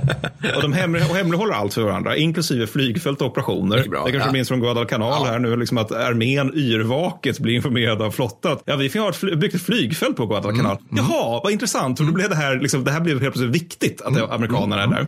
Och det här leder ju naturligtvis till sanslösa ineffektiviteter i systemet. Och det är alltså utifrån de här omständigheterna som japanerna inleder, inte en, utan två omfattade operationer våren 1944. Ja, men perfekt. För vad ska man annars hitta på? Liksom? Men jag vet ja, inte. nej, jag vet inte. nej. Men ära. Ja, men alltså, det är återigen det här med hur, hur, hur japanerna verkligen är tyskar. Alltså att försvar är bara ett övergångsstadie och sen så ska vi anfalla. Fast då, när tyskarna är sådana, då är det ju så här, vi, vi angriper på divisionsnivå liksom i, i, i Ungern 1945. När japanerna är så, då genomför de UGO, vilket är så här, vi ska invadera Indien. Ah, okej. Ja, för det är nämligen så att li, li- lite har hänt mellan Burma och Indien sedan 1942 utöver att britterna och indierna har snäppat upp sig och liksom haft en viss tillväxt. Så. Och japanerna, de, de, de märker den brittiska uppbyggnaden de vill liksom störa den genom att anfalla brittiska baser. Och det här muterar sen, alltså från störa baser till just det jag sa, invasion av Indien, som man hoppas på ska leda till ett uppli, uppror mot den eh, brittiska rajen. Ja. Eller rachen tror jag man säger. just det. Ja, så nu, nu börjar vi bli kommunistiska här också. Det här med hur alla ko- kommunistiska anfallsplaner utgår ifrån att befolkningen kommer resa sig till vår fördel. Men äh, å- återigen så köper de sin egen propaganda med så här pan-as, panasiatisk liksom, broderskap också. Ja, kanske ja, lite ja, mot kolonialherrar. För vi är inga kolonialherrar såklart. Nej, nej, nej, absolut inte. Absolut inte. Nej, men det är ju det här som är liksom sköna för britterna, att de hittar liksom ett imperium som är faktiskt betydligt värre än deras eget imperium. Och då framstår ju deras eget imperium som en god dager. Då. Jag måste säga liksom att, att Japan har ju en, en otrolig förmåga att välja att anfalla genom den pissigaste terrängen på Moder Jord. Ja, Alltså det är helt korrekt. Jesus Kristus vad du kommer komma in på nu här. Jag sitter bara och tittar så här. Burmas västliga delar. Ja, ja det, det, är, det är liksom bergsdjungel räcker inte Nej, för att beskriva nej, det eländet. då. ja. Och med, med tanke på den eh, terrängen då så kan du kanske tänka dig då att, att, eh, att det, liksom det här med logistik kanske är svårt. Vad hette det sa du? det där är, det är någon form av ost. Exakt. Nej, men alltså, så den japanska logistiken består av 20 dagars mat per man. Ja. Och eh, sen består logistiken av att man citat ska, slutcitat, erövra brittiskt käk. Ja, det här då sker inte. Vä- Väldigt mycket Kaiserslacht. Eh, Ja, här, ändra liksom, Ja. Ja, precis. Ja. Ja, och det finns väldigt liten entusiasm eh, liksom utanför general eh, Mutagushis innersta krets, för det är han som är chef för styrkorna i då. Men han får igenom det här, för liksom resten av IGHQ är typ så här, eh, kännas lite kämpigt där, amerikanerna är på väg liksom och så där. Men, men han får ändå igenom det här via entusiasm och att han presenterar ett ännu sämre alternativ. Så när han liksom visat att det här, det här är ett katastrofalternativ Ja. och här har du ett dåligt alternativ, då Ja. är IGHQ bara, ja men då tar vi det dåliga alternativet, vi måste göra någonting. Ja. Och det här inleds då med, med vilseledningsoperationen Hago som går mot Arkan. Och vi behöver inte kolla på vart Arkan Nej, ligger, nej. men det är liksom den sydligaste delen av Burma-Indien-fronten. Och i praktiken är det här bajonettanfall som pågår i dagar och som britterna står emot. Mm. Det är liksom inte så mer, mycket mer än det egentligen. En brittisk kapten säger andlöst och naturligtvis att detta är citat första gången i historien slutcitat som japanska armén har besegrats. which must ever be our guide. Här, här anar vi brittisk historieskrivning som liksom visar upp sitt absolut vanligaste ansikte. Jag älskar att det sker in action. Ja, att ja. vi, vi fångar den brittiska historieskrivningen precis. Ja. Alltså som att vi bara, ah, där kom den.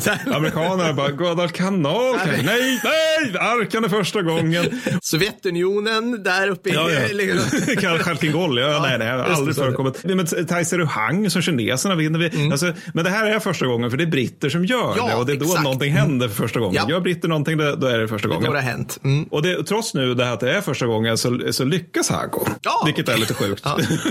för att, eller i, varje fall, I varje fall med syftet alltså, att britterna avdelar förband till Arkan från den plats där Ugo ska genomföra. Just det, just det. Ja. Och som tur är för britterna då så anförs de av Burma Slim och det, det, det är förmodligen den bästa general de har under hela andra världskriget. Mm. Det, det är här typisk mening man läser i nyare historieböcker att alla tror att Montgomery var den bästa generalen britterna hade men det var egentligen Burma Slim. Men, men det är också Ingen tror att Montgomery är den bästa. Nej, men det är ju det. Vem har fått för sig det? Men, så, så, Alltså, så fort det står så, ja, men så fort det står så i historieböcker, eller, eller populärhistoriska böcker, alla tror X, då är det så här, ja, alla trodde X när du var nio år gammal Ja, och ja. läste så här, liksom populär historia från mod- år 1957. Ja. Alltså, ja, då trodde alla det. Det här är ingenting nytt, men skitsamma. Slims plan är ganska enkel, för det är att han, ska, han, han fattar liksom att den japanska logistiken, Mm. han har liksom kollat på hur, hur har det här kriget gått, den är liksom inte så bra. Nej. Och de kommer börja svälta och dö av sjukdomar.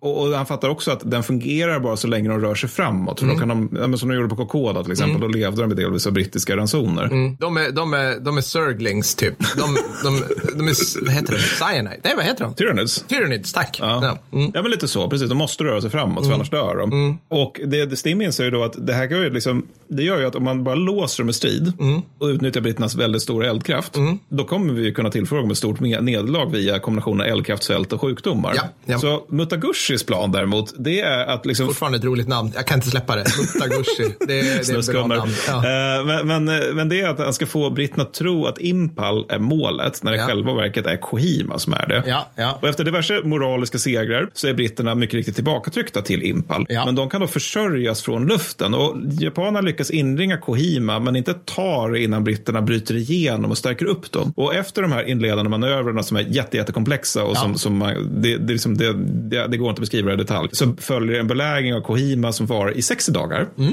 Minns du nu att japanerna hade mat för 20 dagar? Ja, mm. Så att vi börjar räkna av här liksom. Mm. Jaha, det är bakhuvudet. Jajamän. Det, är- det är liksom efter typ 30 dagar så är det någon divisionschef som säger till Mutagushi att vi har ju ingen mat längre. Vi måste dra oss tillbaka. Mutagushi tycker att det är ganska ovidkommande. när, när, och så, när, när den här belägringen till slut bryts då försöker britterna trycka sig mot Impal istället som är liksom också belägrat. Och under det här tryckandet så är det man gör då det är att man lajvar Passchendaele bergsdjungel och utgr- utvecklar en skräckslagen respekt för det man kallar för this credible Japanese infantry. Slutcitat. För sagda incredible Japanese infantry håller med, liksom, med enskilda artilleripjäser och PV-pjäser mot liksom, stridsvagnar och artilleri som kommer i laviner. Så det går fruktansvärt trögt ner- söderut. Då. Medan Impal då ut, ut, utstår 74 dagars belägring men försörjs liksom Koima från luften. Så Mutagushi han förklarar, förklarar då i en dagorder till sina nu svältande soldater att om de saknar gevär så ska de strida med sina tänder. Om de saknar andetag så ska de slåss med sina själar. Punish yourself.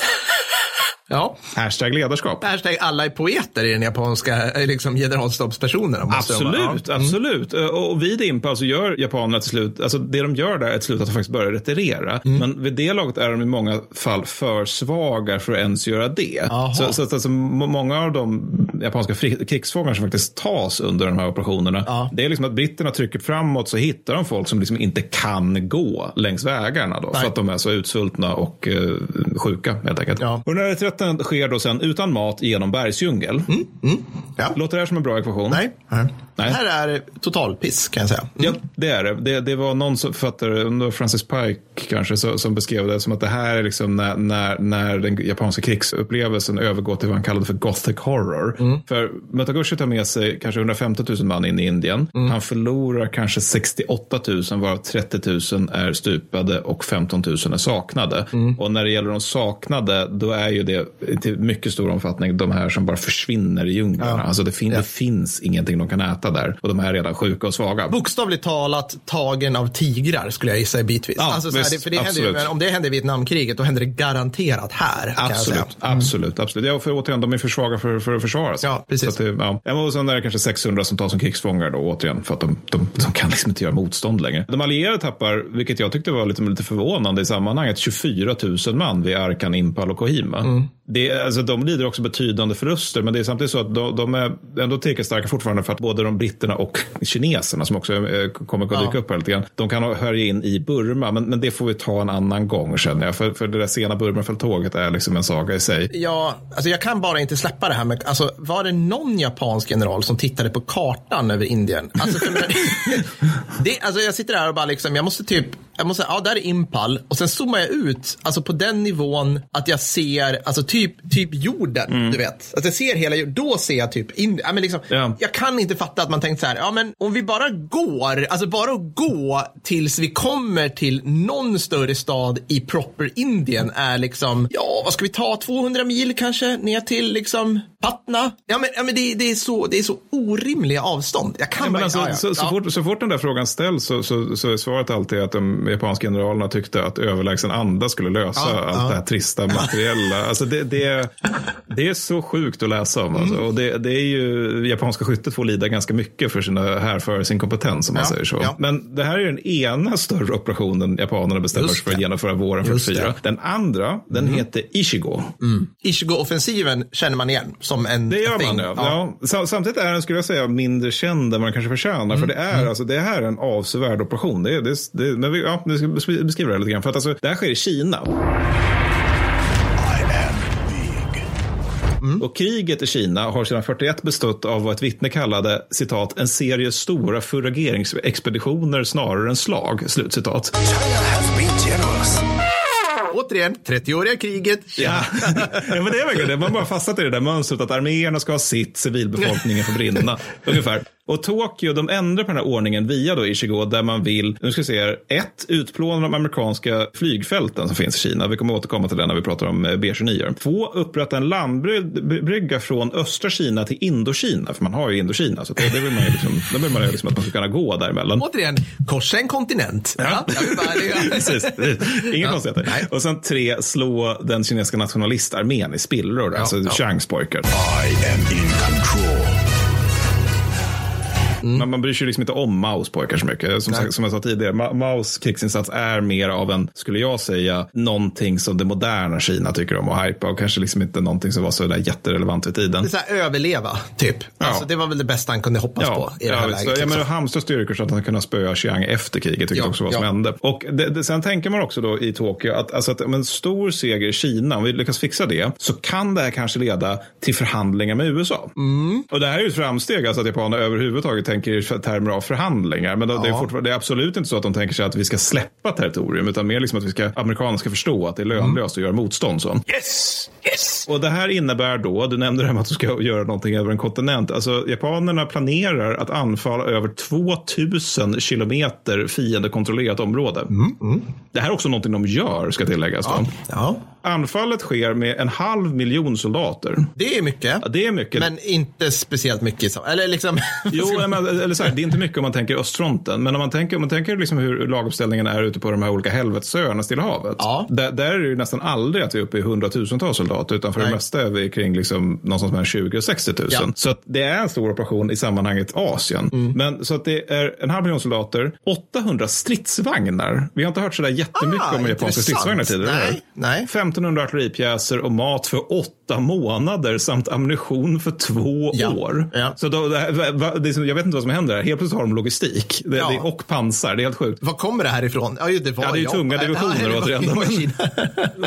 Dessutom så har man så pass mycket fordon att japanerna som strider mot kineserna faktiskt delvis är motoriserade, delvis mekaniserade. Vilket också är, det händer inte ute på öarna. Mm. Men det här är ju lite grann Stilla havs, om vi, om vi kallar det fortfarande Stilla havsdelen. Alltså det här är ju deras Barbarossa. För jag Mm. Ja, sitter det och kollar liksom 200, 2000 kilometer, det är ungefär vad jag kan tänka mig Hitler satt och skissade på. För det är ungefär från Warszawa till i princip Uralbergen. Ja, ja, I- men i precis. avstånd, liksom. Ja, och skillnaden är att japanerna faktiskt kommer lyckas med det. Ja, det är, ja. Mm. Ja, det är intressant i sig. Ja, det är det. Men, men så anfallet inleds då i april 1944 Mm. mot 300 000 kinesiska soldater i Henan. Mm. De här 300 000, det här försvaret, det vaporiseras. Ja. Men saken är den nu, att liksom, vi, vi har pratat om kinesiska armén tidigare. Den, den var inte jättebra då. Mm. Nej. Till 44 är den på något sätt i ännu sämre skick än tidigare. Alltså, åratal av misskötsel och Ja. parodisk korruption kommer här och biter dem i röva. Va? Ja. För att alltså, militärtolken, nu ska vi se, det blir kinesiska namn och det är svårt. Eh, Su Yongxiang, han beskrev det hela som att citat, de flesta rekryter helt enkelt kommer som fångar, hopbundna och en bajonett i ryggen. Slutcitat. Den här inledande, du vet, här, vi springer till rekryteringskontoren-stämningen, den har tagit slut. Ja. 10 procent av soldaterna kan läsa. Ja. Alltså inte som analfabeter, utan kan läsa. Och avfärdas av sina officerare som citat utvecklingsstörda idioter, slutcitat. Ja. 90 procent av rekryter kan försvinna på väg till förband på grund av svält, sjukdomar och deserteringar. Ja. Mm. Det är också ett problem om man ska formera ett förband. Alltså, vi, vi måste göra något avsnitt, nej vi måste inte, men någon gång, det var kul med Chiang Kai-shek avsnittet, bara för att det är så jäkla orimligt att den här fullkomliga nollan i alla sådana här sammanhang har lämnat efter sig Taiwan Ja, på något ja, vis. Alltså, det finns liksom ingen koppling här i, i liksom kompetens, statsmannaskap, eh, rationellt beteende. Liksom. Folk som försvarar Chang brukar ju konstatera att han har lite uppförsbacke och det har han. Men, men, men det, det har väl de flesta under andra världskriget. Och det, Ja. det är liksom, det, det, det, jag vet inte, jag, jag, är inte, jag är inte jätteimponerad om jag ska vara helt ärlig. Dessutom undermineras armén aktivt av en dekadent officerskår som ofta använder meniga som packdjur för Mm. sitt bagage när de själva ska fly fronten då, vilket är liksom ofta det första som händer i kinesiska förband, säga att officerarna springer sig iväg. Försvarare av kinesiska armén har liksom framhävdat att kinesiska soldater var bra i rena handgemäng. Mm. Woho, säger vi till den. Ja, handgemäng, ja. Medeltiden. Ja. Ja, men jag ser på alla läser i en bok. Alltså, I rena handgemäng så var de utmärkta. Bara, Vad spelar det? Det är, liksom, det är 1900-tal det här. Men ja. Det är så här VDV-logik. Så jag kan göra skitmånga armhävningar. Kolla mina karatesparkar. Jag kan hoppa genom en ring av eld. Ja, nej, men så hen anfaller och först när 150 000 japaner dundrat igenom provinsen Hunan. Det här är varför vi inte pratar om Kina. Det finns en Henan och en Hunan. I två veckor fattar kineserna vad som faktiskt sker. Och Changsha faller 18 juni. Får jag bara lägga in en grej här? Att de här provinserna du pratar om är ju typ storleken som Frankrike. Ja, ja. Alltså, det liksom, och jag överdriver inte. Det är, liksom, det är det Nej, nej, det- enorma Ja, landområden. ja, ja, ja. Det, det bor alltid så här 83 miljoner Ja, ja, ja, i varje. ja, ja. Det- Ja, nej, men, men sen Changsha då som vi pratade om tidigare, när vi, men det var länge sedan nu, men det är alltså den kinesiska brödkorgen kan man säga. Det faller 18 juni. Mm. Och när det, det, liksom, i sammanhanget dess fall, då är det liksom det här läget att när kinesiska officerare inte befann sig på diverse banketter så sålde de av amerikansk land utrustning till högstbjudande på landsbygden. Soldaterna i sin, och sin tur, de satt i sina bunkrar och spelade kort medan staden brann. En annan grej de roade sig med var tydligen att de hade en syrsa i en låda. Det här låter jättespexigt. Det var det. Alltså, det, Det är inte så att det händer någonting. på 40-talet. det var ju slänga in en syrsa i en låda och så tittar vi på den som pluton. Sen då, vid Hengyang, där tycker sig Chiang se ett Verdun. Och det här är ju en trend vi har sett tidigare med Chiang, att han ofta ser sig i någon form av Verdun-stämningar. Ja, ja. Varför han ger order om att staden ska hållas till döden, också en order han har gett tidigare. 47 dagars tid följer. Mm. Kinesisk, kineserna har ammunition för 10 dagar och var tredje soldat har ett gevär. I am in control. Ja, ja men perfekt. Mm. Ja, så jag är djupt imponerad av- NRA att de kunde hålla i 47 dagar, för det är helt jävla otroligt i sig. Mm. En kinesisk sjukvårdare noterar att, oh, men vad bra, jag har inga patienter, så då måste det gå bra. Ja, just det. Sen inser han att nej, nej, det finns inga sårade, Nej. så att alla har dött. Det är det som är grejen. Rysk sjukvård från Ukraina-kriget kan vi säga. Ja, ja, det är lite den, den känslan. Så. så staden faller 8 augusti och med det så faller också Hunan till priset av 230 000 kinesiska förluster och kanske 60 000 japanska. Och sen faller liksom fler provinser med miljontals bönder medan jap- japanerna bara trycker på söderut. Och det och upp till 750 000 kinesiska förluster i Ichigo-offensiven är ett dråpslag för Chiang som, som liksom, det gör att efter Ichigo så är han helt utarmad. Det, det här är liksom, det, han, han, han återhämtar sig aldrig på riktigt efter Ichigo. Nej. Nej. För att jag menar, visst, man kan stampa fram nya förband, men, men liksom, de kommer vara ännu sämre än de som gick under i 20. Alltså, De kommer ha ännu mindre beväpning och så vidare. Återigen ser jag massa paralleller till Ukraina här helt plötsligt. Alltså, Ja, ja, ja, Ja. lite så. Nej, men så det, det här leder ju då till att den största segern i 20-offensiven, offensiven, det är ju Mao. Just det. Precis. För, för att han har ju hamstrat sina styrkor och sen efter andra världskriget kommer han kunna använda dem för att sen ta över Kina. Bland annat på grund av, inte uteslutande på, men, men så här, inte på grund av Ichigo, men på grund av att, att NRA har varit de som har blödit på allvar när de, under kriget mot Japan. Men det är orimligt också att på något vis japanska arméns största seger sker 1944. ja. Alltså, så här, vad väntar ni på? Det, man kan ju nästan så här, ge dem rätt. Så här, bara, ni kunde ju ha skitit i att förklara krig mot USA. Genom alltså, Ja. Då hade ni kunnat göra det här 41. 42. Ja, 42. Ja, visst, och bara, absolut, ni, hade, ja. hade liksom, ni hade ägt Kina, typ. Liksom. Ja, ja, visst, ja, ja, visst. ja. Visst, ni hade varit under sanktioner och blockad, men det är lugnt, för ni skulle liksom kunna bara suga ut Kina allt ni vill, Ja. liksom, så ni inte bryr er om huruvida kineser dör eller inte. Men, men då, det, det här är också den största, Japan, det- den största offensiven i Japans historia. Jaha. Överhuvudtaget. Ja, det är väl, ja, det är väl rimligt på något vis. Och den leder till nada naturligtvis, Nej, japanernas vidkommande. Eller det är väl många människor som dör, men alltså strategiskt så leder det inte så mycket. För att alltså, de här flygfälten som man skulle slå mot, alltså alldeles strax, så det kommer vi komma till. Ja. så faller ju Saipan. Just det. Och Saipan, mina damer och herrar, ligger läskigt nära Japan, tycker många. Ja, precis. Och det, det är ju det att då innebär det att japanerna har helt plötsligt ytterligare en flygblas, eller amerikanerna har ytterligare en flygblas för bombfall, bombanfall mot Japan. Ja, ja. Det, det var också det här med att de gillade ju inte sina kinesiska flygfält. Disgusting! Nej, nej. Nej, i, alltså, det, dels var det svårt att bomba Japan därifrån, men, men dels var det också det att piloterna, de, de, de liksom var på sin amerikanska flygbas. Sen gick de ut i en kinesisk by alldeles bredvid mer eller mindre och bara, hej, vi skulle vilja äta lunch. Och på kinesen bara, ja men här har ni vår mat. Amerikanerna kräktes och bajsade på sig och, Mm. och, och kände att det här är ingenting som en kristen västerlänning kan Nej. stå ut med. Nej. Så då fick man ha en separat logistikkedja bara för att flyga in amerikansk mat Ja, till ja. de här baserna. Ja. För att annars går det ju inte. Liksom. Härligt. Men, och sen, men här var det också den här länken till Indokina då, som de tänker sig. För den visar sig ganska snabbt vara helt meningslös. För Mm. att, alltså, japanska handelsflottan den står ju liksom i begrepp att förintas av amerikanska ubåtar Mm. och sjöminor. Så då är det bara, ja vad bra, vi har en landbrygga men vi kan liksom inte transportera någonting mellan fastlandsasien och Japan. Nej. Och slutligen är det då att liksom de områden man kontrollerar, alltså kontrollen över dem är från japanskt vidkommande nära nog obefintlig. Mm. Alltså det, det är liksom anarki på landsbygden. Till 45 håller man typ städerna. Ja, jag menar, och det är en subkontinent återigen. Alltså, det, det, avstånden är ju töntiga Mm. Ja, i det här ja, läget. visst, det spelar liksom ingen roll. Att, ja, men en halv miljon man, det är ju ingenting. Alltså, nej, nej, alltså de försvinner ju, alltså, de försvinner ju bara i Hunan Ja, och så. ja, nej, men, men, exakt, för om du tänker alltså att Henan och Hunan är stora som, som Frankrike Mm, ungefär. typ. Så vill jag minnas att tyskarna hade en miljon man när de skulle angripa Ja, Frankrike. ja. Och fransmännen ställde upp till dans med ungefär lika mycket. Ja. Alltså 1940. Och, och japanerna hälften så mycket för att ge sig på alltså, två Frankrike. Ja, och hur stor kontroll hade Wehrmacht över Norge? Norge, där de hade 300 000 Ja, man. Alltså, så här, liksom, fortfarande var det bara så här, eh, liksom Operation Grouse. Eller Ja, ja. liksom, Bara gå, runt, bla, bara bor lite grann i fjällvärlden. Ja, så, för det är inget konstigt. lugnt. Eller hur? För det hänger, de, tyskarna hänger i Trondheim och Oslo, Ja, punkt. ja, ja, men liksom, så att det, nej, men absolut. Nej, men det är en utmärkt poäng.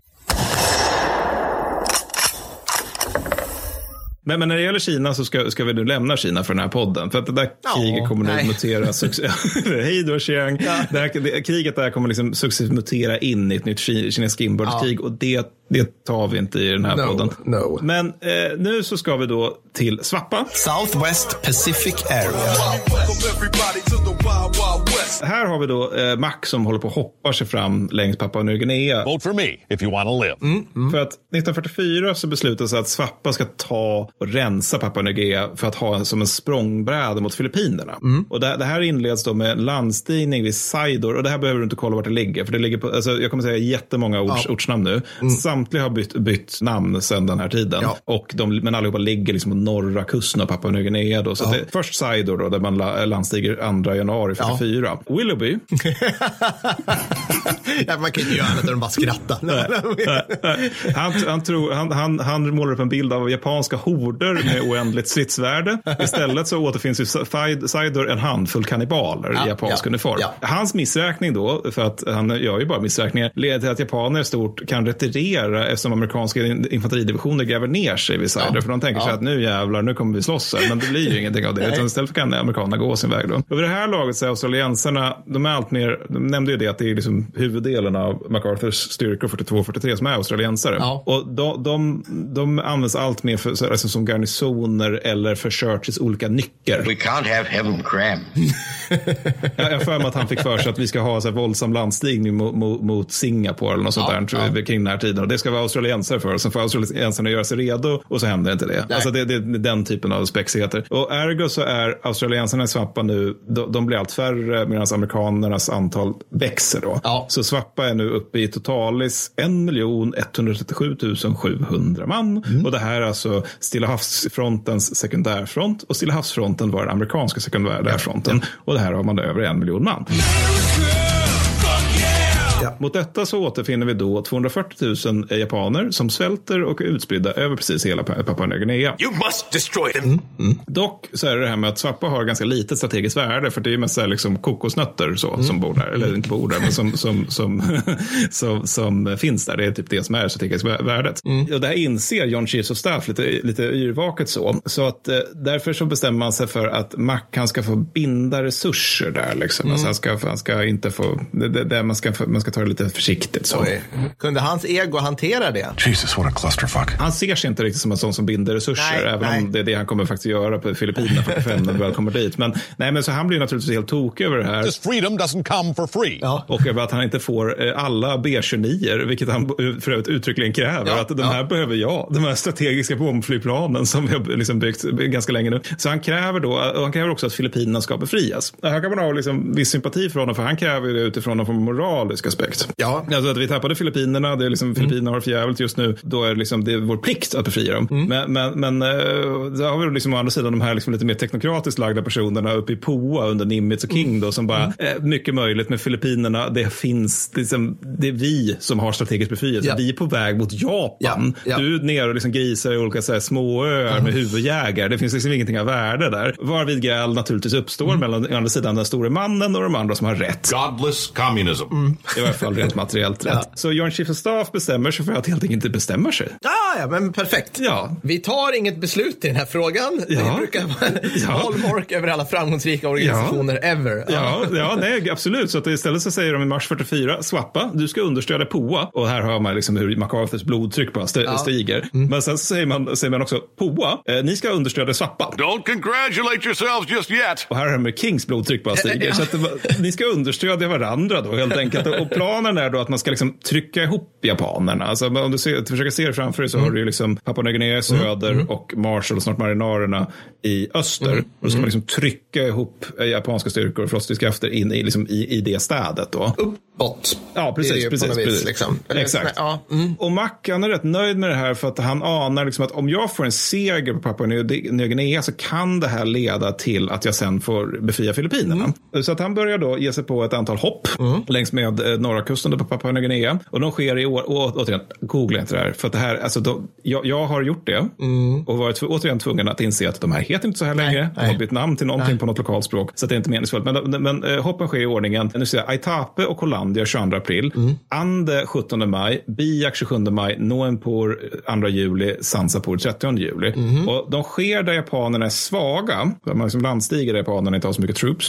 Varför japanerna måste liksom, de, de är, liksom, är hela tiden i en situation där, okej, nu håller vi, nu håller vi, nu håller vi, nu kommer snart amerikanerna. Och sen, helvete, landstigning vår rygg. Nu måste vi retirera. Och sen så kommer de till en ny ställning. Nu håller vi, håller vi, håller vi, håller vi. Helvete, ny landstigning i vår rygg. Nu måste vi retirera. Och de här liksom, de här, det här gör liksom att japanerna antingen får göra det, det vill säga retirera genom djungel, vilket inte är bra. Eller så får de sitta kvar i sina ställningar och bara tyna bort i de befästningarna. Inget är särskilt härligt för japansk trupp. Och eftersom Papua Nya Guinea är bortom det som kallas för absoluta försvarslinjen så får ge IGHQ order om att man där ska inta en citat självförsörjningspolicy. Till skillnad mot den så här, den så här grundmurade logistiken de hade innan. Ja, jag menar så mycket, det är ju på ett sätt lite klarsynt. För alltså östra Nya Guinea är liksom inte längre möjligt att för- försörja överhuvudtaget. Så det är mer så ett konstaterande av faktum. Men det här leder då till att, eh, att man skickar 157 646 japanska soldater till östra Nya Guinea under kriget. Och av dem så överlever då 10 072. Så det är så under 10 procent som överlever. Är väl närmare 7 procent någonstans. Hur många blir uppätna undrar vi. Ja, en del förmodligen. Ja, det, det är faktiskt exakt det jag ska komma till nu. För att alltså det, det här och också Filippinerna 45. Det, det är liksom några av de platser, det här är liksom de stora platserna där japaner blir kannibaler i stor skala. Så nu ska vi prata om kannibalism. Ah, ja. En mening jag aldrig trodde jag skulle säga. Men, men, men det här är liksom ett så pass utspritt fenomen att det faktiskt är värt att ta upp. För att, alltså, det här är sällan en konsekvens av kollaps, kollapsad disciplin. Nej. För, för att det är lätt att tänka sig det, att det är liksom masshysteri, vi börjar äta varandra. Ja, men det är, liksom flugornas herre, tänker man på något Ja, vis. precis, liksom. exakt. exakt. Men, Utan det här sker liksom på kompaninivå med officerares liksom, goda minne. Så. De har liksom typ en kvartermästare som bara styr upp det här. Ja, alltså, absolut. liksom, ju, ja. Ja, absolut. Nej, men alltså det, det här är organiserat som fan. Och det, men det sker också i olika former. Och en är, som jag tagit upp i, när vi pratar om mat under andra världskriget, det är att man har, alltså man har liksom strid, strid på sig plutonsnivå mellan amerikansk och japansk trupp. Och då har vi japansk pluton då som skjuter på amerikansk pluton, men delar av den plutonen avdelas för att bärga fientliga stupade. Så att plutonen ska ha käk efter sidan. Så det är en variant. En annan är att äta upp krigsfångar. Ofta så tar man de som är för sjuka för att leva och ibland så håller man dem vid liv lite längre för att de ska kunna agera gående skafferi. Vilket är oerhört sjukt. På Papua Nya Guinea förekommer också, det här är liksom den här mardrömmen börjar nå någon form av nästan så här folkloristisk nivå. För, för att alltså det, det förekommer också angrepp mot byar där japanerna snor mat och människor som sen blir mat. Och alltså återigen, tänk dig vilka som bor på Papua Nya Guinea vid den här tiden. Det är ju till väldigt stor del liksom, alltså, jä, alltså framförallt i inlandet, att det är liksom bokstavligt talat jägare och samlare och huvudjägare och liknande. För dem måste ju det här vara liksom någonting som är rakt från folksagorna. Att det kommer liksom främmande varelser från djungler som stjäl med sig människor och äter upp dem. Alltså det måste vara som att trollen kommer verkligen. De kan, inte- de kan ju inte ha sett dem som människor riktigt. Eller liksom, de ser totalt annorlunda ut. De har kläder på sig, vapen. Vad är det här liksom? Ja, visst, visst. nej. Ja, men säkert om du har de mer isolerade byarna som inte haft så mycket kontakt med kolonisatörer tidigare. De är ju fortfarande isolerade. Alltså vi pratar ju om att Ja, Papua ja. Nya Guinea var ju liksom... Förvisso, förvisso. Men, men, nej, men det tror jag menar. Det, det, måste finna, det, alltså, det måste verkligen vara just trollen där, eller orkerna. Alltså att det, det är en liksom, sagoväsen så. Men Ogawa Shoji, japansk soldat som överlevde på Filippinerna under de här förhållandena, han beskrev det som att citat, vi tog ett djupt andetag och kämpade för att förbli mänskliga, för att inte förvandlas till vilda djur.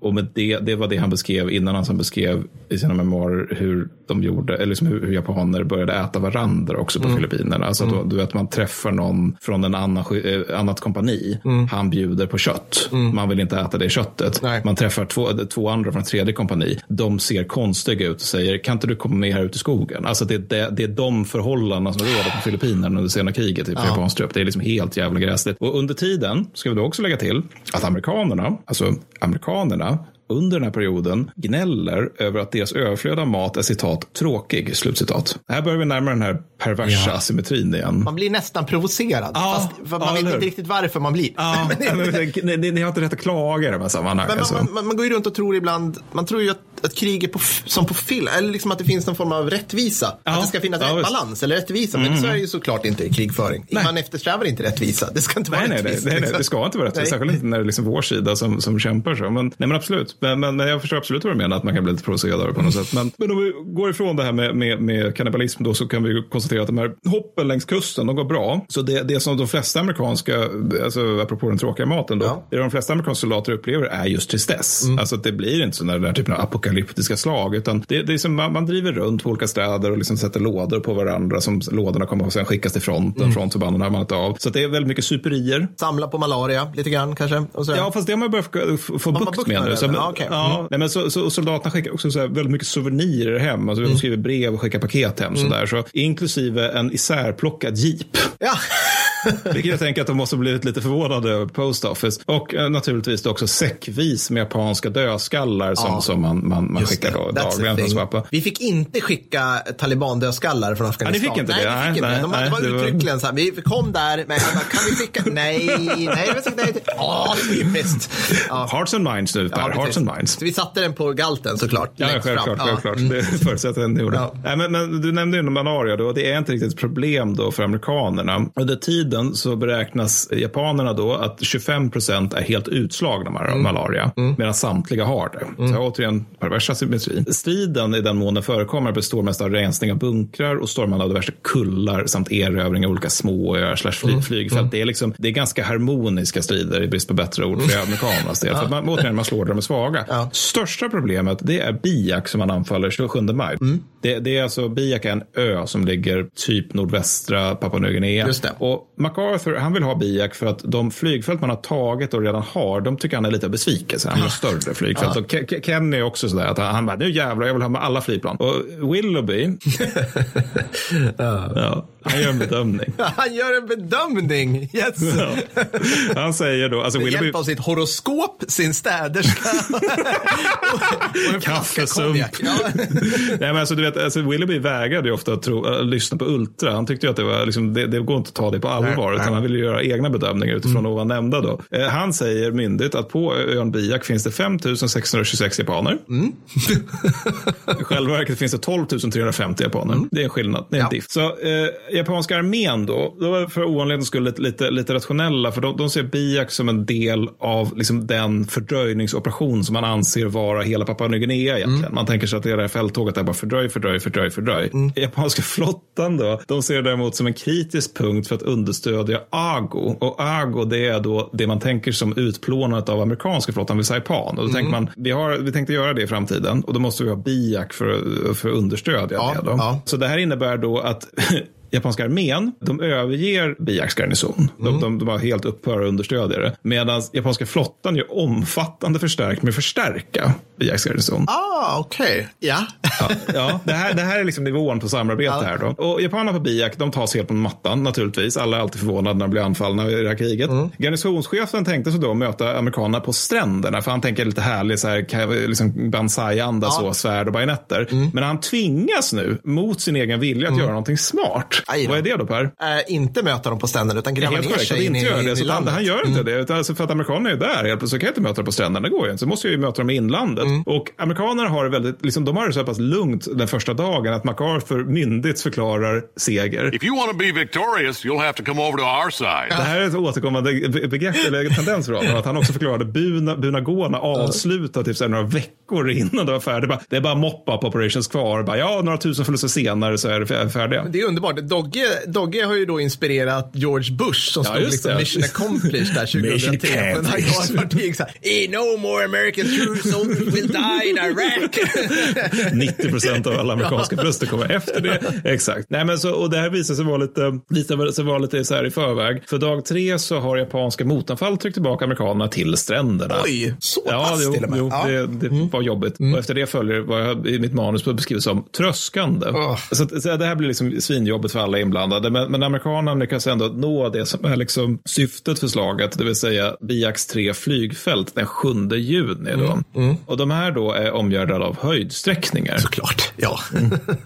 Det finns inga problem med det. Nej, Eller nej. snarare det finns stora problem med det. För att liksom när amerikansk trupp börjar ut på flygfälten och bara, ja men det här är ju ingenting, det är väl lugnt. Då visar det sig att det här är ju en fälla naturligtvis. Ja, ja. Och japanerna öppnar eld med allt de har från höjdsträckningen. Då. Mm. Och därefter följer mer tröskande, fast i den här form, i, form av stormangrepp då, mot japaner som sitter i grottor. Och det här går skit för precis, Ja. precis alla. Ja. Biak inte känns särskilt känt. Nej. Men, men alltså det man läser om det så är det ett, ett av de så här, ja, men åtminstone topp 10 grisigaste slagen i Stilla havskriget. Jag menar med tanke på liksom att varje slag är förfärligt Ja. grisigt så är det, liksom, det är en ganska... Det, det, det är en diger lista att komma in på. Det, det känns väldigt mycket tv-spel det här som att man borde ha gjort något. För att i och med att det blir liksom, det är de här fram och tillbaka-rörelserna är inte så himla vanligt. Nej, i nej, det är sant. Då, är det så här, amerikanerna går i land, tröskar sig fram, klart. Ja. Men det här fram och tillbaka är ju lite ovanligt. Ja, nej, men det är lite nytt och spexigt Mm. så. Och, men det här, det här gör nu att eh, MacArthur han är kraftigt försenad. Late to the party. Och det tycker han inte, tycker han Nej, inte alls kul. om. För han tycker förseningar, vi ska till Filippinerna, Mm. gud tänker mig att få befria Fi- Filippinerna och säga I have returned, för det har jag ju liksom sagt nu sedan Mm. 42.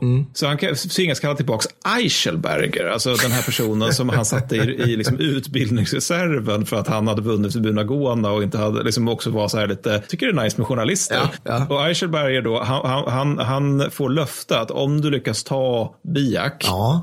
då kommer du få synas i media. Och Eichelberg är lite så här, ja det är ju nice, men framförallt så är det ju, ja, jag skulle ju liksom, framförallt kul att inte behöva utbilda inavlade värnpliktiga Nej. längre. Men, nej, men så Eichelberg, han lyckas styra upp det hela för att han är också en bra general, så, precis Mm. som Slim då. Och han gör det via att personligen rekognosera japanska ställningar, Okej. vilket är ganska coolt. En Ja. general som är ute och travar i främsta linjen Ja. bara för att kolla hur det faktiskt är. Ganska ovanligt amerikanska armén vid den här tiden. Han och också via appliceringen av hundratals tunnor med bensin då, som man kastar ner i grottorna som Mm. Japanerna sitter i. Sen så detonerar man dem med, med TNT som man slänger efter bensintunnorna. Då. Så huvudmålen de är uppnådda 25 juni, men strider fortsätter långt in i augusti och eh, vänder vid den här meningen, vissa japanska soldater kapitulerar när kejsaren gör Ja, det. ja såklart. Mm. Så, så alltså, Jap- japanerna förlorar 4970 stupade och 319 stridsfångar på Biak. Mm. Amerikanerna tappar 3100 stridsförluster Mm. plus 7000 icke-stridsförluster, varav 423 stridsutmattning och mer eller mindre resten är kvalsterburen fläcktyfus. Oh, ah, Och det här är också så här, det, det här är ju, alltså, det är ju, alltså de förlorar dubbelt så mycket som japanerna.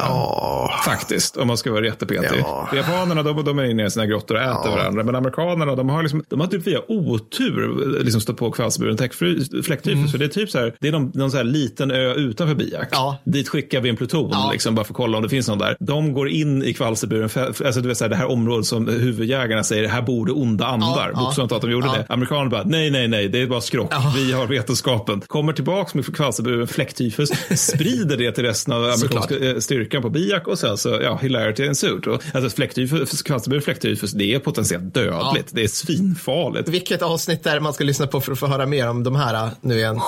Det tror jag. Snyggt. Bajsvattenkrigen Mm. för mig att Ja, heter. Eh, Så fälttåg på Papua Nya Guinea går, det går, liksom, går dock bra i övrigt för Mm. amerikanerna. Det avslutas med ett liksom, huvudlöst japanskt stormangrepp efter att generallöjtnant Adachi har kommit fram till att han inte finner citat någon annan lösning strategiskt eller tekniskt Nej. varför han istället vill citat förlita sig på Bushido. Ja. Slutcitat. Ja. Det här blir mer tröskande i djungel i några veckor innan japanerna är besegrade och MacArthur drö- börjar drömma om Filippinerna. Mm. Och fälttåg som helhet visar också att om man kan manövrera så kan japanerna eh, slås utan att man slåss. Mm. Utöver Biak är det vad som händer. Att man går bakom dem hela tiden och då måste de gå genom bergsdjungeln och då, då blir det liksom inget bra för japanerna. Men Biak specifikt Mm. visar också att om man möter på en plats utan manöverutrymme där de grävt ner sig, då är japanska armén fortfarande en av de absolut farligaste fucking organisationerna i världen. Ja. Kommer det här kommer återkomma till det, Mattias? Kanske? Ja, det kan man komma- komma till det som exempel nu. Här. Några öar kvar i det här avsnittet. Yes, yes. Ja, men för det, nu, nu ska vi till Poa. Pacific Ocean Areas. I'm not Pacific to be specific. För att det är nu som, det är nu egentligen i den här fasen av kriget som, jag, som vi nå- når den här typen av krigföring som jag tror att de flesta tänker sig. Alltså att det är marinkåren som hoppar i land på öar och stormar grejer. För att alltså Svappa, det, det är ju liksom mer så här marsch genom djungel i evigheter. Men för det som händer nu det är att vi ska gå igenom Operation Forager. Okej. Och det är då, det är anfallsop... Nej, jag bara, förlåt. Där blir allt mer uppgiven. Nej, men så, eh, Forager det är liksom den amerikanska anfallsoperationen mot marinarerna. Och eh, amerikanerna vill ha marinarerna dels på grund av att det ligger liksom på sjölederna mellan Japan och dess imperium. Så det är ju nice att kunna slippa, klippa av det för att förvägra japanerna typ indonesisk olja och liknande. Och sen kan det också bli en bra ubåtsbas och Tinian blir en utmärkt plats för B-29 som King vill ha på både Saipan och Guam. Och B-29 ska sen i slutändan på Japan. Så det här är en viktig operation då. Och det är också den dittills näst största amfibieoperationen i historien. Mm. Den största är Normandie. Ja. Den genomför USA samma månad. Ja. Apropå det här att liksom det militära industriella etablissemanget nu har nått liksom så här sprinthastighet i saker och ting. Liksom. ja, nu, nu börjar det bli nice att vara amerikansk soldat så när det gäller vad man kan förvänta sig att ha i ryggen. Ja, men nu börjar, nu börjar det liksom komma sådana här sjuka grejer som när man läser, ja, men spe- speciellt de västallierade, liksom att typ så här, fria franska styrkorna står där. Mm. USA bara, vill ni ha ett par tusen Shermans? Baguette. Eh, Men oui! Typ så här, liksom. Oui, oui, oui, ja, rebell. Kan vi, ska vi utrusta? Men nu börjar liksom USA kunna utrusta hela andra arméer Ja, med ja. hundratusentals stridande bara för att de kan samtidigt. Precis, liksom. precis. Ja, men exakt. Det är, det är det stadiet, fasen vi är nu. Det, det, är väldigt långt ifrån det här med Guadalcanal där så här, vi lever på japanska ransoner. Väldigt långt från det Ja, det vi, fasen. det. Mm. Men så Forager är också stor. Alltså, det omfattar 300 000 marinkårssoldater och liksom armésoldater. Mm. 600 fartyg, varav 15 är hangarfartyg. Mm. Vill återigen stryka under att USA har 11 idag. Spruance, den excentriska mannen Mm. som, som eh, gjorde bryggde sitt eget kaffe, han är då chef. Mm. Och 40 000 kategorier logistik och ammunition är med här då. Vilket innebär då att totalt finns liksom ett ton logistik per soldat. Just det, ja. Så måste det vara, ja. Ja. Ja. Så att, eh, mot det här då har vi då 32 000 japaner Ja. som sitter på Saipan. De har inte ett ton logistik per soldat. typ, typ. Och de har liksom några, några nej men du vet, några så här deciliter mått logistik Ja. per man eller någonting. Men så att de, de, de skulle egentligen befästa ön mer, Mm. men det hanns inte med på grund av amerikanska ubåtar och på grund av amerikansk snabbhet. Och det i sig också för sig ganska, det är ganska imponerande när man läser om den här och andra operationer. Det är ju att du har ju satans massa fartyg och soldater som ska koncentreras på en plats. Ja. Och det är svårt att göra på landbacken. Ska du göra det utanför en ö, då innebär det att alltså, de här fartygen och soldaterna är ofta liksom på olika öar och i olika hamnar. Så att det, det, det ledde till att man var tvungen att skapa, upprätta ganska inte ganska, väldigt komplicerade tidtabeller för att liksom, ni på ö A ska börja nu och åka mot Saipan. Ni på ö B ska börja åka nu för att åka mot Saipan, vilket är lite senare. Och trots det att alla börjar åka ungefär liksom, vid helt olika tillfällen så kommer man fram mer eller mindre samtidigt.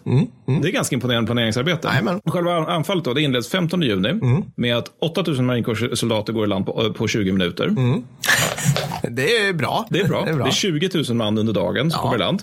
Japanskt kustartilleri dock, det är, det är ganska livligt här och det spränger bort en hel, ett helt gäng LVTs medan det är på väg mot stranden. Och, och väl på stranden så blir det här liksom ytterligare en av alla dessa bedrövelser som är Stilla havskriget. Det vill säga, japanerna kilar runt, liksom, det finns så stora strandvallar som amerikanerna går i land vid och bakom dem finns det japaner som kilar runt med, med GRK och artilleripjäser som de, liksom, de avfyrar, springer vidare till nästa ställe avfyrar. Så det, det här blir liksom ganska grötigt med en gång för amerikanerna, trots ett tons logistik per man. Så en, till, som ett exempel på hur grötigt det var så har vi då en löjtnant Robert Cheeks som beskrev hur det var att gå i land på Saipan och det var så här, citat, det kom en smäll och två av våra killar bara förångades. Vi kunde inte hitta några spår efter dem. De hade förvandlats till stoft, bara smält in i sanden och vegetationen. Slut citat. Utifrån det så har vi 2 500 amerikanska förluster till redan den 16 juni, alltså Ja. redan till dagen efter landstigningen. Och det här, det är ju faktiskt en japansk framgång, för de lyckas ju liksom tillfoga amerikanerna nästan lika stora förluster som man gjorde på Tarawa, fast det var under tre dagar Ja. istället för bara första stridsdygnet. Så de bestämmer sig natten 16-17 juni att nu ska vi köra ett motanfall.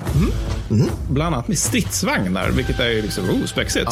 Och det här hade kanske kunnat gå bra, för amerikanerna, de är många i land, men de har liksom inte styrt upp sitt försvar ordentligt och så vidare. Men ja, japanerna är liksom så pass segervissa att de, de, amerikanerna märker att det kommer komma ett motanfall på grund av de parader och högljudda tal som hålls innan anfallet.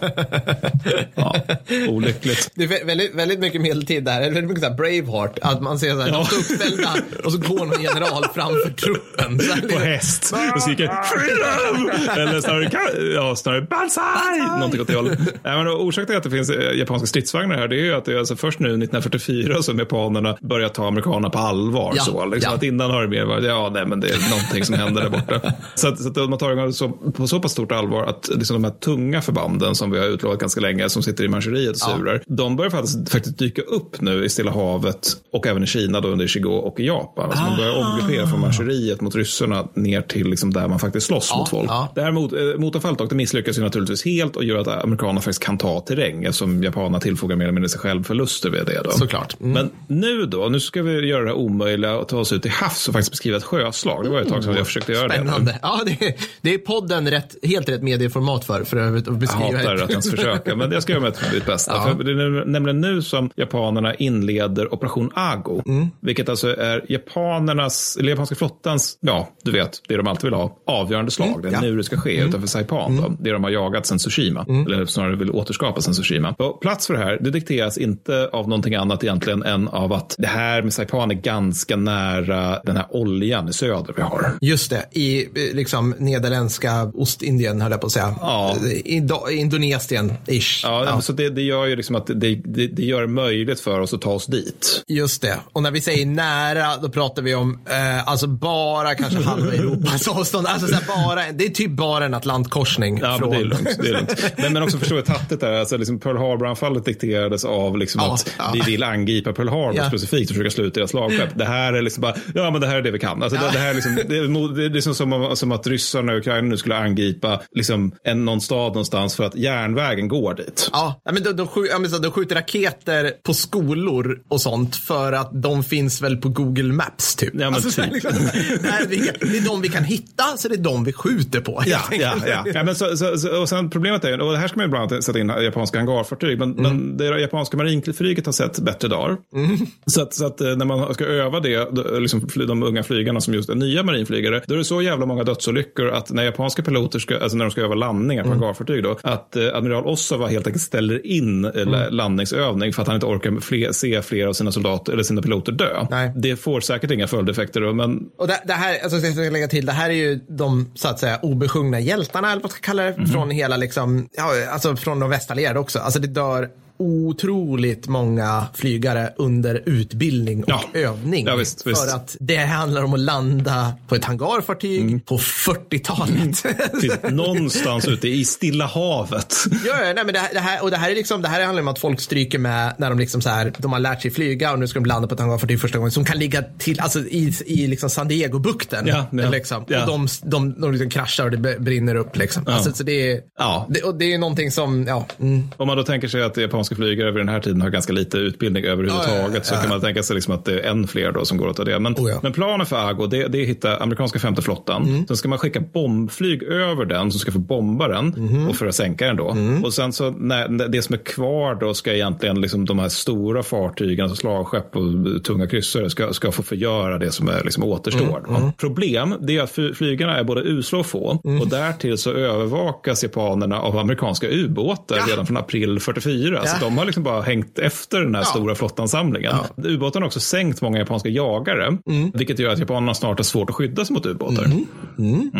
Kan vara problem. Antiubåtsvapen är ju töntigt. Eller Det är ubåtsjaktskapacitet är ju. Det är ju ingen det är ingen liksom, besked så över det. Nej. Absolut ingen ära. Så Spruance han siktar Ottawa då den 18 Mm. och ser det som prio att skydda landstigningsstyrkan. Så han ger Mm. order om att inte, och det här är ganska, det här är ganska omtvistat vad som händer här, så flottfolket får gärna höra av sig och lär, lär läxa upp med vad som egentligen hände. Men som jag har förstått det så är det då att han ger order om att inte åka västerut och möta den japanska flottan, utan i praktiken snarare inväntar första anfallet. Och det, det här är liksom brown shoes, alltså flygfolket om, ombord på fartygen blir helt jävla galna. Mm. För de tycker att Spruance är dement farbror som inte vet någonting. Det vill säga han vann bara vid Midway. Jag menar vad betyder det? Men, men, men de, orsaken till Marja är just det här med alltså att den som slår först är ett hangarfartygsslag. Ja, just det. Den, Just den, det. den har en väldigt stor fördel. Ja. Så, så, så att det är liksom, om man då, och det Spruance gör nu är typ att säga till japanerna, varsågoda slå först. Mm. Nimitz stab är liksom så pass upprörda över det här att de, de säger till Nimitz, nu måste, Chester, nu måste du ingripa här. Mm. Han, eh, Spruance vet inte vad han gör, han har blivit galen, han har ätit för mycket rålök.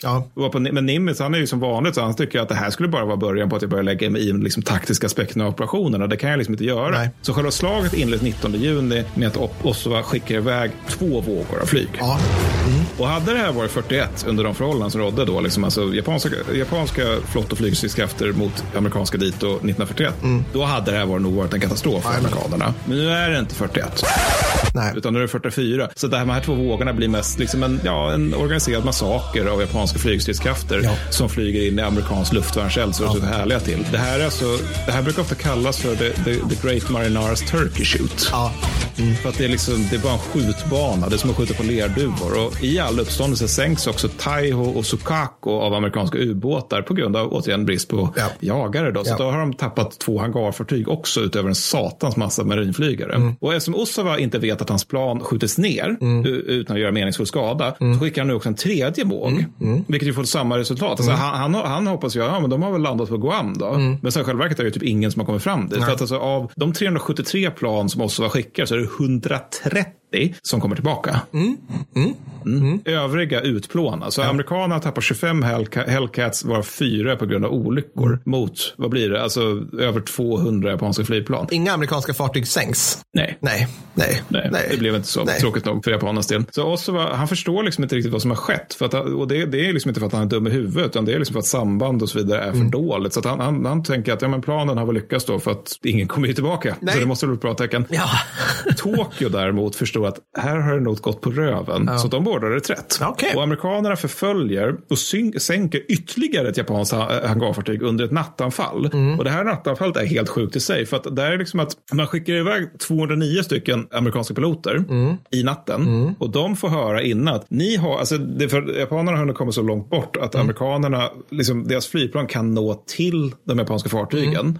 Men inte hela vägen tillbaka. Mm. Nej. Så det här får de höra liksom. Att det är bara att ni, ni, ni, det är envägsresa här och sen kommer vi plocka upp er. Så det, det är liksom 209 då av de som hamnar i vattnet. Alltså, inte, förlåt, det var inte 209 man skickar, men 209 av dem hamnar i vattnet på grund av dålig sikt och slut på soppa. Ja. Och de här plockas 160 upp. Och det är, alltså, så det är ju 50 flygare då som, som, som dör, drunknar i det här sammanhanget. Men det säger nog också någonting om hur mycket amerikanska marinflygare litade på flottans förmåga att fiska upp dem. Eftersom de får ju höra det här. Och de bara, ja ja, det, det är väl liksom, det, det fixar vi. Ah, shit. Det, ja. Mm. Men på Saipan så trycks japaner, alltså på själva ön, för nu är jag färdig med sjöslaget, nu får vi vara på landbacken igen där jag känner mig lite tryggare. Utöver att vi har jättemycket bråk mellan marinkåren och, eh, och eh, armén då, där, där vad heter han nu, Howling Mad eh, Smith liksom så här, avskedar någon, någon arméchef så där, för att han inte vill framryckas snabbt nog. Så där. Men det, det är alltså båda, båda liksom, truppslagen är på...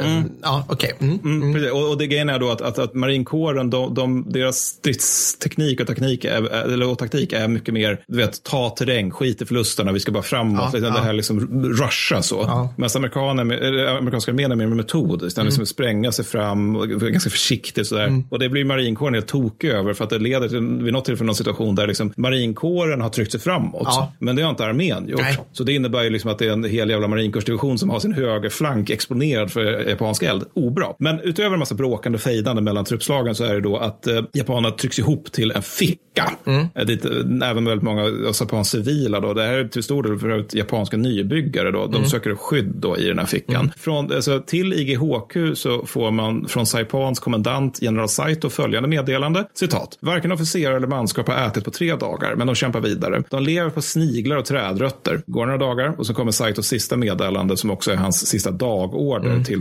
till sina soldater. Då. Citat. Den sjunde i övermorgon ska vi framrycka samt angripa amerikanerna och dö en hedersam död. Varje man förväntas döda tio amerikaner. Slutcitat. Och efter det här så bryts allt sam samband med Saipan kort Mm. därefter. Så det, alltså, det sjuka här är alltså att det japanerna gör då det är att de samlar ihop den 7 juli och så samlar de ihop sig för ett sista stormangrepp. Mm. Mm. För att det går inte längre. Så då, då, då, om det inte går, då kan vi inte kapitulera. Om vi inte kan kapitulera, då måste vi genomföra Banzai. Så. Eh, och de som inte kan gå nu på grund av skador, de skjuts eller tar sina liv. Och skadade anfaller ofta med kryckor eller att de är ordentligt bandage- bandagerade. Och många japaner, japanska soldater vid det här laget saknar vapen helt och hållet. Så de improviserar spjut istället. Mm. Jag kommer tillbaka till spjut då. Ja, Så att, ja. eh, Ja. Ja. Och, det, och, och, och det här är liksom helt vansinnigt. Och det, och det, det är ju ett sånt här tillfälle där man, man liksom har liksom så svårt att identifiera sig med japanerna. För det är liksom, pojkar, ni kan bara ge upp så kommer ni komma hem när kriget är slut. Liksom. Ni kommer få se era mammor igen, ni kommer få se era flickvänner igen. Men de gör inte så. Det är liksom en aspekt av varför japansk trupp i det här kriget, utöver alla krigsbrotten, ofta framstår som aliens. Så där, där, i det syftet så där, tänker jag faktiskt läsa upp en, en dagboksanteckning som kommer från Menigetaro Kawaguchi som var en av de som de, deltog i det här sista anfallet. Då. Och han skrev då innan det sista anfallet genomfördes, citat. När jag ser tillbaka på mitt liv så inser jag att jag bara är 26 år gammal. Tack vare kejsaren, mina föräldrar och min moster så jag har levt till den här dagen och det är jag djupt tacksam för. Samtidigt sörjer jag över att jag inte har någonting att säga i detta ögonblick då mitt liv fladdrar iväg som ett kronblad i vinden för att bli en del av jorden. Jag kommer med min offrade kropp stanna på den här ön i väntan på att våra styrkor återerövrar denna kejserliga jord. Slutcitat.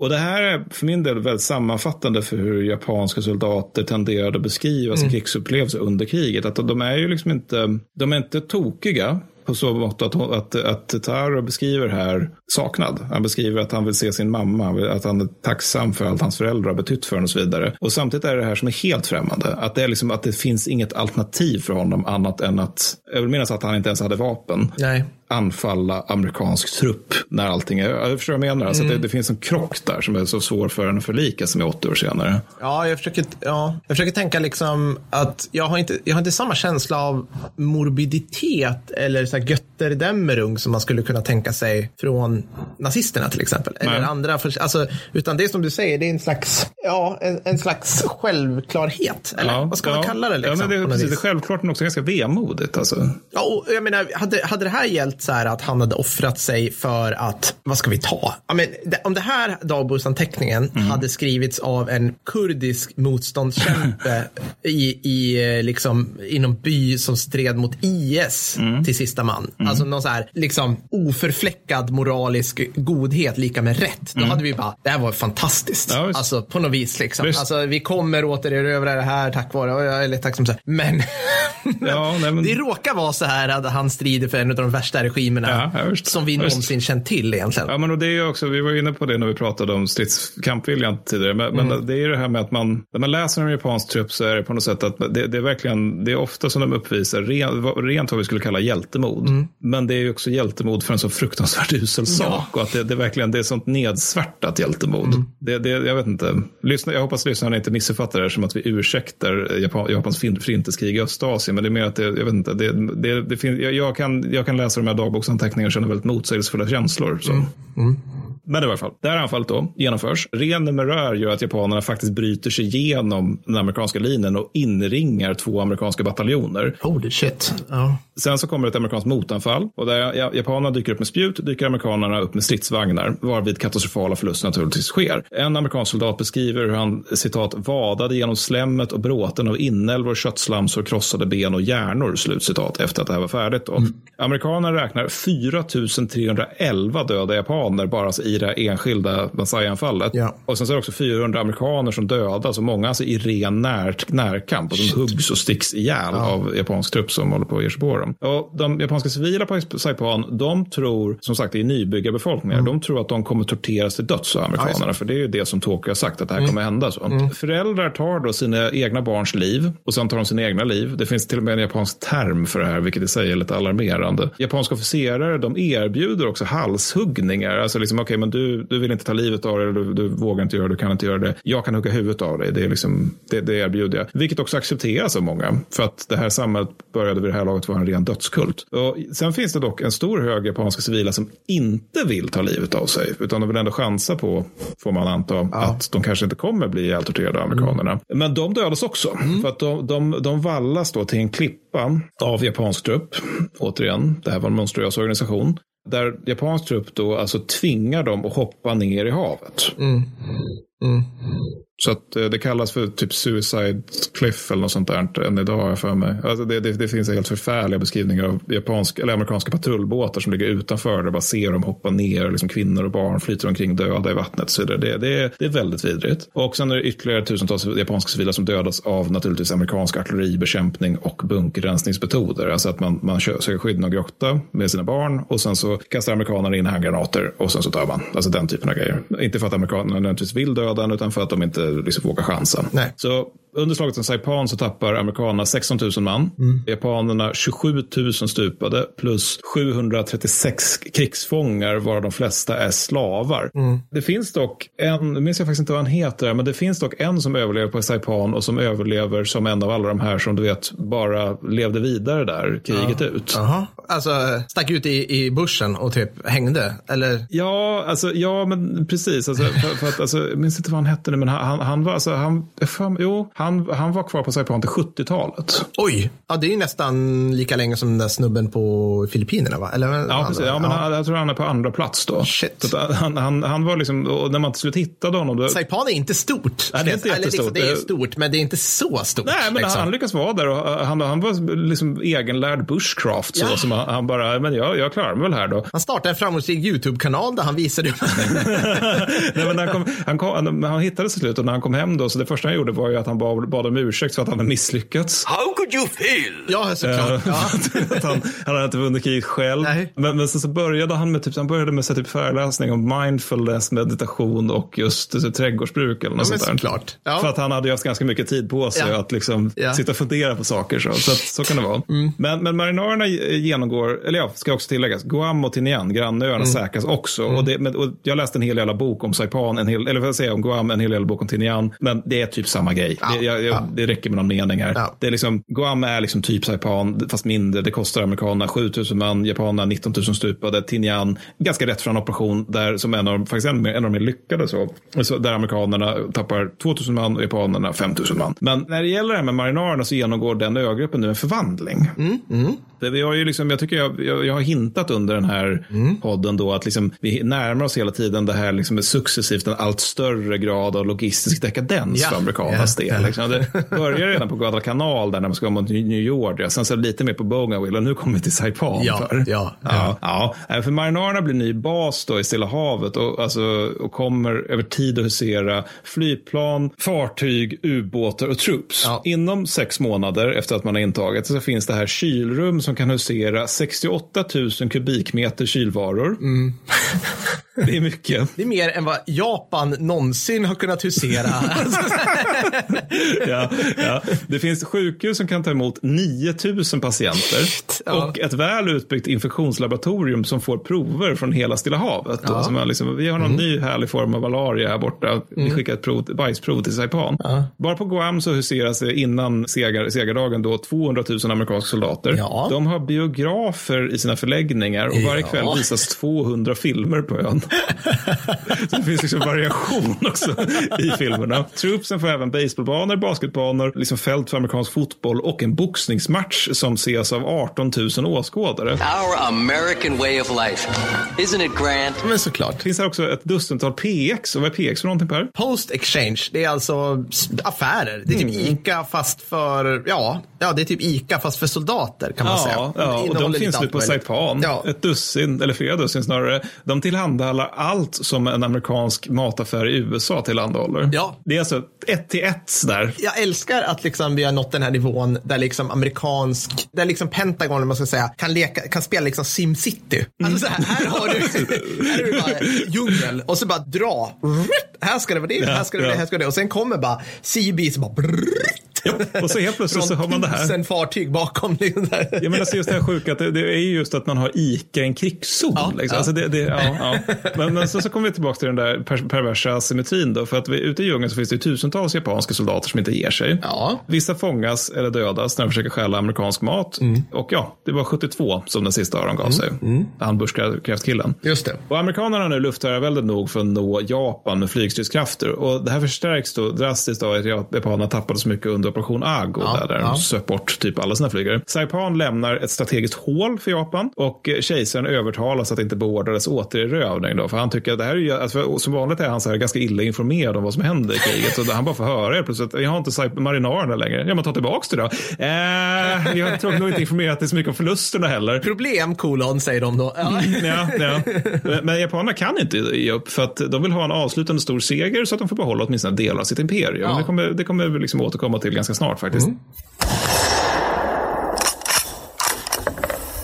Men nästa steg för amerikanernas del då, det är att i slutet av juli träffas FDR, MacArthur och Nimitz på Hawaii för att planera nästa steg av hur ska vi göra nu, liksom marinarerna taget. Ja. Såklart, såklart. Ja. Mm. Mac, han är naturligtvis sen. Jesus fucking Christ. Han ska bara träffa sin president. Han ogillar också stark, eh, starkt eh, Roosevelt då, som han brukar kalla sig för Rosenfeld internt då i sin stab på grund av antisemitism. eh, Ja, så. King vill via Nimitz då gå mot Formosa, det som väl idag är Taiwan om jag inte minns fel. och eh, Mac vill gå mot Luzon på Filippinerna istället då. Och enligt MacArthurs memoarer då, som givetvis är helt sanningsenliga på alla punkter, så lyckas han via briljant retorik övertala liksom alla församlade då om att, att vi ska gå mot Luzon. Men i själva verket så är det snarare så att amerikanska flottan inser att alltså, om vi ska ta Formosa så kommer det bli så jävla blodigt att det liksom inte är värt det. Och då dyker Spruance upp, upp som alltid är liksom den tänkande varelsen i den amerikanska flottan och säger att ja, fast vi kan ju ta Okinawa istället. Ja, just det. Mm. Kan skita i Formosa och kan då gå mot Okinawa istället. Och då, och då börjar flottan tycka att ja, ja, men det kan ju vara en trevlig idé. Okinawa är fint så här års. Men sen samtidigt in- inser de också att då måste vi liksom justera om rätt mycket jobbigt så tekniskt sånt där som jag inte förstår när det gäller flottstridskrafter. och det, det, det jag försöker säga är att det kommer ta tid för att bara planera invasionen av Okinawa. Och det här ger tidsmässigt utrymme för att ta Luzon så länge. Och det, det här är också så fruktansvärt. På vägen till den här gigantiska invasionen så Ja, kan ja. vi göra en annan gigantisk Ja, invasion. Som inte har något strategiskt värde egentligen, utan mer så här liksom, ja, men det är moraliskt rätt att befria Filippinerna. I, i, den, I den här äh, sekundära fronten under andra världskriget. Ja, ja, då kan vi, liksom, har vi råd att liksom avdela omfattande flottarmésikt förband för att göra det. När det gäller då Filippinerna då, då så måste man ju ha en uppskattning om hur många japaner som kanske finns på Filippinerna. Vem tror du gör den uppskattningen? Wilhelm. Det gör mycket riktigt Wilhelm. Han tror att det är 100 000 man, för att återigen, han tycker eh, Ultra är fett töntigt, slutcitat. 100 000 man låter som Ja, det är bra... mycket liksom. Ett runt och fint tal. Det är ju det och det är ju då liksom att, alltså att problemet är också att japaner naturligtvis är dubbelt så många och Ja, de det kommer är förstärkas upp med ännu mer. Alltså det, det, det, det är väldigt många japaner Ja, ja. innan, som kommer till Filippinerna innan amerikanerna gör. Ja. King, han är ju då som vanligt, då, han, han är ju liksom helt osentimental så att han, han avfärdar hela idén, alltså offentligt som Ja. citat excentrisk, slutcitat och citat sentimental, slutcitat och anser att det är liksom moraliskt att befria Filippinerna. Det är helt ovidkommande. Det, det, det, det finns inte i Nej. Kings kalkyls över det här. Inför Filippinerna då, in- invasionen av Filippinerna, så bekämpar man allt omkring det med femte flottans hangarfartygs, hangarfartygsstyrka som heter TF58 eller Task Force 58. Mm. Task Force, yes. Och Halsey tar över den här från Spruance i augusti 44 och man byter då namn till tredje flottan, alltså från femte flottan till tredje flottan och Task Force, Force 38. Och det här sker varje halvår då. Dels att man byter mellan Spruance och Halsey, men dels att man byter namn på flottan. Och det, det första alltså att man byter chef är att de ska få vila lite grann. Det andra är liksom typ för att förvirra japanerna, för liksom att de ska tro att det finns två så här liksom apokalyptiskt stora task forces. Men ja, Det enda det gör är att förvirra oss som ska läsa om det sen. Ja, det, alltså, det, det, 75, tog 80 år typ, alltså, jag, det var typ så här nyss som jag lärde mig att det var. För jag har varit jätteförvirrad över det här. Liksom, vadå, det var 58, 38. Men Halsey då, han, han är nu tillbaka i matchen. Honom har vi liksom inte sett av sedan typ nyår eller någonting. Eller, ja. Han är inte så saknad, det kan jag känna Nej, spontant. nej, han är ganska osoft. Han, är ganska osoft. Ja, men han har ju hängt ner i Sopak sedan 42. Mm. Och det som möter honom nu när han är uppe i Po, eller inte Po, men han kommer liksom upp från Mm. Sopak-gyttret. Det är ju en helt ny form av sjökrig. För att alltså, förra gången han var till havs, han har ju liksom varit borta bakom skrivbord Mm. länge nu liksom, för att styra Sopak. Så förra gången han var till havs, då, då handlade det liksom, du vet, som enskilda hangarfartyg. Mm. Kanske är de två, men för det mesta är det ett. Nu kommer de i grupper. Mm. Och det här kräver ju liksom en helt annan form av soldat eller sjöofficer. Alltså det kräver ju mer en spruance, alltså en tänkare och en tekniker. Inte en som är Halsey som är krigare och magkänsla. Det, det, det, och det här kommer få konsekvenser. Men, men alltså, det, kommer, lite, kommer kanske låta lite konstigt, men det sker faktiskt ett litet hopp här. För att för att ta Filippinerna så bestämmer man sig att MacArthurs flank mot Filippinerna, man ska gå liksom från Papua Nya Guinea till Filippinerna, då kommer hans högerflank, den kommer vara hotad av Pilelo. Used to not smoke. Just I do now. Just det, just det. Det kommer det vara. Det, det, det ser jag här på kartan.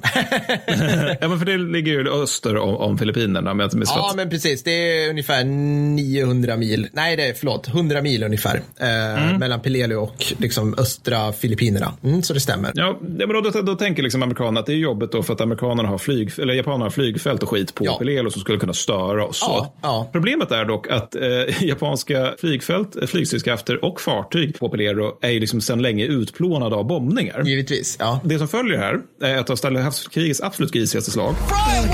Mm. Och det här är snarare topp tre, snarare topp tio som biak. Och det är typ meningslöst.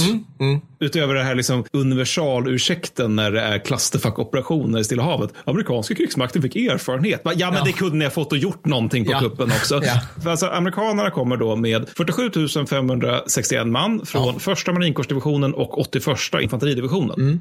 Där marinkåren som vanligt tar täten medan japanerna då håller med 10 900 man inklusive slavarbetare. Mm. Pelelu, det är typ känt idag på grund av att det är några av de bättre avsnitten i The Pacific. Don't. You shouldn't do it.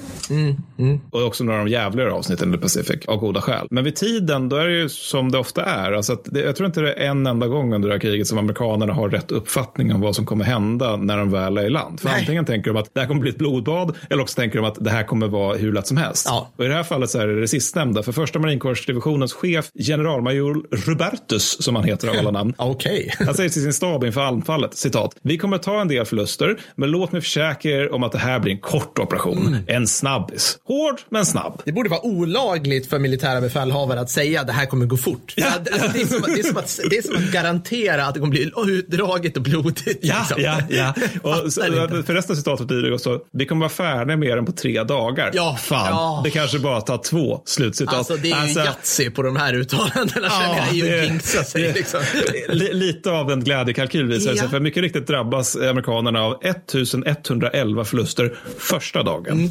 Mm, Orsaken är då att japanerna, och här börjar det här dyka upp nu som vi kommer få erfara på Iwo Jima och Okinawa Mm. och som hände av en jävla jävla slump på Biak. Det är att japanerna har, alltså de, de, dels har de byggt 600 bunkrar och andra Mm. fältbefästningar. Så det är väldigt mycket fästningar ganska nära stranden. Mm. Men framför allt är att de, de håller sig inåt land. I ett slags våff- våffeljärn av berg som kallas för Umorbrogol. Mm. Så att alltså, de kan sitta där inne i inlandet på ön och bara lobba granater Mm. ner på amerikanerna som måste på något sätt ta sig dit eh, liksom innan de ens ska börja verka mot japanerna. Plus att mycket av liksom, förbekämpning och så vidare sker mot stränderna snarare än Mm. mot Umorbrogol. Så ett av Stilla havskrigets absolut gräsligaste slag följer. Mm. Amerikanerna väntar liksom hela tiden på att japanerna ska komma med det där Banzai-anfallet. Liksom, så att man kan skjuta ihjäl dem, och som, som hände på Saipan. Liksom. Det är klart, liksom. Ja, Ja, nej, men liksom, ja. alltså, de, de kommer besegra sig själva genom ett stormangrepp. Så.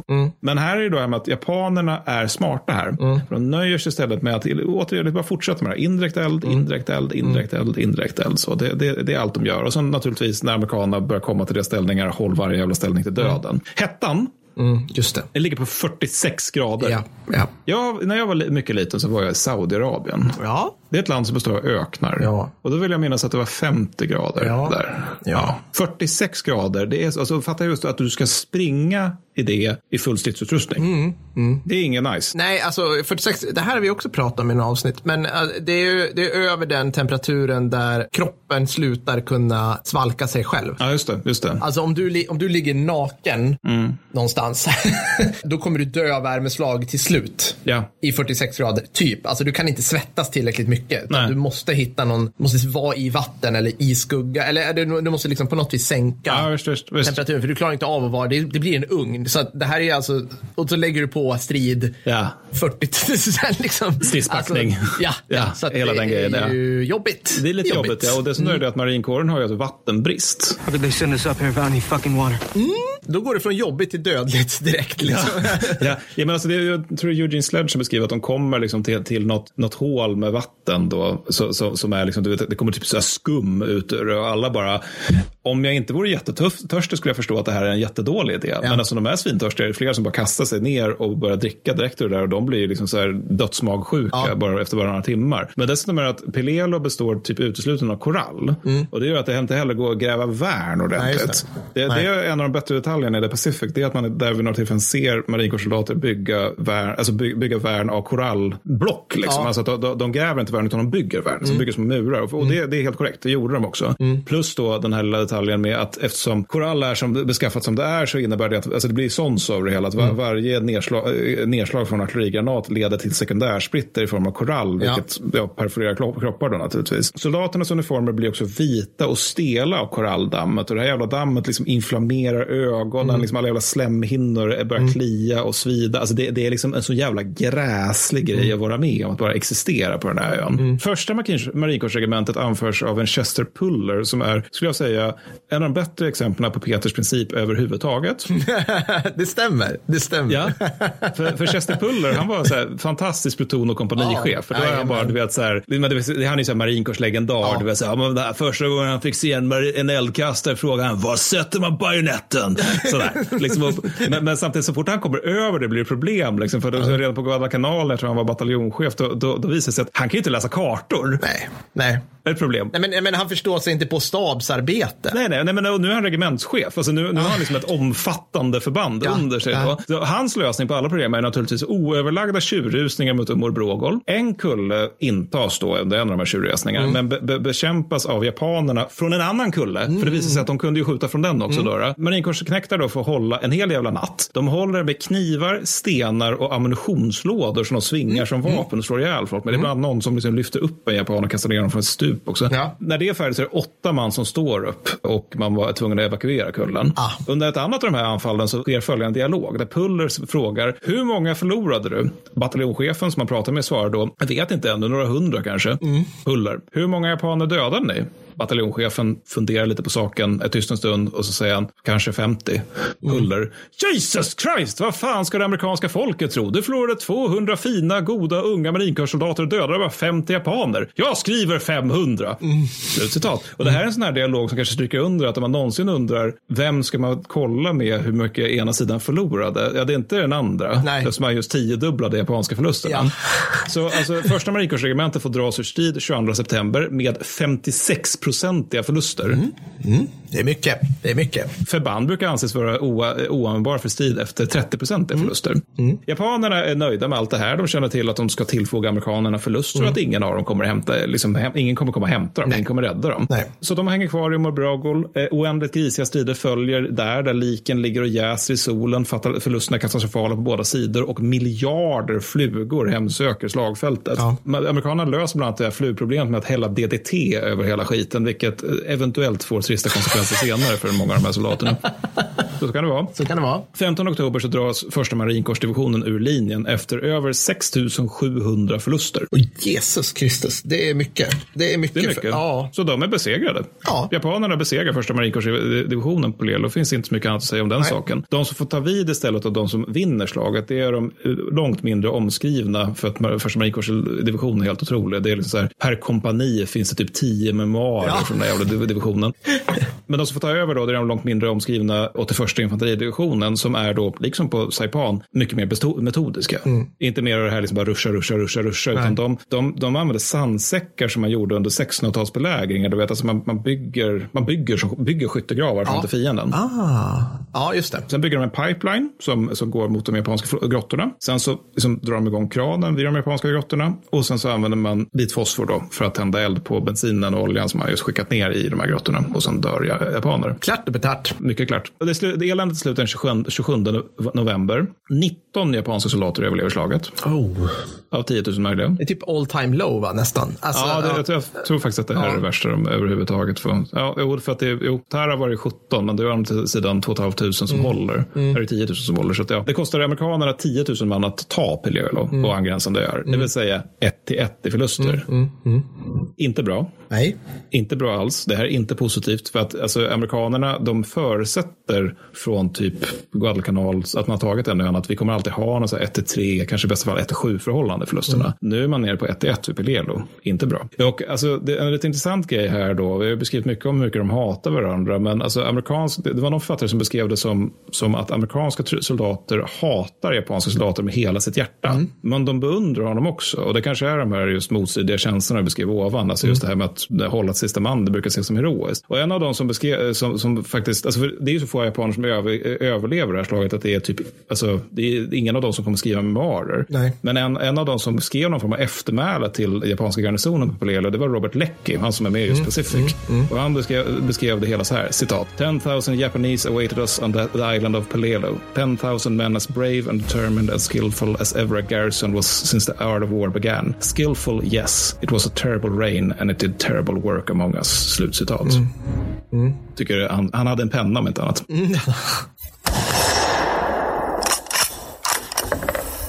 Men vi ska avsluta året eh, 44 med Leite. Mm, underbart. Det är det sista 44. Ett sjöslag? Va? Ja, bland annat. Bland annat. Lite komplicerat förstås. Vi avslutar med någonting komplext.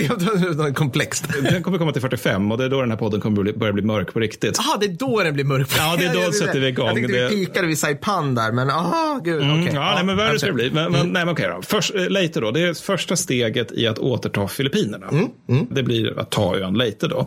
Och Mac, han var där i land redan 20 oktober Mm. och förkunnar Filippins självständighet utan att fråga UD. You're too late. Ska vi prata om hur stort i Filippinerna är, hur många japaner som fanns kvar på Filippinerna när han sa det, etc. Ja, nej, nej, men, men också så att UD, liksom, fattar hur det är när de får det samtalet. Att, ja, Filippinerna är helt självständiga nu, har MacArthur. Hur ska vi lägga fram för dem att de inte är det? Ja, förlåt. Nu förstår jag vad du menar. Men, ja, ja. Nej, men absolut. Han, han är ju en amerikansk Caesar. Ja, så han ja, kan ju utan problem diktera amerikansk utrikespolitik. Ja, ja, ja, ja. Och han, eh, han, det är också här han säger I have returned. Thank you for letting freedom reign. Ja. Det är inte viktigt det här med att han har hundratusentals soldater som är med sig, utan jag I- är tillbaka. I det är returned. Ja. Så amerikanerna då, de kom med sjunde flottan under Kincaid, som är MacArthurs flottexpert. Liksom. Och det, om, den omfa- omfattar hisnande 738 fartyg, varav 157 är örlogsfartyg. Det här är mer än vad hela svenska flottan är idag, skulle jag tro. Ja, ja, ja, gud ja. Alltså, Inte ens jämförbart. Eh, tredje flottan är också med under Halsey och har åtta hangarfartyg och åtta lätta hangarfartyg också fucking vidare. ja. Så det är alltså två apokalyptiska flottor i storlek här som deltar. Och det här vill då japanska flottan slå mot via operation Shogo. mm. Ja, underbart. Jag skulle säga deras plan, men jag skulle, kommer nog snarare säga deras förhoppning. Ja. Det är ett avgörande slag, men även också inom IN, då, det är att man har den här känslan att vi måste göra någonting. Ja. Liksom. Vi kan inte bara sitta och tjura. Så, så Shogos höga chefer förväntar sig total undergång Mm. och eftersträvar det delvis. De lyckas få 60 000 ton olja av armén, vilket låter ju helt sjukt, men Ja. det är ju då i att de, det är en så här tårdrypande grej där det är liksom högre armé och flottchefer som sitter på någon bar eller någon restaurang eller någonting. Bokstavligt talat. Och eh, liksom flott, flottfolket då säger att vi behöver en värdig plats att dö på och då blir armékillar bara, "Åh, herregud, ja men det är såklart, då, här, ta 60 000 ol- ton olja som vi inte har. Japanerna tror även delvis att de försvagat amerikanska flottan under liksom, olika räder som amerikanerna har gjort mot Formosa. Ja. Där liksom, övertända japanska flygare anser sig ha sänkt tio hangarfartyg. Ja, ja, ja, såklart. Det har de inte gjort, utan de har typ skadat ett lätt eller någonting och förlorat fruktansvärt mycket folk själva. Men de tror det. Eh, Så lite aldrig på flygare när det gäller förlustuppskattningar. Nej. Och därtill så vet man ju också att faller Filippinerna så blir det, liksom, då blir det ju absolut ingen olja från Indonesien. Det, det blir det ju inte i alla fall på grund av Nej. ubåtar och på grund av att marinarerna fallit. Men fall, det blir absolut Det blir ingenting. verkligen ingenting. Nej. Nej, då blir det noll. Liksom så. Och då, då blir det ju meningslöst med japanska flottan. För de kan ju liksom inte agera. Alltså, det är därför vi är i krig. Det är för att vi behöver oljan så att flottan ska kunna agera. Det var därför vi anföll sedan. Så vi måste ju göra något. Så återigen, den så kallade planen det är att man ska liksom, i och för sig det är inte så kallat för det här är lite bright. Det, det är så att man ska locka iväg de amerikanska hangarfartygen med japanska hangarfartyg under. Va? Ja. Så de japanska hangarfartygen ska dyka upp och sen så ska de säga hallå där och sen så ska de liksom, amerikanerna bara Åh, herregud, sänk dem och följa efter. Och, de, Oswald då, han har totalt hundra fartyg då, på, eller vad säger jag, hundra stycken flygplan på sina fyra hangarfartyg. Så det, de, de kan typ inte, alltså de kan bara vara bete. Alltså de, de, de, flygarna där för mig skulle åka iväg, bekriga amerikanerna och sen typ landa på Leyte och ta upp striden som infanteri. Liksom. Ja, ja, ja. ja, men det låter rimligt. Det kommer säkert hända. Det går jättebra. Otroligt rimligt. Men, men, men, men så det, ska- det är liksom det som ska hända med hangarfartygen, att amerikanerna ska lockas iväg. Så. Men sen då, när de är väglockade och det, de liksom inte finns några jävla flygare som stör, då ska de japanska eldrörsfartygen, alltså slagskeppen och kryssarna och så, de ska dyka upp vid landstigningen där amerikanerna har på att sätta i land folk och via chock och förödande förlu- amerikanska förluster vinna ett citat, hashtag avgörande slag. Mycket bra. Mycket bra. Och på den amerikanska sidan så är problemet med stort H, inte P, utan H, det är Halsey Ja, naturligtvis. För att han ska då försvara Kincaid. Han ska tänka kallt här. Ska, det, exakt, det är det, det är här vi har hela problemet för amerikanernas del. Alltså, Kincaid han ska liksom bara få i land folk också. Det är hans uppgift. Men att Halsey han ska försvara Kincaid medan Kincaid gör det här då. Men om tillfälle, liksom det uppstår en chans där, nu kan du Halsey förgöra japanska flottan. Då ska han ju ta det. Men samtidigt är det liksom så att Nimitz också skri- skriver uttryckligen till Halsey att okej, men så här va, släpp, alltså jag menar inte liksom släpp allt om du ser flottstridskrafter. Alltså det, det är inte det jag menar. Det tolkar då eh, den, den hangarfartygskåte Halsey eh, som att det är precis det han ska göra, släpp allt. Då. Släpp allt. Om du, om du hör talas om en, amerik- om en japansk motortorped någonstans där borta, då ska du börja ruscha. Ja, men också för Halsey, han har ju haft någon så här erotisk och pervers dröm om att liksom få sänka ett japanskt hangarfartyg. Han har velat göra det hela kriget och inte fått göra det faktiskt. Men och Nimitz påminner honom vid minst två separata tillfällen om att egentligen huvuduppgiften det är att försvara Kincaid. Det är det du ska Ja, göra. ja. Det mesta annat är så här B-uppdrag och så vidare. Något Halsey ser som helt ovidkommande. Mm. Och vad som följer är otroligt rörigt. Det här är alltså, jag tror det är fyra, fem sjöslag i ett under flera dagar. Och jag kommer inte försöka beskriva allt det här då. Utan det, det som räcker är med, för det här är alltså det största sjöslaget i världshistorien. Det, och det, det är över hela Filippinerna. Så det är för rörigt. Jag kan inte beskriva det här i, i, i ljud, ett ljudmedium. Jag skulle behöva en karta snarare. Och i, men under de här så för, för, eller som, där tappar japanerna löjligt mycket naturligtvis och amerikanerna ganska lite. Men problemet är nu Halsey återigen. För att alltså, han får från liksom, amerikanska piloter olika glädjekalkyler då som han också tar på allvar. Ska aldrig lita på flygare. Det börjar bli liksom summa summarum från det här avsnittet. Ja, precis. ja, men återigen, tänk Rudel liksom, i Ja, avsnitt exakt. 102. Så att när han då se, siktar japanska hangarfartyg, vad gör en Halsey då? Ja, han släpper ju såklart allt. Han släpper alltid vroom vroom mad dash for glory som gäller då. Witness me! Men Därför är han, han är liksom ute och härjar och jagar hangarfartyg när amerikanska flygstridskrafter siktar japanska slagskepp och kryssare vid landstigningsplatserna. Är det, är det nu Musashi dyker upp? Alltså Det är nu Musashi syster- dyker upp. Ah, snyggt. Ja, Okej. Världshistoriens största slagskepp. Ja.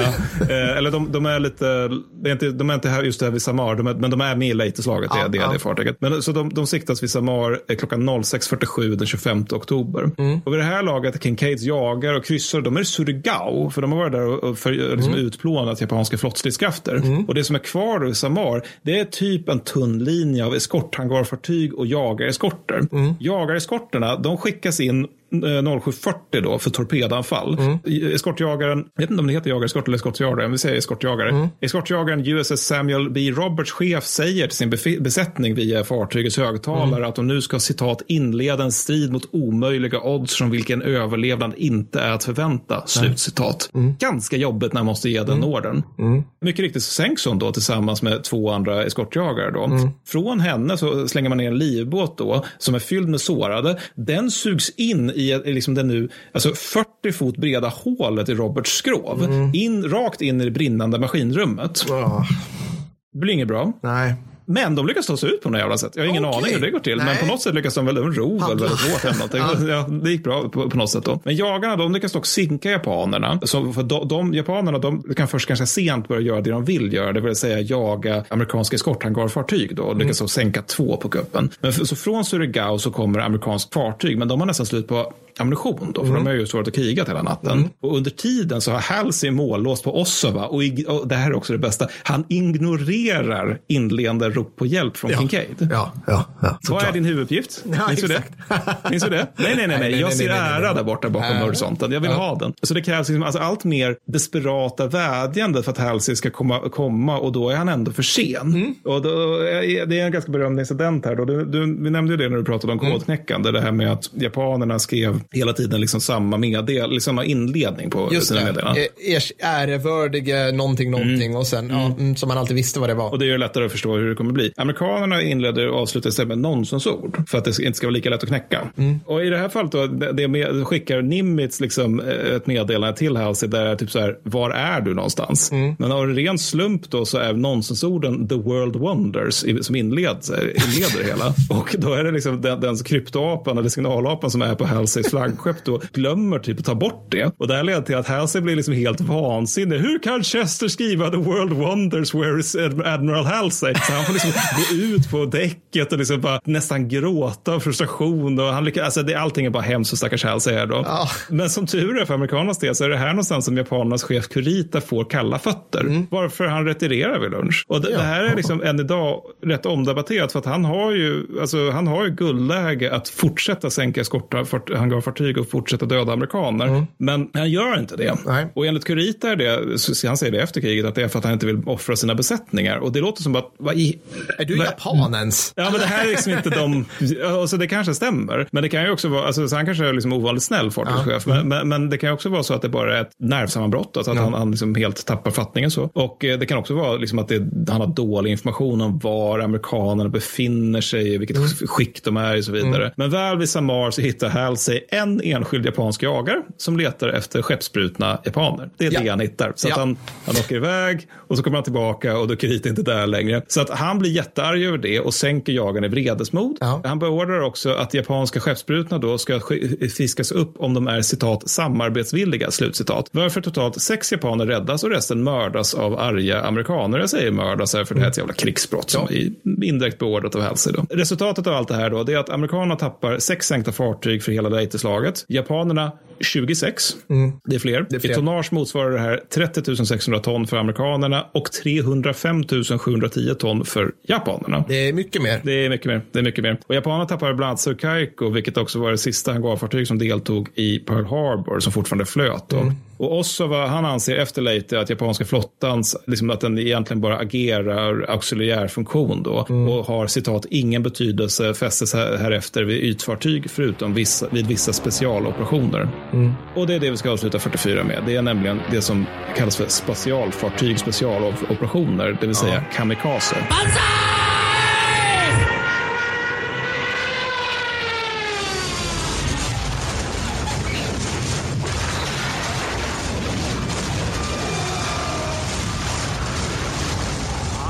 nu, nu kommer vi till det folk tror att, att Stilla havskriget börjar med. Ja, det, Typ det, det, vad vet alla om Stillahavskriget? Ja. Kamikaze. Men, och det, det, för det är nämligen kring Leyteslaget som kamikaze börjar användas i skala. Mm. Och det har kom, förekommit tidigare, men då är det ofta liksom improviserat och i liten mängd. Att det är någon japansk pilot som bara, jag har ingen ammunition till min Akan längre, nu så åker jag rakt Ja. ner i den där skorstenen. Ja, det var lite mer improviserat som sagt. Ja. Mm. Ja, men, och det finns motstånd inom både armén och flottan mot själva idén. För att alltså, hur det än är då, så, så, alltså, hur det än kan, konstigt kan låta sig, döden är liksom ingen egen nytta och en feltolkning av Bushido. För Bushido premierar stoicism inför döden, men, inte, men förbjuder inte kapitulation. Nej. I japanska bestämmelser för militärt uppträdande från 1882, som till stor del påstår sig grundas på Bushido, så, så, så det, alltså, det, är liksom, det påstås gärna grundas på Bushido, men det är liksom inte rakt av Bushido. För en av hörnpelarna kärna i Bushido är nämligen medmänsklighet, någonting som inte tas med i bestämmelserna, utan men däremot mod, plikttrogenhet och så vidare. Det är det Ja. man betonar. Så Kamikaze börjar utredas som ett Wunderwaffe redan Mm. sommaren 43. Mm. Och då börjar man med styrda raketer från plan och styrda torpeder från motortorpedbåtar och attackdyk då som, som finns och så vidare. Och med styrda raketer så menar jag alltså inte styrda raketer som i Ryssland och Ukraina skickar robotar, Nej, nej, utan nej, alltså att det är bokstavligt talat en person som styr den här raketen. Ja, sitter i en raket och styr den. Ja, ja. I fallet torpeder som var insvetsade så att de inte kunde ta sig ut.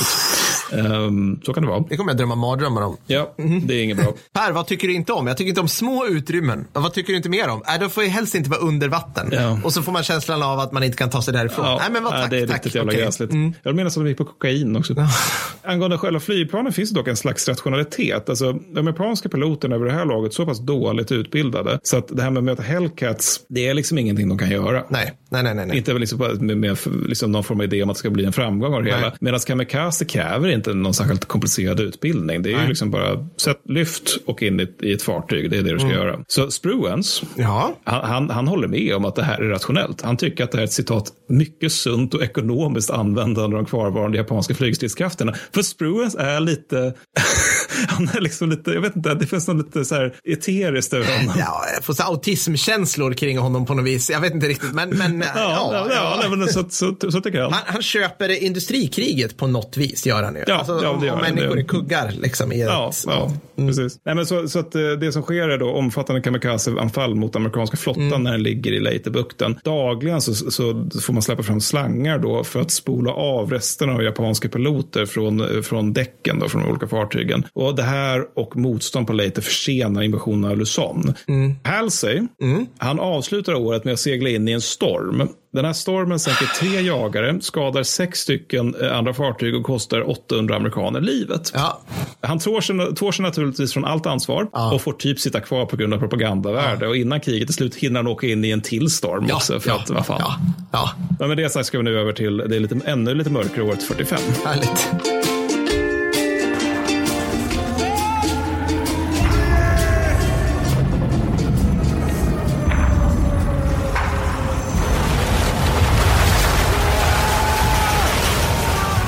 –1945. 1945.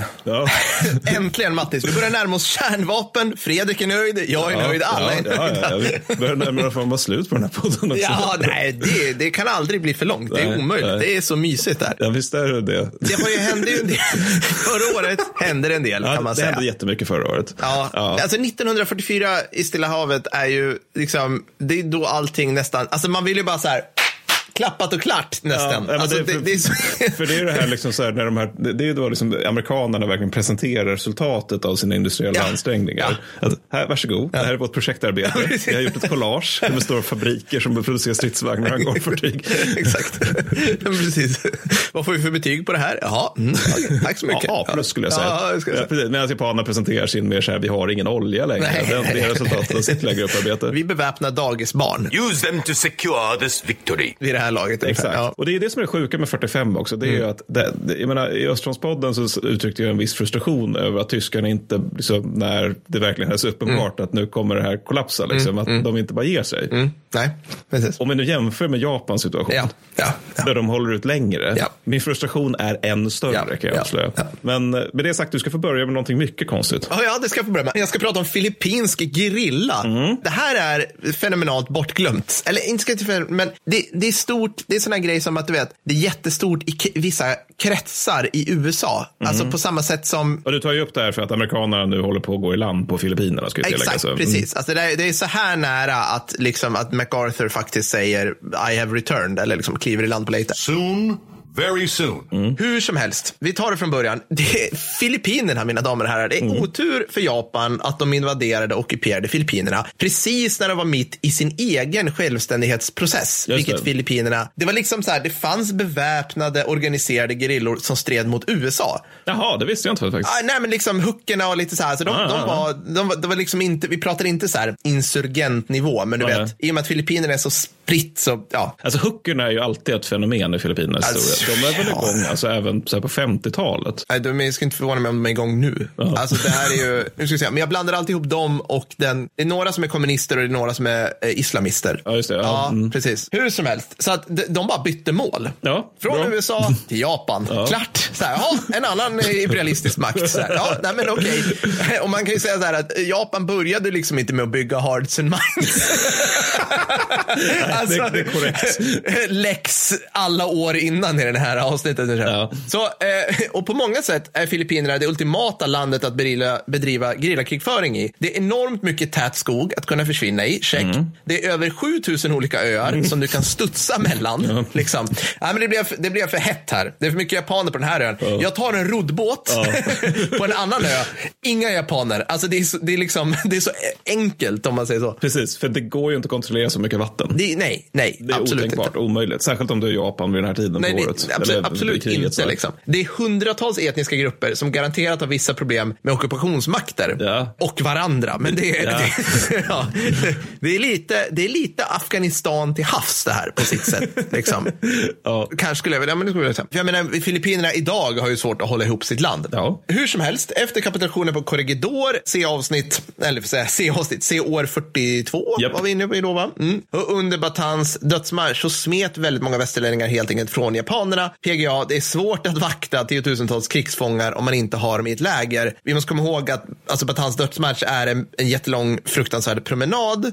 Där det liksom är, ja visst det går japanska vakter med typ så här 200-300 millimeters eh, mellanrum. Men de är väl också trötta och svettiga och hungriga. Jag har malaria. Och malaria. Så det är bara liksom, om du kan gå så bara, jag går in i djungeln här. Ja. Hej då. Ja, men också att för, det, det, det, bara en gissning är väl också att de japanska vakterna vet väl att de flesta som gör, tar det beslutet för dem är ju det en dödsdom. Ja, absolut. Så är det ju såklart. Så att vi går ut och dör i djungeln. Så. Ja, ungefär så. Men som sagt, många gjorde det och många, en hel del överlevde. Så de här amerikanska officerarna och soldaterna som, som gjorde det då, de organiserade sig gerillor med mera. Och de gjorde nästan alla det då de visste att liksom, det enda de skulle få om de återgick i japansk fångenskap, det här ryktet hade spridit sig vid det här laget. Alltså Ja. om de gick ut i djungeln och sen bara, ah, det var jobbigt att vara i djungeln. Åh, jag går tillbaka och blir till krigsfånge. Det är I bästa fall svält och bajsvattensjukdomar och i värsta fall en katana i nacken. Just Liksom. det, just det, just det. Förmodligen en katana i nacken. Så här. Det är, inte, det är inte som i de här mysiga 50-talsfilmerna, typ så här The Great Escape eller någonting, där någon typ tar en motorcykel ut ur ett tyskt fångläger, fångas, går tillbaka och tyskarna typ är lite glada för att de fångade honom Ja. och det är det. Det är inte Nej. den stämningen. Det är verkligen, alltså det är så här, de, du önskar att du satt på en Stalag någonting kan jag säga. Vid det, här. Alltså det här var så vidrigt.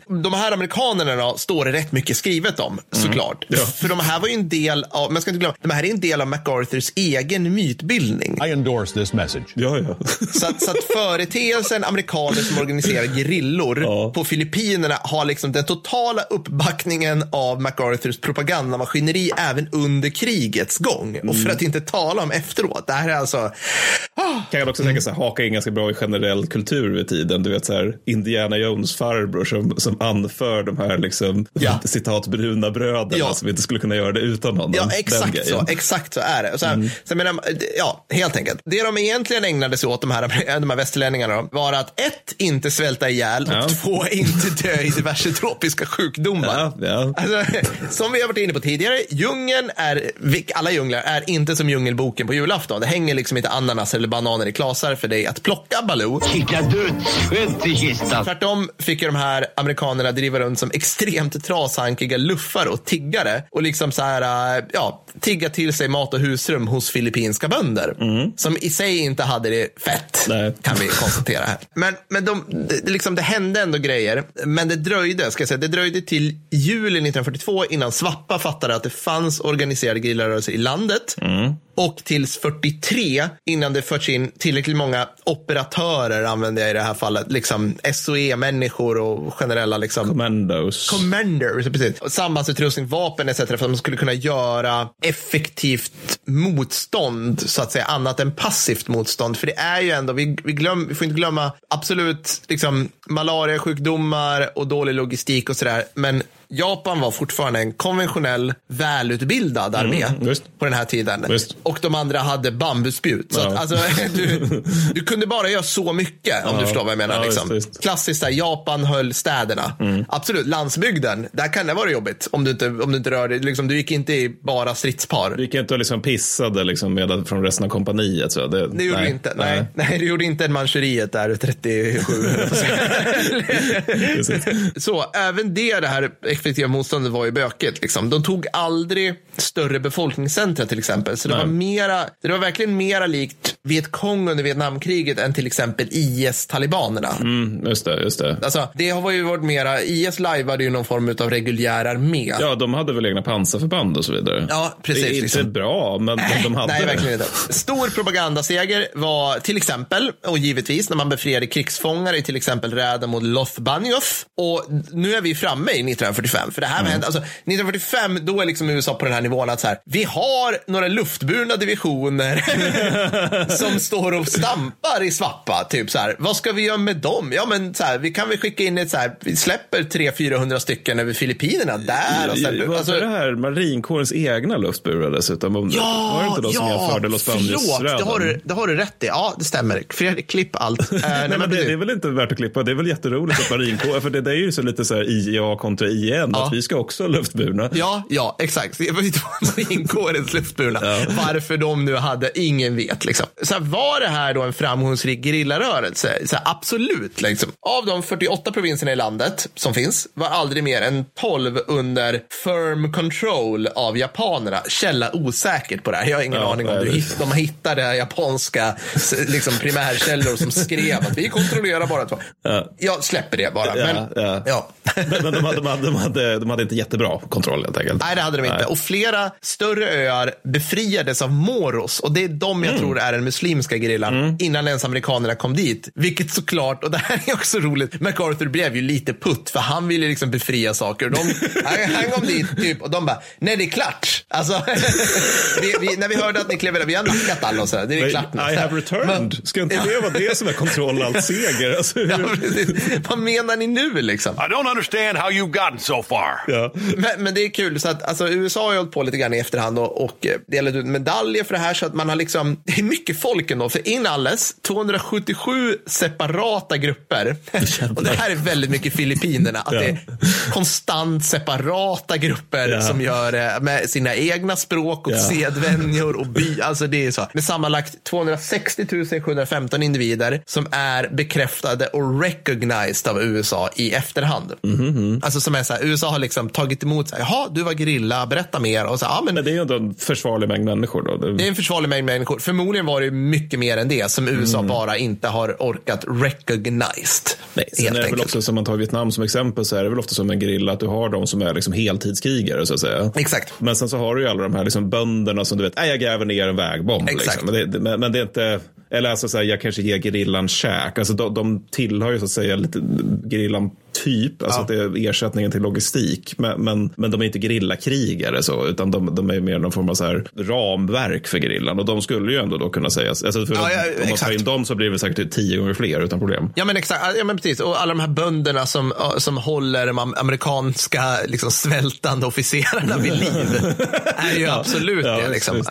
Och mycket, alltså man läser så här vittnesmål så här, från någon, någon Barnes som var där. Liksom. Och han bara, nej men jag reste runt mycket och bara levde av folk som jag ramlade över. Och sen försökte jag få tag i någon som, alltså det var så, Det är honom filmen kommer hamna om. Medan så i bakgrunden så hör man Moros bara ta ytterligare en hel ö. Ja, men det är, det är verkligen så, exakt så det kommer vara. ja, nej, så så ja, jag är, alltså, jag är generellt sett imponerad, liksom. även om det, det såklart krävdes faktiska reguljära trupper i slaget om Filippinerna för att ta tillbaka Filippinerna. Så är det med det. Och det är det vi ska komma till nu om du är färdig med grillan. Jag är färdig med grillan. ja, men för nu ska vi till Luzon nämligen. Nu ska, Ja. det, det är nu någonstans jag tänker att den här podden kommer börja bli lite mörk. om, om det är liksom... Mattis har sagt det sju gånger i det här avsnittet det, hittills. det är en spännande grej med Stilla havskriget, att det liksom hela tiden blir värre. Ja, att det, det ja. är liksom som att it got worse. Nej, men Mm. Luzon då, det är den dit vi ska nu. Och det är ytterligare en av de större öarna i Filippinerna. Ja. Den största till och med vill jag minnas. Och där finns Yamashita, minns vi honom? Vi minns Yamashita, jajamensan. Mannen Mm. som tog Singapore för typ åtta timmar sedan. alltså, han gjorde det och sen så har han typ hängt runt lite grann i Imperiets huskanter för att han hamnade i clinch med Toyo. Onåd. Onåd. ja, det, men han, det gjorde han verkligen. Det var verkligen den typen av så här feodal tanke. Och 41 så får han till och med träffa Hitler. Krig ist verloren. Jaha, det var som tusan. Han är, blir, det är helt övertygad om att krig tillsammans med den här personen som allierad vore en fullkomlig katastrof för japanska imperiet. Underbart. Så att, så att en klarsynt person får man säga. Jag har för mig att han också kan skaffa sig en tysk älskarinna när han än är där Ja, men varför inte? Men, eh, och nu, nu, nu så har man liksom kommit fram till i, på IGHQ att det här kriget går inte riktigt som vi tänkte. Eh, Det verkar vara lite sådär med att jänkarna är på väg mot Filippinerna. Yamashita, du får gå från imperiets utkanter och nu ska du till Filippinerna och nu så ska du uträtta mirakel tänkte vi. Och Yamashita är lite så här, ja absolut, absolut. Eh, Det, det kan jag naturligtvis försöka göra. Men han är liksom, han kom dit under hösten 44. Så det finns liksom ingen tid för honom att göra någonting. Alltså det, det- och han har liksom, han har ju inte tid att skaffa sig koll över, för nota bene, han är en bra general. Men, men, men alltså, han måste ju ha någon form av möjlighet att vara en bra general också. Så amerikanerna landstiger stiger på Leyte, då frågar han stabschef bara, vad är Leyte för någonting? Det, det, det, det, då liksom, återigen, ingen tid alls. Och då, i det sammanhanget så är det också så här, vansinnig hertig, för det är såklart japaner har sådana, Ja. som kräver att Leyte ska hållas, vilket kostar japanerna 60 000 stupade Ja. på grund av framförallt svältsjukdomar naturligtvis. Och det här sker då trots att Yamashita genomför en två timmar lång protest. Det här bara, kan vi, kan vi inte, vi har liksom en begränsad mängd soldater, vi kan inte få in nya. 7000 öar ska hållas till döden. Ja, ja. Ja, men så här liksom. Hertigen lyssnar inte på det örat, så det blir det så. Så eh, Yamashita, han får liksom jobba med det han har, vilket är cirkus 260 000 japanska soldater då. Och här, alltså det de ska göra är egentligen bara binda amerikanerna så länge som de bara kan. Det är det som är syftet. Och så de ska bin- binda förband, vilket är halvrationellt ändå, för att alltså, de amerikanska arméförband som är på Filippinerna kommer inte vara i Japan. Nej. Nej. För, för att japanerna fattar att det är det vi har att välja mellan. Att antingen är fienden på Filippinerna eller också är han i Japan. Så att, så att halvrationellt ändå för en gångs skull. Och så han upprättar lite fästningar, lite förråd i bergen och sådär. Och han evakuerade sådana japanska civila och vill också evakuera allierade krigsfångar. Men, men han får bara igenom det här med de civila för IGHQ because reasons. Ja. Liksom. Och överger i stort Manila med egentligen bara mindre förband som ska vara kvar och störa amerikanerna. Och det här det är ganska bra om vi har en liten mental note på det här. Ja. Alltså att det bara ska vara mindre förband Ja, kvar. ja. Och Manila vid det här laget, det, det är ju liksom en, en det, det är så här rövarstad. Alltså det, det, det är liksom japanerna har misskött det så inåt helvete. Så att alltså till 44-45 så är det dagligen hundratals Manilabor som dör av svält helt enkelt. Mm. Och eh, prostitution, rån, bedrägeri, stölder, våldtäkter, plundring, säljande av barn etc. Det går liksom från randfenomen till att vid MacArthurs återkomst vara liksom vardagsmat Mm. egentligen på grund av överlevnadsbehov. Så Mac, han går i land med sina styrkor den 9 januari. Mm. 1945 på Luzon och har ganska bråttom till Manila. Nu. I'm almost there, just a little more time. Omgiven av fotografer som kan föreviga det där. Glöm inte det. De behövde ingen förbekämpning för att det var de här kamerablixtarna Ja, kring precis. var bländade de japanska försvararna. Den amerikanska presskåren måste ta stranden i förväg. Alltså så här, med sina egna Det skulle förvåna mig. Det känns väldigt 40K om de hade egna förband. Så här. Egna flygstyrkor. Ja, ja, ja. Världens åttonde största Corps. Flygvapen, den amerikanska presskåren. Precis. Nej, men det här med att han har bråttom, det är dels på grund av MacArthurs kärlek till staden, den är genuin och så vidare. Och dels också för att eh, japanerna har tagit 150 krigsfångar som de tog 42. Och sen så har de satt dem i en bunker och sen så har de hällt ner bensin i den bunkern. Och sen så har de, de tänt eld på den bunkern. Så att de har börjat mörda en väldig massa av krigsfångar. Så det gör ju att man vill, man vill komma till Manila för man vet att det finns en ganska stor klump med alltså, amerikanska krigsfångar som är civila. Där. Just Alltså det. det är några tusen där som, som, som man vill försöka rädda då. Och Mackan är ganska ledsen för att han tycker att det är tråkigt att Eisenhower borta i Europa får så mycket uppmärksamhet. You've gone too far. Just det. Begreppet gemensam krigsinsats är Nej. ingenting som Nej, nej, Mackan nej. Nej, tänker- absolut inte. Nej. Men, men samtidigt så är det ju så att det här är januari 45 så att han är ju samtidigt liksom ändå ganska glad över att Ardenneroffensiven var jobbig för Eisenhower. Don't congratulate yourselves just yet. Ja, just det. Eh, Och att det kostar typ så här 80 000 amerikanska förluster eller någonting att hejda den. Men, men så det är han glad över. Men så, han trycker på då sin underhungare Kruger under hela vägen mot Manila. Så skickar typ ett meddelande varje dag. Liksom, nu måste det gå snabbare Ja. Kruger. Medan Sutherland, den här omöjliga mannen, skryter om att han hade gjort en mycket snabbare Kruger. Såklart. det finns noll tecken på. Men ett problem med allt det här då. Det är kommendör av första graden Sanji Iwabushi. För han, han, han lyssnar liksom inte riktigt på Yamashita. Nej. Och, det, och det är ett problem. För att han tillhör flottan. Medan Yamashita är ju en del av armén. Mm, just det. Samarbetet däremellan är, haha! Det är klockrent. Precis då. Så han har 17 000 man i Manila från framförallt då flottan. Och han beordrar dem att nu ska ni skapa en fästning här då. Och den här filippinska grillen som du pratar om, de rap- rapporterar det här till MacArthur. Men han, han vill inte tro på det. Och det här är också ett problem. Men så den 3 februari så kommer första kavalleridivisionen av amerikansk börd till Manila. De fritar 3700 civila krigsfångar från Santo Tom- Thomas-universitetet. Och samtidigt som de gör det så tuttar Iva Butchi eld på halva Manila för att sinka amerikanerna. Då. Och eh, den, hans paranoia då, eller japanernas paranoia leder till en liksom, jakt på filippinsk gerilla som de tror befinner sig i staden. Ja, det tycker de att de har tid med när liksom USA är i staden. Att nu jagar vi gerilla. Nu, Nej, äntligen ja, kommer vi mm, till den ja. delen av vår gerillabekämpning, att vi faktiskt försöker verka mot det. Men, men så kombinationen eld och eh, jakt då leder till den värsta japanska våldsorgen sedan Nanking-massakern. Och det finns liksom, det finns så jävla många groteska historier från det här. Det, det, det är liksom om hur japaner halshugger barn, våldtar kvinnor dag, i dagar, tänder eld på människor för att de, de hade order om att spara på ammunition. Det är väldigt mycket sånt här med föräldrar, alltså det är sån återkommande och brutal grej att läsa om. Mm. För det är alltså föräldrar som ser sina spädbarn bokstavligt talat slaktas av japansk trupp och själva har då olyckan att leva vidare efter att ha sett det. Mm. Men, men, så jag kommer inte gå igenom allt Men det. inge, ingenting förvånar oss längre, Mattis. Vi Nej, är, vi jag är liksom- åtta jag- timmar men av jag- japanska övergrepp här. Alltså det, Jo, det jag, får också lite, jag får också lite så här ont i hjärtat av att prata och läsa om det. Här, så vi, vi, vi, vi, kan, vi kan räcka, med slaktarbeträdet eh, Ricardo San Juans historia. För att han ser sin femårige son bajonetteras. Det här sker på natten på öppen gata. Sitt spädbarn bajonetteras. Sin, si- sin gra- höggravida hustru bajonetteras. Och hennes sista ord är det här gör så fruktansvärt ont. Sen dör hon. Och sen så ser han även sin lilla dotter mördas av japanerna. Och han själv, själv blir liggande på en helt blodklibbig gata då med ett fem centimeter djupt svärdshugg i nacken tillsammans med ett tjog andra mördade. Då. Och om man tänker sig den scenen gånger ungefär 40 000. Då har vi Manila-massakern. Det kanske räcker med det. Han överlevde dock. Han överlever. Och jag, jag, jag, om jag hade varit med om det så hade jag nog faktiskt känt att jag nog inte hade velat göra det. Om jag hade sett tre barn massakreras framför mina ögon. Liksom. Och i allt detta så har vi då en helt övertänd stad. Så, så, så, liksom, så vi har liksom en pågående storbrand, en pågående massaker av civila. Och under tiden utkämpas Stilla havskrigets största strid i bebyggelse. Mm, just det. Det är en spännande grej att vi, vi nu ramlar in i det. Just Ja, det. visst, visst. Så 13 februari, fe- februari så hittar amerikanerna då, medan de liksom tar sig igenom Manilas eh, brinnande kvarter, Mm. eh, en order från Yabuchi då, där det står alla människor på slagfältet Manila, exklusive japansk militärpersonal, japanska civila eller särskilda byggnadsenheter ska dödas. Mm. Så att alltså, Iwabuchi har nu förklarat krig mot alla, alltså bokstavligt talat. Alltså, civilbefolkningen ses som stridande. Då. Och under tiden så befinner sig MacArthur utanför staden i osannolik lyx och förklarar staden befriad redan 5 februari. Mm. Vilket får amerikanska soldater att vara lite sura. En säger citat, Manila var ju säkrat. Varför gör de sista killen i min pluton? För att det här blir ju SIB. Det här blir jättejobbigt. Yamashita, han har å andra sidan extremt svårt att förstå vad som sker i staden. För att alltså, han, och det här kan man ju förstå. Hans, hans ledningsförhållanden är inte de bästa. Är han i staden eller vart är han? Nej, nej, alltså, han är ute i bergen, alltså, Ja.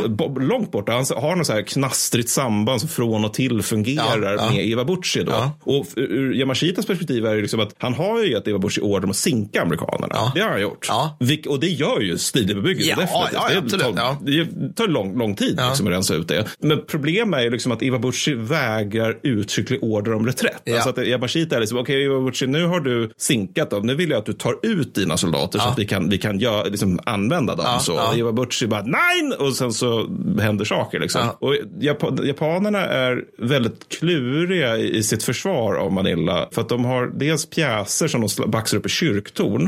Och de släpar också upp så här bombplansbomber som till, hö, alltså till höghus. Och så släpper de ner dem från taken. De alltså gräver ner kustartilleripjäser i, i någon så här stor fotbollsplan vill jag minnas att det är. Och barrikaderar liksom alla trapp, trapphus som hittar med liksom glas, taggtråd och minor precis överallt. Alltså inklusive stora jävla sjö.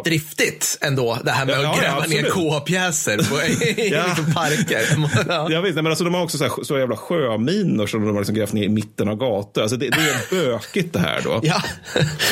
Så amerikanerna svarar då med, med artilleri. Mm. Eh, MacArthur förbjuder bombningar och ganska länge också artilleri för att han vill inte förstöra Manila för återigen han älskar ju den här staden. Mm. Men, men artilleri måste de sätta in för, till slut Mm. för att förlusterna blir så pass höga. Mm. Och sen så liksom, spe, specialar de fram tolvmannagrupper som ges bomb, buntladdningar, bazooka och eldkastare då, som ska vara liksom stormgrupper för att sibba sig igenom det här. Och japanerna svarar på, det, på artilleriet då genom att hänga alltså, filippinska civila på byggnader som de försvarar. Ja. Ja, för att amerikanerna inte ska verka mot de Mm. byggnaderna. Funkar inte. Nej. Så Mac han får tillbaka sin gamla limousin och kör till sitt gamla hem som är hotell Manila. Mm. Det här sker, sker liksom långt in i slaget Mm. då, då. Eller snarare så är det när det i praktiken är slut. Och det han finner då är helt sönderslaget och helt förintat. Och det, det en av, faktiskt en av få scener kan, i MacArthurs liv där man kan känna lite sympati för honom. Det är att han, han går ju in i sitt hus liksom. Mm. Som han har bott i under hela 30-talet med Mm. sin fru och sin lille son. Mm. Och det han får se är liksom bara, hans stora bibliotek har blivit uppbränt Mm. till exempel. Det är någon vas som hans pappa fick, fick från den japanska kejsaren som har kastats ner i golvet och så vidare. Mm. Alltså det, det, han bara går omkring i spillrorna av sitt gamla liv där och känner sig lite ledsen kan man Mm. säga. Och 27 februari så läm, lämnar till slut, han då till slut över staden till den filippinska staten och samma dag tar Iwabuchi livet av sig. Mm. Det var väl för väl. Ja, det är Mm. bra jobbat Mm. Iwabuchi. Skönt Mm. att du tog det beslutet. Mm. Men en person som jag tänker borde vara mer känd med tanke på vilket sanslöst rövhål han var. Men småstrider fortsätter i staden fram till den 3 mars då och då är slaget äntligen slut. Och Mm. summan är då 16 665 japanska döda, 6 075 amerikanska förluster och minst 100 000 eh, dödade, snarare mördade filippinska civila. Plus 200 000 som blir hemlösa då. Och alltså, japanerna är ju de som står för slaktandet naturligtvis av Mm. filippinska civila. Men någonting som äh, även är värt att faktiskt komma ihåg det är att amerikanskt artilleri gör även sitter i det här Ja, ja, sammanhanget. Det är många filippiner som dör, så det är även om amerikanerna i regel inte försöker döda filippiner, vilket Nej. är en viss skillnad får man säga. Och vad jag har förstått är det också någonting som Manila aldrig riktigt har återhämtat sig från. Alltså att det har gått från en sån här härlig, liksom, du vet, så här, Orientens Paris partystad till att det ska vara idag lite mer sunkigt och dystert och nedgånget. Ja, det är en bra fråga. Jag, jag vet inte. Det skulle vara intressant att veta Mm. faktiskt. Om det är någon som har varit i Manila och har koll på dess historia, hör av er. Jag, jag tycker också så här att jag, jag sitter som sagt och tänker på att snart kommer kärnvapnen. Mm. Men, men liksom, eh, jag, jag, men jag, alltså, vi- har ju varit med om en brutalisering under hela den här tiden. Men Mm. jag tror att det har ju varit också, nu ska ju Per sammanfattar Stilla havskriget, så ska det inte vara. Men det, det har ju varit på en relativt låg förbandsnivå i, i djungeln. Om vi tänker på Svappas del Mm, av det här. ja, ja. Vi har ju Tarawa och sådär också som är fruktansvärt. Men det är, så, det är så koncentrerade blodbad under rätt kort tid. Ja. Men när liksom här pratar vi om alltså en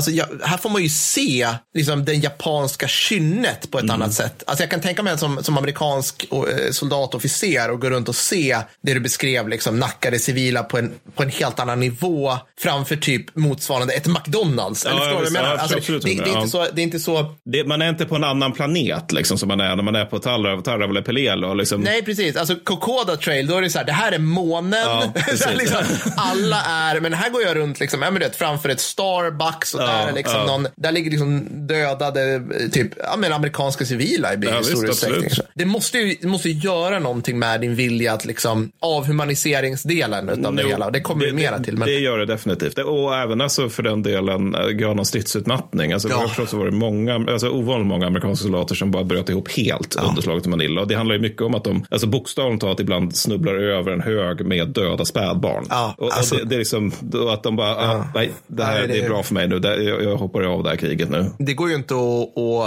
det går ju inte att fatta. Nej, det nej, måste ju det vara, alltså hur ska man hantera Ja, ja, ja, nej. Ja, nej, men det är ty typisk sak som kallas, som man kan kalla för ovetbar. Ja. Men efter att Manila befriats då och befriats slash förintas Ja. så är det då att eh, slaget om Filippinerna fortsätter. Jag kommer inte snacka jättemycket om det, men det, Yamashi, det går typ ut på att Yamashita håller ute bergen. Ja. Han tappar successivt kontakt med sina förband då, och eh, liksom, eller i alla fall de som inte är direkt med honom så. Mm. Varvid de antingen förvandlas till eh, kannibaler eller rövare. Då. Alltså, som sagt så är det ju Filippinerna utöver Papua Nya Guinea där japansk trupp blir kannibaler i stor skala. Ja. Och många då eh, av de här japanska soldaterna som bara ute driver i djunglerna, de, de jagas ju ner successivt av filippinsk gerilla då, Mm. som torterar dem till döds. Eftersom filippinsk gerilla är lite småpurkna vid Ja, det här laget kan ja. man säga. Så, eh, så eh, av de 240 000 japanska soldater som befinner sig på Luzon så överlever 50 500 kriget då. Ja. Inte jättebra ratio. Nej. Det är 387 000 döda japaner för hela Filippinerna, alltså hela ögruppen Ja. då för 44-45. Varav 80 procent är på grund av svält och sjukdomar. Mm. Och sen så är det 70 000 amerikanska förluster plus ytterligare 90 000 som är förluster på grund av sjukdomar, alltså olyckor och allt den här skiten. Oj. Ja. Det som är lite intressant är ju någonstans att Yamashita lyckas ju alltså med det han ska göra. Ja. För att hans uppgift är att hålla stora amerikanska förband bundna. Ja. Det gör han. Alltså, Ja. Det är ju hundratusentals amerikanska soldater som bara är på Filippinerna Ja. Och så driver runt och letar kannibaler. För att alltså, Yamashita kapitulerar 2 september 45. Ja, ja. det, det är liksom så att eh, han, han lyckas ju. September Det- 45. Ja. Nej, men så att han, han lyckas ju med det han ska. Liksom. Och vid det laget så har- lever ju hans soldater på gräs. Men, men, men, eh, och liksom har genomfört evighetslånga reträtter genom djungeln. Men, men han, han vägrar då liksom självmord. Han får frågan, ska du, du kanske ska ta livet av Ja. dig? Ja. Och, och han, han, han vägrar det eftersom han tycker att någon ska bära hundhuvudet för det här med A. Förlust, B. Manila-massakern. Eller liksom så här generell japansk rövighet på Filippinerna. En ovanlig japansk inställning, måste jag säga. Alltså jag har, han har många fel och brister och han begår krigsbrott. Men Yamashita tycker jag är en sån som man kan ha en viss sympati för. Han, upp, alltså, han uppvisar mänskliga drag till Ja. skillnad från många andra japanska generaler. Nej, men så när, när han kommer ut i djungeln och träffar amerikanerna, dels så tas en ganska berömd bild på honom där han, har, han, han är ganska stor för japan. Så att hans, hans uniform hänger som en säck, men han ser liksom väldigt bestämd ut. Och sen så har han sitt katana med sig och sen får han K-rations av amerikanska soldater och som står trängs kring honom liksom för att få autografer. För att det här är ju liksom Ja. tigern av Malaya, liksom, Ja. eller av Malacca. Det, det, Han är verkligen en kändis. Ja. Och sen hängs han 23 februari 1946 efter Mm. en rättegång där han döms för 62 278 mord, 488 väl- våldtäkter och 144 mördade krigs, amerikanska Mm. krigsfångar. Och en grej med det här är att under den här rättegången bevisas egentligen aldrig att han är skyldig. Nej. Det, en- det närmaste man kommer är att hans skuld be, bestod av inaktivitet. Mm. Mm. Alltså att du kunde ha gjort någonting för att tygla Iwabuchi. Och då, då svarade han, vet ni hur sambandet såg ut? Jag hade liksom nätt och jämnt koll på att han var där. Nej. Men, men, men det, det här är en sån rättegång som, som är så här lite att den har kritiserats för att den framstår som att, att den egentligen beror på hämndbegär. Och Ja. det gör den nog också. Ja. Men man kan ju också tänka, man, man, jag tycker man kan ha samtidigt också viss förståelse för det. Alltså att någon måste dö för det här. Någon måste bli symbolen för att vi har, vi har hämnats Manila-massakern. Ja, och gud, det där är, det här är ett helt eget avsnitt, men just det här, äh, alltså krigsrättegångarna, Nürnberg och äh, ja, men liksom Stilla havets svar på Nürnberg, var det det han dömdes i? Ja, precis. Eller ja, filippinska. Men, ja. Det, det är så här, bevi, ja, men som du säger, bevisnivån är liksom, den är klart den är svår. Alltså det är inte samma kriterier som om du eller jag, ja, jag, jag vet inte, Nej, så anstiftan till Ja. folkmord, bara, ja, så här, jo, jo. Ja, men det är väl det liksom på något sätt att efter kriget så må, måste ju världen, så finns det väl en känsla i världen av att vi måste visa att det, det liksom, man kommer, alltså det kommer, man kommer inte komma undan sånt här bara genom att det är så här vag bevisföring. Alltså att vi vet ju alla att Himmler är ett rövhål. Ja, ja vi precis. vet det. Precis. Så att det viktiga är på någonstans att vi dömer honom. Ja, exakt. Ungefär så. Precis. Men eh, vi ska prata B29 nu. Yes, äntligen. Mm, nu blir det lite roligare. Kan vi få höra eh, liksom bombgingen här?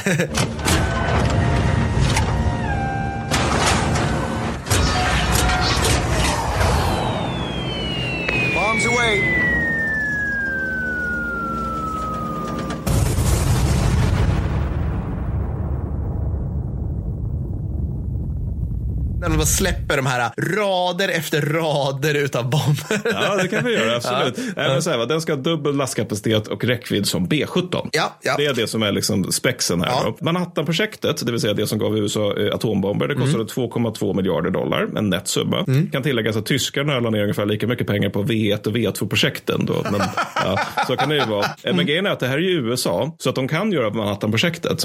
De kan också ta eh, B29-projektet som kostade 3 miljarder dollar. Ja, det är så sjukt mycket pengar 1940-talet. Alltså, det, det Ja, går liksom inte de, att... så här, vi gör båda. Ja, ja, ja. Ja, ja, ja, exakt, för 3 miljarder dollar, vad blir det? Det blir, det blir ju 1 procent av svensk BNP idag, eller lite mindre, men, men Mm. idag, om vi inte räknar in inflation. Ja, exakt. Om vi gör det. så det är väl uppe i Sverige ungefär. Ja. men, och det här ingår då i 20th Air Force Group som är grupp, grupperad i Kina, Mm. beskrev tidigare, och marinarerna, så Saipan då, och Guam. Och de är inte underställda POA, alltså Nimitz, utan de är eh, underställda Joint Chiefs of Staff. Då. Och eh, planet är rätt roligt för det har en konstant t-shirt-temperatur internt och man kan röka i det. det viktigaste vi kan komma på. Ska man kunna röka i det? Ja. ja. ja, men också det här liksom alltså att och det blir aldrig varmare eller kallare än att du kan ha en tisha. Det är här någonstans amerikanerna Och det här är bli- fucking 40-talet. Ja. Alltså titta på hur flygplan såg ut i början av 40-talet. Och sen kollar ni på en beige. Vi pratar liksom dubbeldäckare med tyg. Och du har liksom, ja du har väl en ordentlig halsduk på dig för det är upp, alltså på riktigt. och, så, och sen i slutet är det B29 vilket är liksom, ja det är väl typ det du flyger till Mallis med med Ja, Ryanair. typ. nu. Nej, men liksom, alltså, det är inte längre här du vet, de här snygga läderjackorna med pälsbräm. Nej, utan nej. Det bara, nej, men du, du sk- skrotar runt i mjukisbrallor och flipflops med en tisha och röker medan du liksom släpper bomber på japanska städer. Vilket vi snart kommer komma till. Och det här är lite lustigt för att internet har lärt mig att Panther är världens sämsta äh, vagn, Ja. stridsvagn för att den var äh, otillförlitlig. Det här, är, ju- och det vet ju inte internet för att in, internet fungerar bara genom herd mentality, ingenting annat. Det här är ju alltså en flygande Panther i så fall. va? För att det, det finns sanslöst många likheter, inklusive tvingas ut på förband för tidigt på grund av, i det här fallet, FDRs infall. Då. Den kräver konstanta uppgraderingar i fält Vi- och det handlar alltså om hundratals på hundratals flygplansindivider. Det är ett av världens dittills största flygplan, vilket innebär att dess motorer börjar brinna hela tiden. För de, de är liksom, det är ju fyra motorer, men det är ändå liksom så här att den här grejen är jättestor och de här motorerna är inte det. Så de, de grupperas i Kina då, men det visar sig omöjligt att, att, att, att försörja dem, plus måste stängas ner på grund av Ichigo-offensiven. Då. Och så istället för utgår man då från marinarerna, men där är ju det här med att Japan är då yttre gränsen för dess räckvidd. Varför jaktskydd är helt jävla uteslutet när de ska börja bomba Japan. Just det. Så eh, B29 då, de anfaller i november 44 från hög höjd i dagsljus. Låter det här bra på 40-talet Per? Det är inte så bra. Inte är inte så bra. Nej, för det gör att japanskt jak jaktflyg kan se dem ganska lätt. De själva kan på grund av höjden inte träffa speciellt Nej. bra. Och hoppsan, det är också moln mellan oss och Ja. det vi ska försöka träffa. Ja, Så 21 procent av planen som skickas under de riaderna får åka tillbaka bara på grund av tekniska problem. och det är ja. exklusive de som faktiskt skjuts ner. Ja. Så problem. Och där, nästa lilla grej, det är ju att japanskt flyg angriper från och till marinarerna. Ja, just det. Precis. För de når ju också såklart. Liksom. Ja, ja. Mm. Nej, men så 27 november så sker det bland annat då med Zeros som liksom åker i vågtoppshöjd för att undvika amerikansk radar. De för, förstör tre stycken B-29 på sin, landningsbanor och Ja. skadar ytterligare två. Och en japansk pilot, han landar när han har fått slut på am, för, ammunition. Då, för att han åker runt och sprayar liksom, Ja. glatta livet. Sen landar han och tar fram sin, hoppar ur planet, tar fram sin pistol, börjar bekämpa den amerikanska eh, garnisonen med sin picka. Han sköts, Ja, kan man säga. nej. Men, men ändå, det här känns så här, händer det här i andra flygvapen tror jag? Nej, det tror jag inte. Det är lite kodaktigt. Fast i Ja. kod hade man ju vunnit. Ja, ja. Då hade man ju liksom, om man hade varit den piloten. We have to land and continue the fight. yes! Survive. Ja, precis. Ja, nej, men så alla de här problemen gör då att per bombuppdrag så har man ungefär 5% förluster av B29 då, Ja, som åker ja. iväg. Och flygarna ska ju flyga 35 uppdrag då, så i liksom snitt kommer de överleva max 20. Så Ja. de, de har, det är inte jättebra för dem. Så. Nej. Och chefen då för 21st Bomber Command är en Hansel Mm. och han tror på det här med precision. Mm. På 40-talet. På 40-talet? Ja, det, Ja, det ja. är någonting man tror på om man har rökt jävligt mycket crack innan man tog det beslutet. Och det, och det kräver ju då återigen dagsljus. Men hans dåliga resultat leder till att han ersätts av en viss Curtis LeMay Gee, I wish we had one of them doomsday machines. Ja. istället. Nu och kommer nu kanske du förstår Curtis. vart vi är på väg med Ja, ja, jag är med. Jag är med. Ja. Och, och LeMay till hans försvar, han försöker försöker precision i januari-mars 45. Men sen efter det så slutar han tro på precision och mer tro på att bränna ner städer. Så bom bombningarna, det blir också första gången som japanska civilbefolkningen kan jämföra liksom de nyheter de läser i sina tidningarna med någon form av så praktisk verklighet. Så att hundratals barn evakueras till landsbygden då på grund av B-29 då. Och där får de, nu ska jag säga, tusen kalorier om dagen. Varför de kommenderas ut i skogarna för att furagera grodor och du vet, gröna skott och sånt där. Så att de ska kunna ut kosten. Och när jag läste om det här så slogs jag för övrigt av hur fantastiska barn är. för, för, att, för de som överlevde den upplevelsen så väldigt många beskrev det som att vi var så små att det här var bara ett äventyr. Ja, Alltså det var för små för att fatta att de befinner sig i en helt livsfarlig situation, att de svälter. Och, utan det är mer som ett Tom Sawyer fast på japanska landsbygden. Så då kände jag en stor kärlek till barn. Att gud vad bra ni är som, som, kan, som kan visualisera världen på det sättet. Men vad är det? Det är väl den här äh, Livet är underbart. Buongiorno principessa! Den här italienska filmen med han som, äh, ja, just det, ja, han som är. sin dotter om att så här, ett koncentrationsläger är ett, ett, ett liksom, ja, Någon form av äventyrs- lekplats, liksom. Le- ja. Leos lekland liksom, i Ja. Treblinka. Typ, ja. Ja, ja. Nej, men så totalt så flyr eh, 10 miljoner japanska civila till landsbygden under kriget. Och luftförsvaret i städerna består av brandgator och grannföreningar. Ja, där, där har som vi det. kutar runt med hinkar med sand. Ja. I en stad som består av papper Ja. och Trä. trä. Ja. Ja, det är alltså, det, 98 procent av Tokyo bokstavligt talat består av trä och papper 1945. Och LeMay han, han går över då till nattbombningar på låg höjd. Och natten innebär mindre jakt för japanernas del. Mm. Då. Och låg höjd innebär mindre bränsleåtgång också. Ja, vilket okej. leder till att man kan ju ha in fler bomber då i planet. Så man behöver inte ha lika mycket bränsle. Och att man träffar liksom generellt inom en fem mils radie från det man hoppas. Kanske typ. Så här, Mm, ja. Och sen då, han är dock inte nöjd då, för att han, han, han tycker att vi har för få bomber på den här planen. Mm, Så vi river ut be- beväpningen. De har alltså kvar sin tailgun. Ja, I övrigt så tar vi ut beväpningen då, så vi får plats med ännu fler bomber. It's jet exhaust frying chickens in the barnyard. Jajamän. Och de, de LeMay väljer, väljer då, det är alltså i ett ord på svenska, napalm-klusterbomben M69. Som Hansel, han tyckte att det här är typ ett brott mot mänskligheten, att vi har uppfunnit den här grejen. ja. Vi ska inte använda den mot folk. LeMay bara, det här är ett fantastiskt vapen Mm. som vi kan använda på bästa tänkbara sätt. Så att eh, amerikaner, och det här är också en, en intressant detalj med det här tycker jag, att amerikanerna under de här, det här bombfälttåget mot Japan vill inte medge för sig själva att det här är rena terrorbombningar. För det är ju Nej. sånt som, som andra gör, liksom som dåliga personer gör. Utan intar sig hela tiden att ja, men det finns sek- sekundärindustrier i Tokyo och sånt där. Men de väljer ju bombmål utifrån vad som brinner bäst. Just det, så, så att det, det är lite grann svansen som viftar med hunden här lite grann. Mm. Ja, precis. Och det, det är ju också det här med att, att de, de har den här så här, ja men de hade ju gjort det mot oss om de hade kunnat. Ja, Ja, ja, absolut, fast nu är det ni som gör det, vill jag ändå liksom stryka under.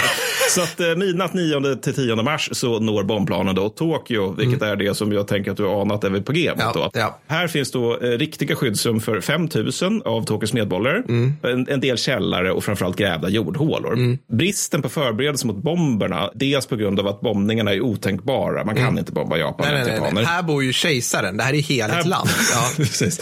Och dels då på grund av också att militären vill inte tappa ansiktet. Nej, nej precis. Nej, nej. Så, att, eh, så att eh, under natten så släpper LeMays bombflotta 8519 M69-bomber. De här delas upp i eh, 496 000 individuella napalmbomber. då. I Tokyo finns det 8100 brandmän. Mm, Ja. Så de är färre än antalet M69 man släpper. Ja, ja. De har totalt tre utfällbara brandstegar.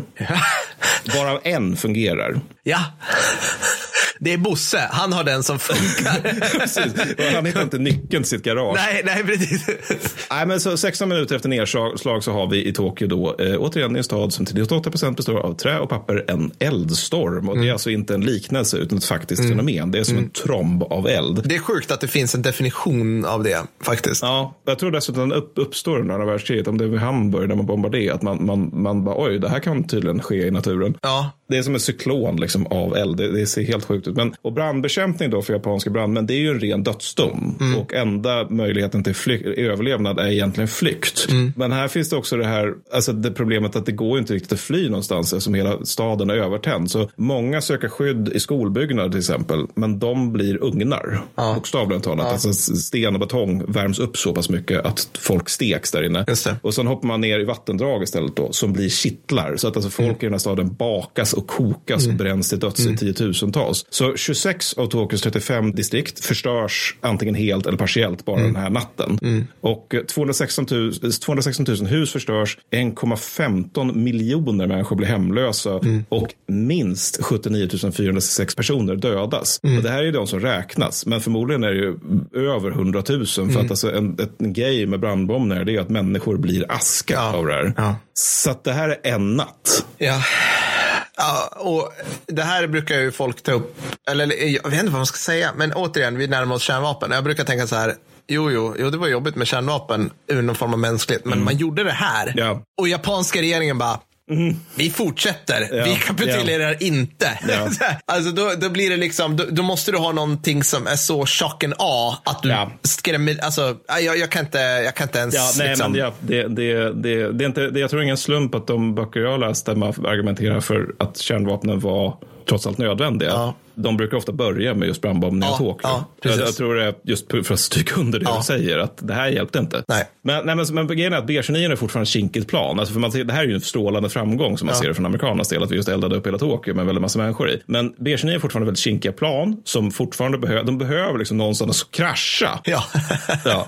Och då finns det ju då en ö mellan marinarerna och Japan som stör B-29 med interceptplan och ger Just varningar det. om att bombplan Åh. kommer via radar. Vad kan den ön heta nu Ja. Då? Mm. Den ön skulle man ju då kunna erövra för att dels ge B-29 jakteskort och Mm. dels då ge dem någonstans där de bara kan magplaska på en ö. Så. Just Och det. den här ön heter ju då Iwo Jima.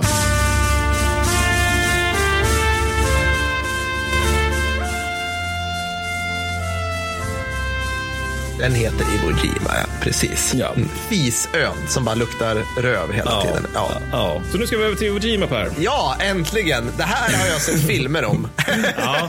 Det är väl vi, ska, väl- vi ska presentera en, en av det slagets huvudpersoner bara. För den 19 juni 1944 så stiger generallöjtnant Tademichi Kuriabashi av sitt plan på vulkanön Iwo Jima. Ja, ja. I ett brev till sin fru Toshi så ber han om ursäkt över att han inte hann fixa draget i deras kök. Just det. Och bifogar detaljerade instruktioner för hur sonen Taro ska kunna laga det här så att familjen inte blir kall. Ja. Det här är väldigt mänskligt. Det är väldigt Jag har tagit upp i någon tidigare punkt. Ja. Alltså att det här är en familjefar som skriver och oroar sig för sin fru. Ja. Sen ska vi lägga till där då att Kuriabashi är i högsta grad japansk officer. Ja. Så han skriver också till Toshi. Det måste vara ödet att vår familj utstår detta. Snälla acceptera detta och stå rakryggad med barnen vid din sida. Jag kommer att vara med dig för alltid. Slutcitat. För grejen är alltså att det är ju redan underförstått för Kuriabashi och hans familj att han kommer dö. For the glory of the empire. Ja, ja. Han fick order av Toyo att han skulle åka, åka till Iwo Jima och citat göra någonting i stil med Attu. Slutcitat. Vet du vad som hände med Attus garnison? Nej, han... Ja, de stödjer sig till, till sin Ja, utplåning då. ja, ja, Så att Kuriabashis plan är att tillverka en stor jävla underjordisk fästning och tillfoga amerikanerna så höga förluster som, som möjligt. Och alltså i ett försök att få den amerikanska civila moralen att krossas. Just det.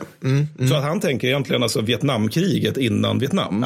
Ja, ja. Faktiskt. Och flottan då, som också är på Iwo Jima, de vill ha bunkrar på stranden. Ja. Och vägrar skicka betong och stål om så inte sker. Då får man göra en kompromiss då. Man har en del bunkrar på stranden, men resten går till Kuriabashis mullvadsexistens. Då, Ja, ja. Och Kuriabashi är ganska, alltså han sparkar löpande officerare som gnäller för att de är där för citat strida och inte gräva, slutcitat. Ja. Han förbjuder comfort women också, vilket man, alltså där, där får man ge honom verkligen ja, pluspoängkontot. Så att bra, du, du, du är inte sån åtminstone. Nej. Och han delar också boende och diet med sina soldater. Ja. De här soldaterna då, de gräver i to totalt åtta månader i för förhållanden som bland annat involverar inget sötvatten, varför man istället kokar mat i saltvatten och dricker regnvatten. Får jag, bara, får jag bara lägga in där, du sa åtta månader nu. Mm. In, alltså, det är rätt coolt nu, för nu, det precis som vi säger, vi har ju pratat mycket om liksom, USAs insikt att så här, nu måste vi starta den stora liksom, militärindustriella etablissemanget och spotta US hangarfartyg och Liberty Ships grejer. Mm. Och japanerna har ju då insett någonstans att så här, vi ska hålla det här bara. och nu kommer vi till det här, alltså, som man lärde sig i, i lumpen, liksom, att så här, vad var det de säger? En timmes förarbete på din fältbefästning ger typ en dags Ja. överlevnad. Ja. En dags överlevnad, eller en dags förberedelse ger en veckas överlevnad. En veckas överlevnad ger en månads överlevnad. Mm. Och här var det åtta månader. Har vi åtta månader.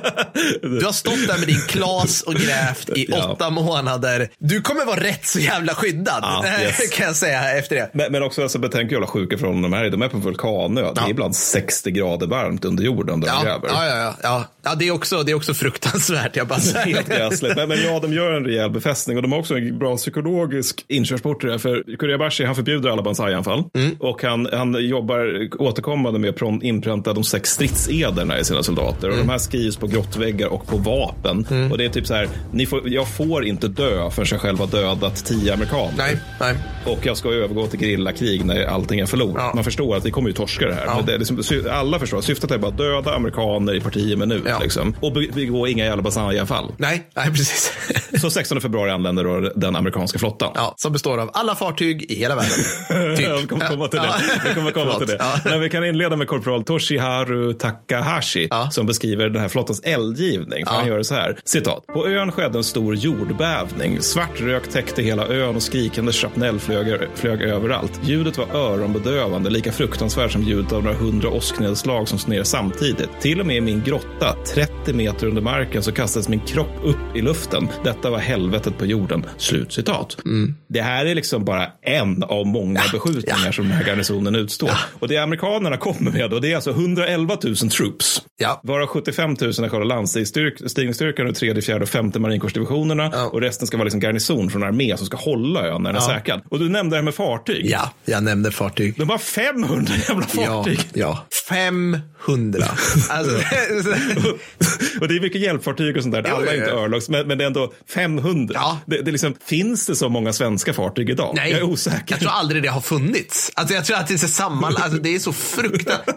Det måste ju, ha, det måste ju verkligen ha täckt alltså, till horisonten. Alltså om du Ja. tittade ut från det här berget. Liksom. Det här är väl med i filmen, jag har ingen aning. Men det är helt sjukt många fartyg. Ja, och vet du hur många japanerna är totalis? Nej, det, vet, det minns jag inte alls. De är 22 000 Jajamensan. Jajamensan. De är en femtedel av Ja, det här. ja. Det, det, är helt galet. Men, och då har vi det Ho- Holland Smith då. Han, tror då att det kommer att vara 15 000 förluster Mm. för eh, amerikanernas del. För att han har noterat att oj, vi ser dem inte på flygfoto längre. Nej. Det är dåligt. Så han tror att 15 000 förluster och att vi kommer ta ön på 10 dagar. Liksom. Ja. Så att han tänker sig blodigt men ändå förhållandevis snabbt. Amerikanska flottan tror istället då på fyra dagar. Varför man inte ger marinkårssoldaterna den förbekämpning på 10 dagar som de ville ha. Utan det blir tre istället.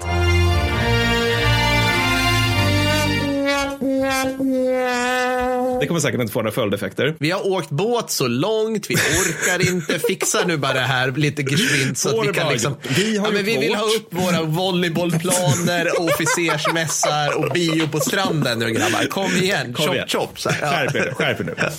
Nej, men och IGHQ, de tror själva att Iv- Ivo kommer att falla efter fem dagar. Så de är pessimistiska. De. Landstigningen sker då den 19 februari klockan 09.05. Mm. Japanerna håller inne elden i 90 minuter innan de till slut ger eld från ställningar som amerikanerna inte kan bekämpa effektivt. Mm. Och de ger eld med saker som är inklusive 32 centimeters granatkastare. Det är liksom det är en mörsare. Ja, det, det är liksom så här,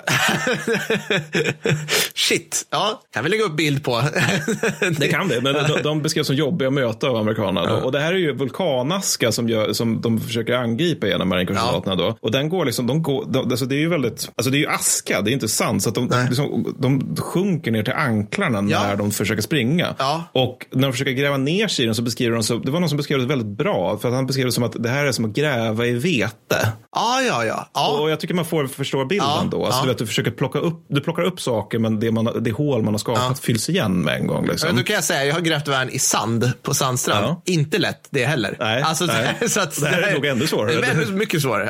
Ja. Nej, men, så, men, men trots det så lyckas man ändå få i land då 40 000, eller 40 000 soldater kommer i land då första Mm, dagen. Och då väntar man precis som med Pe- Pelelo tidigare då. Nu kommer det nattliga Banzai-anfallet. Mm. Nu, nu vinner vi det här kriget.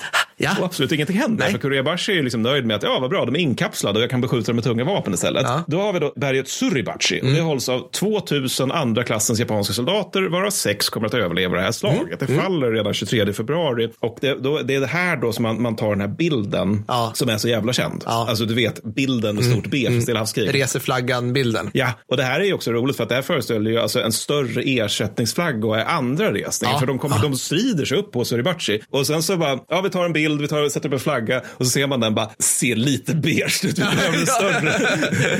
och, och den, den blir ju istället otrolig den bilden. Ja, ja, det är ju en av de alltså, absolut bästa krigsbilder som har tagits. Men, men det, och det är liksom, jag tror det nu, marinminister, marinminister Forrestal som står på något fartyg där utanför och Ja. ser bilden och bara oj oj oj. Och säger han då till Holland Smith att det här kommer garantera marinkår i 500 år Ja. och så vidare. Men problemet är att den här bilden får också hemmaopinionen för det, det, det är ju på första sidor, liksom, Ja, ja. Den, vad blir det, 24 februari över hela USA.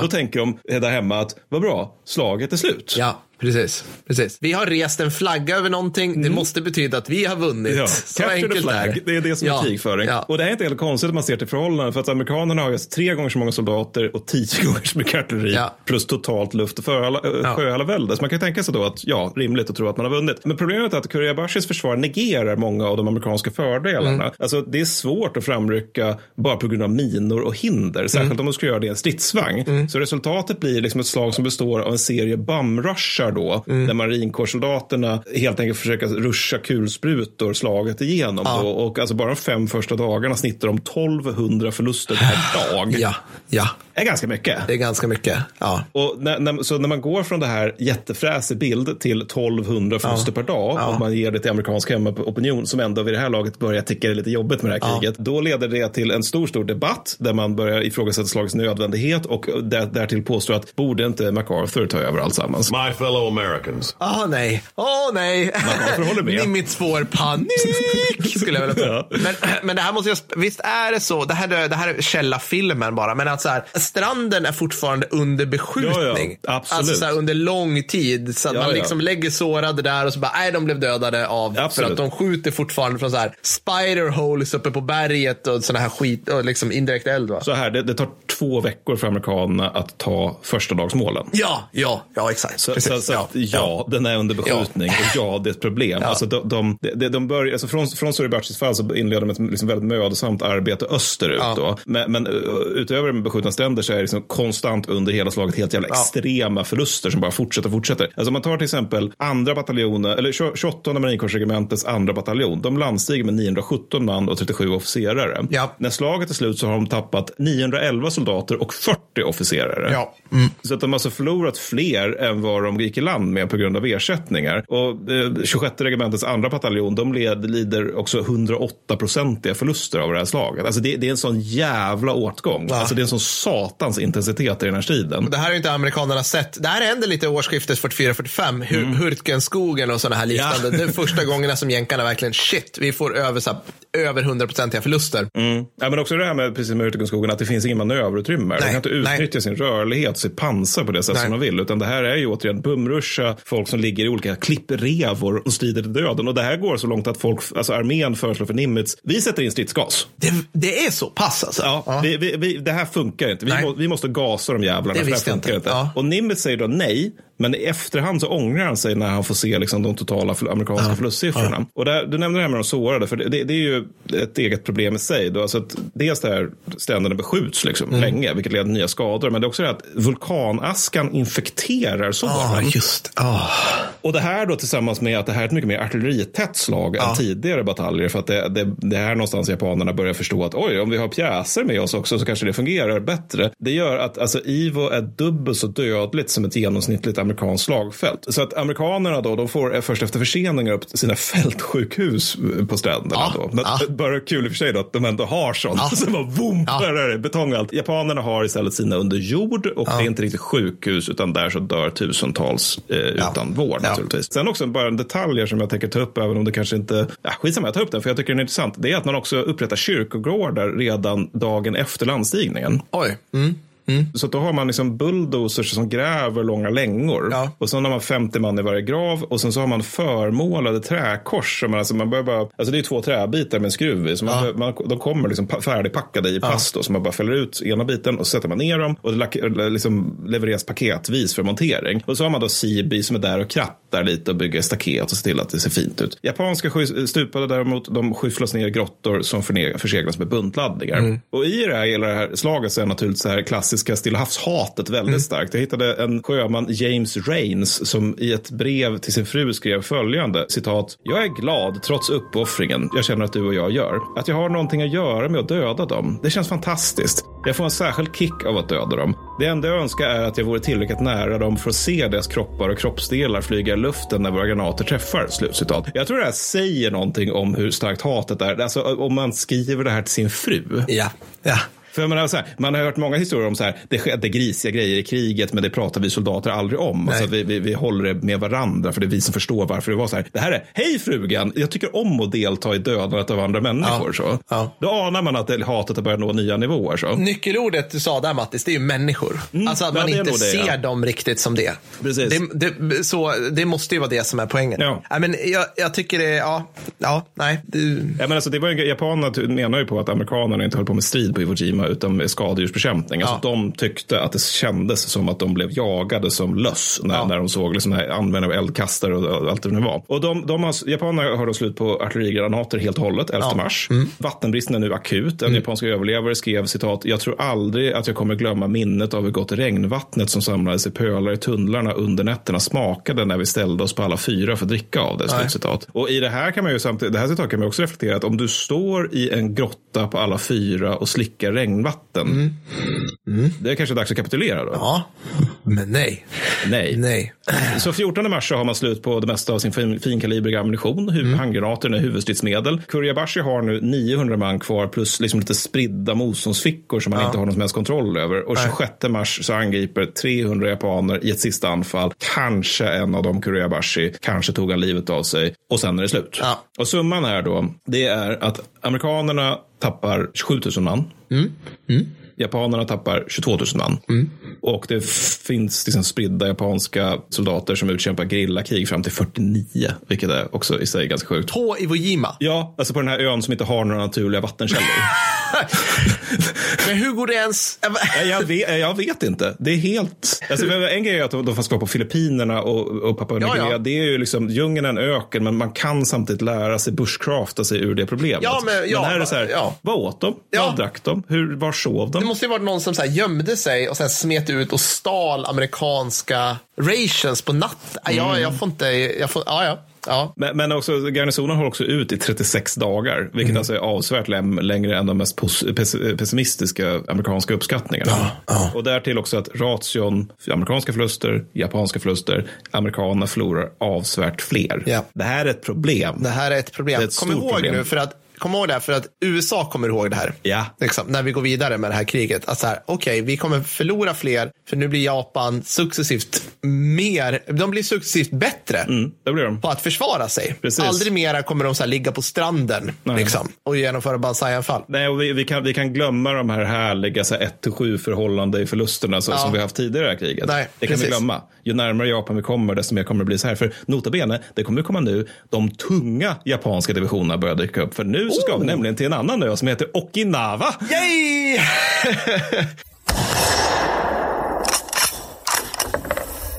Och nu är vi ju alltså i så här uh, Japan proper. Eller hur Japp. Mattis? Mm. Japp, det är vi. Och amerikanerna tänker sig Okinawa som en slags språngbräda slash baseringsområde inför invasionen av Japan. Just det, det kanske precis. vi minns från mina tidigare utgjutelser att de, de, de går ju till, de hade ju tänkt sig Formosa, Formosa först. Ja. Men sen så bestämde de sig för Okinawa och det gjorde att man kunde ta Filippinerna när man ändå väntade på att förbereda för Okinawa. Precis. Och eh, Okinawa hålls av japanska 32 armén. Notera nu här att det inte längre är spridda divisioner utan det här är japanska 32 armén som Jajamän. håller. De anförs av eh, nu ska jag general Mits, Mitsuru Ushijima som är så här, för att vara japansk general, en my, mysfarbror som godkänner saker. Ja, ja, ja. Eh, det- eh, sen så har, han har då en stabschef som heter Isa, eh, Isamu Shu som Ja. han vill anfalla he- hela tiden. Det är Ja. hans grej. Han är liksom bara så här, det, det, här slaget är för japansk del A Song of Ice and Fire. För du Ja. har å ena sidan Shu som är elden, han vill anfalla. Ja. Men sen har vi operationschefen Hiromichi Yahara som är kylan. Mm. För han har tagit intryck av det här kriget. Och Yahara är det stora jävla problemet för amerikanerna i det här slaget skulle jag säga. För, för att alltså, och det är en grej också, det låter kanske lite konstigt med en som godkänner, en som vill anfalla, en som vill försvara. För det är naturligtvis det Yahara vill göra. Det är att det här är en grej inom japansk stabskultur. De vill hela tiden komma till ett konsensus. Det, det är ett problem i deras sätt att, att, att komma fram till operationer. Alltså att man, man har inte riktigt den här peka med hela handen, Nej. nu kör vi. Utan det är snarare så att alla ska, man ska samtala tills man kommer fram till en lösning som alla är ganska nöjda med. Väldigt svenskt på ett sätt. Eh, Synnerligen, men det också leder ju också till en del så här helt skeva beslut. Ja, ja. Bara, ja, ingen är ju helt nöjd med den här Nej, planen nej. av goda skäl, för det är ingen bra plan. Men, ja. nej, men så, så japanernas plan är först att försvara hela jävla Okinawa med flygstridskrafter och det här visar sig omöjligt på grund av den japanska industrins tillstånd. Ja, ja. Sålunda så går man över till att försvara hela ön med djupförsvar modell 1917. Ja. Och det här hade nog varit bra för amerikanerna om det skedde. Men det som händer då är att en division som ska förstärka upp Okinawa hamnar på Formosa istället. För man åker fel, eller? Man åker fel och det blir lite det är ubåtar man måste preja för och så vidare. Så det är liksom ett bagagelarv av Guds nåde då. Som leder till att Yahara föreslår att man istället ska försöka hålla bergen på södra Okinawa med det man har. Ja, Alltså, för utan den här divisionen kan vi inte hålla hela, då är det bättre att vi håller liksom i söder. då. Och i klartext så ska man återigen överleva och förvägra amerika, eh, amerikanerna Okinawa så länge som möjligt. Återigen, tillfoga dem förluster tills deras vilja knäcks. Break them down, and their spirits will follow. Mm. Och japanerna gräver då 95 kilometer underjordiska försvarsanläggningar medelst hackar och spadar. För att, alltså, de, det finns ju borrar i Japan. Det var ingen som orkade skicka dem. Det typ slarvades bort på vägen. Det blev inte så. Så de liksom använde spadar för att gräva ut berg Ja. och mycket därtill. Men det gör inget, för de har typ obegränsad tillgång till slavarbetskraft, va? Eller liksom, och Eh, civila ja, och- japaner, va? Eller hur ja, är det och där? navier. Alltså. Mm. Det, det, det, det, vi kommer komma till dem. Men, ja, men, men, men när det gäller 32 armén så deras viktigaste resurs är 24 divisionen. För det här är det som vi har hotat med ska komma i den här podden under hela podden. Det vill säga, det här är en tung division. Just en tung det, japansk division. Den är designad för krig mot ryssarna, vilket innebär att den har artillerin ner på kompaninivå. Ja. Och också tillgång till pansarvärn, vilket inte är en självklarhet Ja. i, amerika- i japanska skyttedivisioner. Amerikanerna i sin tur då, de kommer med tionde armén som består av fyra infanteridivisioner plus tre marinkårsdivisioner plus femte flottan och lite britt, liksom brittiska fartyg som också, ja vi är med i det här kriget. The hospital ships which brought out many thousands. Det är Rule Britannia och Ja, Race är och ni här också? Men vad kul! Ja. Ja. Nej, men så det motsvarar 183 000 i marktrupp, 120 000 man som bara består av in- som bara ingenjörer eller logistiker Ja, på olika ja. sätt. Då. Plus ungefär lika många sjömän och flygare samt 1200 logistik och transportfartyg och 200 örlogsfartyg. Nu är vi... Det här är en operation Ja. USA gör. Liksom, de, gör andra. Och det, den här måste vi, vi måste komma ihåg att, nu rätt mig jag fel Mattis, det här är en annan flottstyrka än den som tog Iwo Jima. För att det här sker väl, inte synkront, men viss överlappad, eller nej? Nej, Iwo Jima, det, det hinner de avsluta. Det är första april, nej men fast i och för sig, nu ska vi se här. 14 mars avslutas Iwo Jima och det här inleds första april. Så att, eh, ja. Okej, det är okej. svar. Mm. Ja, men fair enough. Jag bara, Det skulle inte bara förvåna mig om USA bara, under tiden vi gör det här så gör vi det här. Ungefär som i Total War när man skickar så här, man bygger upp full stack samtidigt som man skickar dem. Alltså det, det måste ju vara så det har fungerat. Ja, ja, liksom. bara löpande bandsprincip av full stack. Nej, men, men de är så här. De, de har ju stora förband på Filippinerna just nu. Ja, ja, ja, ja visst. Så, som, som, som med, med tillhörande flottstridskrafter. Ja. Då. Och japanerna har kanske 100 000 man däromkring. Men där är ju så här, en fjärdedel är okinavisk milis med oklart stridsvärde. Förbekämpningen av lag i USA är biblisk naturligtvis. Ja, ja, givetvis. Men träffar lite av värde. Som vanligt. Ja, och det, det, det är ju det här att det, det, det finns en viss rytm i de här slagen. Alla slagen har lite egen karaktär. Så att nu är det liksom att amerikanerna bara, åh helvete, Iwo Jima, vilken mardröm. Första dagen var ett kaos. Så att de tänker sig då att första vågen kommer drabbas av 85-procentiga förluster. Istället total tystnad när de landstiger första april 1945. Det är liksom, ja, ja, det är så här 83 pers som blir förluster på grund av olyckor, eller som trillar ur båtar. och så där. Det- De hittar ingenting. Liksom. Ute till havs blir det mer spexigt. Ja. För där, där bestämmer sig japanska flottan för att vi är med i det här Ja. kriget. Victory is almost ours. Lite oväntat för det här laget. Ja, för nu är, vi ju, nu är vi ju i Japan.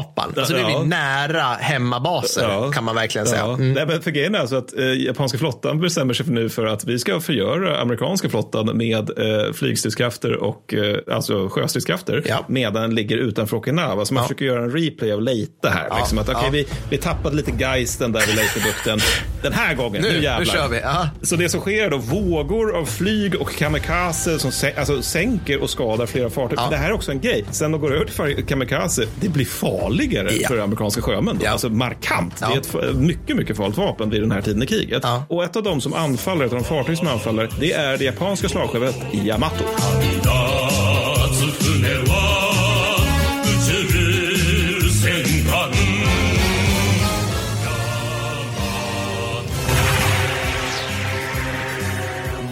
Nu kommer Yamato. Mm. Äntligen, nu ska hon avgöra kriget med sina enorma pjäser. Och, och jag minns inte, jag tror det är så att de har soppa för att anfalla. Ja. Jag, jag, jag har för mig att det är så att de ska anfalla Panga och sen strandsätta Yamato så att hon kan bli en jättestor kust. Alltså det här är så jäkla bra. Det här är såklart. Ja. Men det är lite grann sådär med orks i 40K när de bara smäller ner befolkade asteroider Ja. i planeter och sen anfaller ut från det. This is my base now. Det Men, men så då, det tänker jag så ska ske. Mm. Eh, Det som händer är istället att de sänks av eh, hangarfartygsbaserade torped och eh, störtbombplan Ja. naturligtvis. Ja. Our most desperate moment. What will become of my empire? För att krig är tråkigt. Jag är ledsen Ja, men alltså det här är, det är så jävla, alltså Yamato måste ju varit en jävla besvikelse. Vi bara sänker ner så satans mycket resurser på 30-talet och det är så här hon går under. Liksom. Ja, ja. Men väldigt många fina kondensstrimmor ovanför under tiden. Ja, ja. Men alltså, det krävdes många Ja, torpeder för att väldigt, sänka väldigt den, bra, det ska jag säga. Det var när de sänkte Musashi var det någon av flygarna som rapporterade hem. Jag ser henne och det är det största jag någonsin har sett. Mm. Alltså att du vet, man, man blir in å över hur stor den här grejen är. Och sen inser man, ja just det, jag sitter i torpedbombplan, jag kan sänka den här jättestora draken. Eller sjödjur snarare. då. Men eh, viceamiral eh, Seishi Ito, han då avslutar Yamatos seglats med att skaka hand med de högre officerarna Mm. och följer sen Yamato ner i havet tillsammans med flera yngre officerare som binder fast sig i fartyget Mm. hellre än att evakuera. Så totalt så dör 3000 japater, japaner med Yamato. Mm.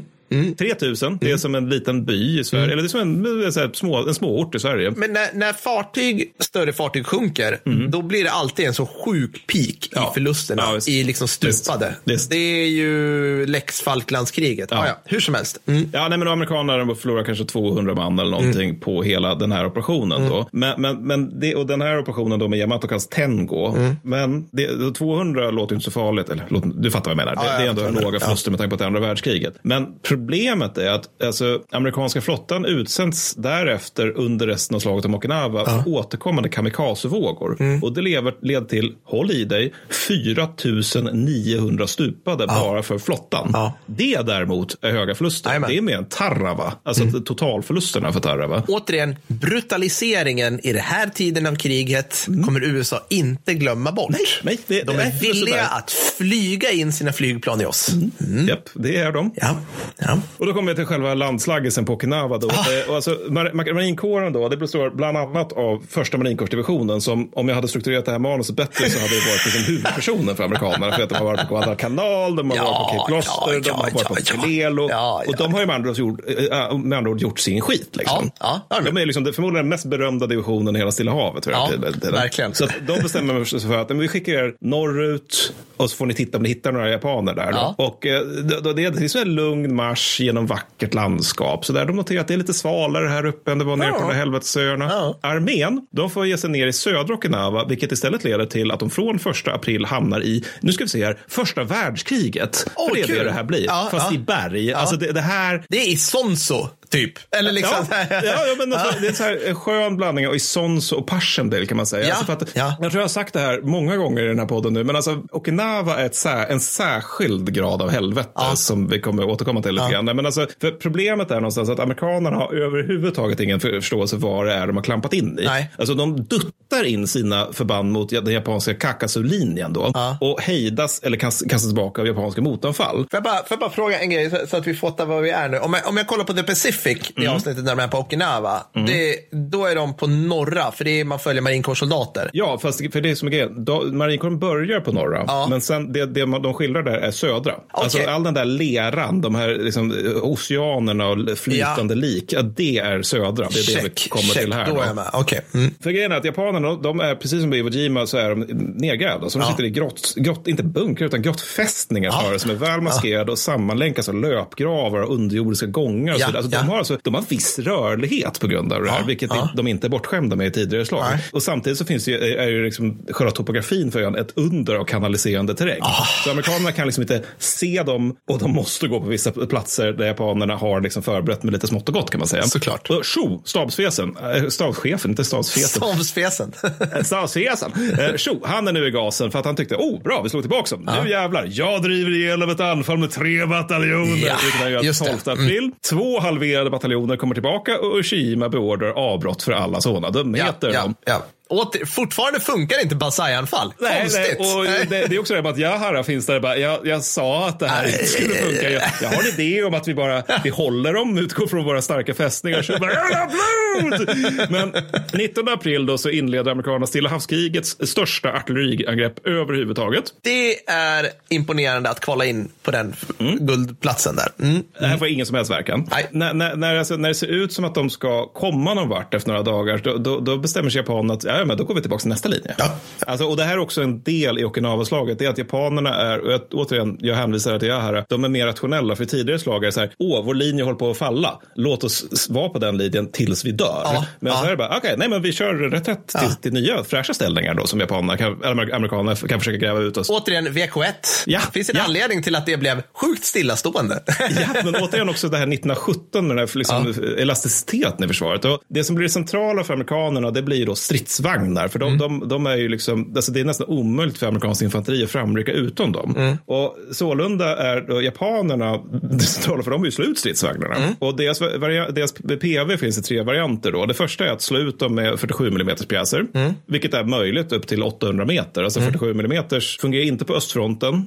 Det fungerar hyfsat mot, eh, mot M4 ändå, Ja. liksom. Och inte alls för att det här är 45 och M4 kommer 42. Det börjar bli en ganska gammal vagn i andra världskriget. Nummer två, det är att driva bort infanteriet. Alltså man sätter in granatkastare, ku- kulsprutor och så vidare. Och, och liksom göra stridsvagnarna blinda. Så. Alltså för infanteriet är på må- många sätt deras ögon. Och sen så därmed förstör de i rent handgemäng. Alltså Ja. de har bland annat så här buntladdningar som de har bindit fast vid käppar som de kan liksom lägga upp på bakpansaret. Så. Ja. Eller gör dem immobiliserade så att de kan förstöras eller mineras senare. Så Ja. det, det är så de jobbar. Medan amerikanerna å sin sida, de- deras grej är ju att de ska försöka bekämpa grottor hela tiden. Ja. Så det gör att de hela tiden försöker hitta skottgluggars döda vinklar. Det, det är liksom det det går ut på. Så Ja. långsamt försöka ta sig framåt, se att okej, där skjuter de. Om vi lägger oss här, skjuter de då också? Ja. Om vi lägger oss här, skjuter de då också? Nej. Bra, då kan vi framrycka här. Ja. Ja. Och nästa steg är då att med artilleri, eldkastare och stridsvagnar driva ner vaktposter eller döda dem. Ja. Och om man då liksom lyckas komma upp till eh, grottans ingång så att säga, då kan man antingen försegla den, det vill säga att man spärrar in de som bor i grottan med, under jorden så att de kan svälta och törsta ihjäl, eller rensa grottan, vilket är nog en mardröm i sig.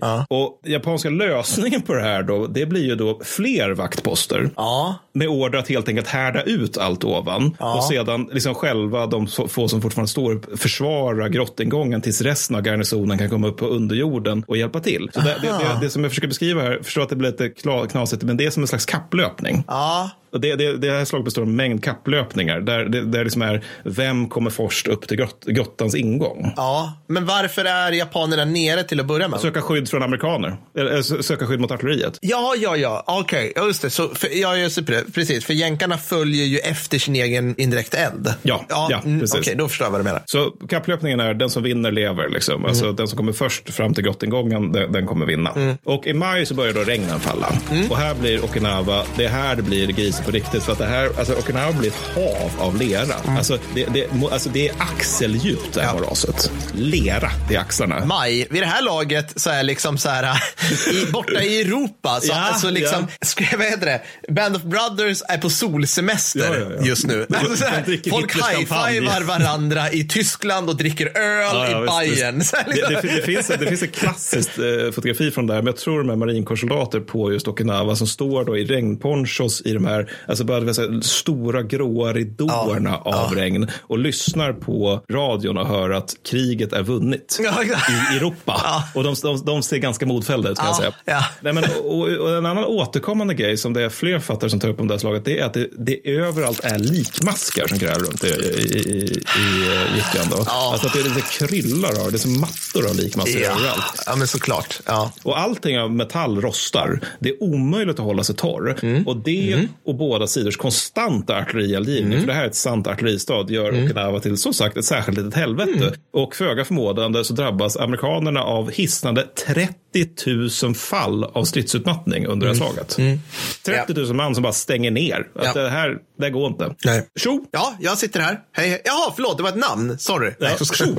Stabschefen Tjo, han har nya härliga idéer för att han lyckas nu driva igenom den 4 maj ett nytt motanfall via ren karisma. Ja. Yahara är naturligtvis emot för att han tycker det är dåligt investerade soldatliv. Tjo kommer då gråtande till Yahara och menar att man måste göra det här för ärans skull. Vilket får Yahara att ge med sig för att han är väl också japanbåt. Han har lyssnat på Kickstory-podden, men ära? Och han bara, ja, jo, men det har du rätt i. Precis så. Nej, men så resultatet är naturligtvis då att japanerna förlorar 7000 man och 21 av de stridsvagnar som de faktiskt hade utan att man kan visa upp så mycket för besväret. På staben gråter japanerna av frustration och det kan man förstå för Mm. de inser nu att vi kommer inte komma ifrån den här ön. Nej, Om nej, vi nej. inte kan motanfalla oss ur situationen så kommer vi ju alla dö. Och Sho lovar nu Yahara att nu ska vi hålla oss på defensiven. Mm. Och Yahara konstaterar lugnt att ja, fast vi, vi söp just bort de förband vi skulle använda för att Mm. hålla så att det, det, det, det, är liksom, det, är, det är rätt kört. För det det, är alltså, det här plus de ackumulerade förlusterna gör att 32 armén nu måste dra sig tillbaka bakåt mot Okinawas södraste spets. Och då är det 5 000 man som får utgöra arriärgarde. Och det här är någonting, vet, det är någonting med de här 5 000 som jag tycker är så lite extra sjukt. För att alltså, de har i praktiken order att göra sin sista plikt för kejsaren och förbereda sig att möta förfäderna med stolthet. Ja. Det är det som är deras order. Och jag kan på något sätt, många författare som skriver om Stilla havskriget börjar till Okinawa bli ganska trötta på japanerna.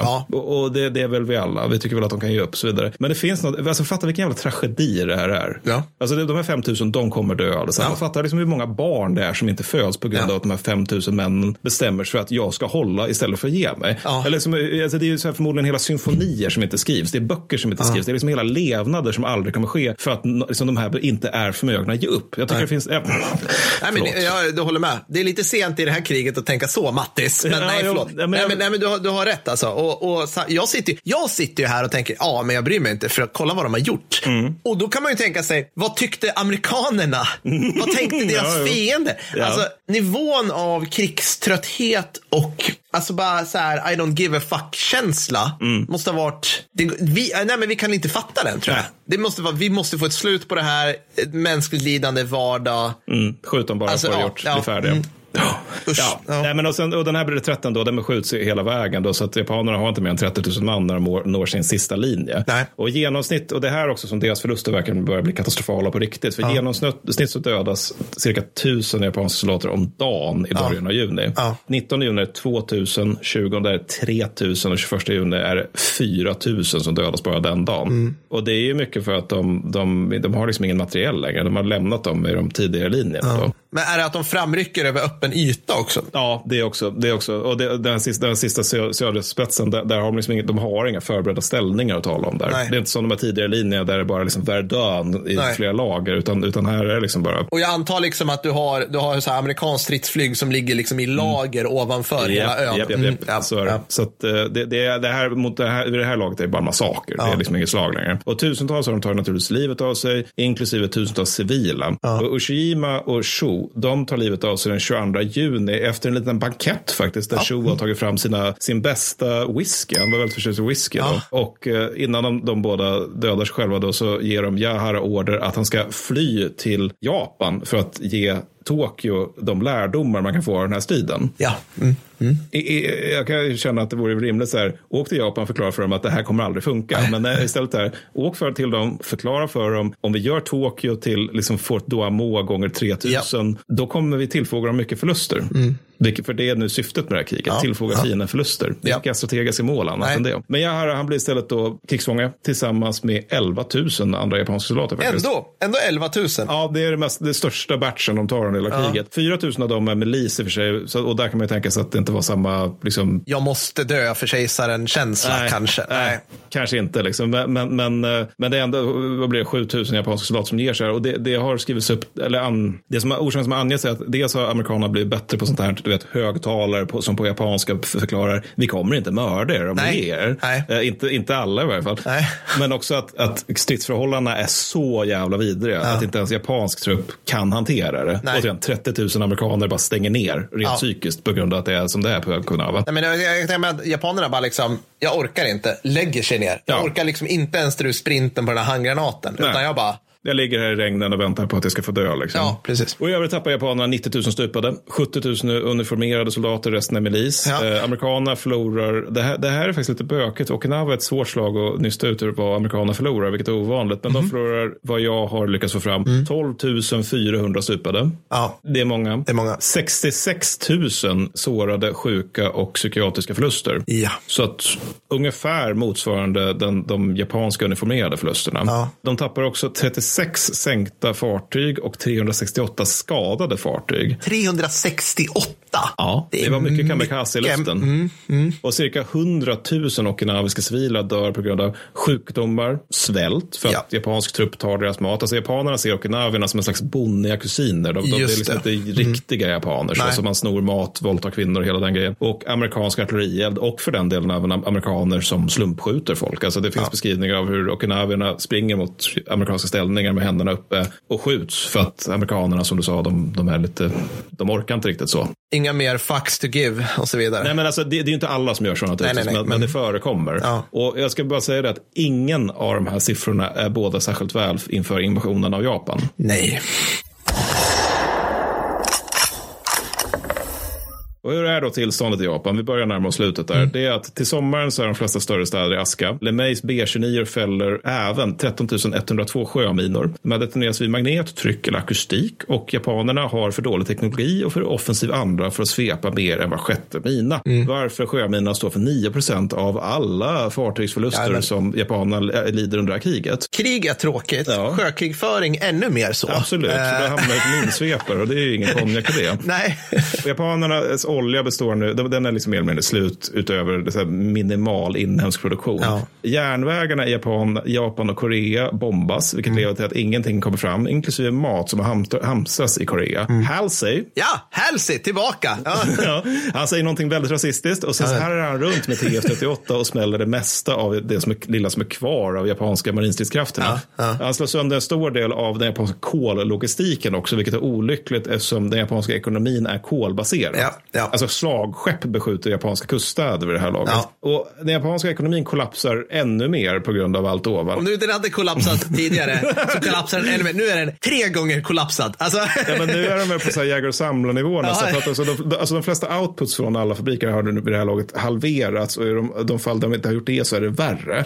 Flygplanstillverkningen är ner till en femtedel av vad den var fe- eh, 44 och aluminiumproduktionen är ner på en tiondel. Och innan det så var den ändå eh, oxdragen. Förlåt Mm, ja, jag sköt in det. ja.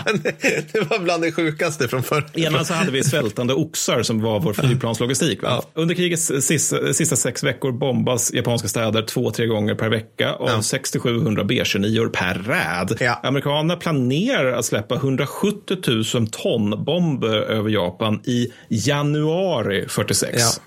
Vilket är mer än att släpps över Japan under hela kriget. Ja. Det ska de släppa under bara januari. Ja. Ja. Och till mars 46 ska de släppa ännu mer. Redan 18 juni säger då Hirohito till sina närmaste att han vill utreda möjligheterna för en fred. Mm. Och då är det så att de som styr Japan kallas för the big six. Mm. Det är liksom lite allt möjligt folk. Liksom. Men, men det, jag vill minnas att det är tre civila och tre från mi- militären. Du lovade att du inte skulle gå in på politik här Mattis. Eller på, Nej. på de som styrde. För då blir det för mycket. Nej, jag skojar. Ja, nej, nej, men jag, jag, ska inte, jag ska inte göra det, men jag måste ändå konstatera att de, det är kluvet här. Va? För Ja, ja. De vill liksom ha fred, men de vill inte ha en förlust. Och det som, det som led, det leder till att, det är att de, de gör vaga appeller till Sovjetunionen av alla. Ja.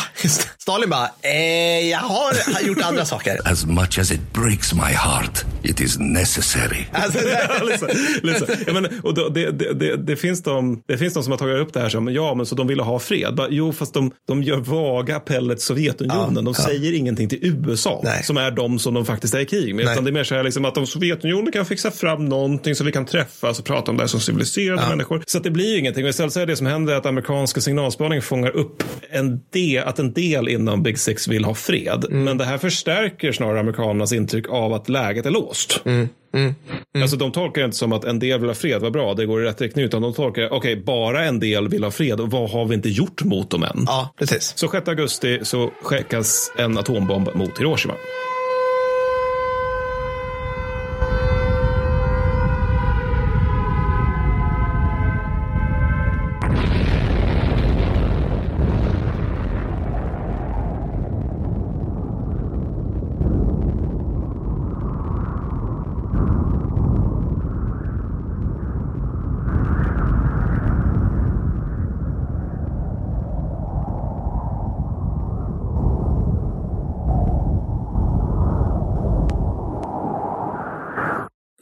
Ja. Eldbollen dödar 20 000 personer, Mm. alltså bara själva eldbollen. Alla inom en kilometer från eldbollen dödas av radioaktivitet. Två timmar efter nedslaget så regnar svart regn över staden. Mm. Överlevande spyr blod, får blodiga diarréer och tappar håret. Det här har vi gått igenom i avsnitt fyra. Det är otroligt nasty.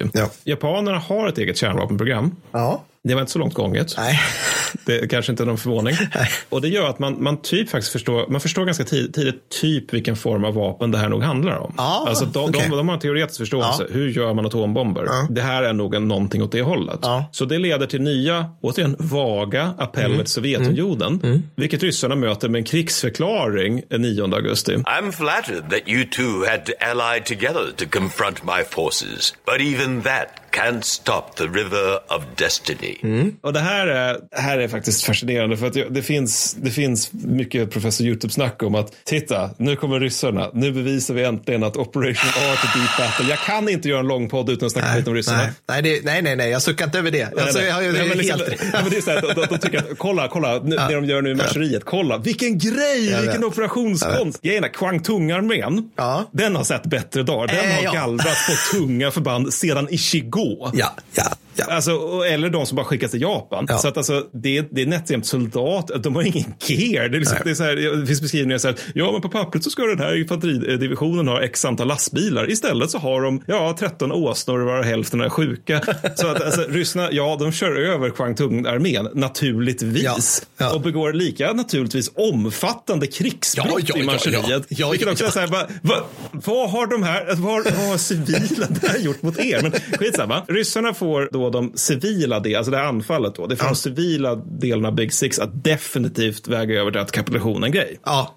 Men det är de civila delarna. Det är fortfarande militära delarna av Big Six. Tycker fortfarande efter alltså Hiroshima och efter invasionen av Manchuriet att krig är nog fortfarande det vi bör göra. Låt oss förbereda för ett stort jävla götterdämmerung. Did you think it would be so easy to kill a god? You will bow for forgiveness before this is over. Vi har inte testat det här tillräckligt mycket mot världens supermakt. här. Nej, utan vi, vi, mm, ah, vi testar lite till här. Testa lite till. Vi har ju inte beväpnat alla dagisbarn än. Precis, liksom. precis. Vi har bara upprättat 34 attackdagisklasser. Förskolan Humlan håller nu på att öva sig på att här, gräva värn och vässa Ja. bambupinnar. Det måste de bli färdiga med. Det är det här det kommer vända. Det finns en väldigt bra bok som heter The Valley of Darkness som baserad väldigt mycket på japanska källor. Och där beskrivs bland annat hur folk får ut sina bambuspjut. Är det nu du kommer säga, och det är nu den här podden blir mörk på riktigt? Nej, nej, nej, nej, nej, nej, men det är för med att det, det är inte, jag tror det säger någonting om, jag tror inte ens att moderna japaner förstår den här tidens Nej, japaner. nej, ver, nej, verkligen Fullt inte. ut. Verkligen för, för att det, är beskrivningar där folk får ut sina, sina bambuspjut,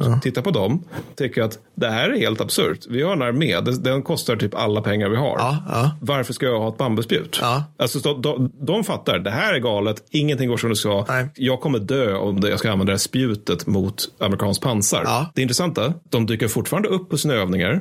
De är där med sina spjut och lär sig hur man fightas med dem. De tycker det är helt absurt, men de gör det. Alltså, så här, må- många frågar sig, varför gjorde inga tyskar någonting mot Hitler? Och, alltså, så här, Ja. Varför var de tyska motståndsrörelserna så små och ineffektiva? I Japan så fanns det ingen motståndsrörelse. Nej, nej. Det var typ så här att eh, polisen noterade 45, 40, typ någonting som så här 46 fall av kontrakriegsagitation. Mm. 46 fall, liksom. Ja, men det är någonting åt det hållet. Det är alltså ex- så töntigt få.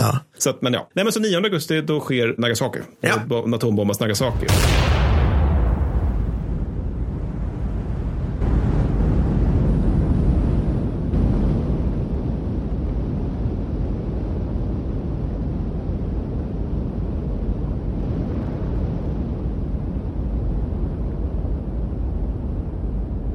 Ja. Typ samma effekter som Hiroshima, det vill säga svartregn, eh, blodiga spyor och så vidare. Orsaken till att det blir just Nag- Nagasaki är den här typen av historiska slumper som är verkligen bisarra.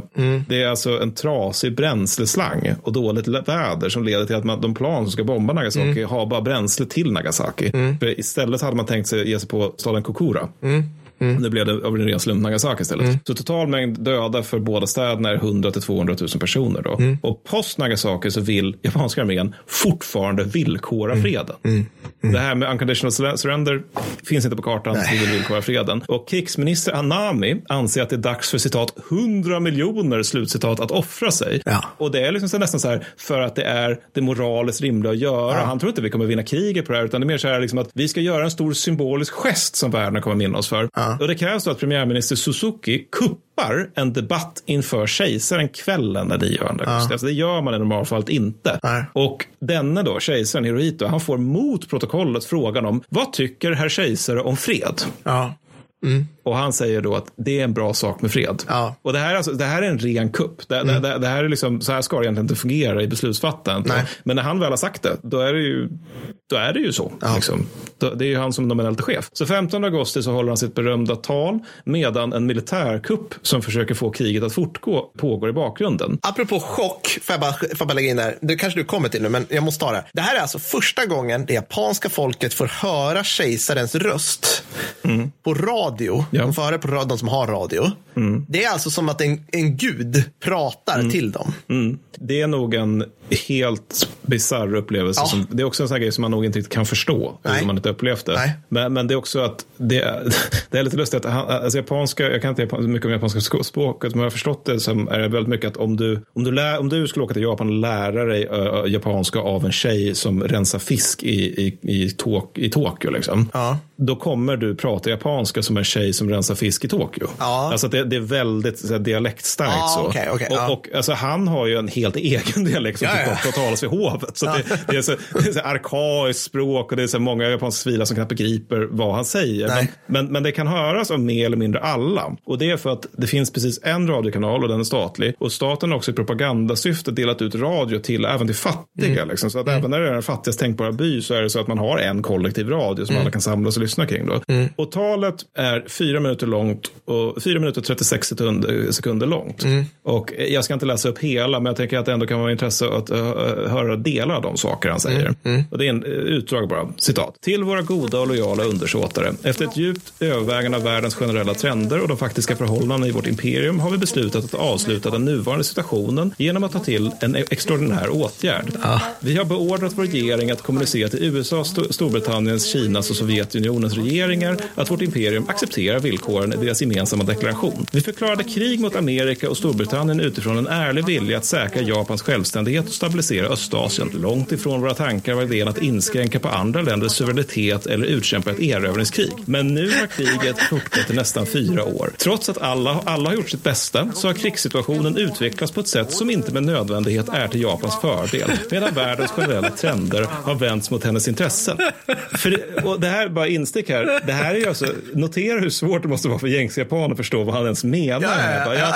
alltså, vi, vi vinner, men vi förlorar. Eller? Inte med nödvändighet. Ja, Vänta det, ta nu. Om man, om man, nykter översikt på hur det ser till då, så, så är det ändå, det går sådär. Ja. men så, han avslutar det hela då med förenas i total styrka, var hängivna i byggandet av framtiden. När rättfärdigheten, fostra en nobel ande, arbeta med beslutsamhet så att ni kan förbättra den naturliga äran som finns i den kejserliga staten och hålla takt med världens utveckling. Slutcitat. Naturliga ära, det ska jag börja med nu. Den, den, Eller- den tog jag med mig eh, därifrån. Inneboende essensen. Inneboende essens också bra. Så Japan är i chock. 600 officerare tar, tar sina liv för att de inte kan härda ut med fred. Och eh, många japanska civila är överlyckliga över att kejsaren har visat dem en sån fruktansvärd nåd. Mm. Mm. Kriget slut 2 september 1945.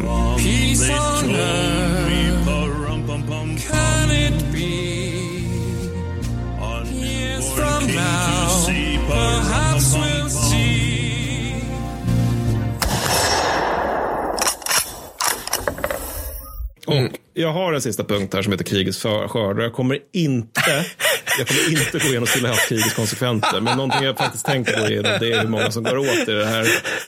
För att jag har nämnt lite förlustsiffror. Ja, jag har nämnt lite förlustsiffror jag gjort. Ja. Nu ska vi koka ner dem. Mm, Det okej. dog folk i det här kriget. Ja, låt höra. Ja, nu blir det kul. Ja, de allierade förlusterna. USA förlorar 92 000 stupade. Mm, Ganska få om man tänker att det här är andra världskriget. Ja, totala är väl 500 000 stupade för hela kriget va? Ja, där kring, där, där kring. Och sen 208 000 sårade. Mm. Plus ytterligare då hundratusentals sjuka psykiska förluster Ja, ja. etc. Det, det är ju, så även för dem gäller det här med att det är extrema mängder som går åt på, alltså inklusive folk som dör Mm. av, av icke-strid. Britterna tappar 52 000 förluster, vilket är intressant för att vi har inte pratat så mycket om britterna. Indierna förlorar 87 000 stupade plus oklar mängd sårade. Omkring 100 000 australiensare räknas som förluster, inklusive de som inte är i strid och inklusive krigsfångar som, Ja. eh, som är, blir krigsfångar eller dör i krigsfångenskap. Ryssarna, Ja. 30 000 förluster varje marscheriet. Vad fan? Det är 45. De har haft så oerhört lång tid på sig att lära sig. De har fått gå i skola mot Wehrmacht. nu möter de så här alkoholiserad milis som inte har fordon. Det, bara, ja, det blev 30 000 förluster. Men ändå liksom så fort, så, fort, så, så fort ett ryskt förband tar ett steg så bara Ja. 25 procentiga förluster. Alltså så här, smack. Bara, så här, det, det går liksom inte. Ja, men Hur lyckas obegripligt. de? Alltså, Nej, jag vet inte. Det är helt jävla obegripligt. Men, men, alltså det är så här, Afghanistankriget har marginellt högre förluster. ja, de, sto- de, sto- de stora, de som lider mycket under det här kriget bland de allierade, det är ju då de som vi har pratat i proportion minst om. Ja. Och det är kineserna. Ja. Alltså, Ja. Kineserna under Chiang tappar 3 till 10 miljoner stupade. Ja. Ja. Det, det är alltså någonstans där Ja. i spannet så. Kineserna under Mao tappar 440 000 man då. Är det man alltså? För jag bara, så här, liksom de här 3-10 miljoner, är det alltså soldater Ja. eller liksom ja, vi kommer närmast? Ja, vi kommer, vi kommer till de civila nu här, för det, Ja. även där finns det en sanslös diff. För det är alltså, Kina som helhet förlorar även, alltså allt emellan 6 och 20 miljoner människor. Och det är ju då framförallt civila i den där sistnämnda siffran. Då. Inte minst på grund av svält, sjukdomar och eh, japaner i största allmänhet. Mm. Och det finns ännu högre uppskattningar. Alltså jag har hittat uppskattningar om 50 miljoner döda kineser. Och det här är ju grejen, man vet inte. Vi kommer aldrig veta. Det Nej. fanns inte den graden av koll i Nej. på kinesiska landsbygden på den här tiden. Och sen som man då har från 37 till 45 total anarki där alla dödar alla. Ja.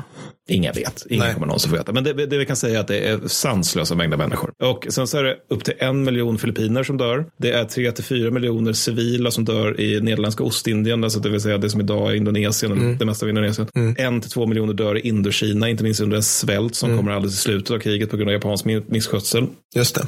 Sen har de japanska förlusterna. De landat på 2,1 miljoner döda soldater. Av dessa så är alltså över hälften på grund av svält och sjukdomar. Ja, ja. Det vill säga alltså majoriteten av Japans döda beror på IGHQs inkompetens. Ja, ja, Det är värt att tänka den tan- tanken till slutet. Det är värt att tänka, det är värt att bara, ja. Ja, men alltså det, är så här, det är några hundratusen som dör på grund av skeppsbrott. Ja. eh, Japanska Ja. soldater. Ja. Resterande cirka miljonen då är det 410 000 som dör i Kina. Ja. Och sen så är det 600, och det, det ska väl tilläggas då, det är 37 till 45 så det är lite längre tidsspann Mm. Och sen så är det ytterligare 600 000 stupade mot röset. Och bara en reflektion här, det här, och det här är inte en perfekt jämförelse på grund av att båda siffror, alltså siffrorna är väldigt snåriga och det är väldigt många olika kategorier som är med och inte och så vidare. Men, men alltså grovt utifrån liksom det jag har sagt nu så har japanerna typ 1 till 1 i, i förluster i ren strid mot amerikaner, britter och ryssar Ja. och småländer. Ja. Alltså, det, och det är liksom utifrån, utifrån förutsättningarna är det bra jobbat. Det finns inget annat jag kan säga. Om man, alltså, och det, återigen, om man tänker strid, om t- av någon anledning bestämmer oss för att tänka bort eh, sjukdomar och svält. Aha. Ganska bra jobbat. Ganska Ja. hög grad av stridseffektivitet. Ja. Och då har man ju då det här med liksom att när man sagt detsamma om tyskarna, man har noterat att oj jävlar, de hade lite uppförsbacke. De har liksom 1 1 förhållande mot amerikanerna eller bättre. De har 1 3 mot Ja, ja. ryssarna, 44. Ja. Då har man ju liksom tagit, alltså globalt i alla arméer i världen, intryck av tyskarna. Vad ska vi göra för att liksom, ja, vi vi tar liksom de, de bra bitarna av det de gjorde, som, Ja. det som leder till stridseffektivitet. Vad, hur, hur kan vi efterapa det? Ja. Varför har då så få tagit lärdom av japanerna? Ja. De lyckas ju också bra. ja. Ja. det är ju då för att kategorin sårade existerar inte i det Nej. japanska fallet. Nej. Och det är ju det det handlar om. Ja. Så för att avsluta, 4300 japaner döms för krigsbrott Mm. efter kriget. Ungefär 1000 av dem avrättas och många får livstidsfängelse. De som bedrev enligt 731 fick det inte, Mm. Nej. kan tilläggas. Och 500 till 800 000 japanska civila dödas under krigets gång. Mm. Med de orden så avslutar vi denna enormt långa, ganska dystra podd om hela Stilla havskriget i ett avsnitt. Tack Mattis. ja, jag hoppas ni uppskattar det här. Ja, jag hoppas det också. Säger vi och sjunker långsamt ner mot golvet i en utmattning av eh, orgie i mörker och eh, ond bråd död. Jag hoppas verkligen jag uppskattar det. Ja. För det här, alltså det här avsnittet tror jag var nära på att knäcka ryggen på. Ja. Alltså det knäckte nästan ryggen på mig att, att läsa Ja. in det. Det knäckte ryggen på alla tre genom att det tagit så jävla långt att spela in det. Och Fredrik kommer, när det här väl släpps, så kommer han vara liksom så här, tappat 20 kilo, inte ha hår längre och liksom bara, han kommer ha artros i fingrarna. Äktenskapet är i krasch. Ja, men du vet, det är liksom, det är, han sitter och spelar in där från en container någonstans. Liksom. Reumatism i alla fingrarna från de där klippt Ja, så mycket. Ja, nej, men så, nästa år ska vi vara lite mindre ambitiösa Ja, faktiskt. ja, det kommer, alltså, ja, vi kommer, vi kommer göra en annan grej. Vi kommer göra en annan vi grej. en annan grej. Vi, eh, Matte ska inte bära hela hund, eller hela hund, vi ska inte bära hela barnen. du bär inget hund. För, för, om, jag, om jag får säga från mig och Fredriks och kanske förhoppningsvis eh, lyssnarnas sida, Matti, så är det en, en ynnest och otroligt intressant att lyssna på dig. Stort tack. Det var roligt att höra. Och eh, superkul. Jag sitter här och har följt det som händer på eh, Google Earth. Jag kan också rekommendera det. Det är väldigt kul att se på avstånden. Man blir lite dum i huvudet efter ett tag. Så här va, vi gör ju det här för att vi kan och för att det är kul, men vi gör det också framför allt för att vi har Patreons. Ja, det. det är det som, som gör att vi kan, du kan lägga alldeles för mycket av din hälsa, tid och liv och leverne på det här. Så bli våra Patreons på patreon.com slash kickhistorypodden. Ja, och eh, givet att det här kommer ut när vi har tänkt att det kommer ut så önskar jag alla lyssnare en stor och glad sommar. Ha det så bra med er. Glad sommar. Ha det bra. Hej då. Hej då.